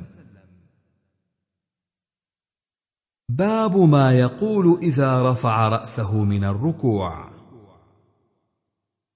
حدثنا محمد بن عيسى حدثنا عبد الله بن نمير وأبو معاوية ووكيع ومحمد بن عبيد كلهم عن الأعمش عن عبيد بن الحسن قال سمعت عبد الله بن أبي أوفى يقول كان رسول الله صلى الله عليه وسلم إذا رفع رأسه من الركوع يقول سمع الله لمن حمده اللهم ربنا لك الحمد ملء السماوات وملء الأرض وملء ما شئت من شيء بعد. قال أبو داود قال سفيان الثوري وشعبة بن الحجاج عن عبيد أبي الحسن هذا الحديث ليس فيه بعد الركوع. قال سفيان لقينا الشيخ عبيدا أبا الحسن بعد فلم يقل فيه بعد الركوع. قال أبو داود ورواه شعبة عن أبي عصمة عن الأعمش عن عبيد قال بعد الركوع. حدثنا مؤمل بن الفضل الحراني حدثنا الوليد حا وحدثنا محمود بن خالد حدثنا أبو مسهر حا وحدثنا ابن السرح حدثنا بشر بن بكر حا وحدثنا محمد بن مصعب حدثنا عبد الله بن يوسف كلهم عن سعيد بن عبد العزيز عن عطية بن قيس عن قزعة بن يحيى. عن أبي سعيد الخدري أن رسول الله صلى الله عليه وسلم كان يقول حين يقول سمع الله لمن حمده اللهم ربنا لك الحمد ملء السماء قال مؤمل ملء السماوات وملء الأرض وملء ما شئت من شيء بعد أهل الثناء والمجد أحق ما قال العبد وكلنا لك عبد لا مانع لما أعطيت زاد محمود ولا معطي لما منعت. ثم اتفقوا ولا ينفع ذا الجد منك الجد. وقال بشر ربنا لك الحمد. لم يقل محمود اللهم قال ربنا ولك الحمد. رواه الوليد بن مسلم عن سعيد قال اللهم ربنا لك الحمد. ولم يقل ولا معطي لما منعت. أيضا قال أبو داود ولم يجئ به إلا أبو مسهر. حدثنا عبد الله بن مسلمة عن مالك عن سمي عن أبي صالح السمان عن أبي هريرة أن رسول الله صلى الله عليه وسلم قال إذا قال الإمام سمع الله لمن حمده فقولوا اللهم ربنا لك الحمد فإنه من وافق قوله قول الملائكة غفر له ما تقدم من ذنبه. حدثنا بشر بن عمار حدثنا أسباط عن مطرف عن عامر قال لا يقول القوم خلف الإمام سمع الله لمن حمده ولكن يقولون ربنا لك الحمد. باب الدعاء بين السجدتين. حدثنا محمد بن مسعود حدثنا زيد بن الحباب حدثنا كامل أبو العلاء. حدثني حبيب بن أبي ثابت عن سعيد بن جبير عن ابن عباس قال كان النبي صلى الله عليه وسلم يقول بين السجدتين اللهم اغفر لي وارحمني وعافني واهدني وارزقني. باب رفع النساء إذا كن مع الإمام رؤوسهن من السجدة. حدثنا محمد بن المتوكل العسقلاني. حدثنا عبد الرزاق أخبرنا معمر عن عبد الله بن مسلم أخي الزهري عن مولى لأسماء ابنة أبي بكر عن أسماء ابنة أبي بكر قالت سمعت رسول الله صلى الله عليه وسلم يقول من كان منكن تؤمن بالله واليوم الآخر فلا ترفع رأسها حتى يرفع الرجال رؤوسهم كراهية أن يرين من عورات الرجال. باب طول القيام من الركوع وبين السجدتين. حدثنا حفص بن عمر حدثنا شعبة عن الحكم عن ابن أبي ليلى عن البراء أن رسول الله صلى الله عليه وسلم كان سجوده وركوعه وقعوده وما بين السجدتين قريبا من السواء. حدثنا موسى بن إسماعيل حدثنا حماد أخبرنا ثابت وحميد عن أنس بن مالك قال ما صليت خلف رجل أوجز صلاة من رسول الله صلى الله عليه وسلم في تمام وكان رسول الله صلى الله عليه وسلم إذا قال سمع الله لمن حمده قام حتى نقول قد أوهم ثم يكبر ويسجد. وكان يقعد بين السجدتين حتى نقول قد أوهم. حدثنا مسدد وأبو كامل دخل حديث أحدهما في الآخر. قال حدثنا أبو عوانة عن هلال بن أبي حميد عن عبد الرحمن بن أبي ليلى عن البراء بن عازب قال رمقت محمدا صلى الله عليه وسلم وقال أبو كامل رسول الله صلى الله عليه وسلم في الصلاة فوجدت قيامه كركعته وسجدته واعتداله في الركعة كسجدته وجلسته بين السجدتين وسجدته ما بين التسليم والانصراف قريبا من السواء.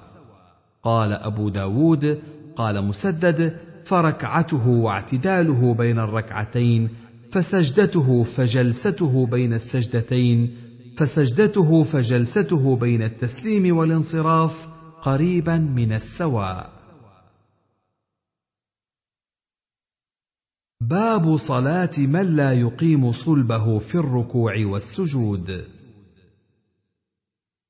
حدثنا حفص بن عمر النمري حدثنا شعبة عن سليمان عن عمارة بن عمير عن أبي معمر عن أبي مسعود البدري قال قال رسول الله صلى الله عليه وسلم لا تجزئ صلاة الرجل حتى يقيم ظهره في الركوع والسجود.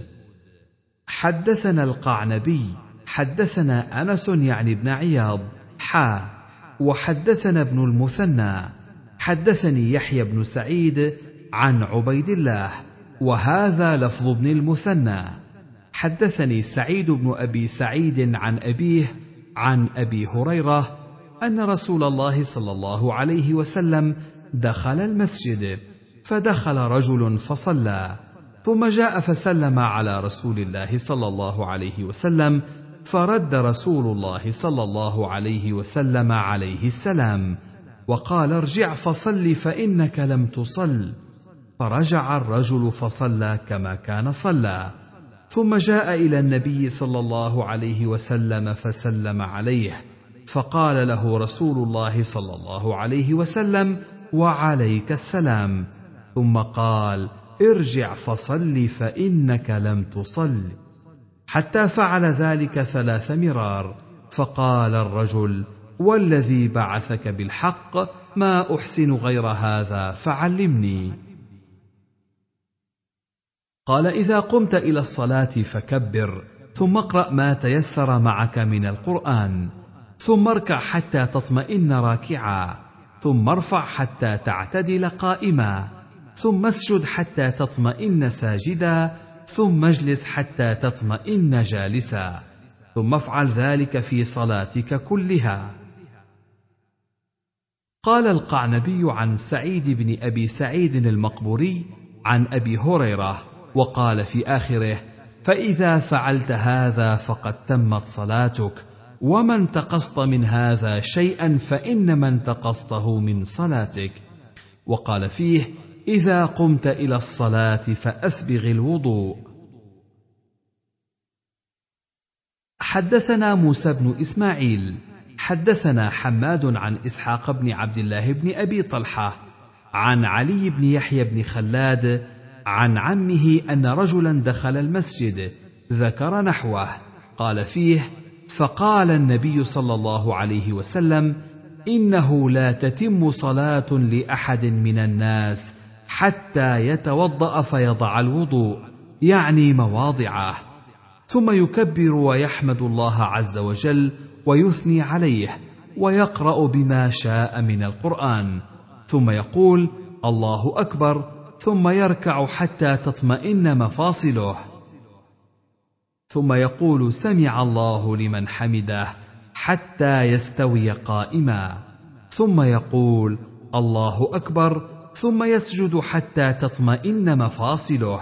ثم يقول الله أكبر ويرفع رأسه حتى يستوي قاعدا. ثم يقول الله أكبر ثم يسجد حتى تطمئن مفاصله. ثم يرفع رأسه فيكبر فإذا فعل ذلك فقد تمت صلاته. حدثنا الحسن بن علي حدثنا هشام بن عبد الملك والحجاج بن منهال. قال حدثنا همام حدثنا إسحاق بن عبد الله بن أبي طلحة عن علي بن يحيى بن خلاد عن أبيه عن عمه رفاعة بن رافع بمعناه. قال فقال رسول الله صلى الله عليه وسلم إنها لا تتم صلاة أحدكم حتى يسبغ الوضوء كما أمره الله تعالى فيغسل وجهه ويديه إلى المرفقين ويمسح برأسه ورجليه إلى الكعبين ثم يكبر الله عز وجل ويحمده ثم يقرأ من القرآن ما أذن له فيه وتيسر. فذكر نحو حديث حماد قال ثم يكبر فيسجد فيمكن وجهه. قال همام وربما قال جبهته من الأرض حتى تطمئن مفاصله وتسترخي ثم يكبر فيستوي قاعدا على مقعده ويقيم صلبه. فوصف الصلاة هكذا أربع ركعات حتى فرغ. لا تتم صلاة أحدكم حتى يفعل ذلك. حدثنا وهب بن بقية عن خالد عن محمد يعني بن عمرو عن علي بن يحيى بن خلاد عن رفاعة بن رافع بهذه القصة. قال إذا قمت فتوجهت إلى القبلة فكبر ثم اقرأ بأم القرآن وبما شاء الله أن تقرأ. إذا ركعت فضع راحتيك على ركبتيك وامدد ظهرك. وقال إذا سجدت فمكن لسجودك فإذا رفعت فاقعد على فخذك اليسرى. حدثنا مؤمل بن هشام حدثنا إسماعيل عن محمد بن إسحاق حدثني علي بن يحيى بن خلاد بن رافع عن أبيه عن عمه رفاعة بن رافع عن النبي صلى الله عليه وسلم بهذه القصة. قال إذا أنت قمت في صلاتك فكبر الله عز وجل ثم اقرأ ما تيسر عليك من القرآن وقال فيه فإذا جلست في وسط الصلاة فاطمئن وافترش فخذك اليسرى ثم تشهد. ثم إذا قمت فمثل ذلك حتى تفرغ من صلاتك. حدثنا عباد بن موسى الختلي حدثنا إسماعيل يعني بن جعفر أخبرني يحيى بن علي ابن يحيى بن خلاد بن رافع الزرقي عن أبيه عن جده عن رفاعة بن رافع أن رسول الله صلى الله عليه وسلم فقص هذا الحديث. قال فيه فتوضأ كما أمرك الله ثم تشهد فأقم ثم كبر فإن كان معك قرآن فاقرأ به وإلا فاحمد الله عز وجل وكبره وهلله. وقال فيه وإن انتقصت منه شيئا انتقصت من صلاتك. حدثنا أبو الوليد الطيالسي حدثنا الليث عن يزيد بن أبي حبيب عن جعفر بن الحكم حا. حدثنا قتيبة حدثنا الليث عن جعفر بن عبد الله الأنصاري عن تميم بن المحمود عن عبد الرحمن بن شبل قال نهى رسول الله صلى الله عليه وسلم عن نقرة الغراب وافتراش السبع. وأن يوطن الرجل المكان في المسجد كما يوطن البعير. هذا لفظ قتيبة. حدثنا زهير بن حرب حدثنا جرير عن عطاء بن السائب عن سالم البراد. قال أتينا عقبة بن عمرو الأنصاري أبا مسعود فقلنا له حدثنا عن صلاة رسول الله صلى الله عليه وسلم. فقام بين أيدينا في المسجد فكبر فلما ركع وضع يديه على ركبتيه وجعل أصابعه أسفل من ذلك وجافى بين مرفقيه حتى استقر كل شيء منه. ثم قال سمع الله لمن حمده فقام حتى استقر كل شيء منه. ثم كبر وسجد ووضع كفيه على الأرض ثم جافى بين مرفقيه حتى استقر كل شيء منه.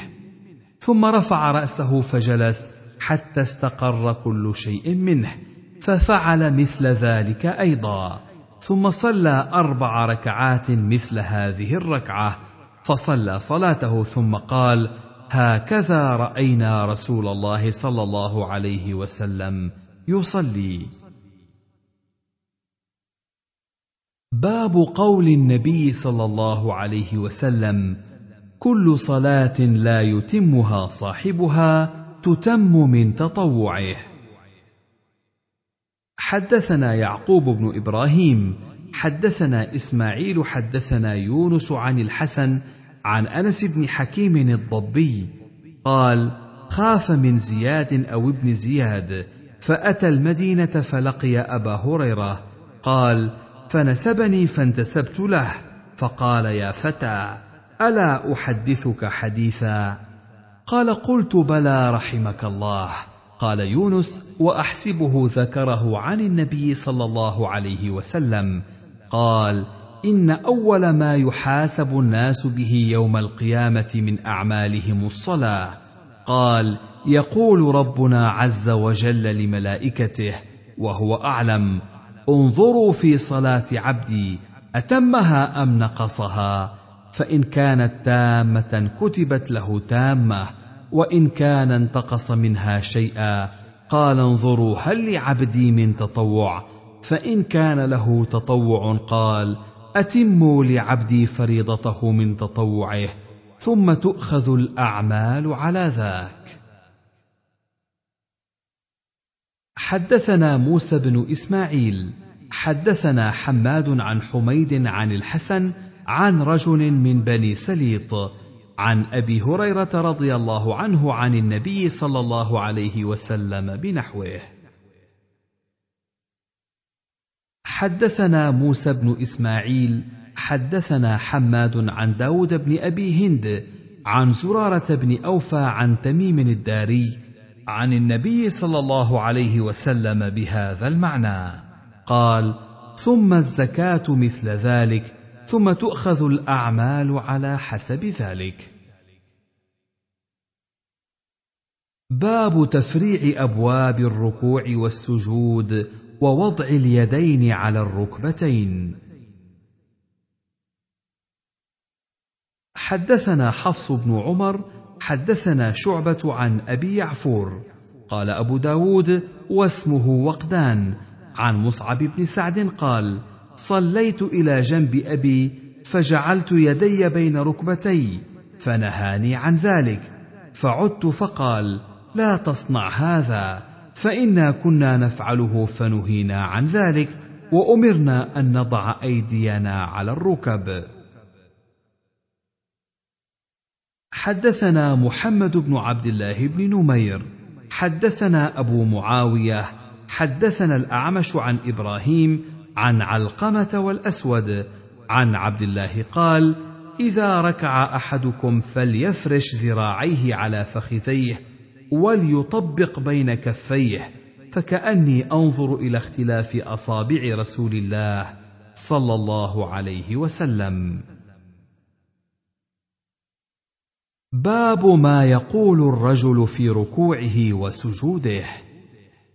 حدثنا الربيع بن نافع أبو توبة وموسى بن إسماعيل. المعنى قالا حدثنا ابن المبارك عن موسى قال أبو سلمة موسى بن أيوب. عن عمه عن عقبة بن عامر قال لما نزلت فسبح باسم ربك العظيم. قال رسول الله صلى الله عليه وسلم اجعلوها في ركوعكم. فلما نزلت سبح اسم ربك الأعلى. قال اجعلوها في سجودكم. حدثنا أحمد بن يونس حدثنا الليث يعني بن سعد عن أيوب بن موسى أو موسى بن أيوب عن رجل من قومه عن عقبة بن عامر بمعناه. زاد قال فكان رسول الله صلى الله عليه وسلم إذا ركع قال سبحان ربي العظيم وبحمده ثلاثا. وإذا سجد قال سبحان ربي الأعلى وبحمده ثلاثا. قال أبو داود وهذه الزيادة نخاف الا تكون محفوظة قال أبو داود انفرد أهل مصر بإسناد هذين الحديثين حديث الربيع وحديث أحمد بن يونس. حدثنا حفص بن عمر حدثنا شعبة قال قلت لسليمان أدعو في الصلاة إذا مررت بآية تخوف فحدثني عن سعد بن عبيدة عن مستورد عن صلة بن زفر عن حذيفة أنه صلى مع النبي صلى الله عليه وسلم فكان يقول في ركوعه سبحان ربي العظيم وفي سجوده سبحان ربي الأعلى. وما مر بآية رحمة إلا وقف عندها فسأل ولا بآية عذاب إلا وقف عندها فتعوذ. حدثنا مسلم بن إبراهيم حدثنا هشام حدثنا قتادة عن مطرف عن عائشة أن النبي صلى الله عليه وسلم كان يقول في سجوده وركوعه سبوح قدوس رب الملائكة والروح حدثنا أحمد بن صالح حدثنا ابن وهب حدثنا معاوية بن صالح عن عمرو بن قيس عن عاصم بن حميد عن عوف بن مالك الأشجعي قال قمت مع رسول الله صلى الله عليه وسلم ليلة فقام فقرأ سورة البقرة لا يمر بآية رحمة إلا وقف فسأل ولا يمر بآية عذاب إلا وقف فتعوذ قال ثم ركع بقدر قيامه يقول في ركوعه سبحان ذي الجبروت والملكوت والكبرياء والعظمة. ثم سجد بقدر قيامه ثم قال في سجوده مثل ذلك. ثم قام فقرأ بآل عمران ثم قرأ سورة سورة. حدثنا أبو الوليد الطيالسي وعلي بن الجعد قالا حدثنا شعبة عن عمرو بن مرة عن أبي حمزة مولى الأنصار عن رجل من بني عبس عن حذيفة أنه رأى رسول الله صلى الله عليه وسلم يصلي من الليل فكان يقول الله أكبر. ثلاثا ذو الملكوت والجبروت والكبرياء والعظمة. ثم استفتح فقرأ البقرة ثم ركع فكان ركوعه نحوا من قيامه وكان يقول في ركوعه سبحان ربي العظيم. سبحان ربي العظيم. ثم رفع رأسه من الركوع فكان قيامه نحوا من قيامه. يقول لربي الحمد. ثم يسجد. فكان سجوده نحوا من قيامه. فكان يقول في سجوده سبحان ربي الأعلى. ثم رفع رأسه من السجود.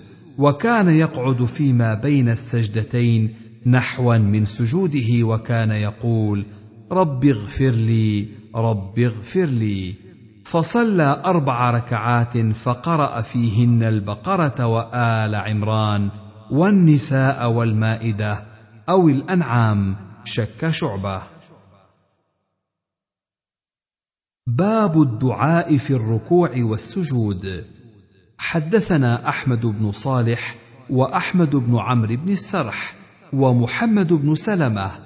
قالوا أخبرنا ابن وهب أخبرنا عمرو يعني بن الحارث عن عمارة بن غزية عن سمي مولى أبي بكر أنه سمع أبا صالح ذكوان يحدث عن أبي هريرة أن رسول الله صلى الله عليه وسلم قال أقرب ما يكون العبد من ربه وهو ساجد فأكثر الدعاء.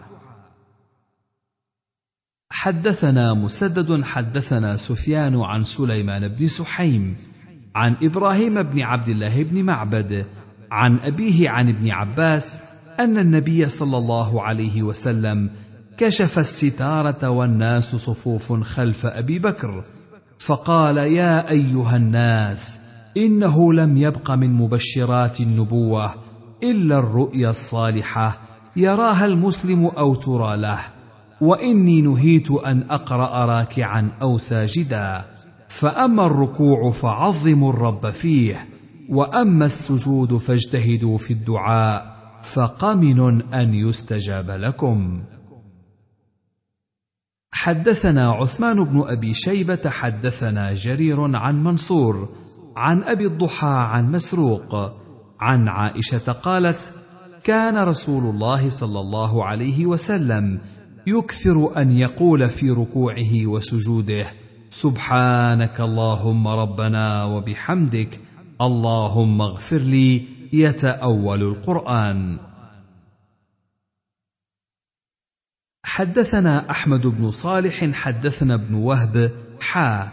حدثنا أحمد بن السرح أخبرنا ابن وهب أخبرني يحيى بن أيوب عن عمارة بن غزية عن سمي مولى أبي بكر عن أبي صالح عن أبي هريرة أن النبي صلى الله عليه وسلم كان يقول في سجوده اللهم اغفر لي ذنبي كله دقه وجله وأوله وآخره زاد ابن السرح علانيته وسره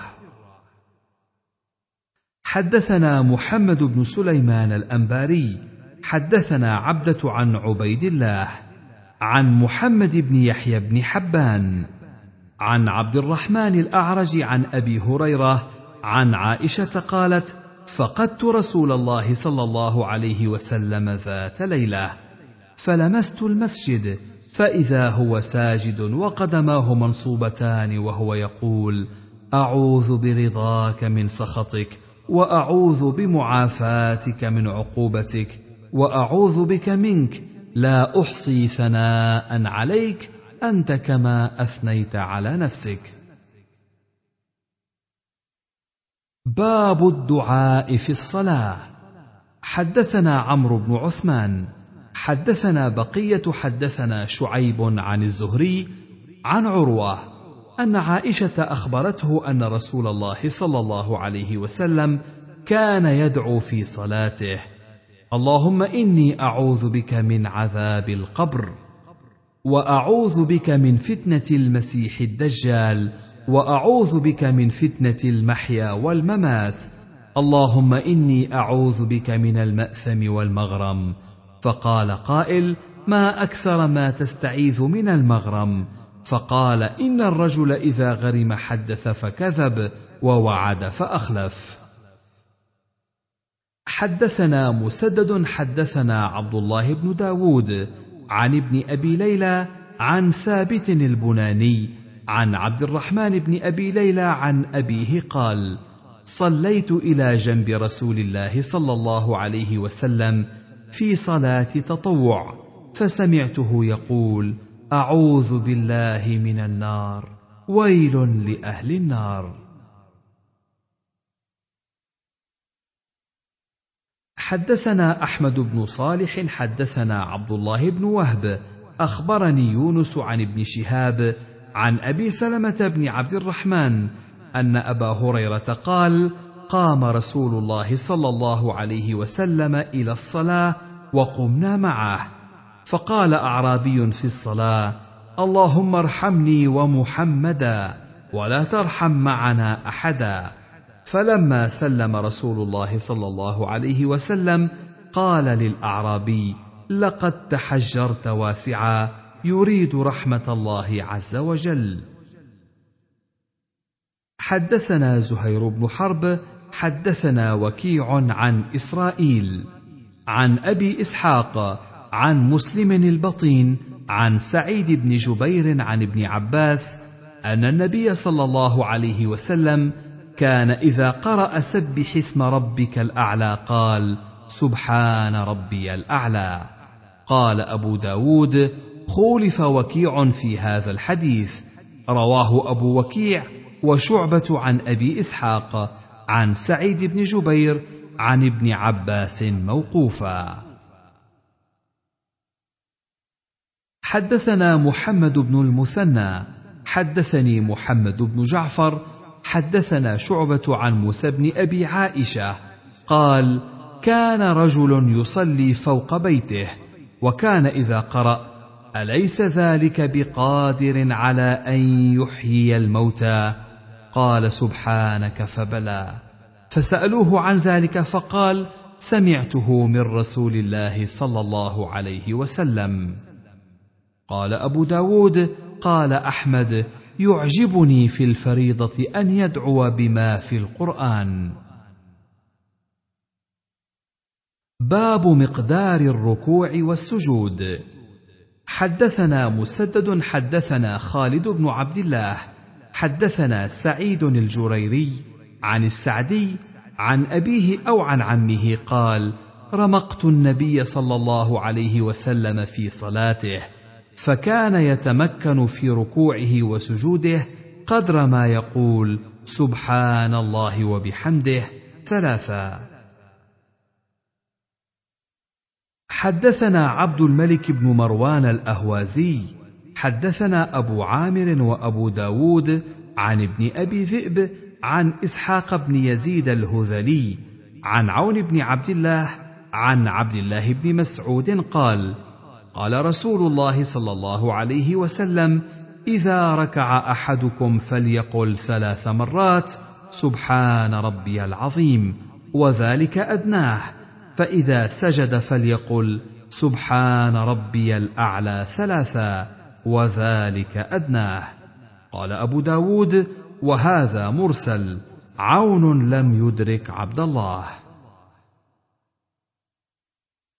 حدثنا عبد الله بن محمد الزهري حدثنا سفيان حدثني إسماعيل بن أمية قال سمعت اعرابيا يقول سمعت أبا هريرة يقول قال رسول الله صلى الله عليه وسلم من قرأ منكم بالتين والزيتون فانتهى إلى آخرها أليس الله بأحكم الحاكمين؟ فليقل بلى. وأنا على ذلك من الشاهدين. ومن قرأ لا أقسم بيوم القيامة. فانتهى إلى أليس ذلك بقادر على أن يحيي الموتى؟ فليقل بلى. ومن قرأ والمرسلات فبلغ فبأي حديث بعده يؤمنون؟ فليقل آمنا بالله. قال إسماعيل ذهبت أعيد على الرجل الأعرابي وأنظر لعله. فقال يا ابن أخي أتظن أني لم أحفظه؟ لقد حججت ستين حجة ما منها حجة إلا وأنا أعرف البعير الذي حججت عليه. حدثنا أحمد بن صالح وابن رافع.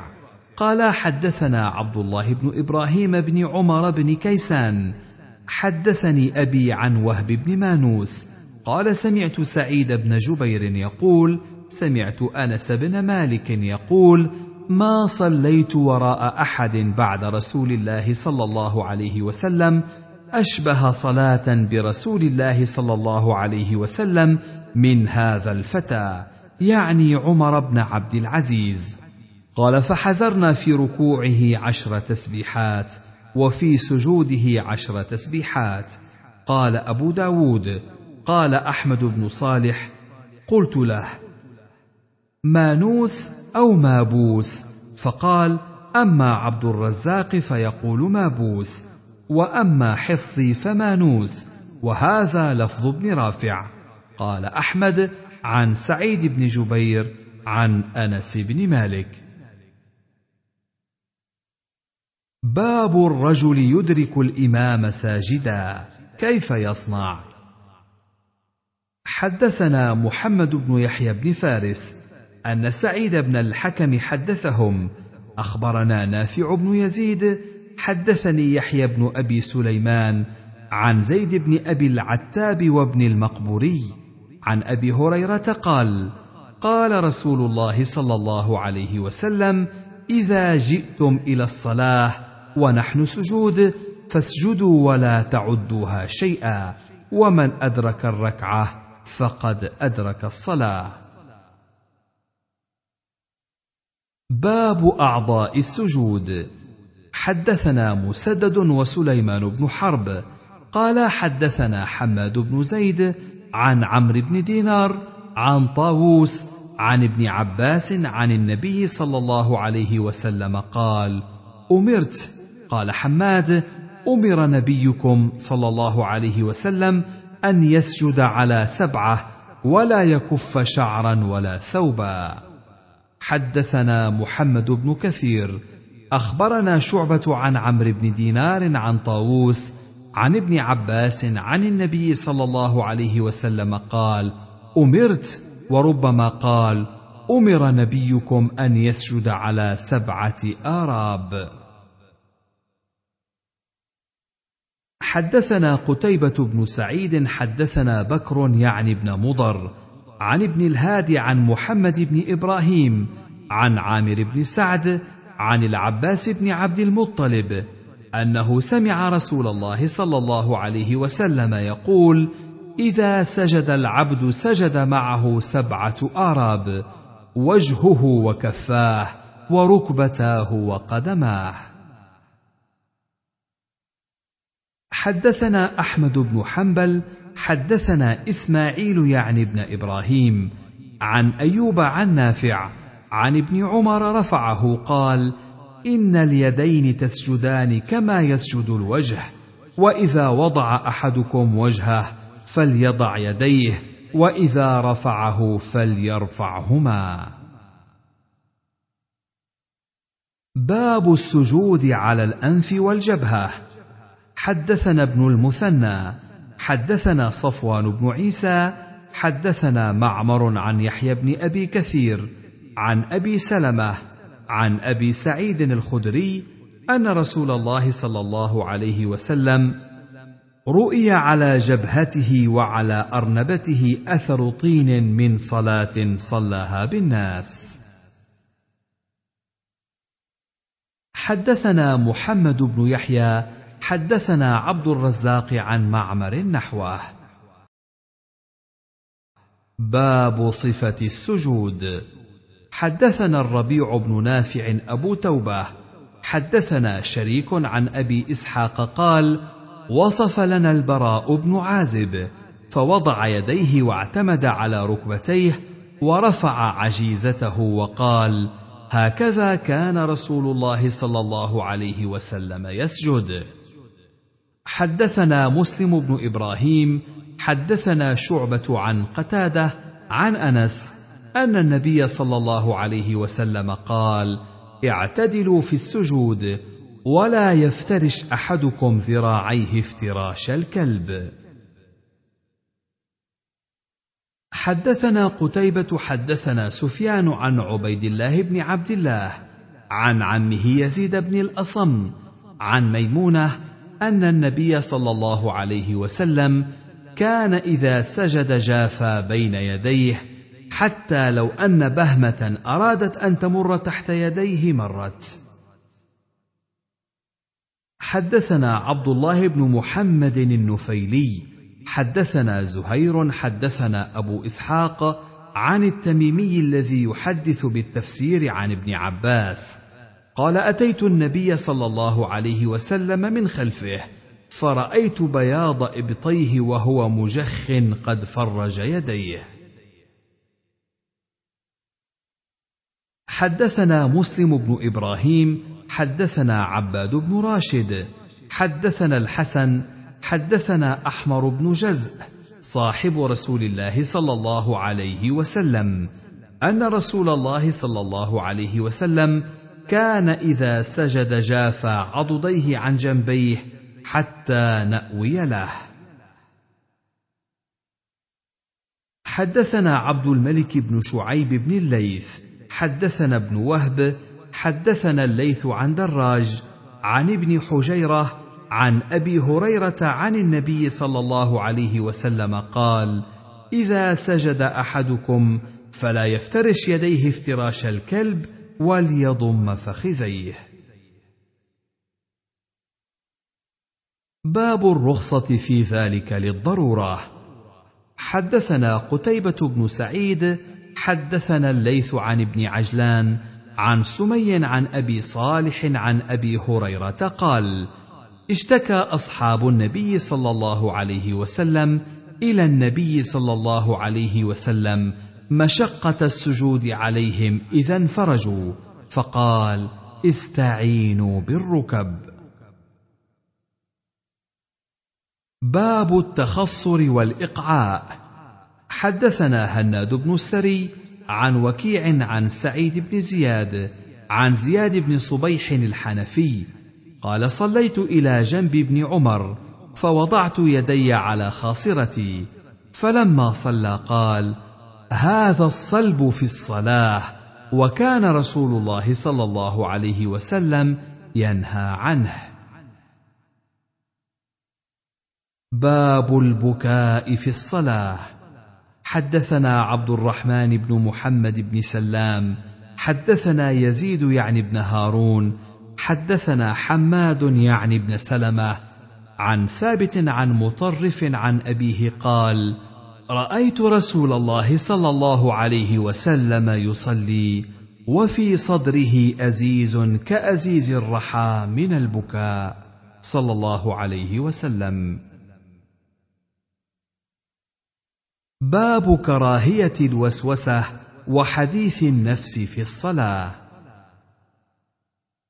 حدثنا أحمد بن محمد بن حنبل حدثنا عبد الملك بن عمرو حدثنا هشام يعني بن سعد عن زيد بن أسلم عن عطاء بن يسار عن زيد بن خالد الجهني أن النبي صلى الله عليه وسلم قال من توضأ فأحسن وضوءه ثم صلى ركعتين لا يسهو فيهما غفر له ما تقدم من ذنبه. حدثنا عثمان بن أبي شيبة حدثنا زيد بن الحباب. حدثنا معاوية بن صالح عن ربيعة بن يزيد عن أبي إدريس الخولاني عن جبير بن نفير الحضرمي عن عقبة بن عامر الجهني أن رسول الله صلى الله عليه وسلم قال ما من أحد يتوضأ فيحسن الوضوء ويصلي ركعتين يقبل بقلبه ووجهه عليهما إلا وجبت له الجنة. باب الفتح على الإمام في الصلاة. حدثنا محمد بن العلاء وسليمان بن عبد الرحمن الدمشقي قال أخبرنا مروان بن معاوية عن يحيى الكاهلي عن المسور بن يزيد المالكي أن رسول الله صلى الله عليه وسلم قال يحيى وربما قال شهدت رسول الله صلى الله عليه وسلم يقرأ في الصلاة فترك شيئا لم يقرأه. فقال له رجل يا رسول الله تركت آية كذا وكذا. فقال رسول الله صلى الله عليه وسلم هلا أذكرتنيها؟ قال سليمان في حديثه قال كنت أراها نسخت.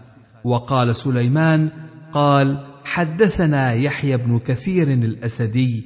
قال حدثني المسور بن يزيد الأسدي المالكي. حدثنا يزيد بن محمد الدمشقي. حدثنا هشام بن إسماعيل. حدثنا محمد بن شعيب. أخبرنا عبد الله بن العلاء بن زبر. عن سالم بن عبد الله. عن عبد الله بن عمر أن النبي صلى الله عليه وسلم صلى صلاة فقرأ فيها فلبس عليه فلما انصرف قال لأبي أصليت معنا؟ قال نعم. قال فما منعك؟ باب النهي عن التلقين. حدثنا عبد الوهاب بن نجدة. حدثنا محمد بن يوسف الفريابي عن يونس بن أبي إسحاق عن أبي إسحاق عن الحارث عن علي رضي الله عنه قال قال رسول الله صلى الله عليه وسلم يا علي لا تفتح على الإمام في الصلاة. قال أبو داود أبو إسحاق لم يسمع من الحارث إلا أربعة أحاديث ليس هذا منها. باب الالتفات في الصلاة. حدثنا أحمد بن صالح حدثنا ابن وهب أخبرني يونس عن ابن شهاب قال سمعت أبا الأحوص يحدثنا في مجلس سعيد بن المسيب. قال قال أبو ذر قال رسول الله صلى الله عليه وسلم لا يزال الله عز وجل مقبلا على العبد وهو في صلاته ما لم يلتفت. فإذا التفت انصرف عنه. حدثنا مسدد حدثنا أبو الأحوص عن الأشعث يعني ابن سليم. عن أبيه عن مسروق عن عائشة قالت سألت رسول الله صلى الله عليه وسلم عن التفات الرجل في الصلاة فقال إنما هو اختلاس يختلسه الشيطان من صلاة العبد. باب السجود على الأنف. حدثنا مؤمل بن الفضل. حدثنا عيسى عن معمر عن يحيى بن أبي كثير. عن أبي سلمة عن أبي سعيد الخدري أن رسول الله صلى الله عليه وسلم رؤي على جبهته وعلى أرنبته أثر طين من صلاة صلىها بالناس. قال أبو علي هذا الحديث لم يقرأه أبو داود في العرضة الرابعة. باب النظر في الصلاة. حدثنا مسدد حدثنا أبو معاوية حا وحدثنا عثمان بن أبي شيبة حدثنا جرير وهذا حديثه وهو أتم. عن الأعمش عن المسيب بن رافع عن تميم بن طرفة الطائي عن جابر بن سمرة قال عثمان هو ابن أبي شيبة. قال دخل رسول الله صلى الله عليه وسلم المسجد فرأى فيه ناسا يصلون رافعي أيديهم إلى السماء.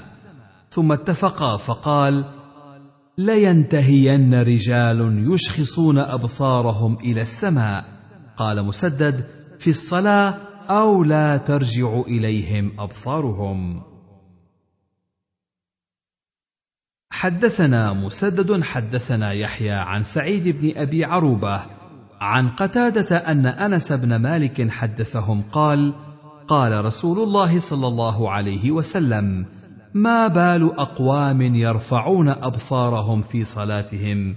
فاشتد قوله في ذلك فقال لينتهين عن ذلك أو لتخطفن أبصارهم. حدثنا عثمان بن أبي شيبة حدثنا سفيان بن عيينة عن الزهري عن عروة عن عائشة قالت صلى رسول الله صلى الله عليه وسلم في خميصة لها أعلام فقال شغلتني أعلام هذه اذهبوا بها إلى أبي جهم وأتوني بانبجانيته حدثنا عبيد الله بن معاذ حدثنا أبي حدثنا عبد الرحمن يعني ابن أبي الزناد. قال سمعت هشاما يحدث عن أبيه عن عائشة بهذا الخبر. قال وأخذ كرديا كان لأبي جهم. فقيل يا رسول الله الخميصة كانت خيرا من الكردي. باب الرخصة في ذلك. حدثنا الربيع بن نافع حدثنا معاوية يعني بن سلام عن زيد أنه سمع أبا سلام قال حدثني السلولي هو أبو كبشة عن سهل بن الحنظلية قال ثوب بالصلاة يعني صلاة الصبح فجعل رسول الله صلى الله عليه وسلم يصلي وهو يلتفت إلى الشعب. قال أبو داود وكان أرسل فارسا إلى الشعب من الليل يحرس.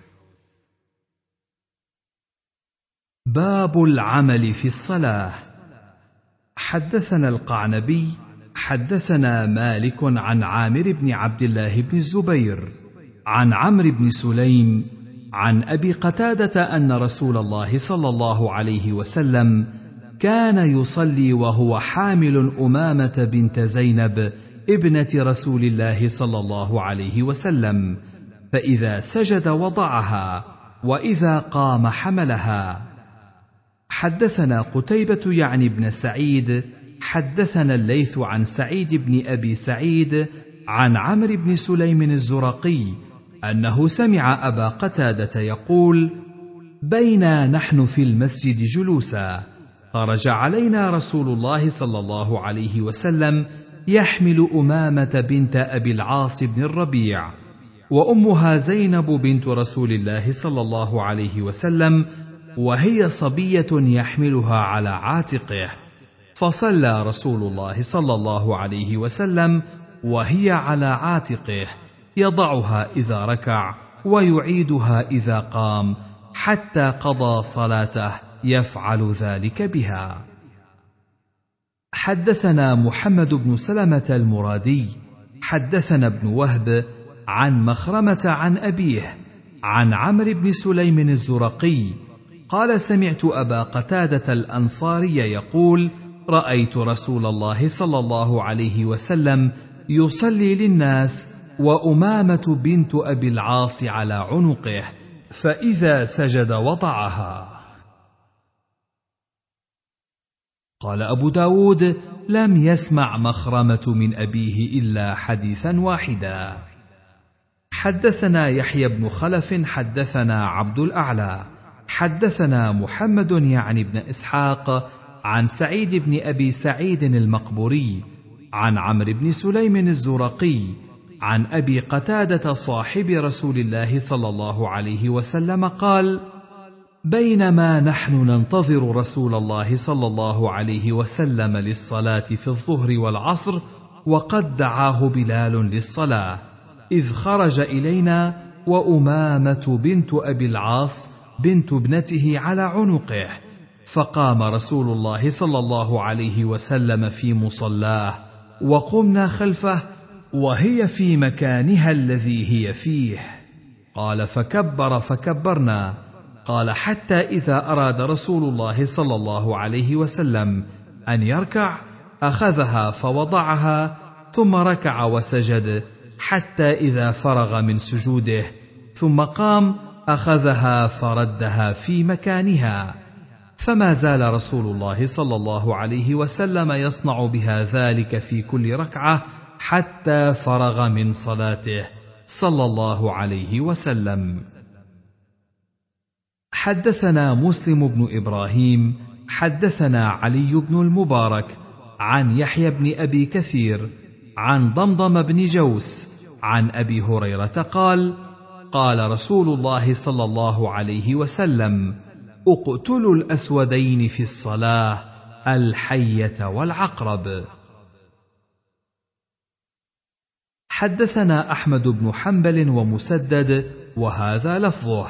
قال حدثنا بشر يعني ابن المفضل حدثنا برد عن الزهري عن عروة بن الزبير عن عائشة قالت كان رسول الله صلى الله عليه وسلم قال أحمد يصلي والباب عليه مغلق فجئت فاستفتحت قال أحمد فمشى ففتح لي ثم رجع إلى مصلاه وذكر أن الباب كان في القبلة. باب رد السلام في الصلاة. حدثنا محمد بن عبد الله بن نمير. حدثنا ابن فضيل عن الأعمش عن إبراهيم عن علقمة. عن عبد الله قال كنا نسلم على رسول الله صلى الله عليه وسلم وهو في الصلاة فيرد علينا. فلما رجعنا من عند النجاشي سلمنا عليه فلم يرد علينا وقال إن في الصلاة لشغلا. حدثنا موسى بن إسماعيل حدثنا أبان حدثنا عاصم عن أبي وائل عن عبد الله قال كنا نسلم في الصلاة ونأمر بحاجتنا. فقدمت على رسول الله صلى الله عليه وسلم وهو يصلي فسلمت عليه فلم يرد علي السلام فأخذني ما قدم وما حدث فلما قضى رسول الله صلى الله عليه وسلم الصلاة قال إن الله عز وجل يحدث من أمره ما يشاء وإن الله تعالى قد أحدث من أمره ألا تكلموا في الصلاة. فرد علي السلام. حدثنا يزيد بن خالد بن موهب وقتيبة بن سعيد أن الليث حدثهم عن بكير عن نابل صاحب العباء عن ابن عمر عن صهيب أنه قال مررت برسول الله صلى الله عليه وسلم وهو يصلي فسلمت عليه فرد إشارة قال ولا أعلمه إلا قال إشارة بإصبعه وهذا لفظ حديث قتيبة. حدثنا عبد الله بن محمد النفيلي حدثنا زهير حدثنا أبو الزبير عن جابر قال أرسلني نبي الله صلى الله عليه وسلم إلى بني المصطلق فأتيته وهو يصلي على بعيره فكلمته فقال لي بيده هكذا. ثم كلمته فقال لي بيده هكذا وأنا أسمعه يقرأ ويومئ برأسه. قال فلما فرغ قال ما فعلت في الذي أرسلتك؟ فإنه لم يمنعني أن أكلمك إلا أني كنت أصلي. حدثنا الحسين بن عيسى الخراساني الدامغاني. حدثنا جعفر بن عون حدثنا هشام بن سعد. حدثنا نافع قال سمعت عبد الله بن عمر يقول خرج رسول الله صلى الله عليه وسلم إلى قباء يصلي فيه. قال فجاءته الأنصار فسلموا عليه وهو يصلي. قال فقلت لبلال كيف رأيت رسول الله صلى الله عليه وسلم يرد عليهم حين كانوا يسلمون عليه وهو يصلي. قال يقول هكذا وبسط كفه وبسط جعفر بن عون كفه وجعل بطنه أسفل وجعل ظهره إلى فوق. حدثنا أحمد بن حنبل حدثنا عبد الرحمن بن مهدي عن سفيان عن أبي مالك الأشجعي عن أبي حازم عن أبي هريرة عن النبي صلى الله عليه وسلم قال لا غرار في الصلاة ولا تسليم قال أحمد يعني فيما أرى الا تسلم ولا يسلم عليك ويغرر الرجل بصلاته فينصرف وهو فيها شاك حدثنا محمد بن العلاء أخبرنا معاوية بن هشام عن سفيان عن أبي مالك. عن أبي حازم عن أبي هريرة قال أراه رفعه. قال لا غرار في تسليم ولا صلاة. قال أبو داود ورواه ابن فضيل على لفظ ابن مهدي ولم يرفعه. باب تشميت العاطس في الصلاة. حدثنا مسدد حدثنا يحيى حا وحدثنا عثمان بن أبي شيبة حدثنا إسماعيل بن إبراهيم المعنى عن حجاج الصواف حدثني يحيى بن أبي كثير عن هلال بن أبي ميمونة عن عطاء بن يسار عن معاوية بن الحكم السلمي قال صليت مع رسول الله صلى الله عليه وسلم فعطس رجل من القوم فقلت يرحمك الله فرماني القوم بأبصارهم فقلت وا ثكل امياه ما شأنكم تنظرون إلي؟ قال فجعلوا يضربون بأيديهم على أفخاذهم فعرفت أنهم يصمتوني. قال عثمان فلما رأيتهم يسكتوني لكني سكت. فلما صلى رسول الله صلى الله عليه وسلم بأبي وأمي ما ضربني ولا كهرني ولا سبني ثم قال إن هذه الصلاة لا يحل فيها شيء من كلام الناس هذا إنما هو التسبيح والتكبير وقراءة القرآن. أو كما قال رسول الله صلى الله عليه وسلم قلت يا رسول الله أنا قوم حديث عهد بجاهليه وقد جاءنا الله بالاسلام ومنا رجال ياتون الكهان. قال فلا تاتهم. قال قلت ومنا رجال يتطيرون. قال ذاك شيء يجدونه في صدورهم فلا يصدهم. قال قلت ومنا رجال يخطون. قال كان نبي من الانبياء يخط. فمن وافق خطه فذاك. قال قلت جارية لي كانت ترعى غنيمات قبل أحد والجوانية إذ اطلعت عليها اطلاعه فإذا الذئب قد ذهب بشاة منها وأنا من بني آدم آسف كما يأسفون لكني صككتها صكة فعظم ذاك علي رسول الله صلى الله عليه وسلم. فقلت أفلا أعتقها؟ قال ائتني بها. فجئت بها فقال أين الله؟ قالت في السماء. قال من أنا؟ قالت أنت رسول الله. قال أعتقها فإنها مؤمنة. حدثنا محمد بن يونس النسائي. حدثنا عبد الملك بن عمرو. حدثنا فليح عن هلال بن علي.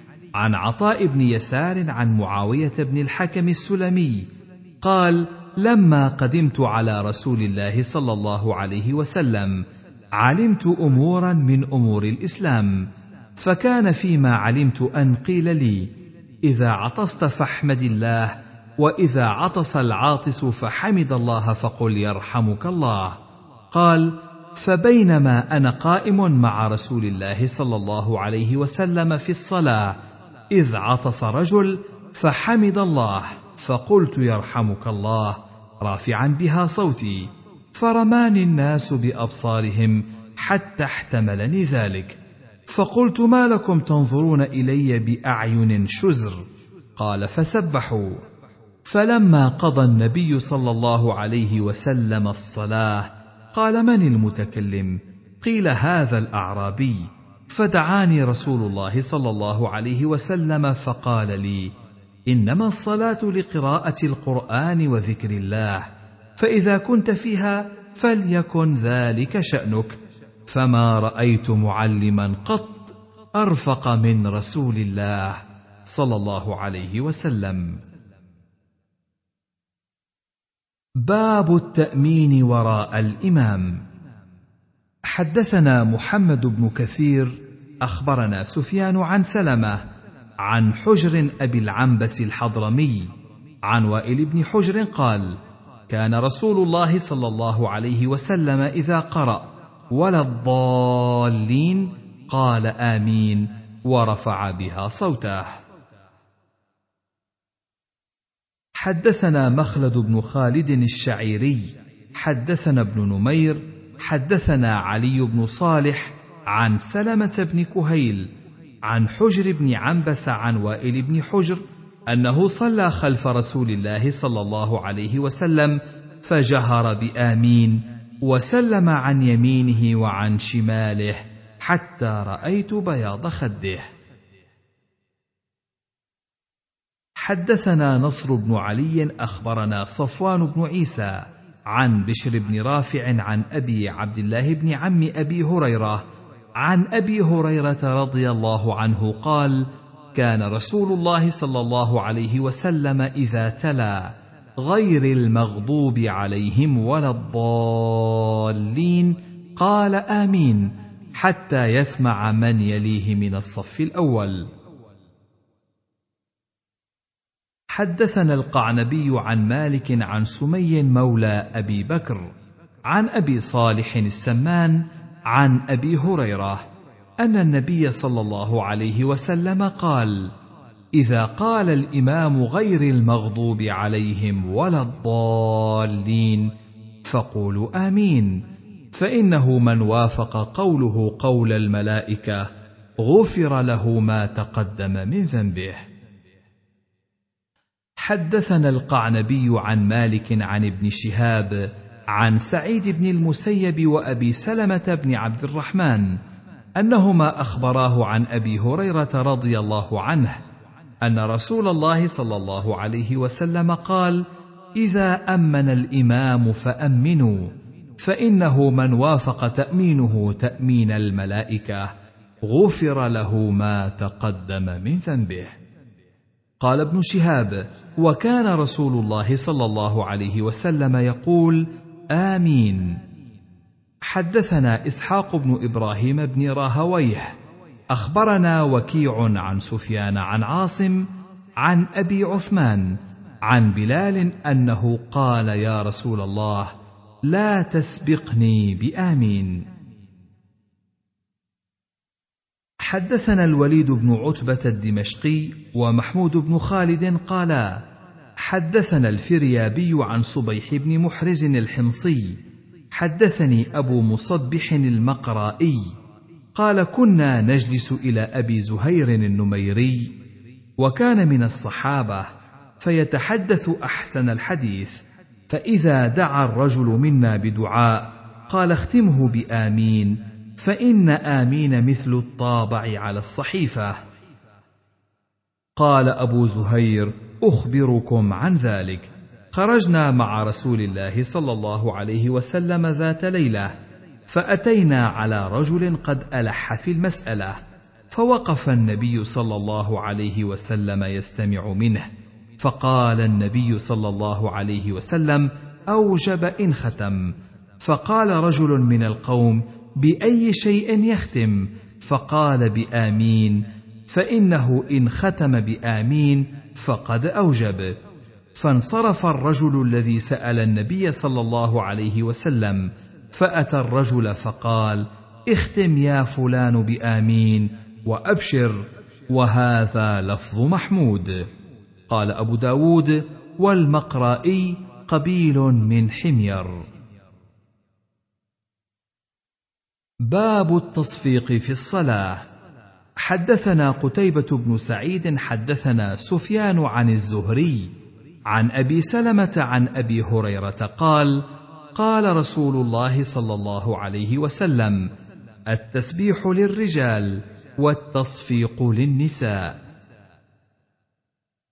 حدثنا القعنبي عن مالك عن أبي حازم بن دينار عن سهل بن سعد أن رسول الله صلى الله عليه وسلم ذهب إلى بني عمرو بن عوف ليصلح بينهم وحانت الصلاة. فجاء المؤذن إلى أبي بكر رضي الله عنه فقال أتصلي بالناس فأقيم؟ قال نعم. فصلى أبو بكر. فجاء رسول الله صلى الله عليه وسلم والناس في الصلاة. فتخلص حتى وقف في الصف. فصفق الناس وكان أبو بكر لا يلتفت في الصلاة.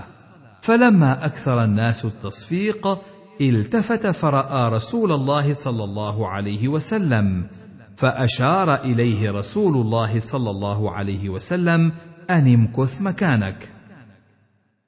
فرفع أبو بكر يديه فحمد الله على ما أمره به رسول الله صلى الله عليه وسلم من ذلك. ثم استأخر أبو بكر حتى استوى في الصف وتقدم رسول الله صلى الله عليه وسلم فصلى. فلما انصرف قال يا أبا بكر ما منعك أن تثبت إذ أمرتك؟ قال أبو بكر ما كان لابن أبي قحافة أن يصلي بين يدي رسول الله صلى الله عليه وسلم. فقال رسول الله صلى الله عليه وسلم ما لي رأيتكم أكثرتم من التصفيح. من نابه شيء في صلاته فليسبح فإنه إذا سبح التفت إليه وإنما التصفيح للنساء. قال أبو داود وهذا في الفريضة.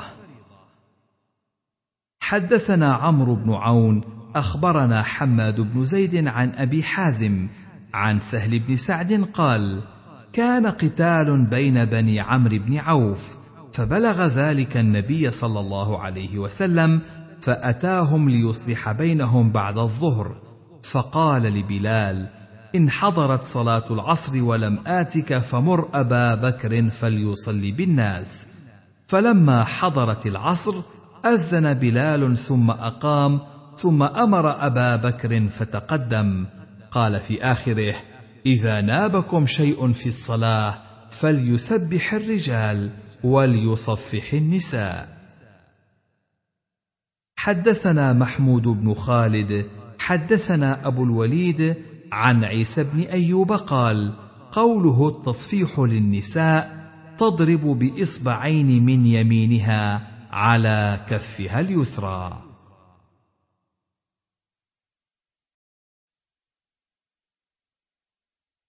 باب الإشارة في الصلاة. حدثنا أحمد بن محمد بن شبوية المروزي ومحمد بن رافع.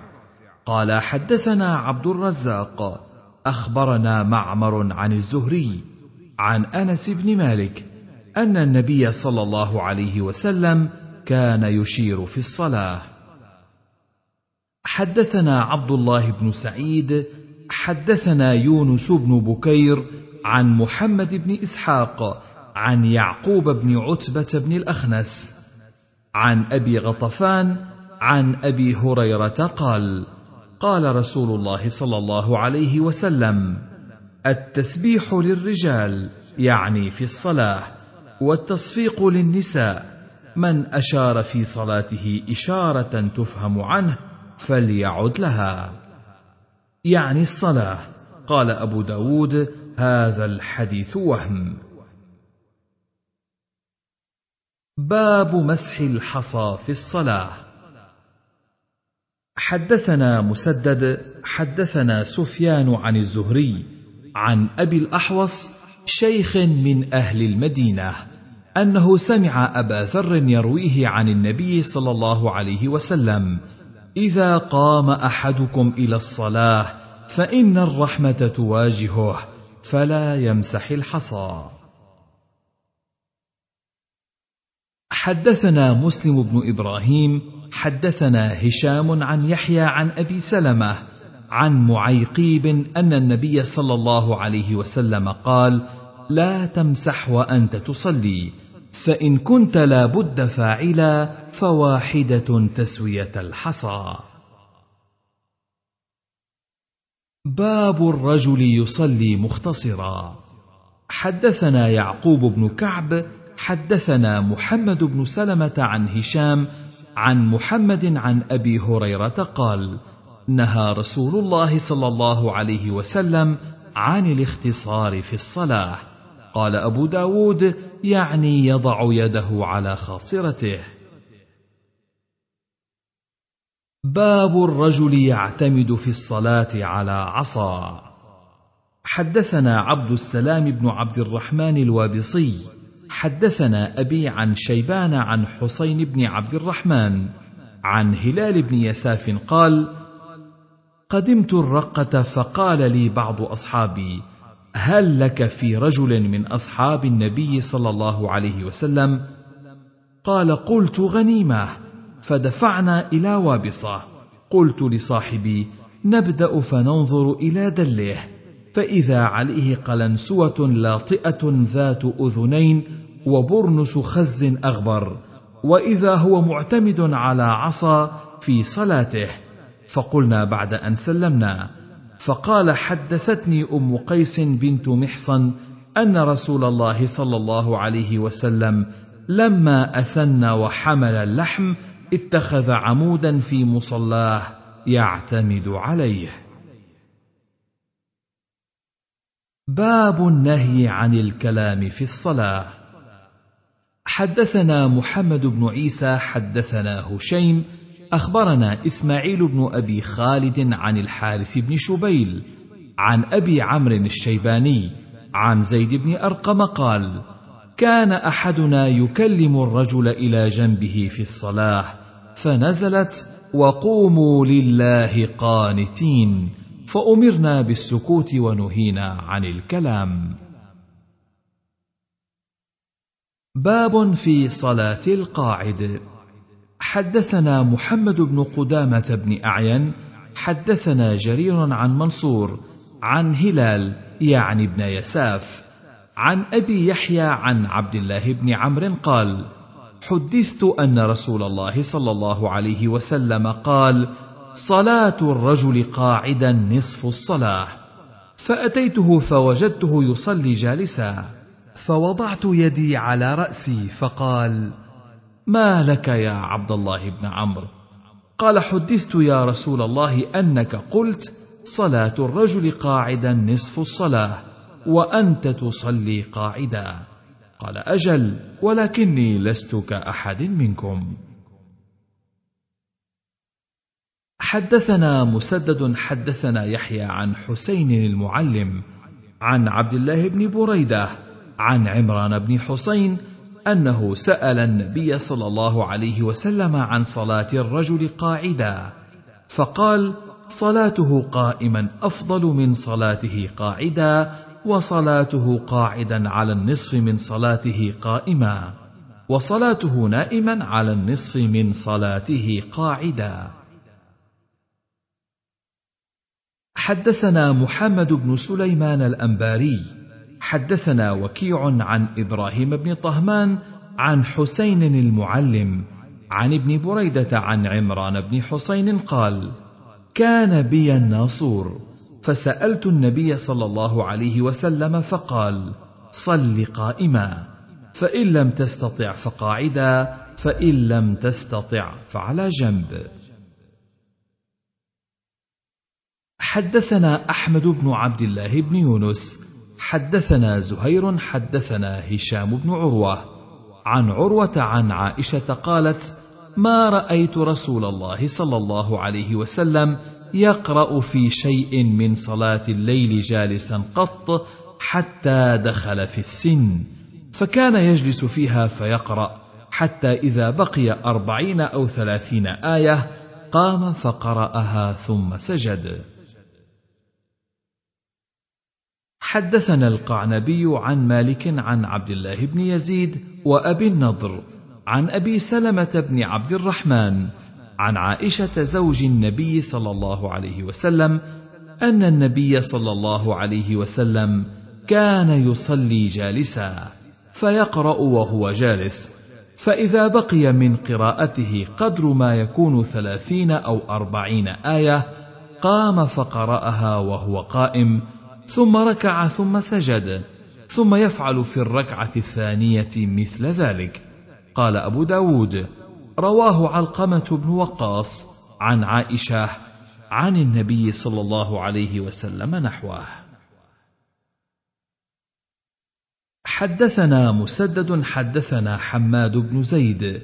قال سمعت بديل بن ميسرة وأيوب يحدثان عن عبد الله بن شقيق عن عائشة قالت كان رسول الله صلى الله عليه وسلم يصلي ليلا طويلا قائما وليلا طويلا قاعدا فإذا صلى قائما ركع قائما وإذا صلى قاعدا ركع قاعدا. حدثنا عثمان بن أبي شيبة أخبرنا يزيد بن هارون أخبرنا كهمس بن الحسن عن عبد الله بن شقيق قال سألت عائشة أكان رسول الله صلى الله عليه وسلم يقرأ السور في ركعة؟ قالت المفصل قال قلت فكان يصلي قاعدا قال حين حطمه الناس. باب كيف الجلوس في التشهد؟ حدثنا مسدد حدثنا بشر بن المفضل عن عاصم بن كليب عن أبيه عن وائل بن حجر. قال قلت لأنظرن إلى صلاة رسول الله صلى الله عليه وسلم كيف يصلي؟ قال فقام رسول الله صلى الله عليه وسلم فاستقبل القبلة فكبر فرفع يديه حتى حاذتا بأذنيه ثم أخذ شماله بيمينه فلما أراد أن يركع رفعهما مثل ذلك. قال ثم جلس فافترش رجله اليسرى ووضع يده اليسرى على فخذه اليسرى وحد مرفقه الأيمن على فخذه اليمنى وقبض ثنتين وحلق حلقة ورأيته يقول هكذا وحلق بشر الإبهام والوسطى وأشار بالسبابة.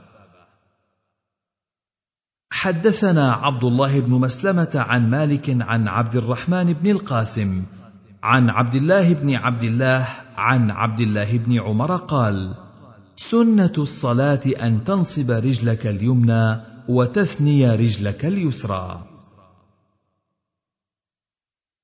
حدثنا ابن معاذ حدثنا عبد الوهاب قال سمعت يحيى قال سمعت القاسم يقول أخبرني عبد الله بن عبد الله أنه سمع عبد الله بن عمر يقول من سنة الصلاة أن تضجع رجلك اليسرى وتنصب اليمنى.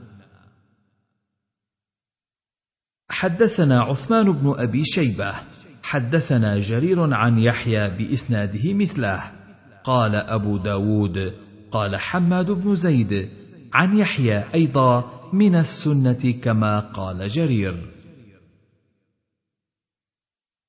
حدثنا القعنبي عن مالك عن يحيى بن سعيد أن القاسم بن محمد أراهم الجلوس في التشهد فذكر الحديث. حدثنا هناد بن السري عن وكيع عن سفيان عن الزبير بن عدي عن إبراهيم قال كان النبي صلى الله عليه وسلم إذا جلس في الصلاة افترش رجله اليسرى حتى اسود ظهر قدمه. باب من ذكر التورك في الرابعة. حدثنا أحمد بن حنبل حدثنا أبو عاصم الضحاك ابن مخلد. أخبرنا عبد الحميد يعني ابن جعفر. حا. وحدثنا مسدد حدثنا يحيى حدثنا عبد الحميد يعني ابن جعفر. حدثني محمد بن عمرو عن أبي حميد الساعدي.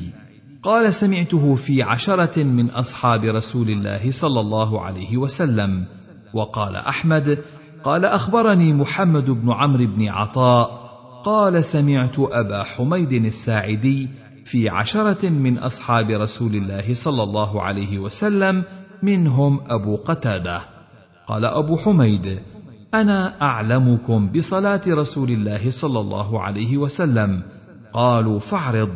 فذكر الحديث. قال ويفتخ أصابع رجليه إذا سجد. ثم يقول الله أكبر. ويرفع ويثني رجله اليسرى فيقعد عليها. ثم يصنع في الأخرى مثل ذلك. فذكر الحديث قال حتى إذا كانت السجدة التي فيها التسليم أخر رجله اليسرى وقعد متوركا على شقه الأيسر. زاد أحمد قالوا صدقت هكذا كان يصلي ولم يذكرا في حديثهما الجلوس في الثنتين كيف جلس؟ حدثنا عيسى بن إبراهيم المصري حدثنا ابن وهب عن الليث عن يزيد بن محمد القرشي ويزيد بن أبي حبيب عن محمد بن عمرو بن حلحلة عن محمد بن عمرو بن عطاء أنه كان جالسا مع نفر من أصحاب رسول الله صلى الله عليه وسلم بهذا الحديث ولم يذكر أبا قتادة قال فإذا جلس في الركعتين جلس على رجله اليسرى فإذا جلس في الركعة الأخيرة قدم رجله اليسرى وجلس على مقعدته. حدثنا قتيبة حدثنا ابن لهيعة عن يزيد بن أبي حبيب عن محمد بن عمرو بن حلحلة عن محمد بن عمرو العامري قال كنت في مجلس بهذا الحديث قال فيه فإذا قعد في الركعتين قعد على بطن قدمه اليسرى ونصب اليمنى. فإذا كانت الرابعة أفضى بوركه اليسرى إلى الأرض وأخرج قدميه من ناحية واحدة. حدثنا علي بن الحسين بن إبراهيم حدثنا أبو بدر حدثنا زهير أبو خيثمة حدثنا الحسن بن الحر حدثنا عيسى بن عبد الله بن مالك عن محمد بن عمرو عن عباس أو عياش ابن سهل الساعدي أنه كان في مجلس فيه أبوه فذكر فيه قال فسجد فانتصب على كفيه وركبتيه وصدور قدميه وهو جالس فتورك ونصب قدمه الأخرى ثم كبر فسجد ثم كبر فقام ولم يتورك. ثم عاد فركع الركعة الأخرى فكبر كذلك. ثم جلس بعد الركعتين حتى إذا هو أراد أن ينهض للقيام قام بتكبير. ثم ركع الركعتين الأخريين. فلما سلم سلم عن يمينه وعن شماله.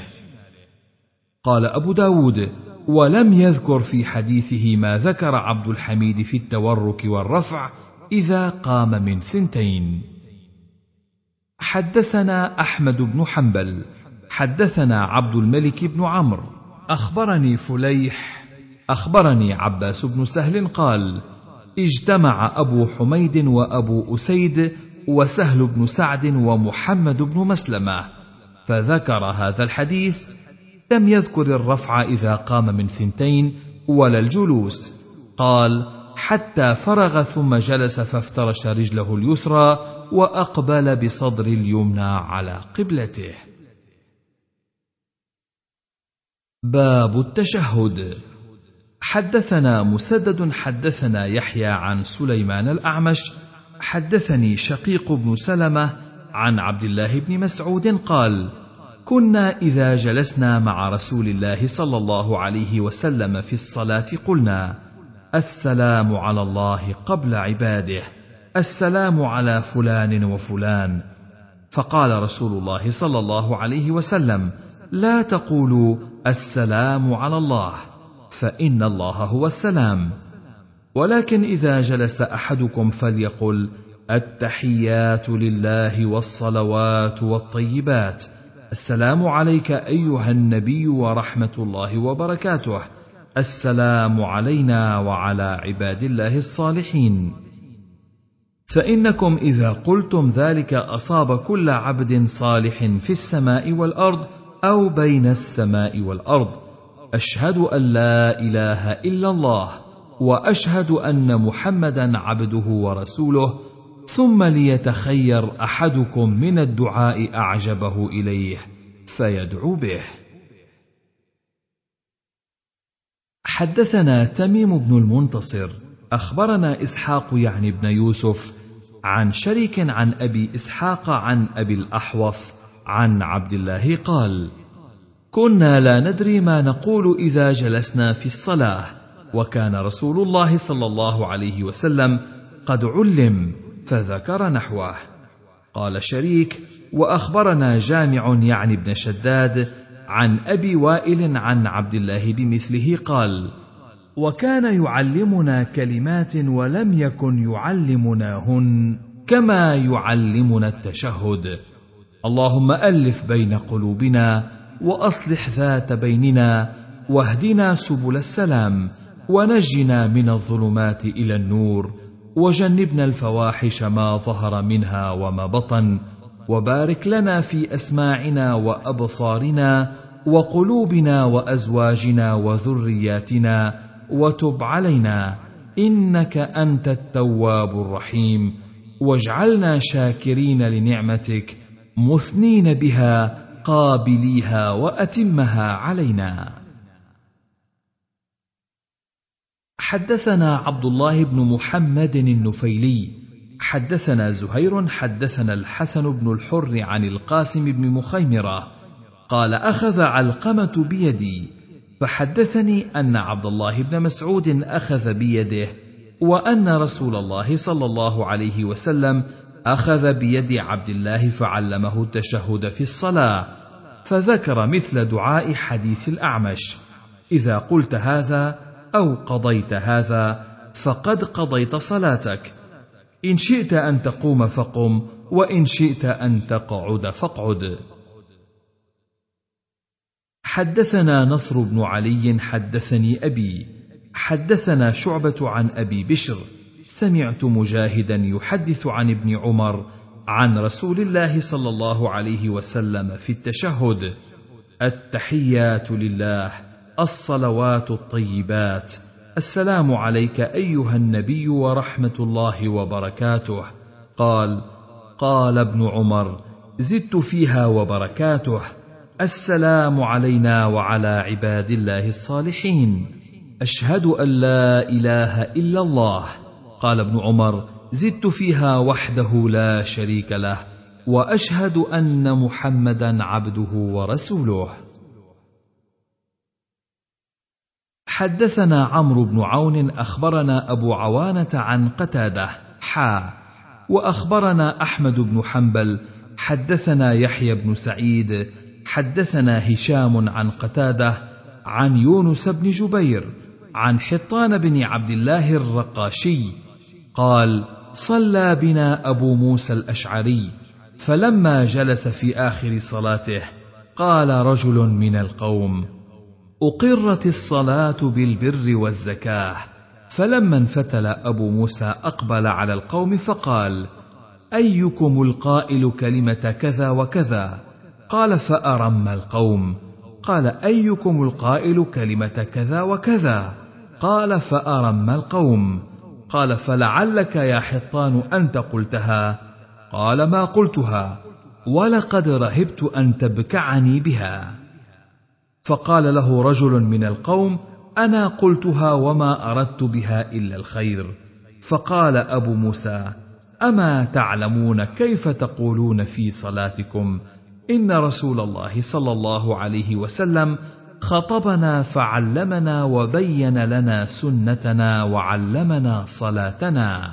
فقال إذا صليتم فأقيموا صفوفكم ثم ليؤمكم أحدكم فإذا كبر فكبروا وإذا قرأ غير المغضوب عليهم ولا الضالين فقولوا آمين يحبكم الله. وإذا كبر وركع فكبروا واركعوا فإن الإمام يركع قبلكم ويرفع قبلكم. قال رسول الله صلى الله عليه وسلم فتلك بتلك وإذا قال سمع الله لمن حمده فقولوا اللهم ربنا لك الحمد يسمع الله لكم فإن الله عز وجل قال على لسان نبيه صلى الله عليه وسلم سمع الله لمن حمده.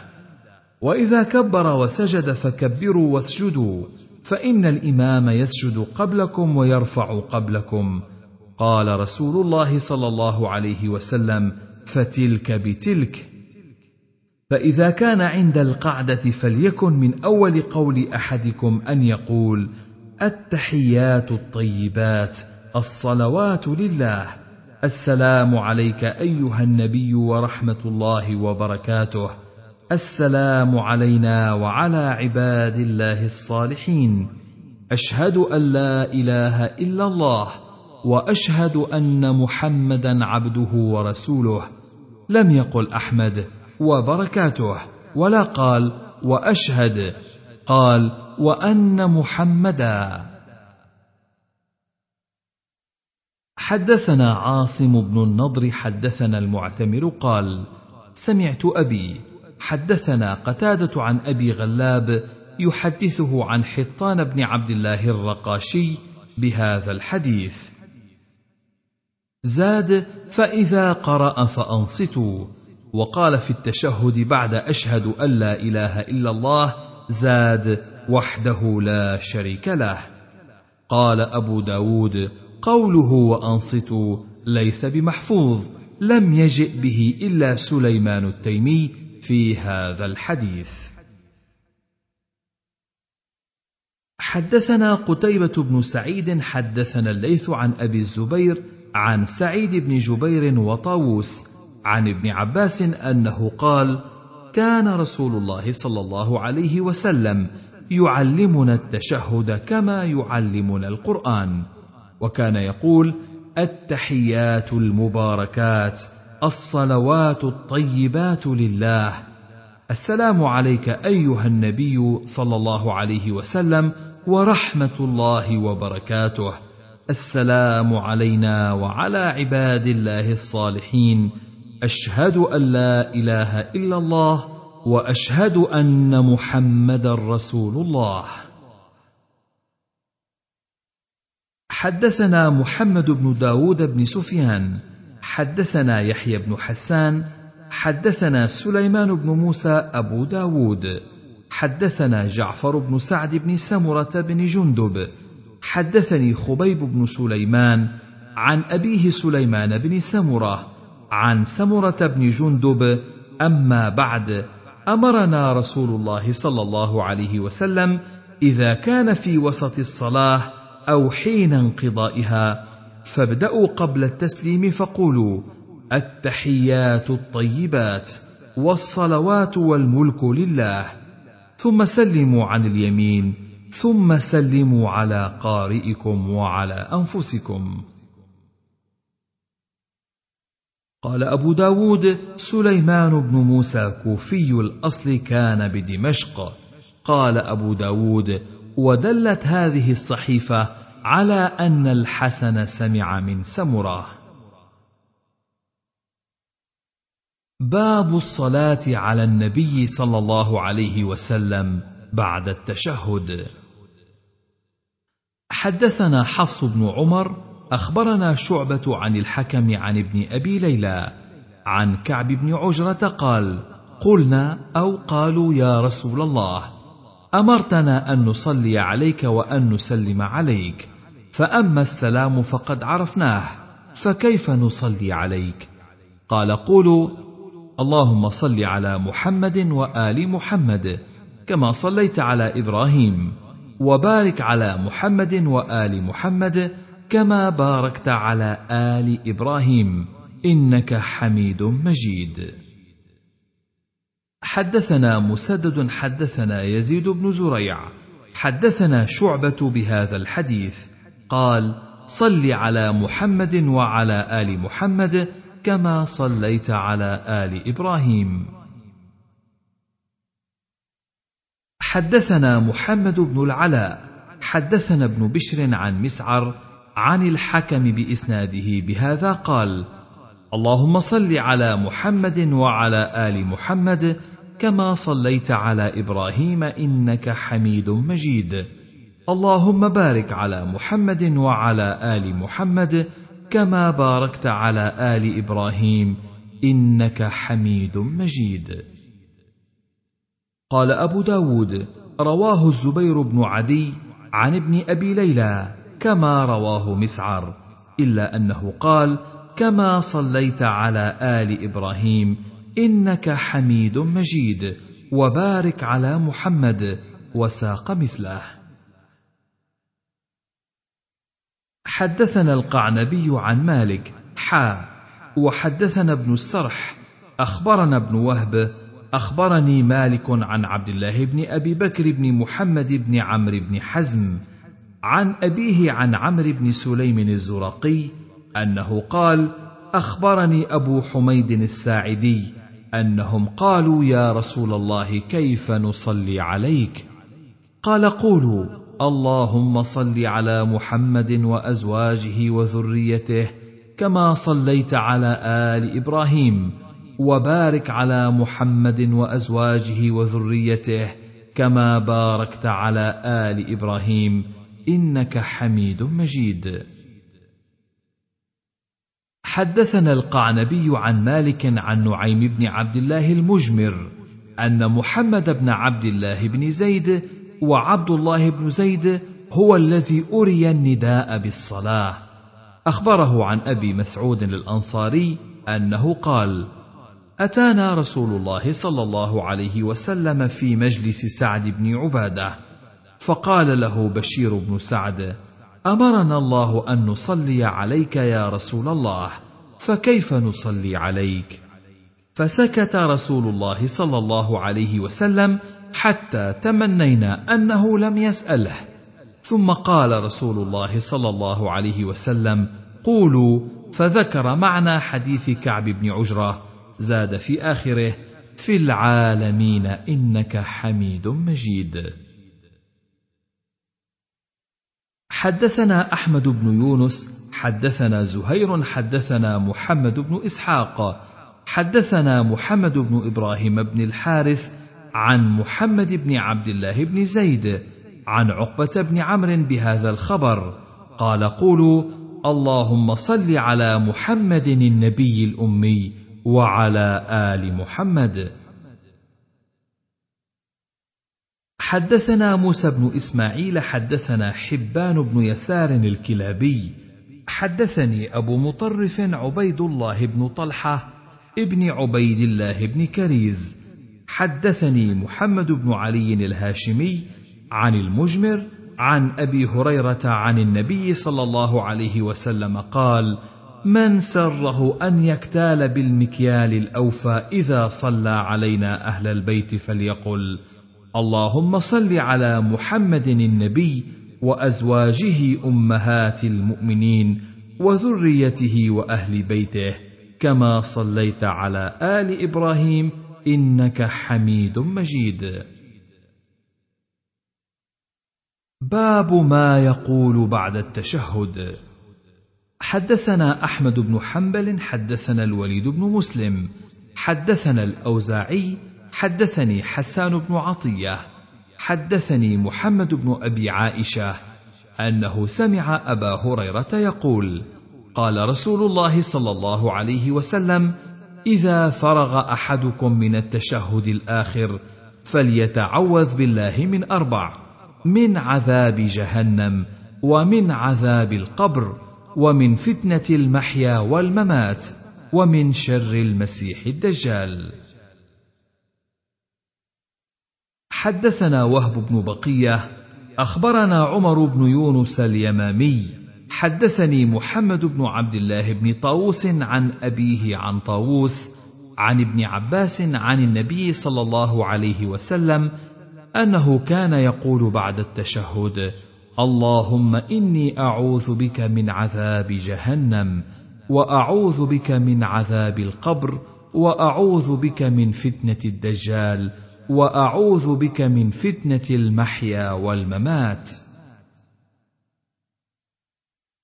حدثنا عبد الله بن عمرو أبو معمر حدثنا عبد الوارث حدثنا الحسين المعلم عن عبد الله بن بريدة عن حنظلة بن علي أن محجن بن الأدرع حدثه قال دخل رسول الله صلى الله عليه وسلم المسجد. فإذا هو برجل قد قضى صلاته وهو يتشهد وهو يقول اللهم إني أسألك يا الله الأحد الصمد الذي لم يلد ولم يولد ولم يكن له كفوا أحد أن تغفر لي ذنوبي إنك أنت الغفور الرحيم. قال فقال قد غفر له قد غفر له ثلاثا. باب إخفاء التشهد. حدثنا عبد الله بن سعيد الكندي حدثنا يونس يعني بن بكير عن محمد بن إسحاق عن عبد الرحمن بن الأسود عن أبيه عن عبد الله قال من السنة أن يخفى التشهد. باب الإشارة في التشهد. حدثنا القعنبي عن مالك عن مسلم بن أبي مريم عن علي بن عبد الرحمن المعاوي قال رآني عبد الله بن عمر وأنا أعبث بالحصى في الصلاة فلما انصرف نهاني وقال اصنع كما كان رسول الله صلى الله عليه وسلم يصنع.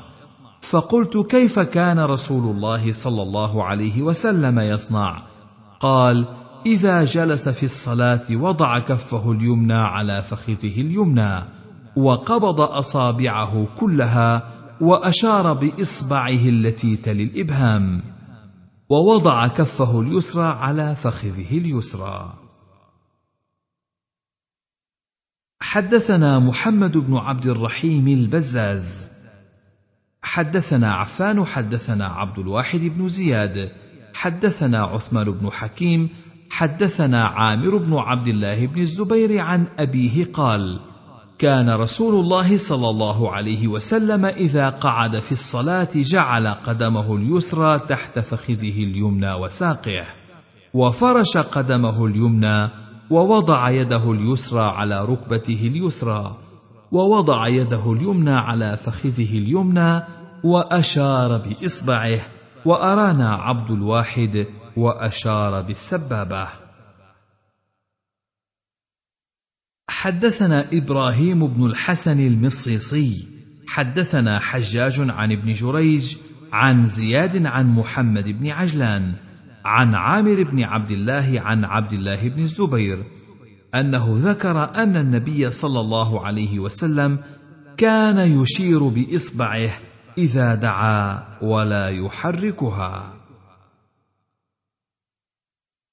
قال ابن جريج وزاد عمرو بن دينار قال أخبرني عامر عن أبيه أنه رأى النبي صلى الله عليه وسلم يدعو كذلك ويتحامل النبي صلى الله عليه وسلم بيده اليسرى على فخذه اليسرى. حدثنا محمد بن بشار حدثنا يحيى حدثنا ابن عجلان عن عامر بن عبد الله بن الزبير عن أبيه بهذا الحديث قال لا يجاوز بصره إشارته وحديث حجاج أتم. حدثنا عبد الله بن محمد النفيلي حدثنا عثمان يعني بن عبد الرحمن حدثنا عصام بن قدامة من بني بجيلة عن مالك بن نمير الخزاعي عن أبيه قال رأيت النبي صلى الله عليه وسلم واضعا ذراعه اليمنى على فخذه اليمنى رافعا إصبعه السبابة قد حناها شيئا. باب كراهية الاعتماد على اليد في الصلاة. حدثنا أحمد بن حنبل وأحمد بن محمد بن شبوية ومحمد بن رافع ومحمد بن عبد الملك الغزال. قالوا حدثنا عبد الرزاق عن معمر عن إسماعيل بن أمية عن نافع عن ابن عمر قال نهى رسول الله صلى الله عليه وسلم قال أحمد بن حنبل أن يجلس الرجل في الصلاة وهو معتمد على يده. وقال ابن شبوية نهى أن يعتمد الرجل على يده في الصلاة. وقال ابن رافع نهى أن يصلي الرجل وهو معتمد على يده. وذكره في باب الرفع من السجود. وقال ابن عبد الملك نهى أن يعتمد الرجل على يديه إذا نهض في الصلاة. حدثنا بشر بن هلال حدثنا عبد الوارث عن إسماعيل بن أمية قال سالت نافعا عن الرجل يصلي وهو مشبك يديه. قال قال ابن عمر تلك صلاة المغضوب عليهم. حدثنا هارون بن زيد بن أبي الزرقاء. حدثنا أبي حا. وحدثنا محمد بن سلمة. حدثنا ابن وهب وهذا لفظه. جميعا عن هشام بن سعد عن نافع. عن ابن عمر أنه رأى رجلا يتكئ على يده اليسرى وهو قاعد في الصلاة وقال هارون بن زيد ساقط على شقه الأيسر ثم اتفقا فقال له لا تجلس هكذا فإن هكذا يجلس الذين يعذبون. باب في تخفيف القعود.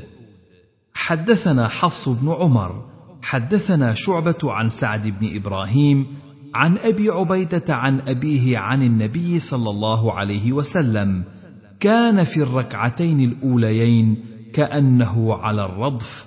قال قلنا حتى يقوم قال حتى يقوم. باب في السلام. حدثنا محمد بن كثير أخبرنا سفيان حا وحدثنا أحمد بن يونس حدثنا زائدة حا. وحدثنا مسدد حدثنا أبو الأحوص حا. وحدثنا محمد بن عبيد المحاربي وزياد بن أيوب قالا حدثنا عمر بن عبيد الطنافسي حا. وحدثنا تميم بن المنتصر أخبرنا إسحاق يعني ابن يوسف عن شريك حا. وحدثنا أحمد بن منيع حدثنا حسين بن محمد حدثنا إسرائيل كلهم عن أبي إسحاق عن أبي الأحوص عن عبد الله وقال إسرائيل عن أبي الأحوص والأسود عن عبد الله أن النبي صلى الله عليه وسلم كان يسلم عن يمينه وعن شماله حتى يرى بياض خده. السلام عليكم ورحمة الله. السلام عليكم ورحمة الله. قال أبو داود وهذا لفظ حديث سفيان وحديث شريك لم يفسره. قال أبو داود ورواه زهير عن أبي إسحاق ويحيى بن آدم عن إسرائيل عن أبي إسحاق عن عبد الرحمن بن الأسود عن أبيه وعلقمة عن عبد الله. قال أبو داود شعبة كان ينكر هذا الحديث. حديث أبي إسحاق أن يكون مرفوعا. حدثنا عبدة بن عبد الله حدثنا يحيى بن آدم حدثنا موسى بن قيس الحضرمي عن سلمة بن كهيل عن علقمة بن وائل. عن أبيه قال: صليت مع النبي صلى الله عليه وسلم فكان يسلم عن يمينه السلام عليكم ورحمة الله وبركاته وعن شماله السلام عليكم ورحمة الله. حدثنا عثمان بن أبي شيبة حدثنا يحيى بن زكريا ووكيع عن مسعر عن عبيد الله بن القبطية عن جابر بن سمرة قال كنا إذا صلينا خلف رسول الله صلى الله عليه وسلم فسلم أحدنا أشار بيده من عن يمينه ومن عن يساره فلما صلى قال ما بال أحدكم يومي بيده؟ كأنها أذناب خيل شمس إنما يكفي أحدكم أو ألا يكفي أحدكم أن يقول هكذا وأشار بإصبعه. يسلم على أخيه من عن يمينه ومن عن شماله. حدثنا محمد بن سليمان الأنباري حدثنا أبو نعيم عن مسعر بإسناده ومعناه قال أما يكفي أحدكم أو أحدهم أن يضع يده على فخذه ثم يسلم على أخيه من عن يمينه ومن عن شماله.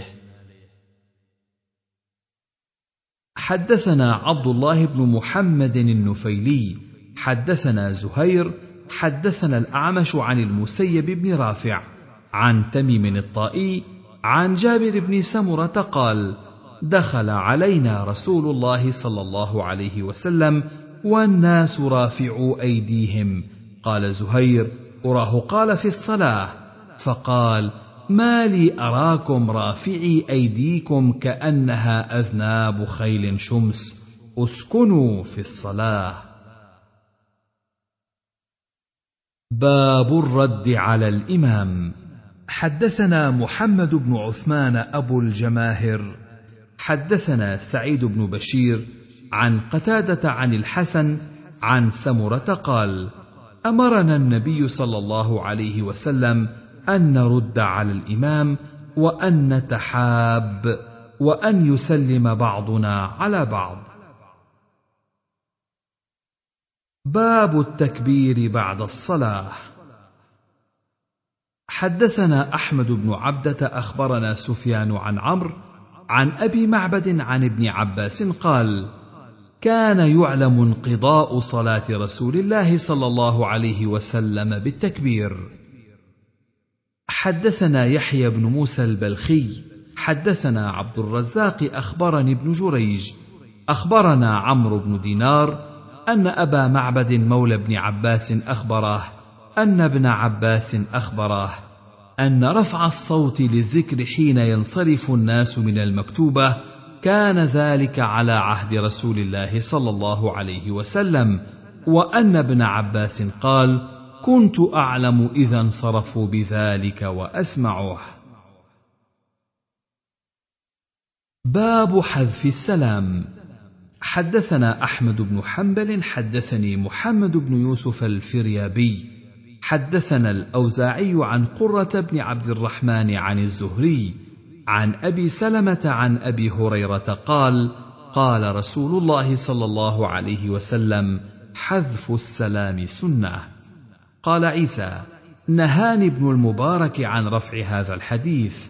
قال أبو داود سمعت أبا عمير عيسى بن يونس الفاخوري الرملي قال لما رجع الفريابي من مكة ترك رفع هذا الحديث وقال نهاه أحمد بن حنبل عن رفعه.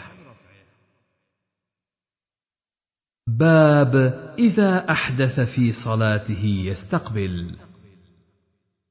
حدثنا عثمان بن أبي شيبة حدثنا جرير بن عبد الحميد عن عاصم الأحول عن عيسى بن حطان عن مسلم بن سلام عن علي بن طلق قال قال رسول الله صلى الله عليه وسلم إذا فسى أحدكم في الصلاة فلينصرف فليتوضأ وليعد صلاته. باب في الرجل يتطوع في مكانه الذي صلى فيه المكتوبة. حدثنا مسدد حدثنا حماد وعبد الوارث عن ليث عن الحجاج بن عبيد عن إبراهيم بن إسماعيل عن أبي هريرة قال قال رسول الله صلى الله عليه وسلم أيعجز أحدكم؟ قال عبد الوارث أن يتقدم أو يتأخر أو عن يمينه أو عن شماله. زاد في حديث حماد في الصلاة يعني في السبحه حدثنا عبد الوهاب بن نجدة حدثنا أشعث بن شعبة عن الملهال بن خليفة عن الأزرق بن قيس قال صلى بنا إمام لنا يكنى أبا رمثة فقال صليت هذه الصلاة أو مثل هذه الصلاة مع النبي صلى الله عليه وسلم. قال وكان أبو بكر وعمر يقومان في الصف المقدم عن يمينه وكان رجل قد شهد التكبيرة الأولى من الصلاة. فصلى نبي الله صلى الله عليه وسلم ثم سلم عن يمينه وعن يساره حتى رأينا بياض خديه. ثم انفتل كانفتال أبي رنثاه يعني نفسه. فقام الرجل الذي أدرك معه التكبيرة الأولى من الصلاة يشفع. فوثب إليه عمر فأخذ بمنكبيه فهزه ثم قال اجلس فإنه لم يهلك أهل الكتاب إلا أنهم لم يكن بين صلواتهم فصل. فرفع النبي صلى الله عليه وسلم بصره فقال أصاب الله بك يا ابن الخطاب. قال أبو داود وقد قيل أبو أمية مكان أبي رمثة. باب السهو في السجدتين. حدثنا محمد بن عبيد حدثنا حماد بن زيد عن أيوب عن محمد عن أبي هريرة قال صلى بنا رسول الله صلى الله عليه وسلم إحدى صلاتي العشي الظهر أو العصر. قال فصلى بنا ركعتين ثم سلم ثم قام إلى خشبة في مقدم المسجد فوضع يديه عليها إحداهما على الأخرى. يعرف في وجهه الغضب ثم خرج سرعان الناس وهم يقولون قصرت الصلاة قصرت الصلاة. وفي الناس أبو بكر وعمر فهاباه أن يكلماه. فقام رجل كان رسول الله صلى الله عليه وسلم يسميه ذا اليدين. فقال يا رسول الله أنسيت أم قصرت الصلاة؟ قال لم أنس ولم تقصر الصلاة. قال بل نسيت يا رسول الله. فأقبل رسول الله صلى الله عليه وسلم على القوم فقال أصدق ذو اليدين. فأومأوا أي نعم. فرجع رسول الله صلى الله عليه وسلم إلى مقامه. فصلى الركعتين الباقيتين ثم سلم ثم كبر وسجد مثل سجوده أو أطول ثم رفع وكبر وسجد مثل سجوده أو أطول ثم رفع وكبر. قال فقيل لمحمد سلم في السهو فقال لم أحفظه من أبي هريرة. ولكن نبئت أن عمران بن حسين قال ثم سلم. حدثنا عبد الله بن مسلمة عن مالك عن أيوب عن محمد بإسناده وحديث حماد أتم. قال ثم صلى رسول الله صلى الله عليه وسلم لم يقل بنا ولم يقل فأومأوا. قال فقال الناس نعم قال ثم رفع ولم يقل وكبر ثم كبر وسجد مثل سجوده أو أطول ثم رفع وتم حديثه. لم يذكر ما بعده. ولم يذكر فأومأوا إلا حماد بن زيد. قال أبو داود وكل من روى هذا الحديث لم يقل فكبر ولا ذكر رجع. حدثنا مسدد حدثنا بشر يعني ابن المفضل. حدثنا سلمة يعني ابن علقمة. عن محمد عن أبي هريرة قال صلى بنا رسول الله صلى الله عليه وسلم بمعنى حماد كله إلى آخر قوله. نبئت أن عمران بن حسين قال ثم سلم قال قلت فالتشهد قال لم أسمع في التشهد وأحب إلي أن يتشهد ولم يذكر كان يسميه ذا اليدين ولا ذكر فأومأوا ولا ذكر الغضب وحديث حماد عن أيوب أتم.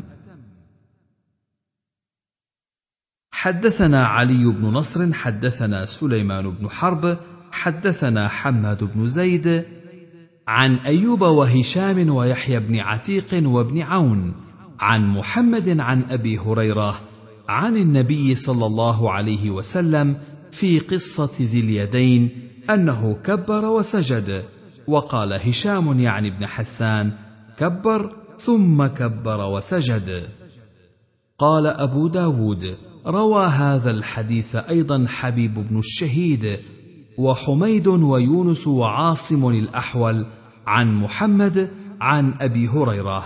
لم يذكر أحد منهم ما ذكر حماد بن زيد عن هشام أنه كبر ثم كبر وسجد. وروى حماد بن سلمة وأبو بكر بن عياش هذا الحديث عن هشام. لم يذكر عنه هذا الذي ذكره حماد بن زيد أنه كبر ثم كبر. حدثنا محمد بن يحيى بن فارس حدثنا محمد بن كثير عن الأوزاعي عن الزهري عن سعيد بن المسيب وأبي سلمة وعبيد الله بن عبد الله. عن أبي هريرة بهذه القصة. قال ولم يسجد سجدتي السهو حتى يقنه الله ذلك. حدثنا حجاج بن أبي يعقوب حدثنا يعقوب يعني ابن إبراهيم حدثنا أبي عن صالح عن ابن شهاب أن أبا بكر بن سليمان بن أبي حثمة أخبره أنه بلغه أن رسول الله صلى الله عليه وسلم بهذا الخبر. قال ولم يسجد السجدتين اللتين تسجدان إذا شك حتى لقاه الناس. قال ابن شهاب وأخبرني بهذا الخبر سعيد بن المسيب عن أبي هريرة قال وأخبرني أبو سلمة بن عبد الرحمن وأبو بكر بن الحارث بن هشام وعبيد الله بن عبد الله. قال أبو داود رواه يحيى بن أبي كثير وعمران بن أبي أنس عن أبي سلمة بن عبد الرحمن والعلاء بن عبد الرحمن عن أبيه جميعا عن أبي هريرة بهذه القصة ولم يذكر أنه سجد السجدتين. قال أبو داود ورواه الزبيدي عن الزهري عن أبي بكر بن سليمان بن أبي حثمة عن النبي صلى الله عليه وسلم قال فيه ولم يسجد سجدتي السهو حدثنا عبيد الله بن معاذ حدثنا أبي حدثنا شعبة عن سعد بن إبراهيم سمع أبا سلمة بن عبد الرحمن عن أبي هريرة أن النبي صلى الله عليه وسلم صلى الظهر. فسلم في الركعتين فقيل له نقصت الصلاة فصلى ركعتين ثم سجد سجدتين. حدثنا إسماعيل بن أسد أخبرنا شبابه حدثنا ابن أبي ذئب عن سعيد بن أبي سعيد المقبوري عن أبي هريرة أن النبي صلى الله عليه وسلم انصرف من الركعتين من صلاة المكتوبة. فقال له رجل أقصرت الصلاة يا رسول الله أم نسيت؟ قال كل ذلك لم أفعل. فقال الناس قد فعلت ذلك يا رسول الله. فركع ركعتين أخريين ثم انصرف ولم يسجد سجدتي السهو. قال أبو داود رواه داود بن الحصين عن أبي سفيان مولى بن أبي أحمد. عن أبي هريرة عن النبي صلى الله عليه وسلم بهذه القصة. قال ثم سجد سجدتين وهو جالس بعد التسليم. حدثنا هارون بن عبد الله حدثنا هاشم بن القاسم حدثنا عكرمة بن عمار عن ضمضم بن جوس الهفاني. حدثني أبو هريرة بهذا الخبر قال ثم سجد سجدتي السهو بعدما سلم. حدثنا أحمد بن محمد بن ثابت حدثنا أبو أسامة حا وحدثنا محمد بن العلاء أخبرنا أبو أسامة أخبرني عبيد الله عن نافع عن ابن عمر قال صلى بنا رسول الله صلى الله عليه وسلم فسلم في الركعتين فذكر نحو حديث ابن سيرين عن أبي هريرة قال ثم سلم ثم سجد سجدتي السهو. حدثنا مسدد حدثنا يزيد بن زريع حا. وحدثنا مسدد حدثنا مسلمة بن محمد قال حدثنا خالد الحذاء حدثنا أبو قلابة عن أبي المهلب عن عمران بن حسين قال سلم رسول الله صلى الله عليه وسلم في ثلاث ركعات من العصر ثم دخل. قال عن مسلمة الحجر. فقام إليه رجل يقال له الخرباق كان طويل اليدين. فقال أقصرت الصلاة يا رسول الله؟ فخرج مغضبا يجر رداءه. فقال أصدق؟ قالوا نعم. فصلى تلك الركعة.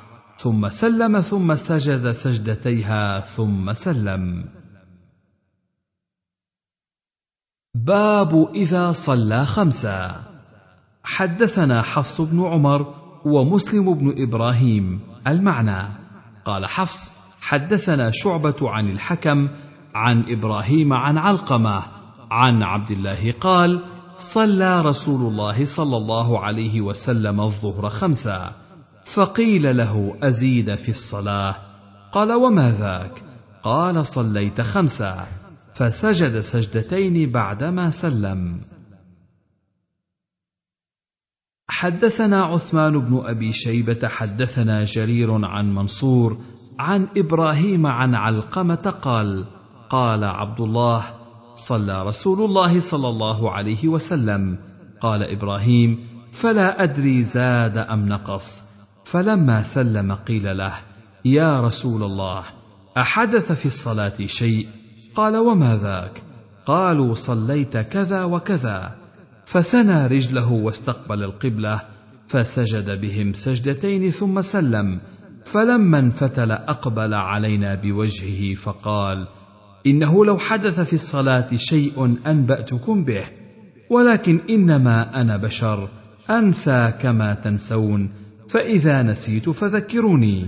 وقال إذا شك أحدكم في صلاته فليتحرى الصواب فليتم عليه ثم ليسلم ثم ليسجد سجدتين. حدثنا محمد بن عبد الله بن نمير حدثنا أبي حدثنا الأعمش عن إبراهيم عن علقمة عن عبد الله بهذا. قال فإذا نسي أحدكم فليسجد سجدتين ثم تحول فسجد سجدتين. قال أبو داود رواه حسين نحو الأعمش. حدثنا نصر بن علي أخبرنا جرير حا.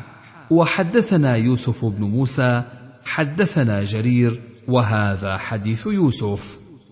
عن الحسن بن عبيد الله. عن إبراهيم بن سويد عن علقمة قال قال عبد الله صلى بنا رسول الله صلى الله عليه وسلم خمسا. فلما انفتل توشوش القوم بينهم. فقال ما شأنكم؟ قالوا يا رسول الله هل زيد في الصلاة؟ قال لا. قالوا فإنك قد صليت خمسا. فانفتل فسجد سجدتين ثم سلم ثم قال إنما أنا بشر أنسى كما تنسون. حدثنا قتيبة بن سعيد حدثنا الليث يعني بن سعد عن يزيد بن أبي حبيب أن سويد بن قيس أخبره عن معاوية بن حديج أن رسول الله صلى الله عليه وسلم صلى يوما فسلم وقد بقيت من الصلاة ركعة. فأدركه رجل فقال نسيت من الصلاة ركعة. فرجع فدخل المسجد وأمر بلالا فأقام الصلاة فصلى للناس ركعة. فأخبرت بذلك الناس فقالوا لي أتعرف الرجل؟ قلت لا إلا أن أراه. فمر بي فقلت هذا هو. فقالوا هذا طلحة بن عبيد الله.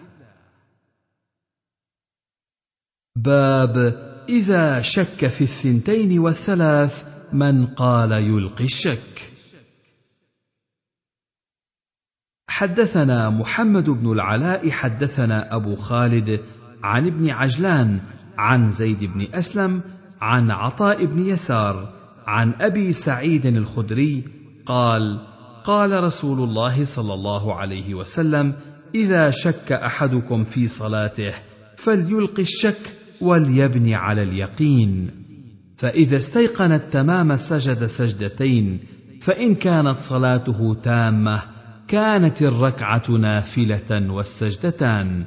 وإن كانت ناقصة كانت الركعة تماما لصلاته. وكانت السجدتان مرغمتي الشيطان. قال أبو داود رواه هشام بن سعد ومحمد بن مطرف عن زيد عن عطاء بن يسار عن أبي سعيد الخدري عن النبي صلى الله عليه وسلم وحديث أبي خالد أشبع. حدثنا محمد بن عبد العزيز بن أبي رزمة أخبرنا الفضل بن موسى عن عبد الله بن كيسان عن عكرمة عن ابن عباس أن النبي صلى الله عليه وسلم سمى سجدتي السهو المرغمتين.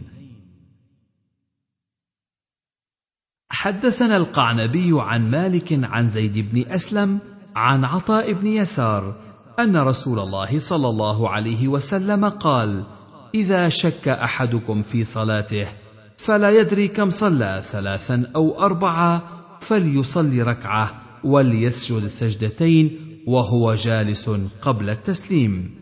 وإن كانت الركعة التي صلى خامسة شفعها بهاتين وإن كانت رابعة فالسجدتان ترغيم للشيطان. حدثنا قتيبة حدثنا يعقوب بن عبد الرحمن القاري عن زيد بن أسلم بإسناد مالك. قال إن النبي صلى الله عليه وسلم قال: إذا شك أحدكم في صلاته فإن استيقن أن قد صلى ثلاثا فليقم فليتم ركعة بسجودها ثم يجلس فيتشهد فإذا فرغ فلم يبق إلا أن يسلم فليسجد سجدتين وهو جالس ثم يسلم. ثم ذكر معنى مالك.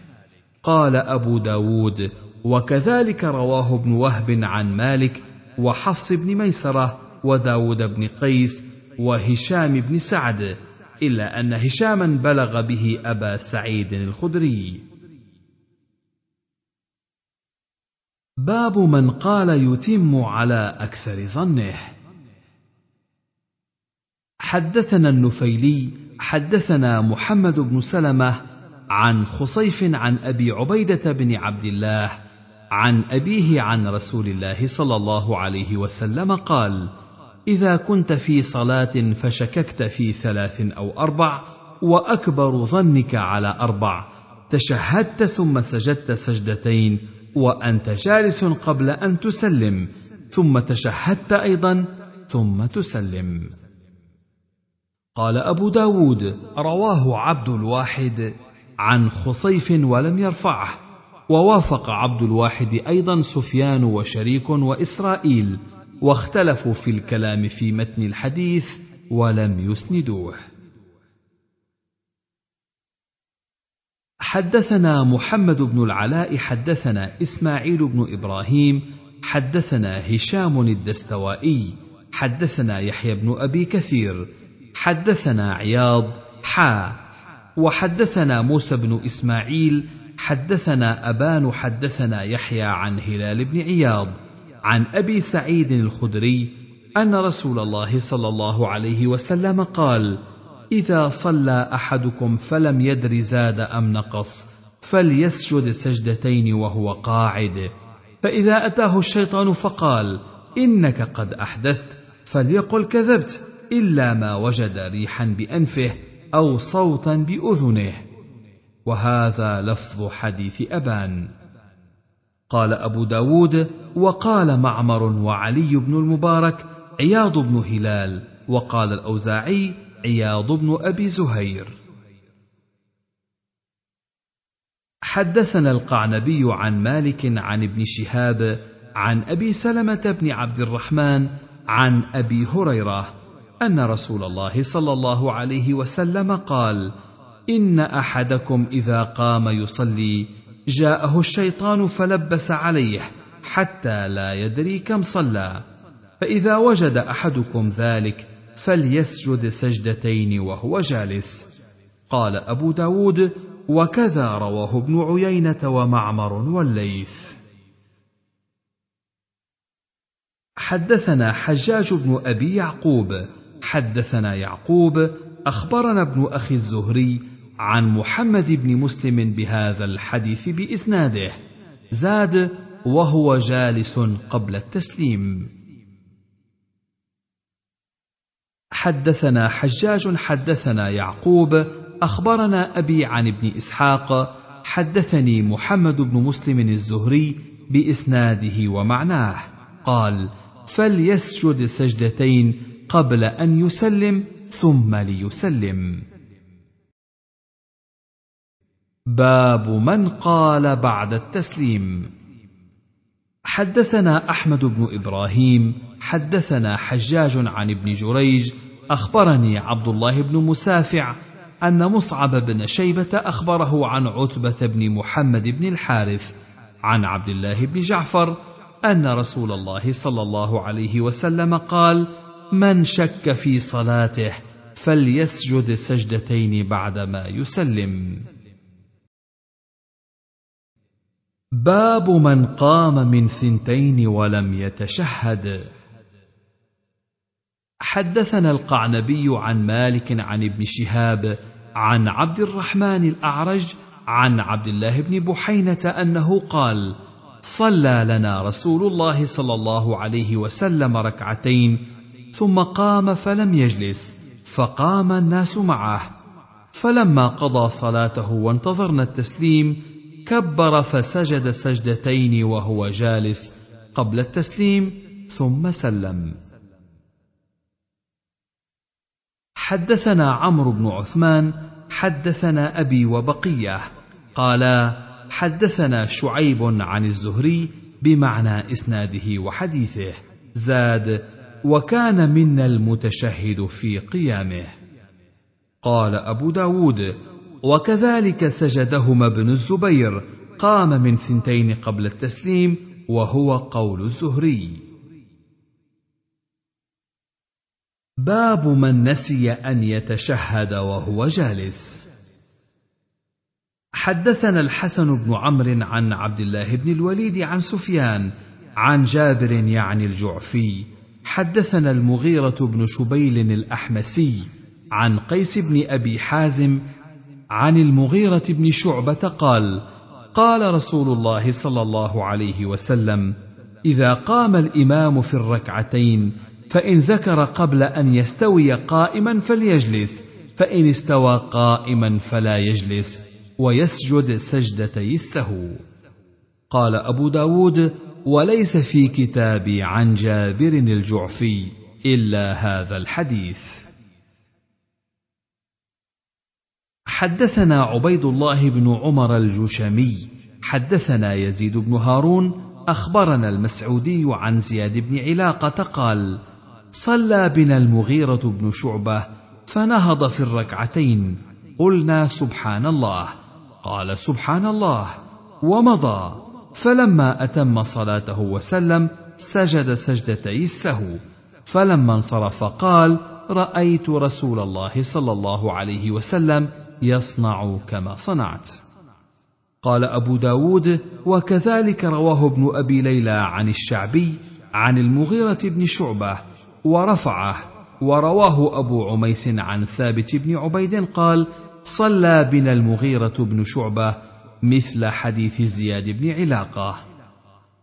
قال أبو داود أبو عميس أخو المسعودي وفعل سعد بن أبي وقاص مثل ما فعل المغيرة وعمران بن حسين والضحاك بن قيس ومعاوية بن أبي سفيان وابن عباس أفتى بذلك وعمر بن عبد العزيز.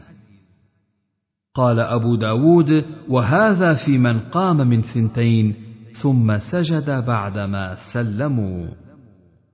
حدثنا عمرو بن عثمان والربيع بن نافع وعثمان بن أبي شيبة وشجاع بن مخلد بمعنى الإسناد أن ابن عياش حدثهم عن عبيد الله بن عبيد الكلاعي عن زهير يعني بن سالم العنسي عن عبد الرحمن بن جبير بن نفير قال عمرو وحده عن أبيه عن ثوبان عن النبي صلى الله عليه وسلم قال لكل سهو سجدتان بعدما يسلم. ولم يذكر عن أبيه غير عمرو. باب سجدتي السهو فيهما تشهد وتسليم.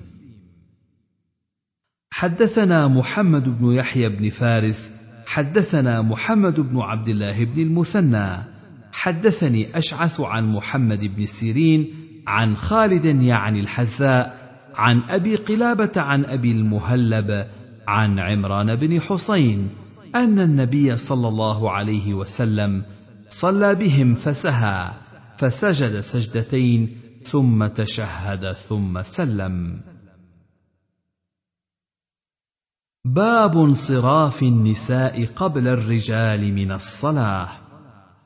حدثنا محمد بن يحيى ومحمد بن رافع قال حدثنا عبد الرزاق أخبرنا معمر عن الزهري عن هند بنت الحارث عن أم سلمة قالت كان رسول الله صلى الله عليه وسلم إذا سلم مكث قليلا وكانوا يرون أن ذلك كيما ينفذ النساء قبل الرجال.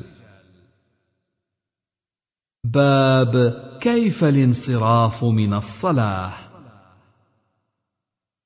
حدثنا أبو الوليد الطيالسي حدثنا شعبة عن سماك بن حرب عن قبيصة بن هلب رجل من طي عن أبيه أنه صلى مع النبي صلى الله عليه وسلم فكان ينصرف عن شقيه.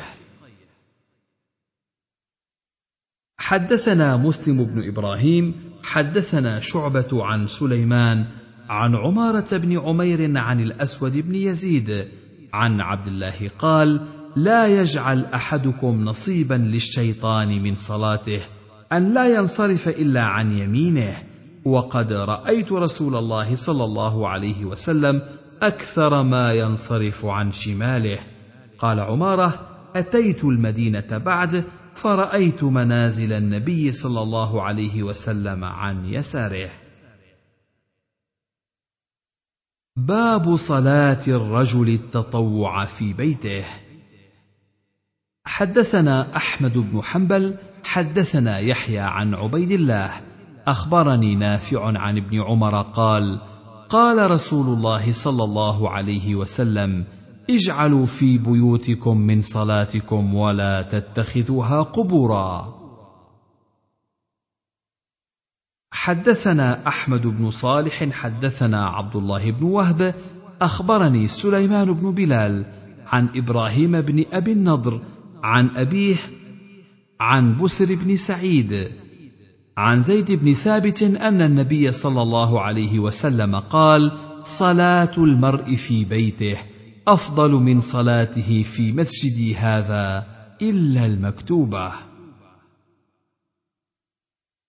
باب من صلى لغير القبلة ثم علم.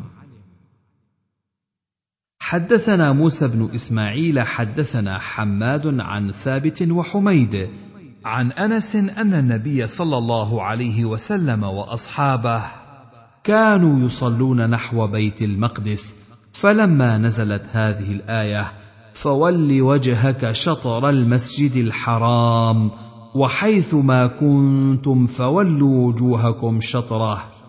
فمر رجل من بني سلمة فناداهم وهم ركوع في صلاة الفجر نحو بيت المقدس. ألا إن القبلة قد حولت إلى الكعبة؟ مرتين. قال فمالوا كما هم ركوع إلى الكعبة. باب تفريع أبواب الجمعة. باب فضل يوم الجمعة وليلة الجمعة. حدثنا القعنبي عن مالك عن يزيد بن عبد الله بن الهاد عن محمد بن إبراهيم عن أبي سلمة بن عبد الرحمن عن أبي هريرة قال قال رسول الله صلى الله عليه وسلم خير يوم طلعت فيه الشمس يوم الجمعة فيه خلق آدم وفيه أهبط وفيه تيب عليه وفيه مات وفيه تقوم الساعة وما من دابة إلا وهي مسيخه يوم الجمعة من حين تصبح حتى تطلع الشمس شفقا من الساعة إلا الجن والإنس وفيها ساعة لا يصادفها عبد مسلم وهو يصلي يسأل الله عز وجل حاجة إلا أعطاه إياها. قال كعب ذلك في كل سنة يوم. فقلت بل في كل جمعة.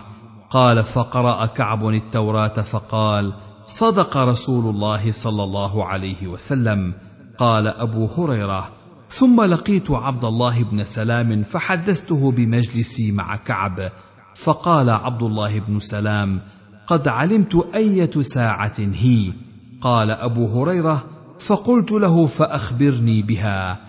فقال عبد الله بن سلام هي آخر ساعة من يوم الجمعة. فقلت كيف هي آخر ساعة من يوم الجمعة؟ وقد قال رسول الله صلى الله عليه وسلم لا يصادفها عبد مسلم وهو يصلي وتلك الساعة لا يصلى فيها. فقال عبد الله بن سلام ألم يقل رسول الله صلى الله عليه وسلم من جلس مجلسا ينتظر الصلاة فهو في صلاة حتى يصلي؟ قال فقلت بلى. قال هو ذاك. حدثنا هارون بن عبد الله حدثنا حسين بن علي عن عبد الرحمن بن يزيد بن جابر عن أبي الأشعث الصنعاني عن أوس بن أوس قال قال رسول الله صلى الله عليه وسلم إن من أفضل أيامكم يوم الجمعة. فيه خلق آدم وفيه قبض وفيه النفخة وفيه الصعقة. فأكثروا علي من الصلاة فيه فإن صلاتكم معروضة علي. قال قالوا يا رسول الله وكيف تعرض صلاتنا عليك وقد أرمت؟ قال يقولون بليت. فقال إن الله عز وجل حرم على الأرض أجساد الأنبياء. باب الإجابة أية ساعة هي في يوم الجمعة؟ حدثنا أحمد بن صالح حدثنا ابن وهب أخبرني عمرو يعني بن الحارث أن الجلاح مولى عبد العزيز حدثه أن أبا سلمة يعني بن عبد الرحمن حدثه عن جابر بن عبد الله عن رسول الله صلى الله عليه وسلم أنه قال يوم الجمعة ثنتا عشرة يريد ساعة. لا يوجد مسلم يسأل الله شيئا إلا آتاه الله عز وجل فالتمسوها آخر ساعة بعد العصر. حدثنا أحمد بن صالح حدثنا ابن وهب أخبرني مخرمة يعني ابن بكير عن أبيه عن أبي بردة بن أبي موسى الأشعري قال قال لي عبد الله بن عمر أسمعت أباك يحدث عن رسول الله صلى الله عليه وسلم في شأن الجمعة يعني الساعة. قال قلت نعم. سمعته يقول سمعت رسول الله صلى الله عليه وسلم يقول هي ما بين أن يجلس الإمام إلى أن تقضى الصلاة. قال أبو داود يعني على المنبر. باب فضل الجمعة.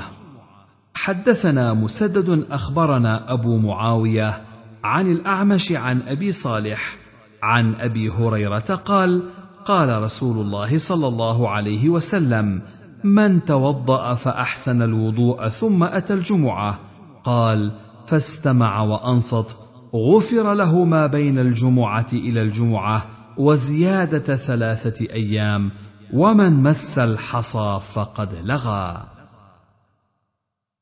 حدثنا إبراهيم بن موسى أخبرنا عيسى. حدثنا عبد الرحمن بن يزيد بن جابر. حدثني عطاء الخراساني عن مولى امرأته أم عثمان.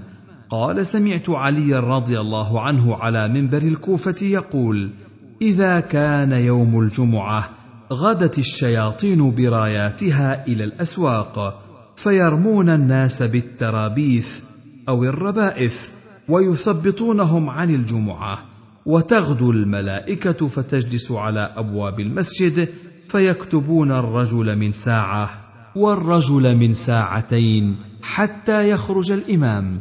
فإذا جلس الرجل مجلسا يستمكن فيه من الاستماع والنظر فأنصت ولم يلغ كان له كفلان من أجر. فإن ناى وجلس حيث لا يسمع فأنصت ولم يلغ كان له كفل من أجر. وإن جلس مجلسا يستمكن فيه من الاستماع والنظر فلغى ولم ينصت كان له كفل من وزر. ومن قال يوم الجمعة لصاحبه صح فقد لغى ومن لغى فليس له في جمعته تلك شيء. ثم يقول في آخر ذلك سمعت رسول الله صلى الله عليه وسلم يقول ذلك. قال أبو داود رواه الوليد بن مسلم عن ابن جابر قال بالربائث. وقال مولى امرأته أم عثمان بن عطاء. باب التشديد في ترك الجمعة. حدثنا مسدد حدثنا يحيى عن محمد بن عمرو. حدثني عبيدة بن سفيان الحضرمي عن أبي الجعد الضمري وكانت له صحبة أن رسول الله صلى الله عليه وسلم قال: من ترك ثلاث جمع تهاونا بها طبع الله على قلبه. باب كفارة من تركها.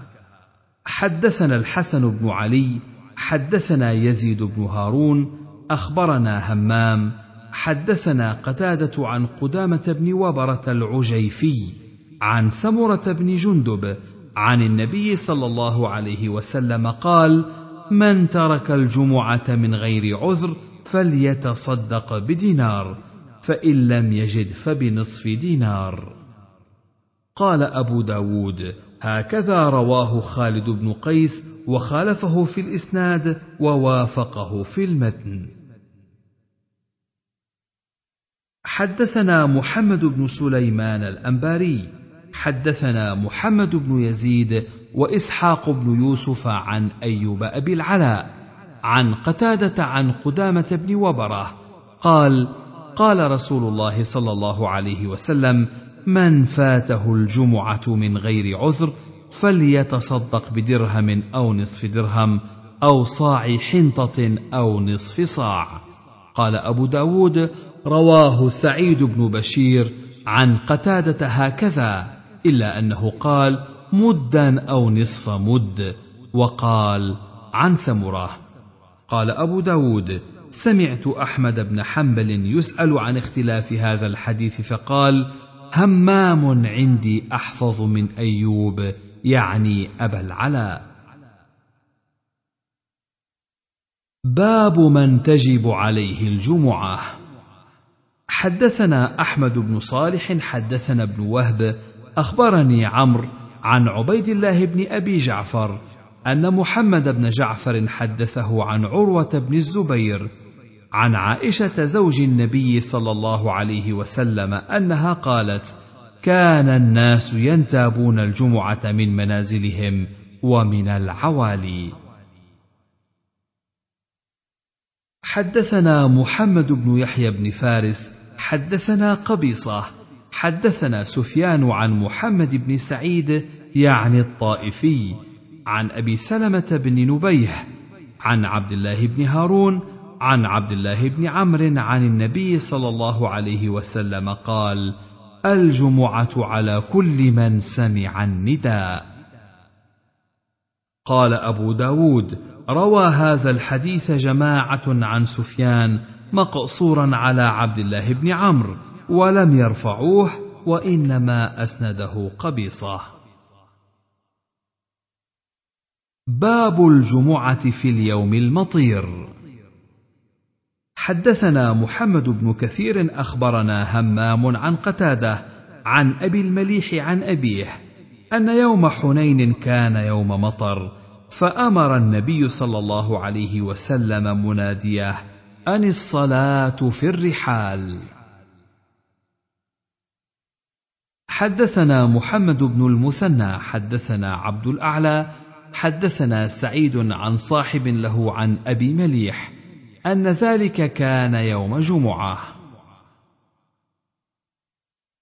حدثنا نصر بن علي قال سفيان بن حبيب خبرنا عن خالد الحذاء عن أبي قلابة عن أبي المليح عن أبيه أنه شهد النبي صلى الله عليه وسلم زمن الحديبية في يوم جمعة وأصابهم مطر لم يبتل أسفل نعالهم.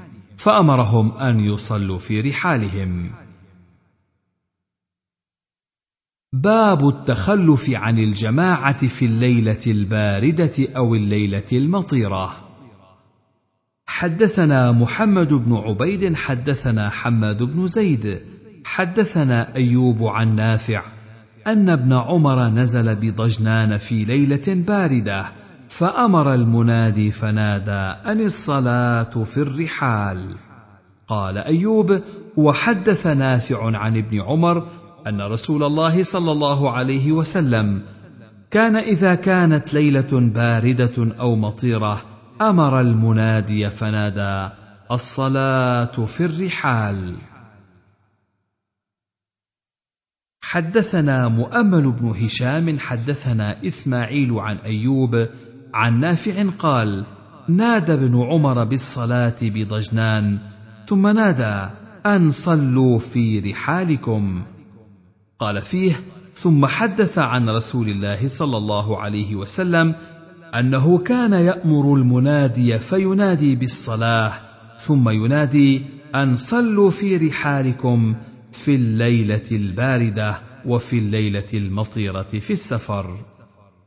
قال أبو داود ورواه حماد بن سلمة عن أيوب وعبيد الله. قال فيه في السفر في الليلة القرة أو المطيرة. حدثنا عثمان بن أبي شيبة حدثنا أبو أسامة عن عبيد الله عن نافع عن ابن عمر أنه نادى بالصلاة بضجنان في ليلة ذات برد وريح. فقال في آخر ندائه ألا صلوا في رحالكم ألا صلوا في الرحال؟ ثم قال إن رسول الله صلى الله عليه وسلم كان يأمر المؤذن إذا كانت ليلة باردة أو ذات مطر في سفر يقول ألا صلوا في رحالكم. حدثنا القعنبي عن مالك عن نافع أن ابن عمر يعني أذن بالصلاة في ليلة ذات برد وريح فقال ألا صلوا في الرحال؟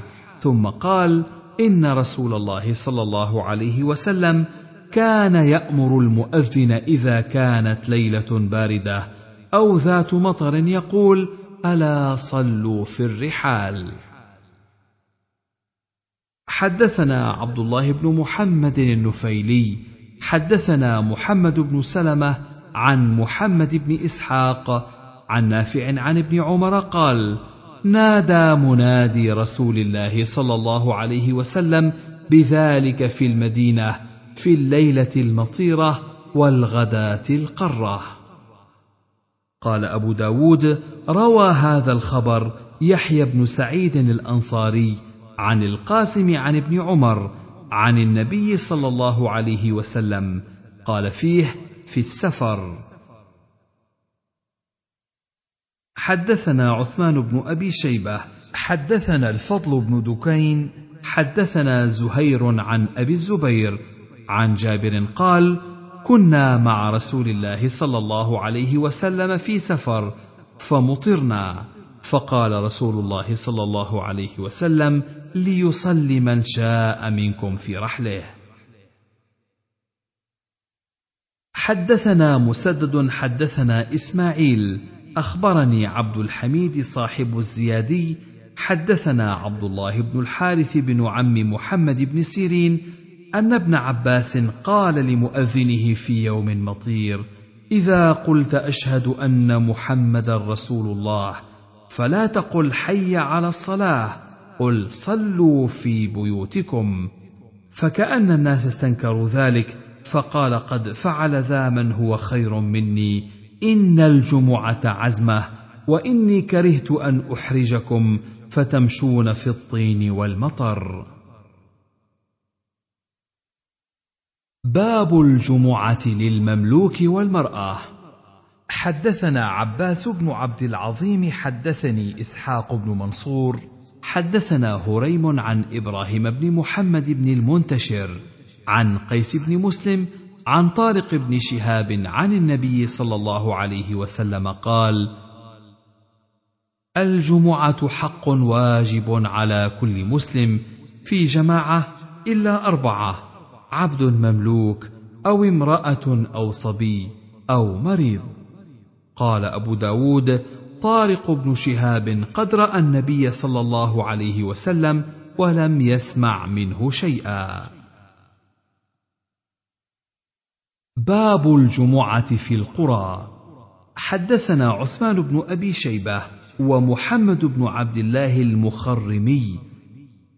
لفظة قالا حدثنا وكيع عن إبراهيم بن طهمان عن أبي جمرة عن ابن عباس قال إن أول جمعة جمعت في الإسلام بعد جمعة جمعت في مسجد رسول الله صلى الله عليه وسلم بالمدينة لجمعة جمعت بجوافاء قرية من قرى البحرين قال عثمان قرية من قرى عبد القيس. حدثنا قتيبة بن سعيد حدثنا ابن إدريس عن محمد بن إسحاق عن محمد بن أبي أمامة بن سهل عن أبيه عن عبد الرحمن بن كعب بن مالك وكان قائد أبيه بعدما ذهب بصره عن أبيه كعب بن مالك أنه كان إذا سمع النداء يوم الجمعة ترحم لأسعد بن زرارة فقلت له إذا سمعت النداء ترحمت لأسعد بن زرارة. قال لأنه أول من جمع بنا في هزم النبيت من حرة بني بياضة. في نقيع يقال له نقيع الخضمات. قلت كم أنتم يومئذ؟ قال أربعون. باب إذا وافق يوم الجمعة يوم عيد. حدثنا محمد بن كثير أخبرنا إسرائيل حدثنا عثمان بن المغيرة عن إياس بن أبي رملة الشامي قال شهدت معاوية بن أبي سفيان وهو يسأل زيد بن أرقم قال أشهدت مع رسول الله صلى الله عليه وسلم عيدين اجتمعا في يوم؟ قال نعم. قال فكيف صنع؟ قال صلى العيد ثم رخص في الجمعة فقال من شاء أن يصلي فليصلي. حدثنا محمد بن طريف البجلي حدثنا أسباط عن الأعمش عن عطاء بن أبي رباح قال صلى بنا ابن الزبير في يوم عيد في يوم جمعة أول النهار ثم رحنا إلى الجمعة فلم يخرج إلينا فصلينا وحدانا. وكان ابن عباس بالطائف فلما قدم ذكرنا ذلك له فقال أصاب السنة. حدثنا يحيى بن خلف حدثنا أبو عاصم عن ابن جريج قال قال عطاء اجتمع يوم جمعة ويوم فطر على عهد ابن الزبير فقال عيدان اجتمعا في يوم واحد فجمعهما جميعا فصلاهما ركعتين بكرة ولم يزد عليهما حتى صلى العصر. حدثنا محمد بن المصفى وعمر بن حفص الوصابي. المعنى قال حدثنا بقية حدثنا شعبة عن مغيرة الضبي عن عبد العزيز بن رفيع عن أبي صالح عن أبي هريرة عن رسول الله صلى الله عليه وسلم أنه قال قد اجتمع في يومكم هذا عيدان فمن شاء أجزأه من الجمعة وإنا مجمعون. قال عمر عن شعبة. باب ما يقرأ في صلاة الصبح يوم الجمعة. حدثنا مسدد حدثنا أبو عوانة عن مخول بن راشد عن مسلم البطين عن سعيد بن جبير عن ابن عباس أن رسول الله صلى الله عليه وسلم كان يقرأ في صلاة الفجر يوم الجمعة تنزيل السجدة هل أتى على الإنسان حين من الدهر؟ حدثنا مسدد حدثنا يحيى عن شعبة عن مخول بإسناده ومعناه وزاد في صلاة الجمعة بسورة الجمعة وإذا جاءك المنافقون. باب اللبس للجمعة. حدثنا القعنبي عن مالك عن نافع عن عبد الله بن عمر أن عمر بن الخطاب رأى حلة سيراء يعني تباع عند باب المسجد. فقال يا رسول الله لو اشتريت هذه فلبستها يوم الجمعة وللوفد إذا قدموا عليك. فقال رسول الله صلى الله عليه وسلم إنما يلبس هذه من لا خلاق له في الآخرة. ثم جاءت رسول الله صلى الله عليه وسلم منها حلل فأعطى عمر بن الخطاب منها حلة فقال عمر يا رسول الله كسوتنيها وقد قلت في حلة عطارد ما قلت. فقال رسول الله صلى الله عليه وسلم إني لم أكسكها لتلبسها. فكساها عمر أخا له مشركا بمكة. حدثنا أحمد بن صالح حدثنا ابن وهب. أخبرني يونس وعمرو بن الحارث عن ابن شهاب عن سالم عن أبيه قال وجد عمر بن الخطاب حلة استبرق تباع بالسوق فأخذها فأتى بها رسول الله صلى الله عليه وسلم فقال ابتع هذه تجمل بها للعيد وللوفود. ثم ساق الحديث والأول أتم. حدثنا أحمد بن صالح حدثنا ابن وهب. أخبرني يونس وعمر أن يحيى بن سعيد الأنصاري حدثه أن محمد بن يحيى بن حبان حدثه أن رسول الله صلى الله عليه وسلم قال ما على أحدكم إن وجد أو ما على أحدكم إن وجدتم أن يتخذ ثوبين ليوم الجمعة سوى ثوبي مهنته. قال عمرو وأخبرني ابن أبي حبيب عن موسى بن سعد عن ابن حبان عن ابن سلام أنه سمع رسول الله صلى الله عليه وسلم يقول ذلك على المنبر. قال أبو داود رواه وهب بن جرير عن أبيه عن يحيى بن أيوب عن يزيد بن أبي حبيب عن موسى بن سعد عن يوسف بن عبد الله بن سلام عن النبي صلى الله عليه وسلم. باب التحلق يوم الجمعة قبل الصلاة. حدثنا مسدد حدثنا يحيى عن ابن عجلان عن عمرو بن شعيب عن أبيه عن جده أن رسول الله صلى الله عليه وسلم نهى عن الشراء والبيع في المسجد وأن تنشد فيه ضالة وأن ينشد فيه شعر ونهى عن التحلق قبل الصلاة يوم الجمعة. باب اتخاذ المنبر. حدثنا قتيبة بن سعيد حدثنا يعقوب بن عبد الرحمن بن محمد بن عبد الله بن عبد القاري القرشي حدثني أبو حازم بن دينار أن رجالا أتوا سهل بن سعد الساعدي وقد امتروا في المنبر مما عوده فسألوه عن ذلك فقال والله إني لأعرف مما هو ولقد رأيته أول يوم وضع وأول يوم جلس عليه رسول الله صلى الله عليه وسلم أرسل رسول الله صلى الله عليه وسلم إلى فلانة امرأة قد سماها سهل أن مري غلامك النجار أن يعمل لي أعوادا أجلس عليهن إذا كلمت الناس. فأمرته فعملها من طرفاء الغابة ثم جاء بها فأرسلته إلى رسول الله صلى الله عليه وسلم فأمر بها فوضعت ها هنا.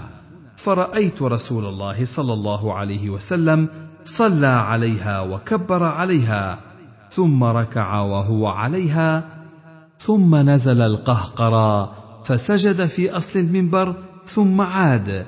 فلما فرغ أقبل على الناس فقال أيها الناس إنما صنعت هذا لتأتموا ولتعلموا صلاتي. حدثنا الحسن بن علي حدثنا أبو عاصم عن ابن أبي رواد عن نافع عن ابن عمر أن النبي صلى الله عليه وسلم لما بدن قال له تميم الداري ألا أتخذ لك منبرا يا رسول الله يجمع أو يحمل عظامك؟ قال بلى فاتخذ له منبرا مرقاتين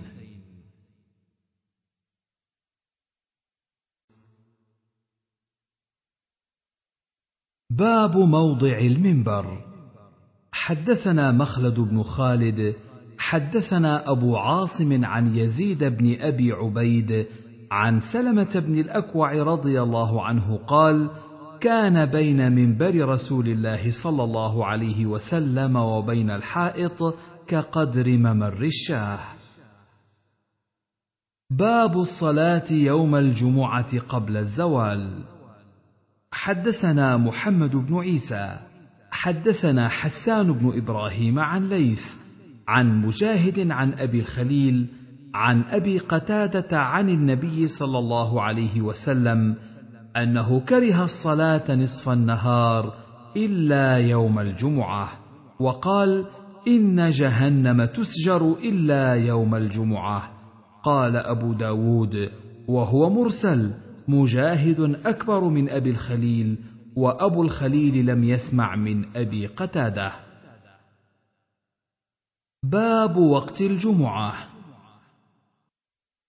حدثنا الحسن بن علي حدثنا زيد بن الحباب حدثني فليح بن سليمان حدثني عثمان بن عبد الرحمن التيمي. سمعت أنس بن مالك يقول كان رسول الله صلى الله عليه وسلم يصلي الجمعة إذا مالت الشمس.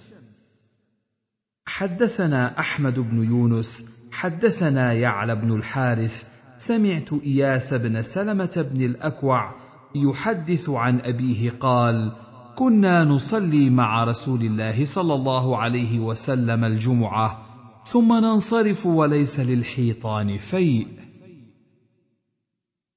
حدثنا محمد بن كثير أخبرنا سفيان عن أبي حازم عن سهل بن سعد قال كنا نقيل ونتغدى بعد الجمعة.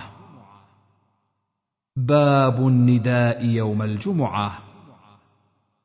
حدثنا محمد بن سلمة المرادي حدثنا ابن وهب عن يونس عن ابن شهاب أخبرني السائب بن يزيد أن الأذان كان أوله حين يجلس الإمام على المنبر يوم الجمعة في عهد النبي صلى الله عليه وسلم وأبي بكر وعمر.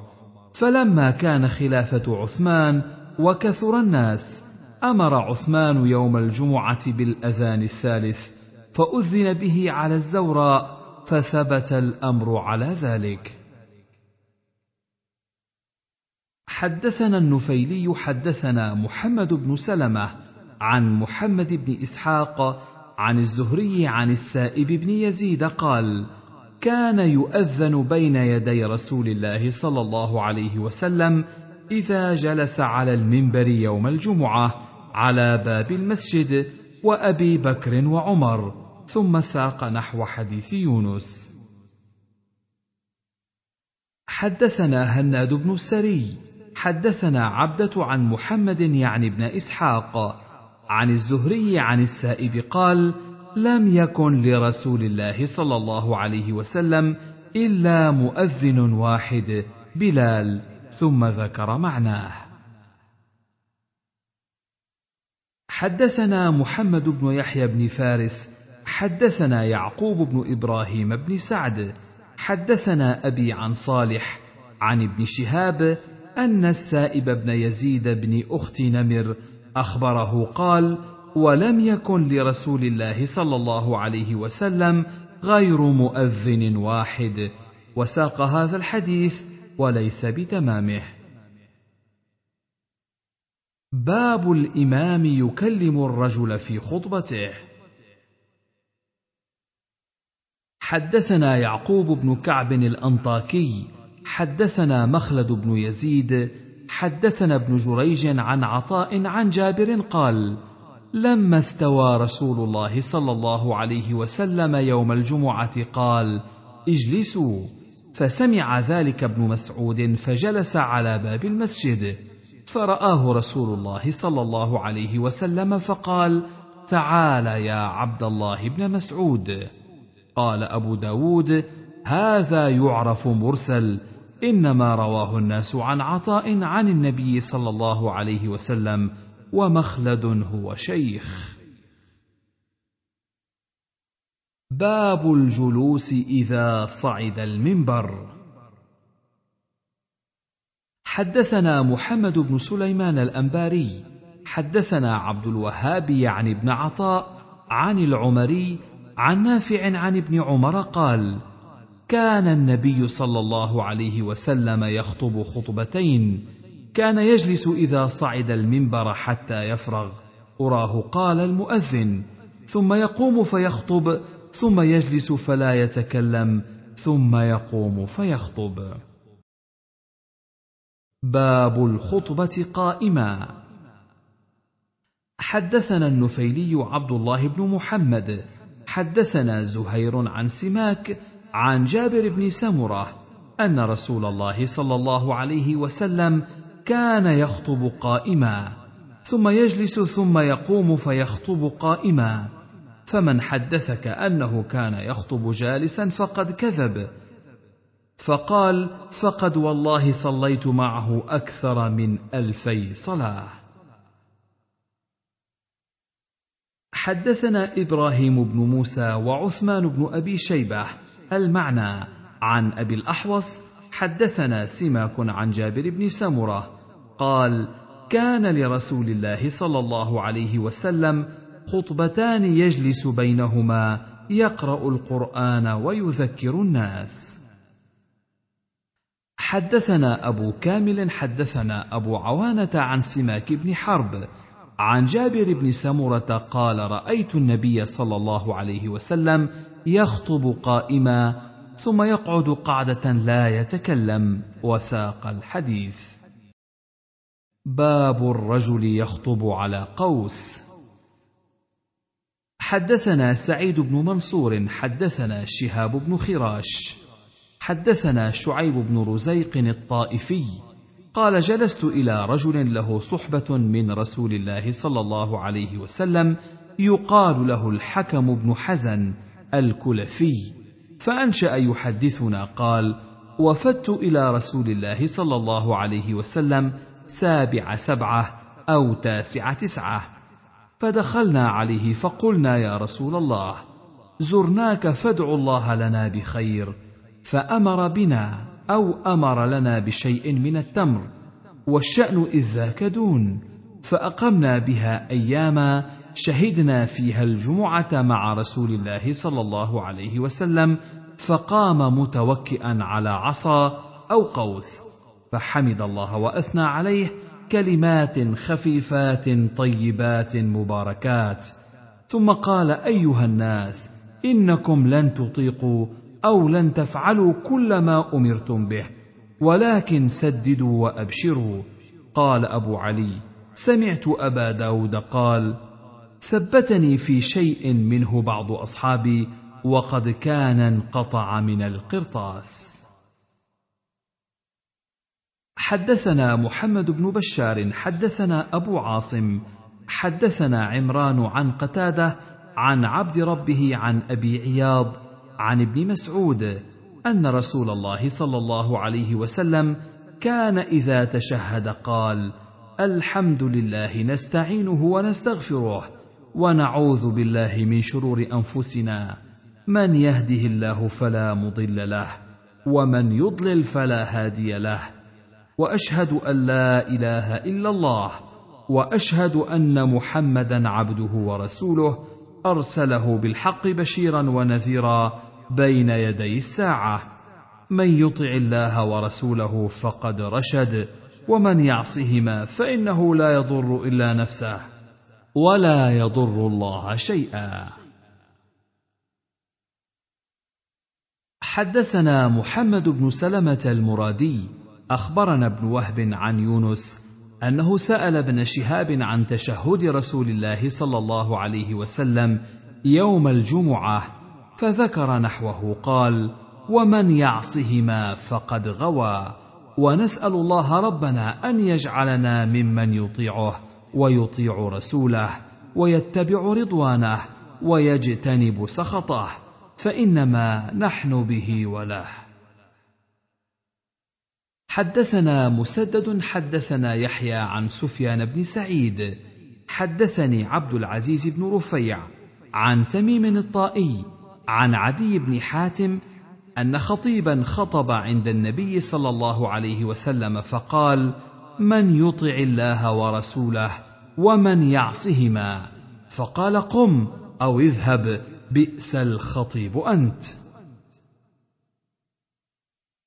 حدثنا محمد بن بشار حدثنا محمد بن جعفر حدثنا شعبة عن خبيب عن عبد الله بن معن عن بنت الحارث بن النعمان قالت ما حفظت قاف إلا من في رسول الله صلى الله عليه وسلم يخطب بها كل جمعة.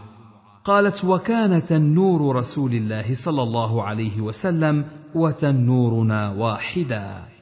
قال أبو داود قال روح بن عبادة عن شعبة قال بنت حارثة بن النعمان. وقال ابن إسحاق أم هشام بنت حارثة بن النعمان. حدثنا مسدد حدثنا يحيى عن سفيان قال حدثني سماك عن جابر بن سمرة قال كانت صلاة رسول الله صلى الله عليه وسلم قصدا وخطبته قصدا يقرأ آيات من القرآن ويذكر الناس.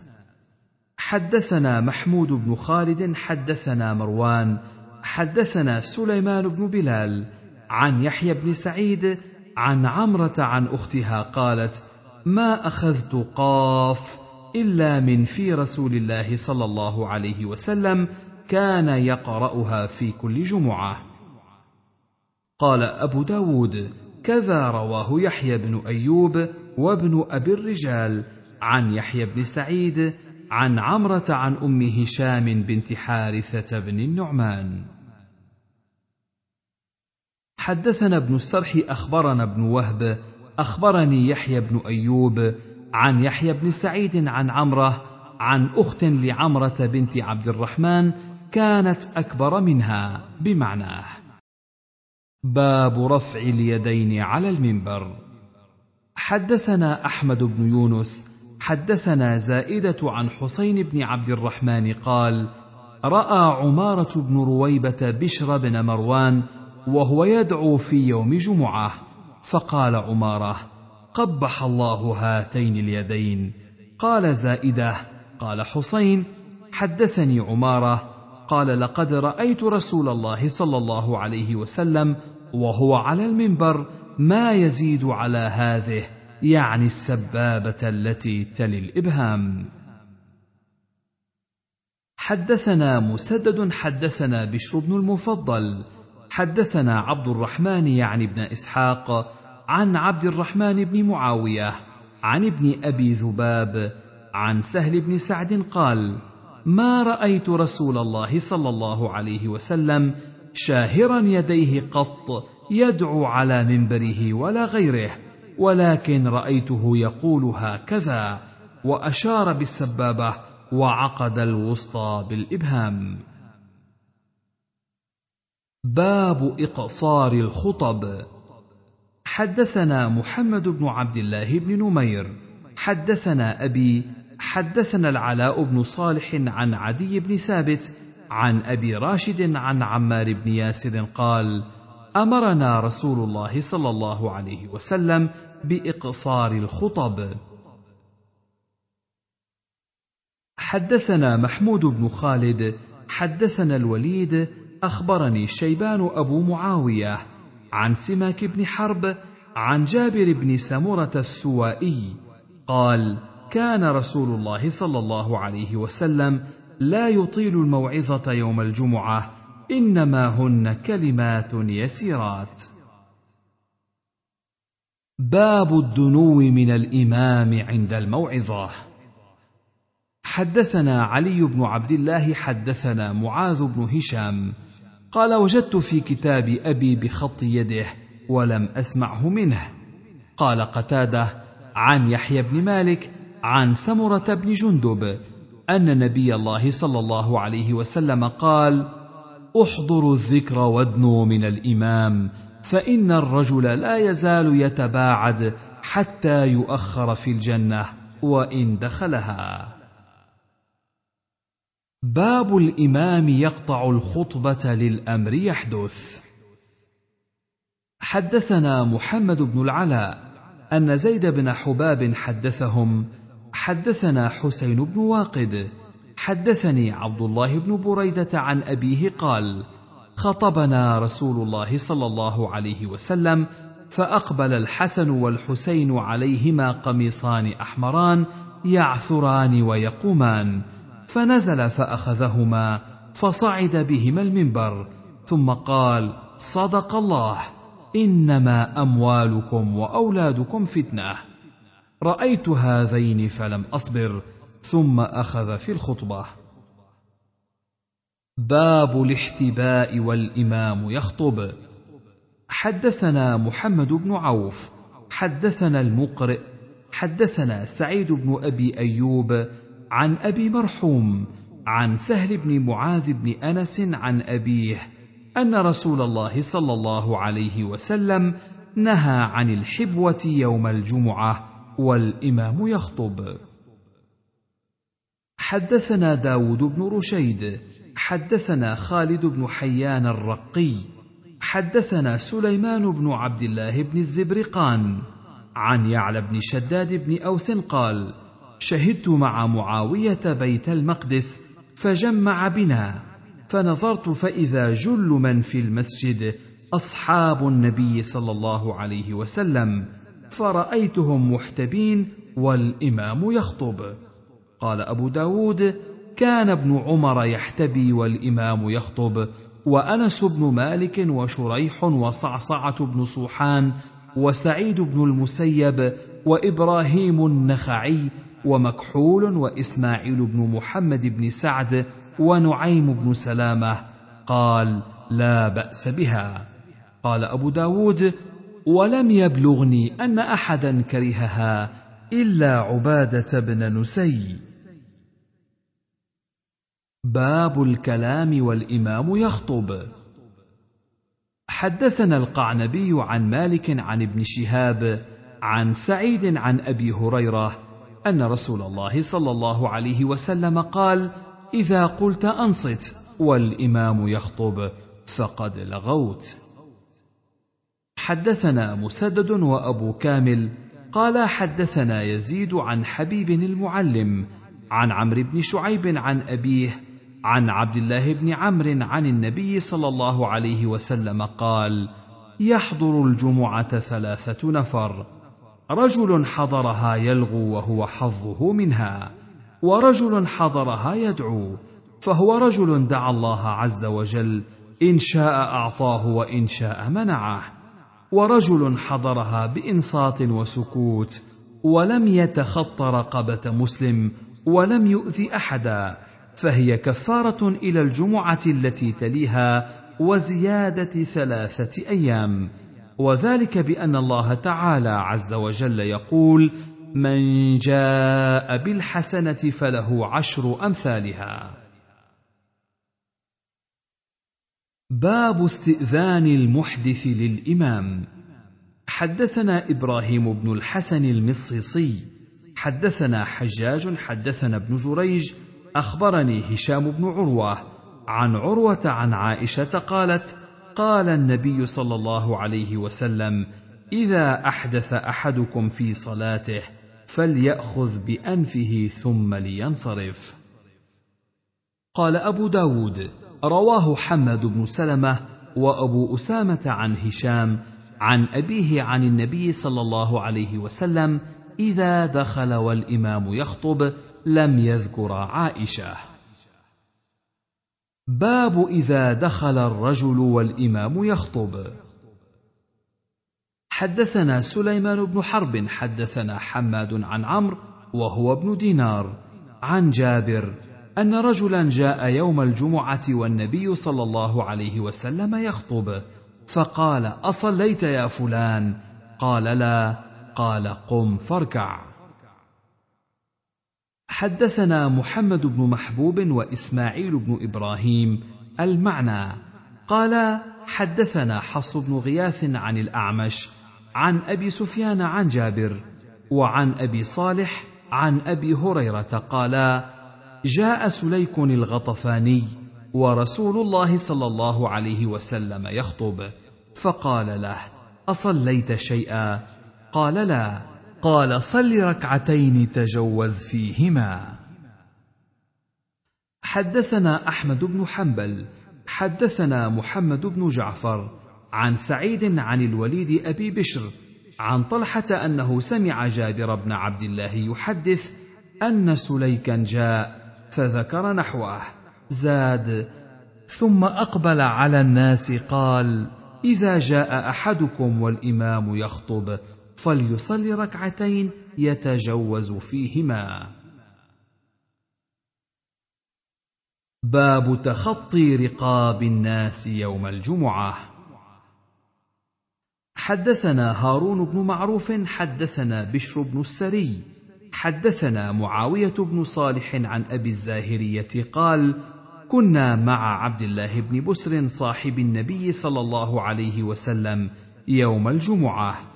فجاء رجل يتخطى رقاب الناس فقال عبد الله بن بسر جاء رجل يتخطى رقاب الناس يوم الجمعة والنبي صلى الله عليه وسلم يخطب فقال له النبي صلى الله عليه وسلم اجلس فقد آذيت. باب الرجل ينعس والإمام يخطب. حدثنا هناد بن السري عن عبدة عن ابن إسحاق عن نافع عن ابن عمر قال سمعت رسول الله صلى الله عليه وسلم يقول إذا نعس أحدكم وهو في المسجد فليتحول من مجلسه ذلك إلى غيره. باب الإمام يتكلم بعدما ينزل من المنبر. حدثنا مسلم بن إبراهيم عن جرير وهو ابن حازم. لا أدري كيف قاله مسلم أو لا. عن ثابت عن أنس قال رأيت رسول الله صلى الله عليه وسلم ينزل من المنبر فيعرض له الرجل في الحاجة فيقوم معه حتى يقضي حاجته ثم يقوم فيصلي. قال أبو داود والحديث ليس بمعروف عن ثابت هو مما تفرد به جرير بن حازم. باب من أدرك من الجمعة ركعة. حدثنا القعنبي عن مالك عن ابن شهاب عن أبي سلمة عن أبي هريرة قال قال رسول الله صلى الله عليه وسلم من أدرك ركعة من الصلاة فقد أدرك الصلاة. باب ما يقرأ به في الجمعة. حدثنا قتيبة بن سعيد حدثنا أبو عوانة عن إبراهيم بن محمد بن المنتشر عن أبيه عن حبيب بن سالم عن النعمان بن بشير أن رسول الله صلى الله عليه وسلم كان يقرأ في العيدين ويوم الجمعة بسبح اسم ربك الأعلى وهل أتاك حديث الغاشية. قال وربما اجتمعا في يوم واحد فقرأ بهما. حدثنا القعنبي عن مالك عن ضمرة بن سعيد المازني عن عبيد الله بن عبد الله بن عتبة أن الضحاك بن قيس سأل النعمان بن بشير ماذا كان يقرأ به رسول الله صلى الله عليه وسلم يوم الجمعة على إثر سورة الجمعة؟ فقال كان يقرأ بهل اتاك حديث الغاشية. حدثنا القعنبي حدثنا سليمان يعني بن بلال عن جعفر عن أبيه عن ابن أبي رافع قال صلى بنا أبو هريرة يوم الجمعة فقرأ بسورة الجمعة وفي الركعة الآخرة إذا جاءك المنافقون. قال فأدركت أبا هريرة حين انصرف فقلت له إنك قرأت بسورتين كان علي يقرأ بهما بالكوفة. قال أبو هريرة فإني سمعت رسول الله صلى الله عليه وسلم يقرأ بهما يوم الجمعة. حدثنا مسدد عن يحيى بن سعيد عن شعبة عن معبد بن خالد عن زيد بن عقبة عن سمرة بن جندب أن رسول الله صلى الله عليه وسلم كان يقرأ في صلاة الجمعة بسبح اسم ربك الأعلى وهل أتاك حديث الغاشية. باب الرجل يأتم بالإمام وبينهما جدار. حدثنا زهير بن حرب حدثنا هشيم أخبرنا يحيى بن سعيد عن عمرة عن عائشة قالت صلى رسول الله صلى الله عليه وسلم في حجرته والناس يأتمون به من وراء الحجرة. باب الصلاة بعد الجمعة. حدثنا محمد بن عبيد وسليمان بن داود العتكي المعنى. قال حدثنا حماد بن زيد حدثنا أيوب عن نافع. أن ابن عمر رأى رجلا يصلي ركعتين يوم الجمعة في مقامه فدفعه وقال أتصلي الجمعة اربعا وكان عبد الله يصلي يوم الجمعة ركعتين في بيته ويقول هكذا فعل رسول الله صلى الله عليه وسلم. حدثنا مسدد حدثنا إسماعيل أخبرنا أيوب عن نافع قال كان ابن عمر يطيل الصلاة قبل الجمعة ويصلي بعدها ركعتين في بيته ويحدث أن رسول الله صلى الله عليه وسلم كان يفعل ذلك. حدثنا الحسن بن علي حدثنا عبد الرزاق أخبرنا ابن جريج أخبرني عمر بن عطاء بن أبي الخوار أن نافع بن جبير أرسله إلى السائب بن يزيد ابن أخت نمر يسأله عن شيء رأى منه معاوية في الصلاة فقال صليت معه الجمعة في المقصورة. فلما سلمت قمت في مقامي فصليت فلما دخل أرسل إلي فقال لا تعد لما صنعت إذا صليت الجمعة فلا تصلها بصلاة حتى تكلم أو تخرج فإن نبي الله صلى الله عليه وسلم أمر بذلك ألا توصل صلاة بصلاة حتى تتكلم أو تخرج. حدثنا محمد بن عبد العزيز بن أبي رزمة المروزي أخبرنا الفضل بن موسى عن عبد الحميد بن جعفر عن يزيد بن أبي حبيب عن عطاء عن ابن عمر قال كان إذا كان بمكة فصلى الجمعة تقدم فصلى ركعتين ثم تقدم فصلى اربعا وإذا كان بالمدينة صلى الجمعة ثم رجع إلى بيته فصلى ركعتين ولم يصل في المسجد. فقيل له فقال كان رسول الله صلى الله عليه وسلم يفعل ذلك. حدثنا أحمد بن يونس حدثنا زهير حا.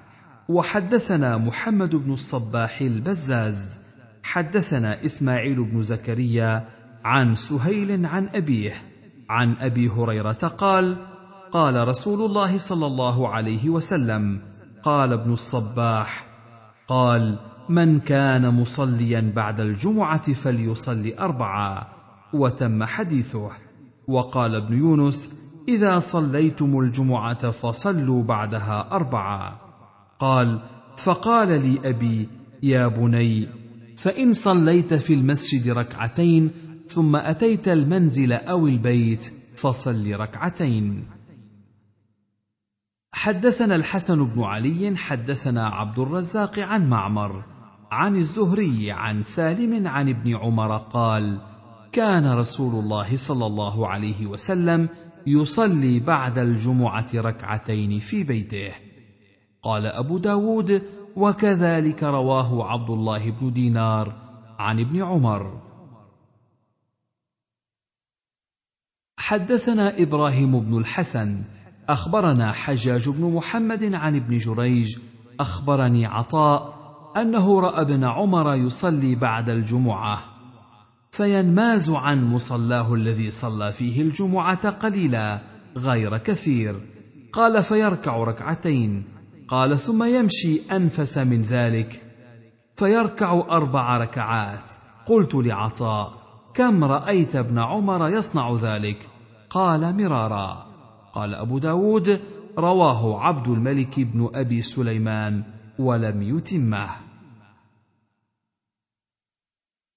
باب في القعود بين الخطبتين.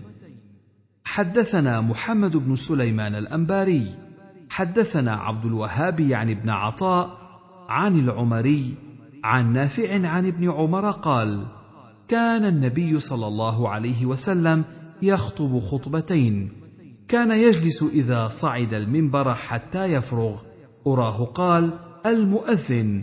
ثم يقوم فيخطب ثم يجلس فلا يتكلم ثم يقوم فيخطب. باب صلاة العيدين. حدثنا موسى بن إسماعيل حدثنا حماد عن حميد عن أنس قال قدم رسول الله صلى الله عليه وسلم المدينة ولهم يومان يلعبون فيهما. فقال ما هذان اليومان؟ قالوا كنا نلعب فيهما في الجاهلية. فقال رسول الله صلى الله عليه وسلم إن الله قد أبدلكم بهما خيرا منهما. يوم الأضحى ويوم الفطر. باب وقت الخروج إلى العيد. حدثنا أحمد بن حنبل حدثنا أبو المغيرة حدثنا صفوان أخبرنا يزيد بن خمير الرحبي. قال خرج عبد الله بن بسر صاحب رسول الله صلى الله عليه وسلم مع الناس في يوم عيد فطر أو أضحى. فأنكر إبطاء الإمام فقال إنا كنا قد فرغنا ساعتنا هذه وذلك حين التسبيح. باب خروج النساء في العيد. حدثنا موسى بن إسماعيل حدثنا حماد عن أيوب ويونس وحبيب ويحيى بن عتيق وهشام في آخرين عن محمد أن أم عطية قالت أمرنا رسول الله صلى الله عليه وسلم أن نخرج ذوات الخدور يوم العيد. قيل فالحيض؟ قال ليشهدن الخير ودعوة المسلمين. قال فقالت امرأة يا رسول الله إن لم يكن لإحداهن ثوب كيف تصنع؟ قال تلبسها صاحبتها طائفة من ثوبها. حدثنا محمد بن عبيد حدثنا حماد حدثنا أيوب عن محمد عن أم عطية بهذا الخبر. قال وتعتزل الحيض مصلى المسلمين ولم يذكر الثوب. قال وحدث عن حفصة عن امرأة تحدثه عن امرأة أخرى قالت قيل يا رسول الله فذكر معنى موسى في الثوب. حدثنا النفيلي حدثنا زهير حدثنا عاصم الأحول عن حفصة بنت سيرين عن أم عطية قالت كنا نؤمر بهذا الخبر.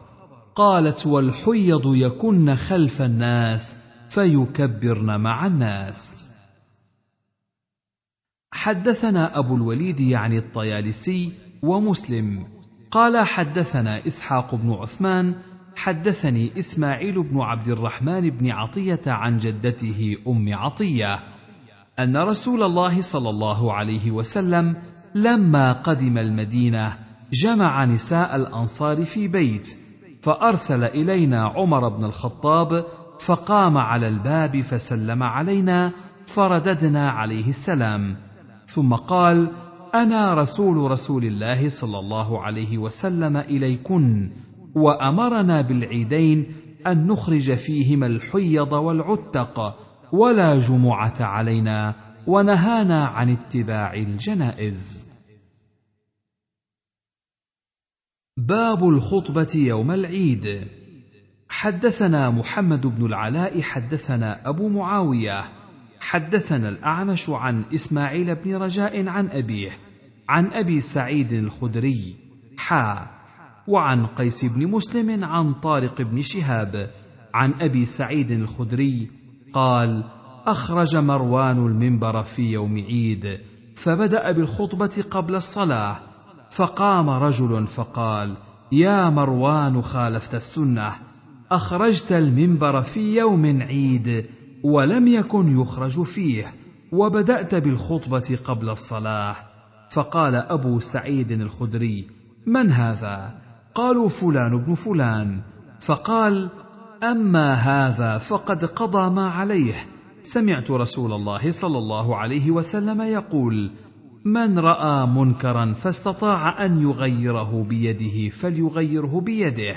فإن لم يستطع فبلسانه فإن لم يستطع فبقلبه وذلك أضعف الإيمان.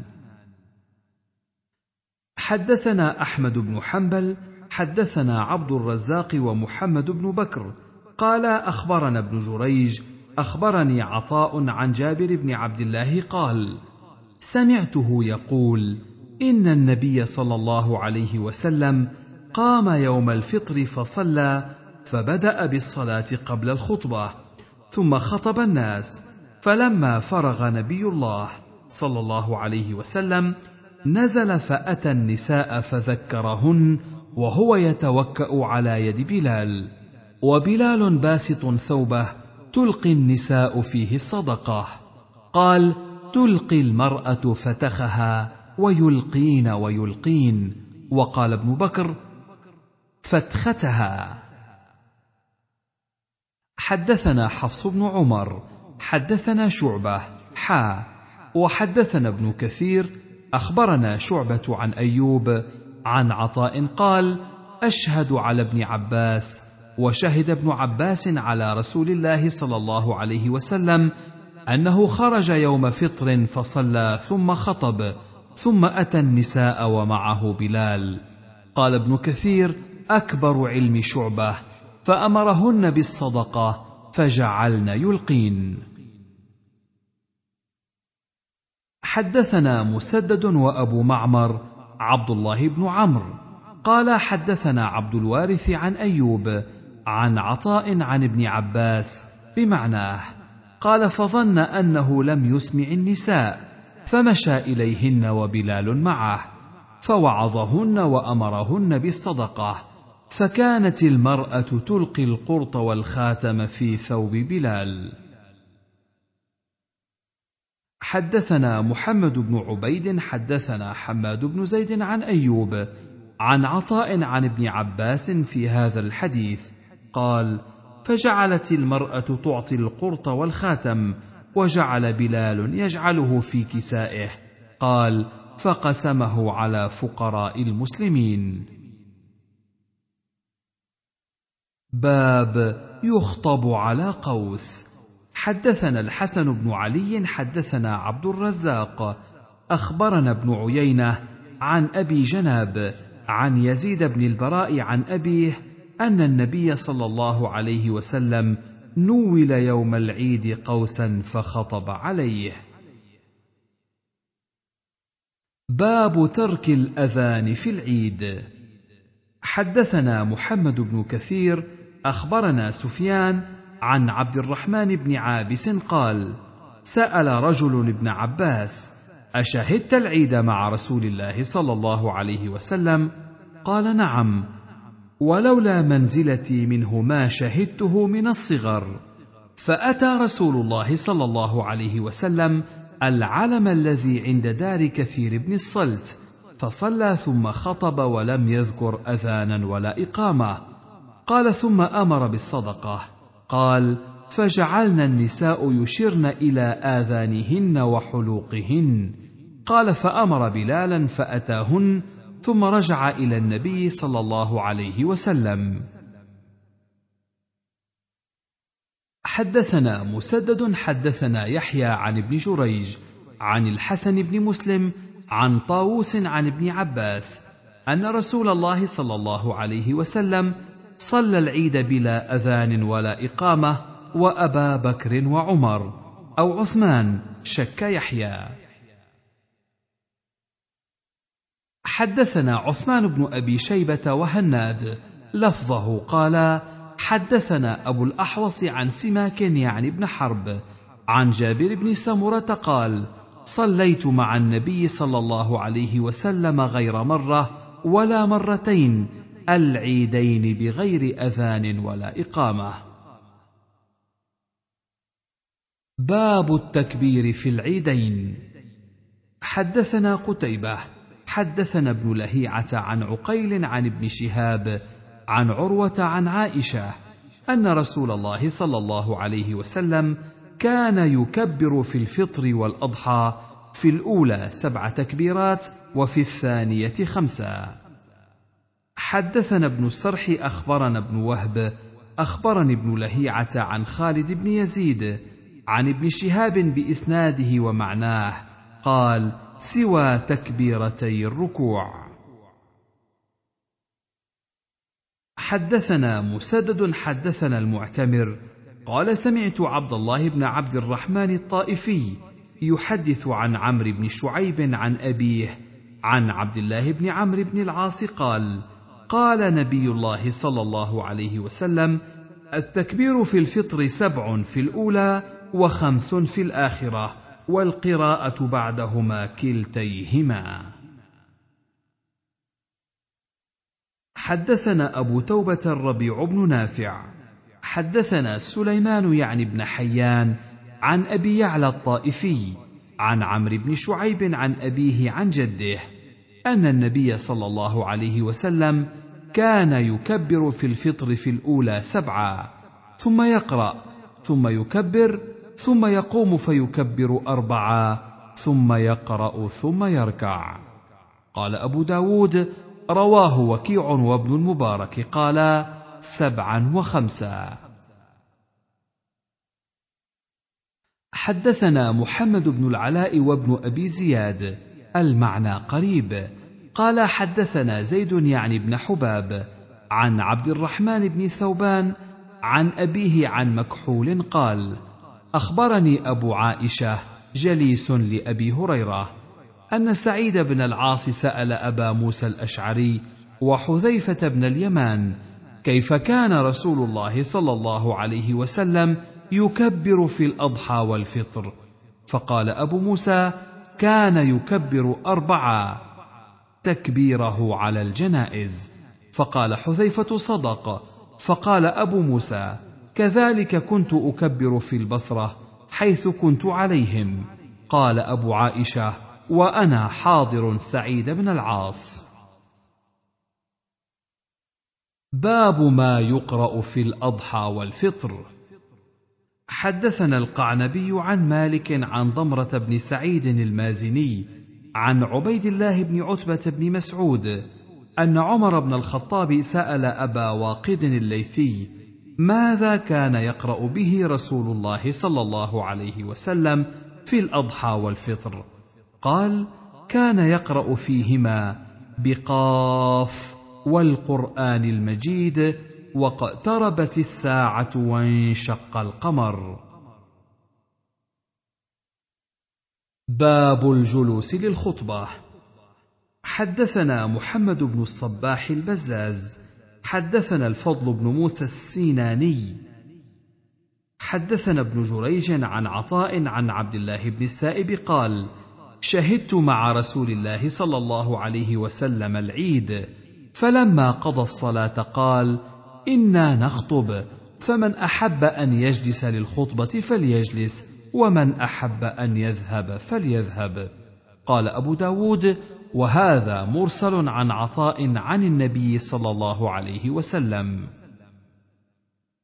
باب الخروج إلى العيد في طريق ويرجع في طريق. حدثنا عبد الله بن مسلمة.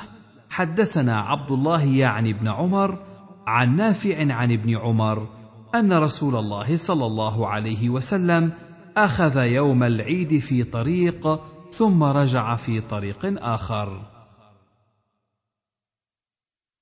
باب إذا لم يخرج الإمام للعيد من يومه يخرج من الغد. حدثنا حفص بن عمر حدثنا شعبة عن جعفر بن أبي وحشية عن أبي عمير بن أنس عن عمومة له من أصحاب النبي صلى الله عليه وسلم. ان ركبا جاءوا إلى النبي صلى الله عليه وسلم يشهدون أنهم رأوا الهلال بالأمس فأمرهم أن يفطروا وإذا أصبحوا يغدوا إلى مصلاهم. حدثنا حمزة بن نصير حدثنا ابن أبي مريم حدثنا إبراهيم بن سويد أخبرني أنيس بن أبي يحيى. أخبرني إسحاق بن سالم مولى نوفل بن عدي. أخبرني بكر بن مبشر الأنصاري. قال كنت أغدو مع أصحاب رسول الله صلى الله عليه وسلم إلى المصلى يوم الفطر ويوم الأضحى. فنسلك بطن بطحان حتى نأتي المصلى فنصلي مع رسول الله. صلى الله عليه وسلم ثم نرجع من بطن بطحان إلى بيوتنا. باب الصلاة بعد صلاة العيد. حدثنا حفص بن عمر حدثنا شعبة حدثني عدي بن ثابت عن سعيد بن جبير عن ابن عباس قال خرج رسول الله صلى الله عليه وسلم يوم فطر فصلى ركعتين لم يصل قبلها ولا بعدها ثم أتى النساء ومعه بلال فأمرهن بالصدقة فجعلت المرأة تلقي خرصها وسخابها. باب يصلى بالناس العيد في المسجد إذا كان يوم مطر. حدثنا هشام بن عمار حدثنا الوليد حا وحدثنا الربيع بن سليمان حدثنا عبد الله بن يوسف قال حدثنا الوليد بن مسلم حدثنا رجل من الفرويين وسماه الربيع في حديثه عيسى بن عبد الأعلى بن أبي فروة سمع أبا يحيى عبيد الله التيمي يحدث عن أبي هريرة أنه أصابهم مطر في يوم عيد فصلى بهم النبي صلى الله عليه وسلم صلاة العيد في المسجد.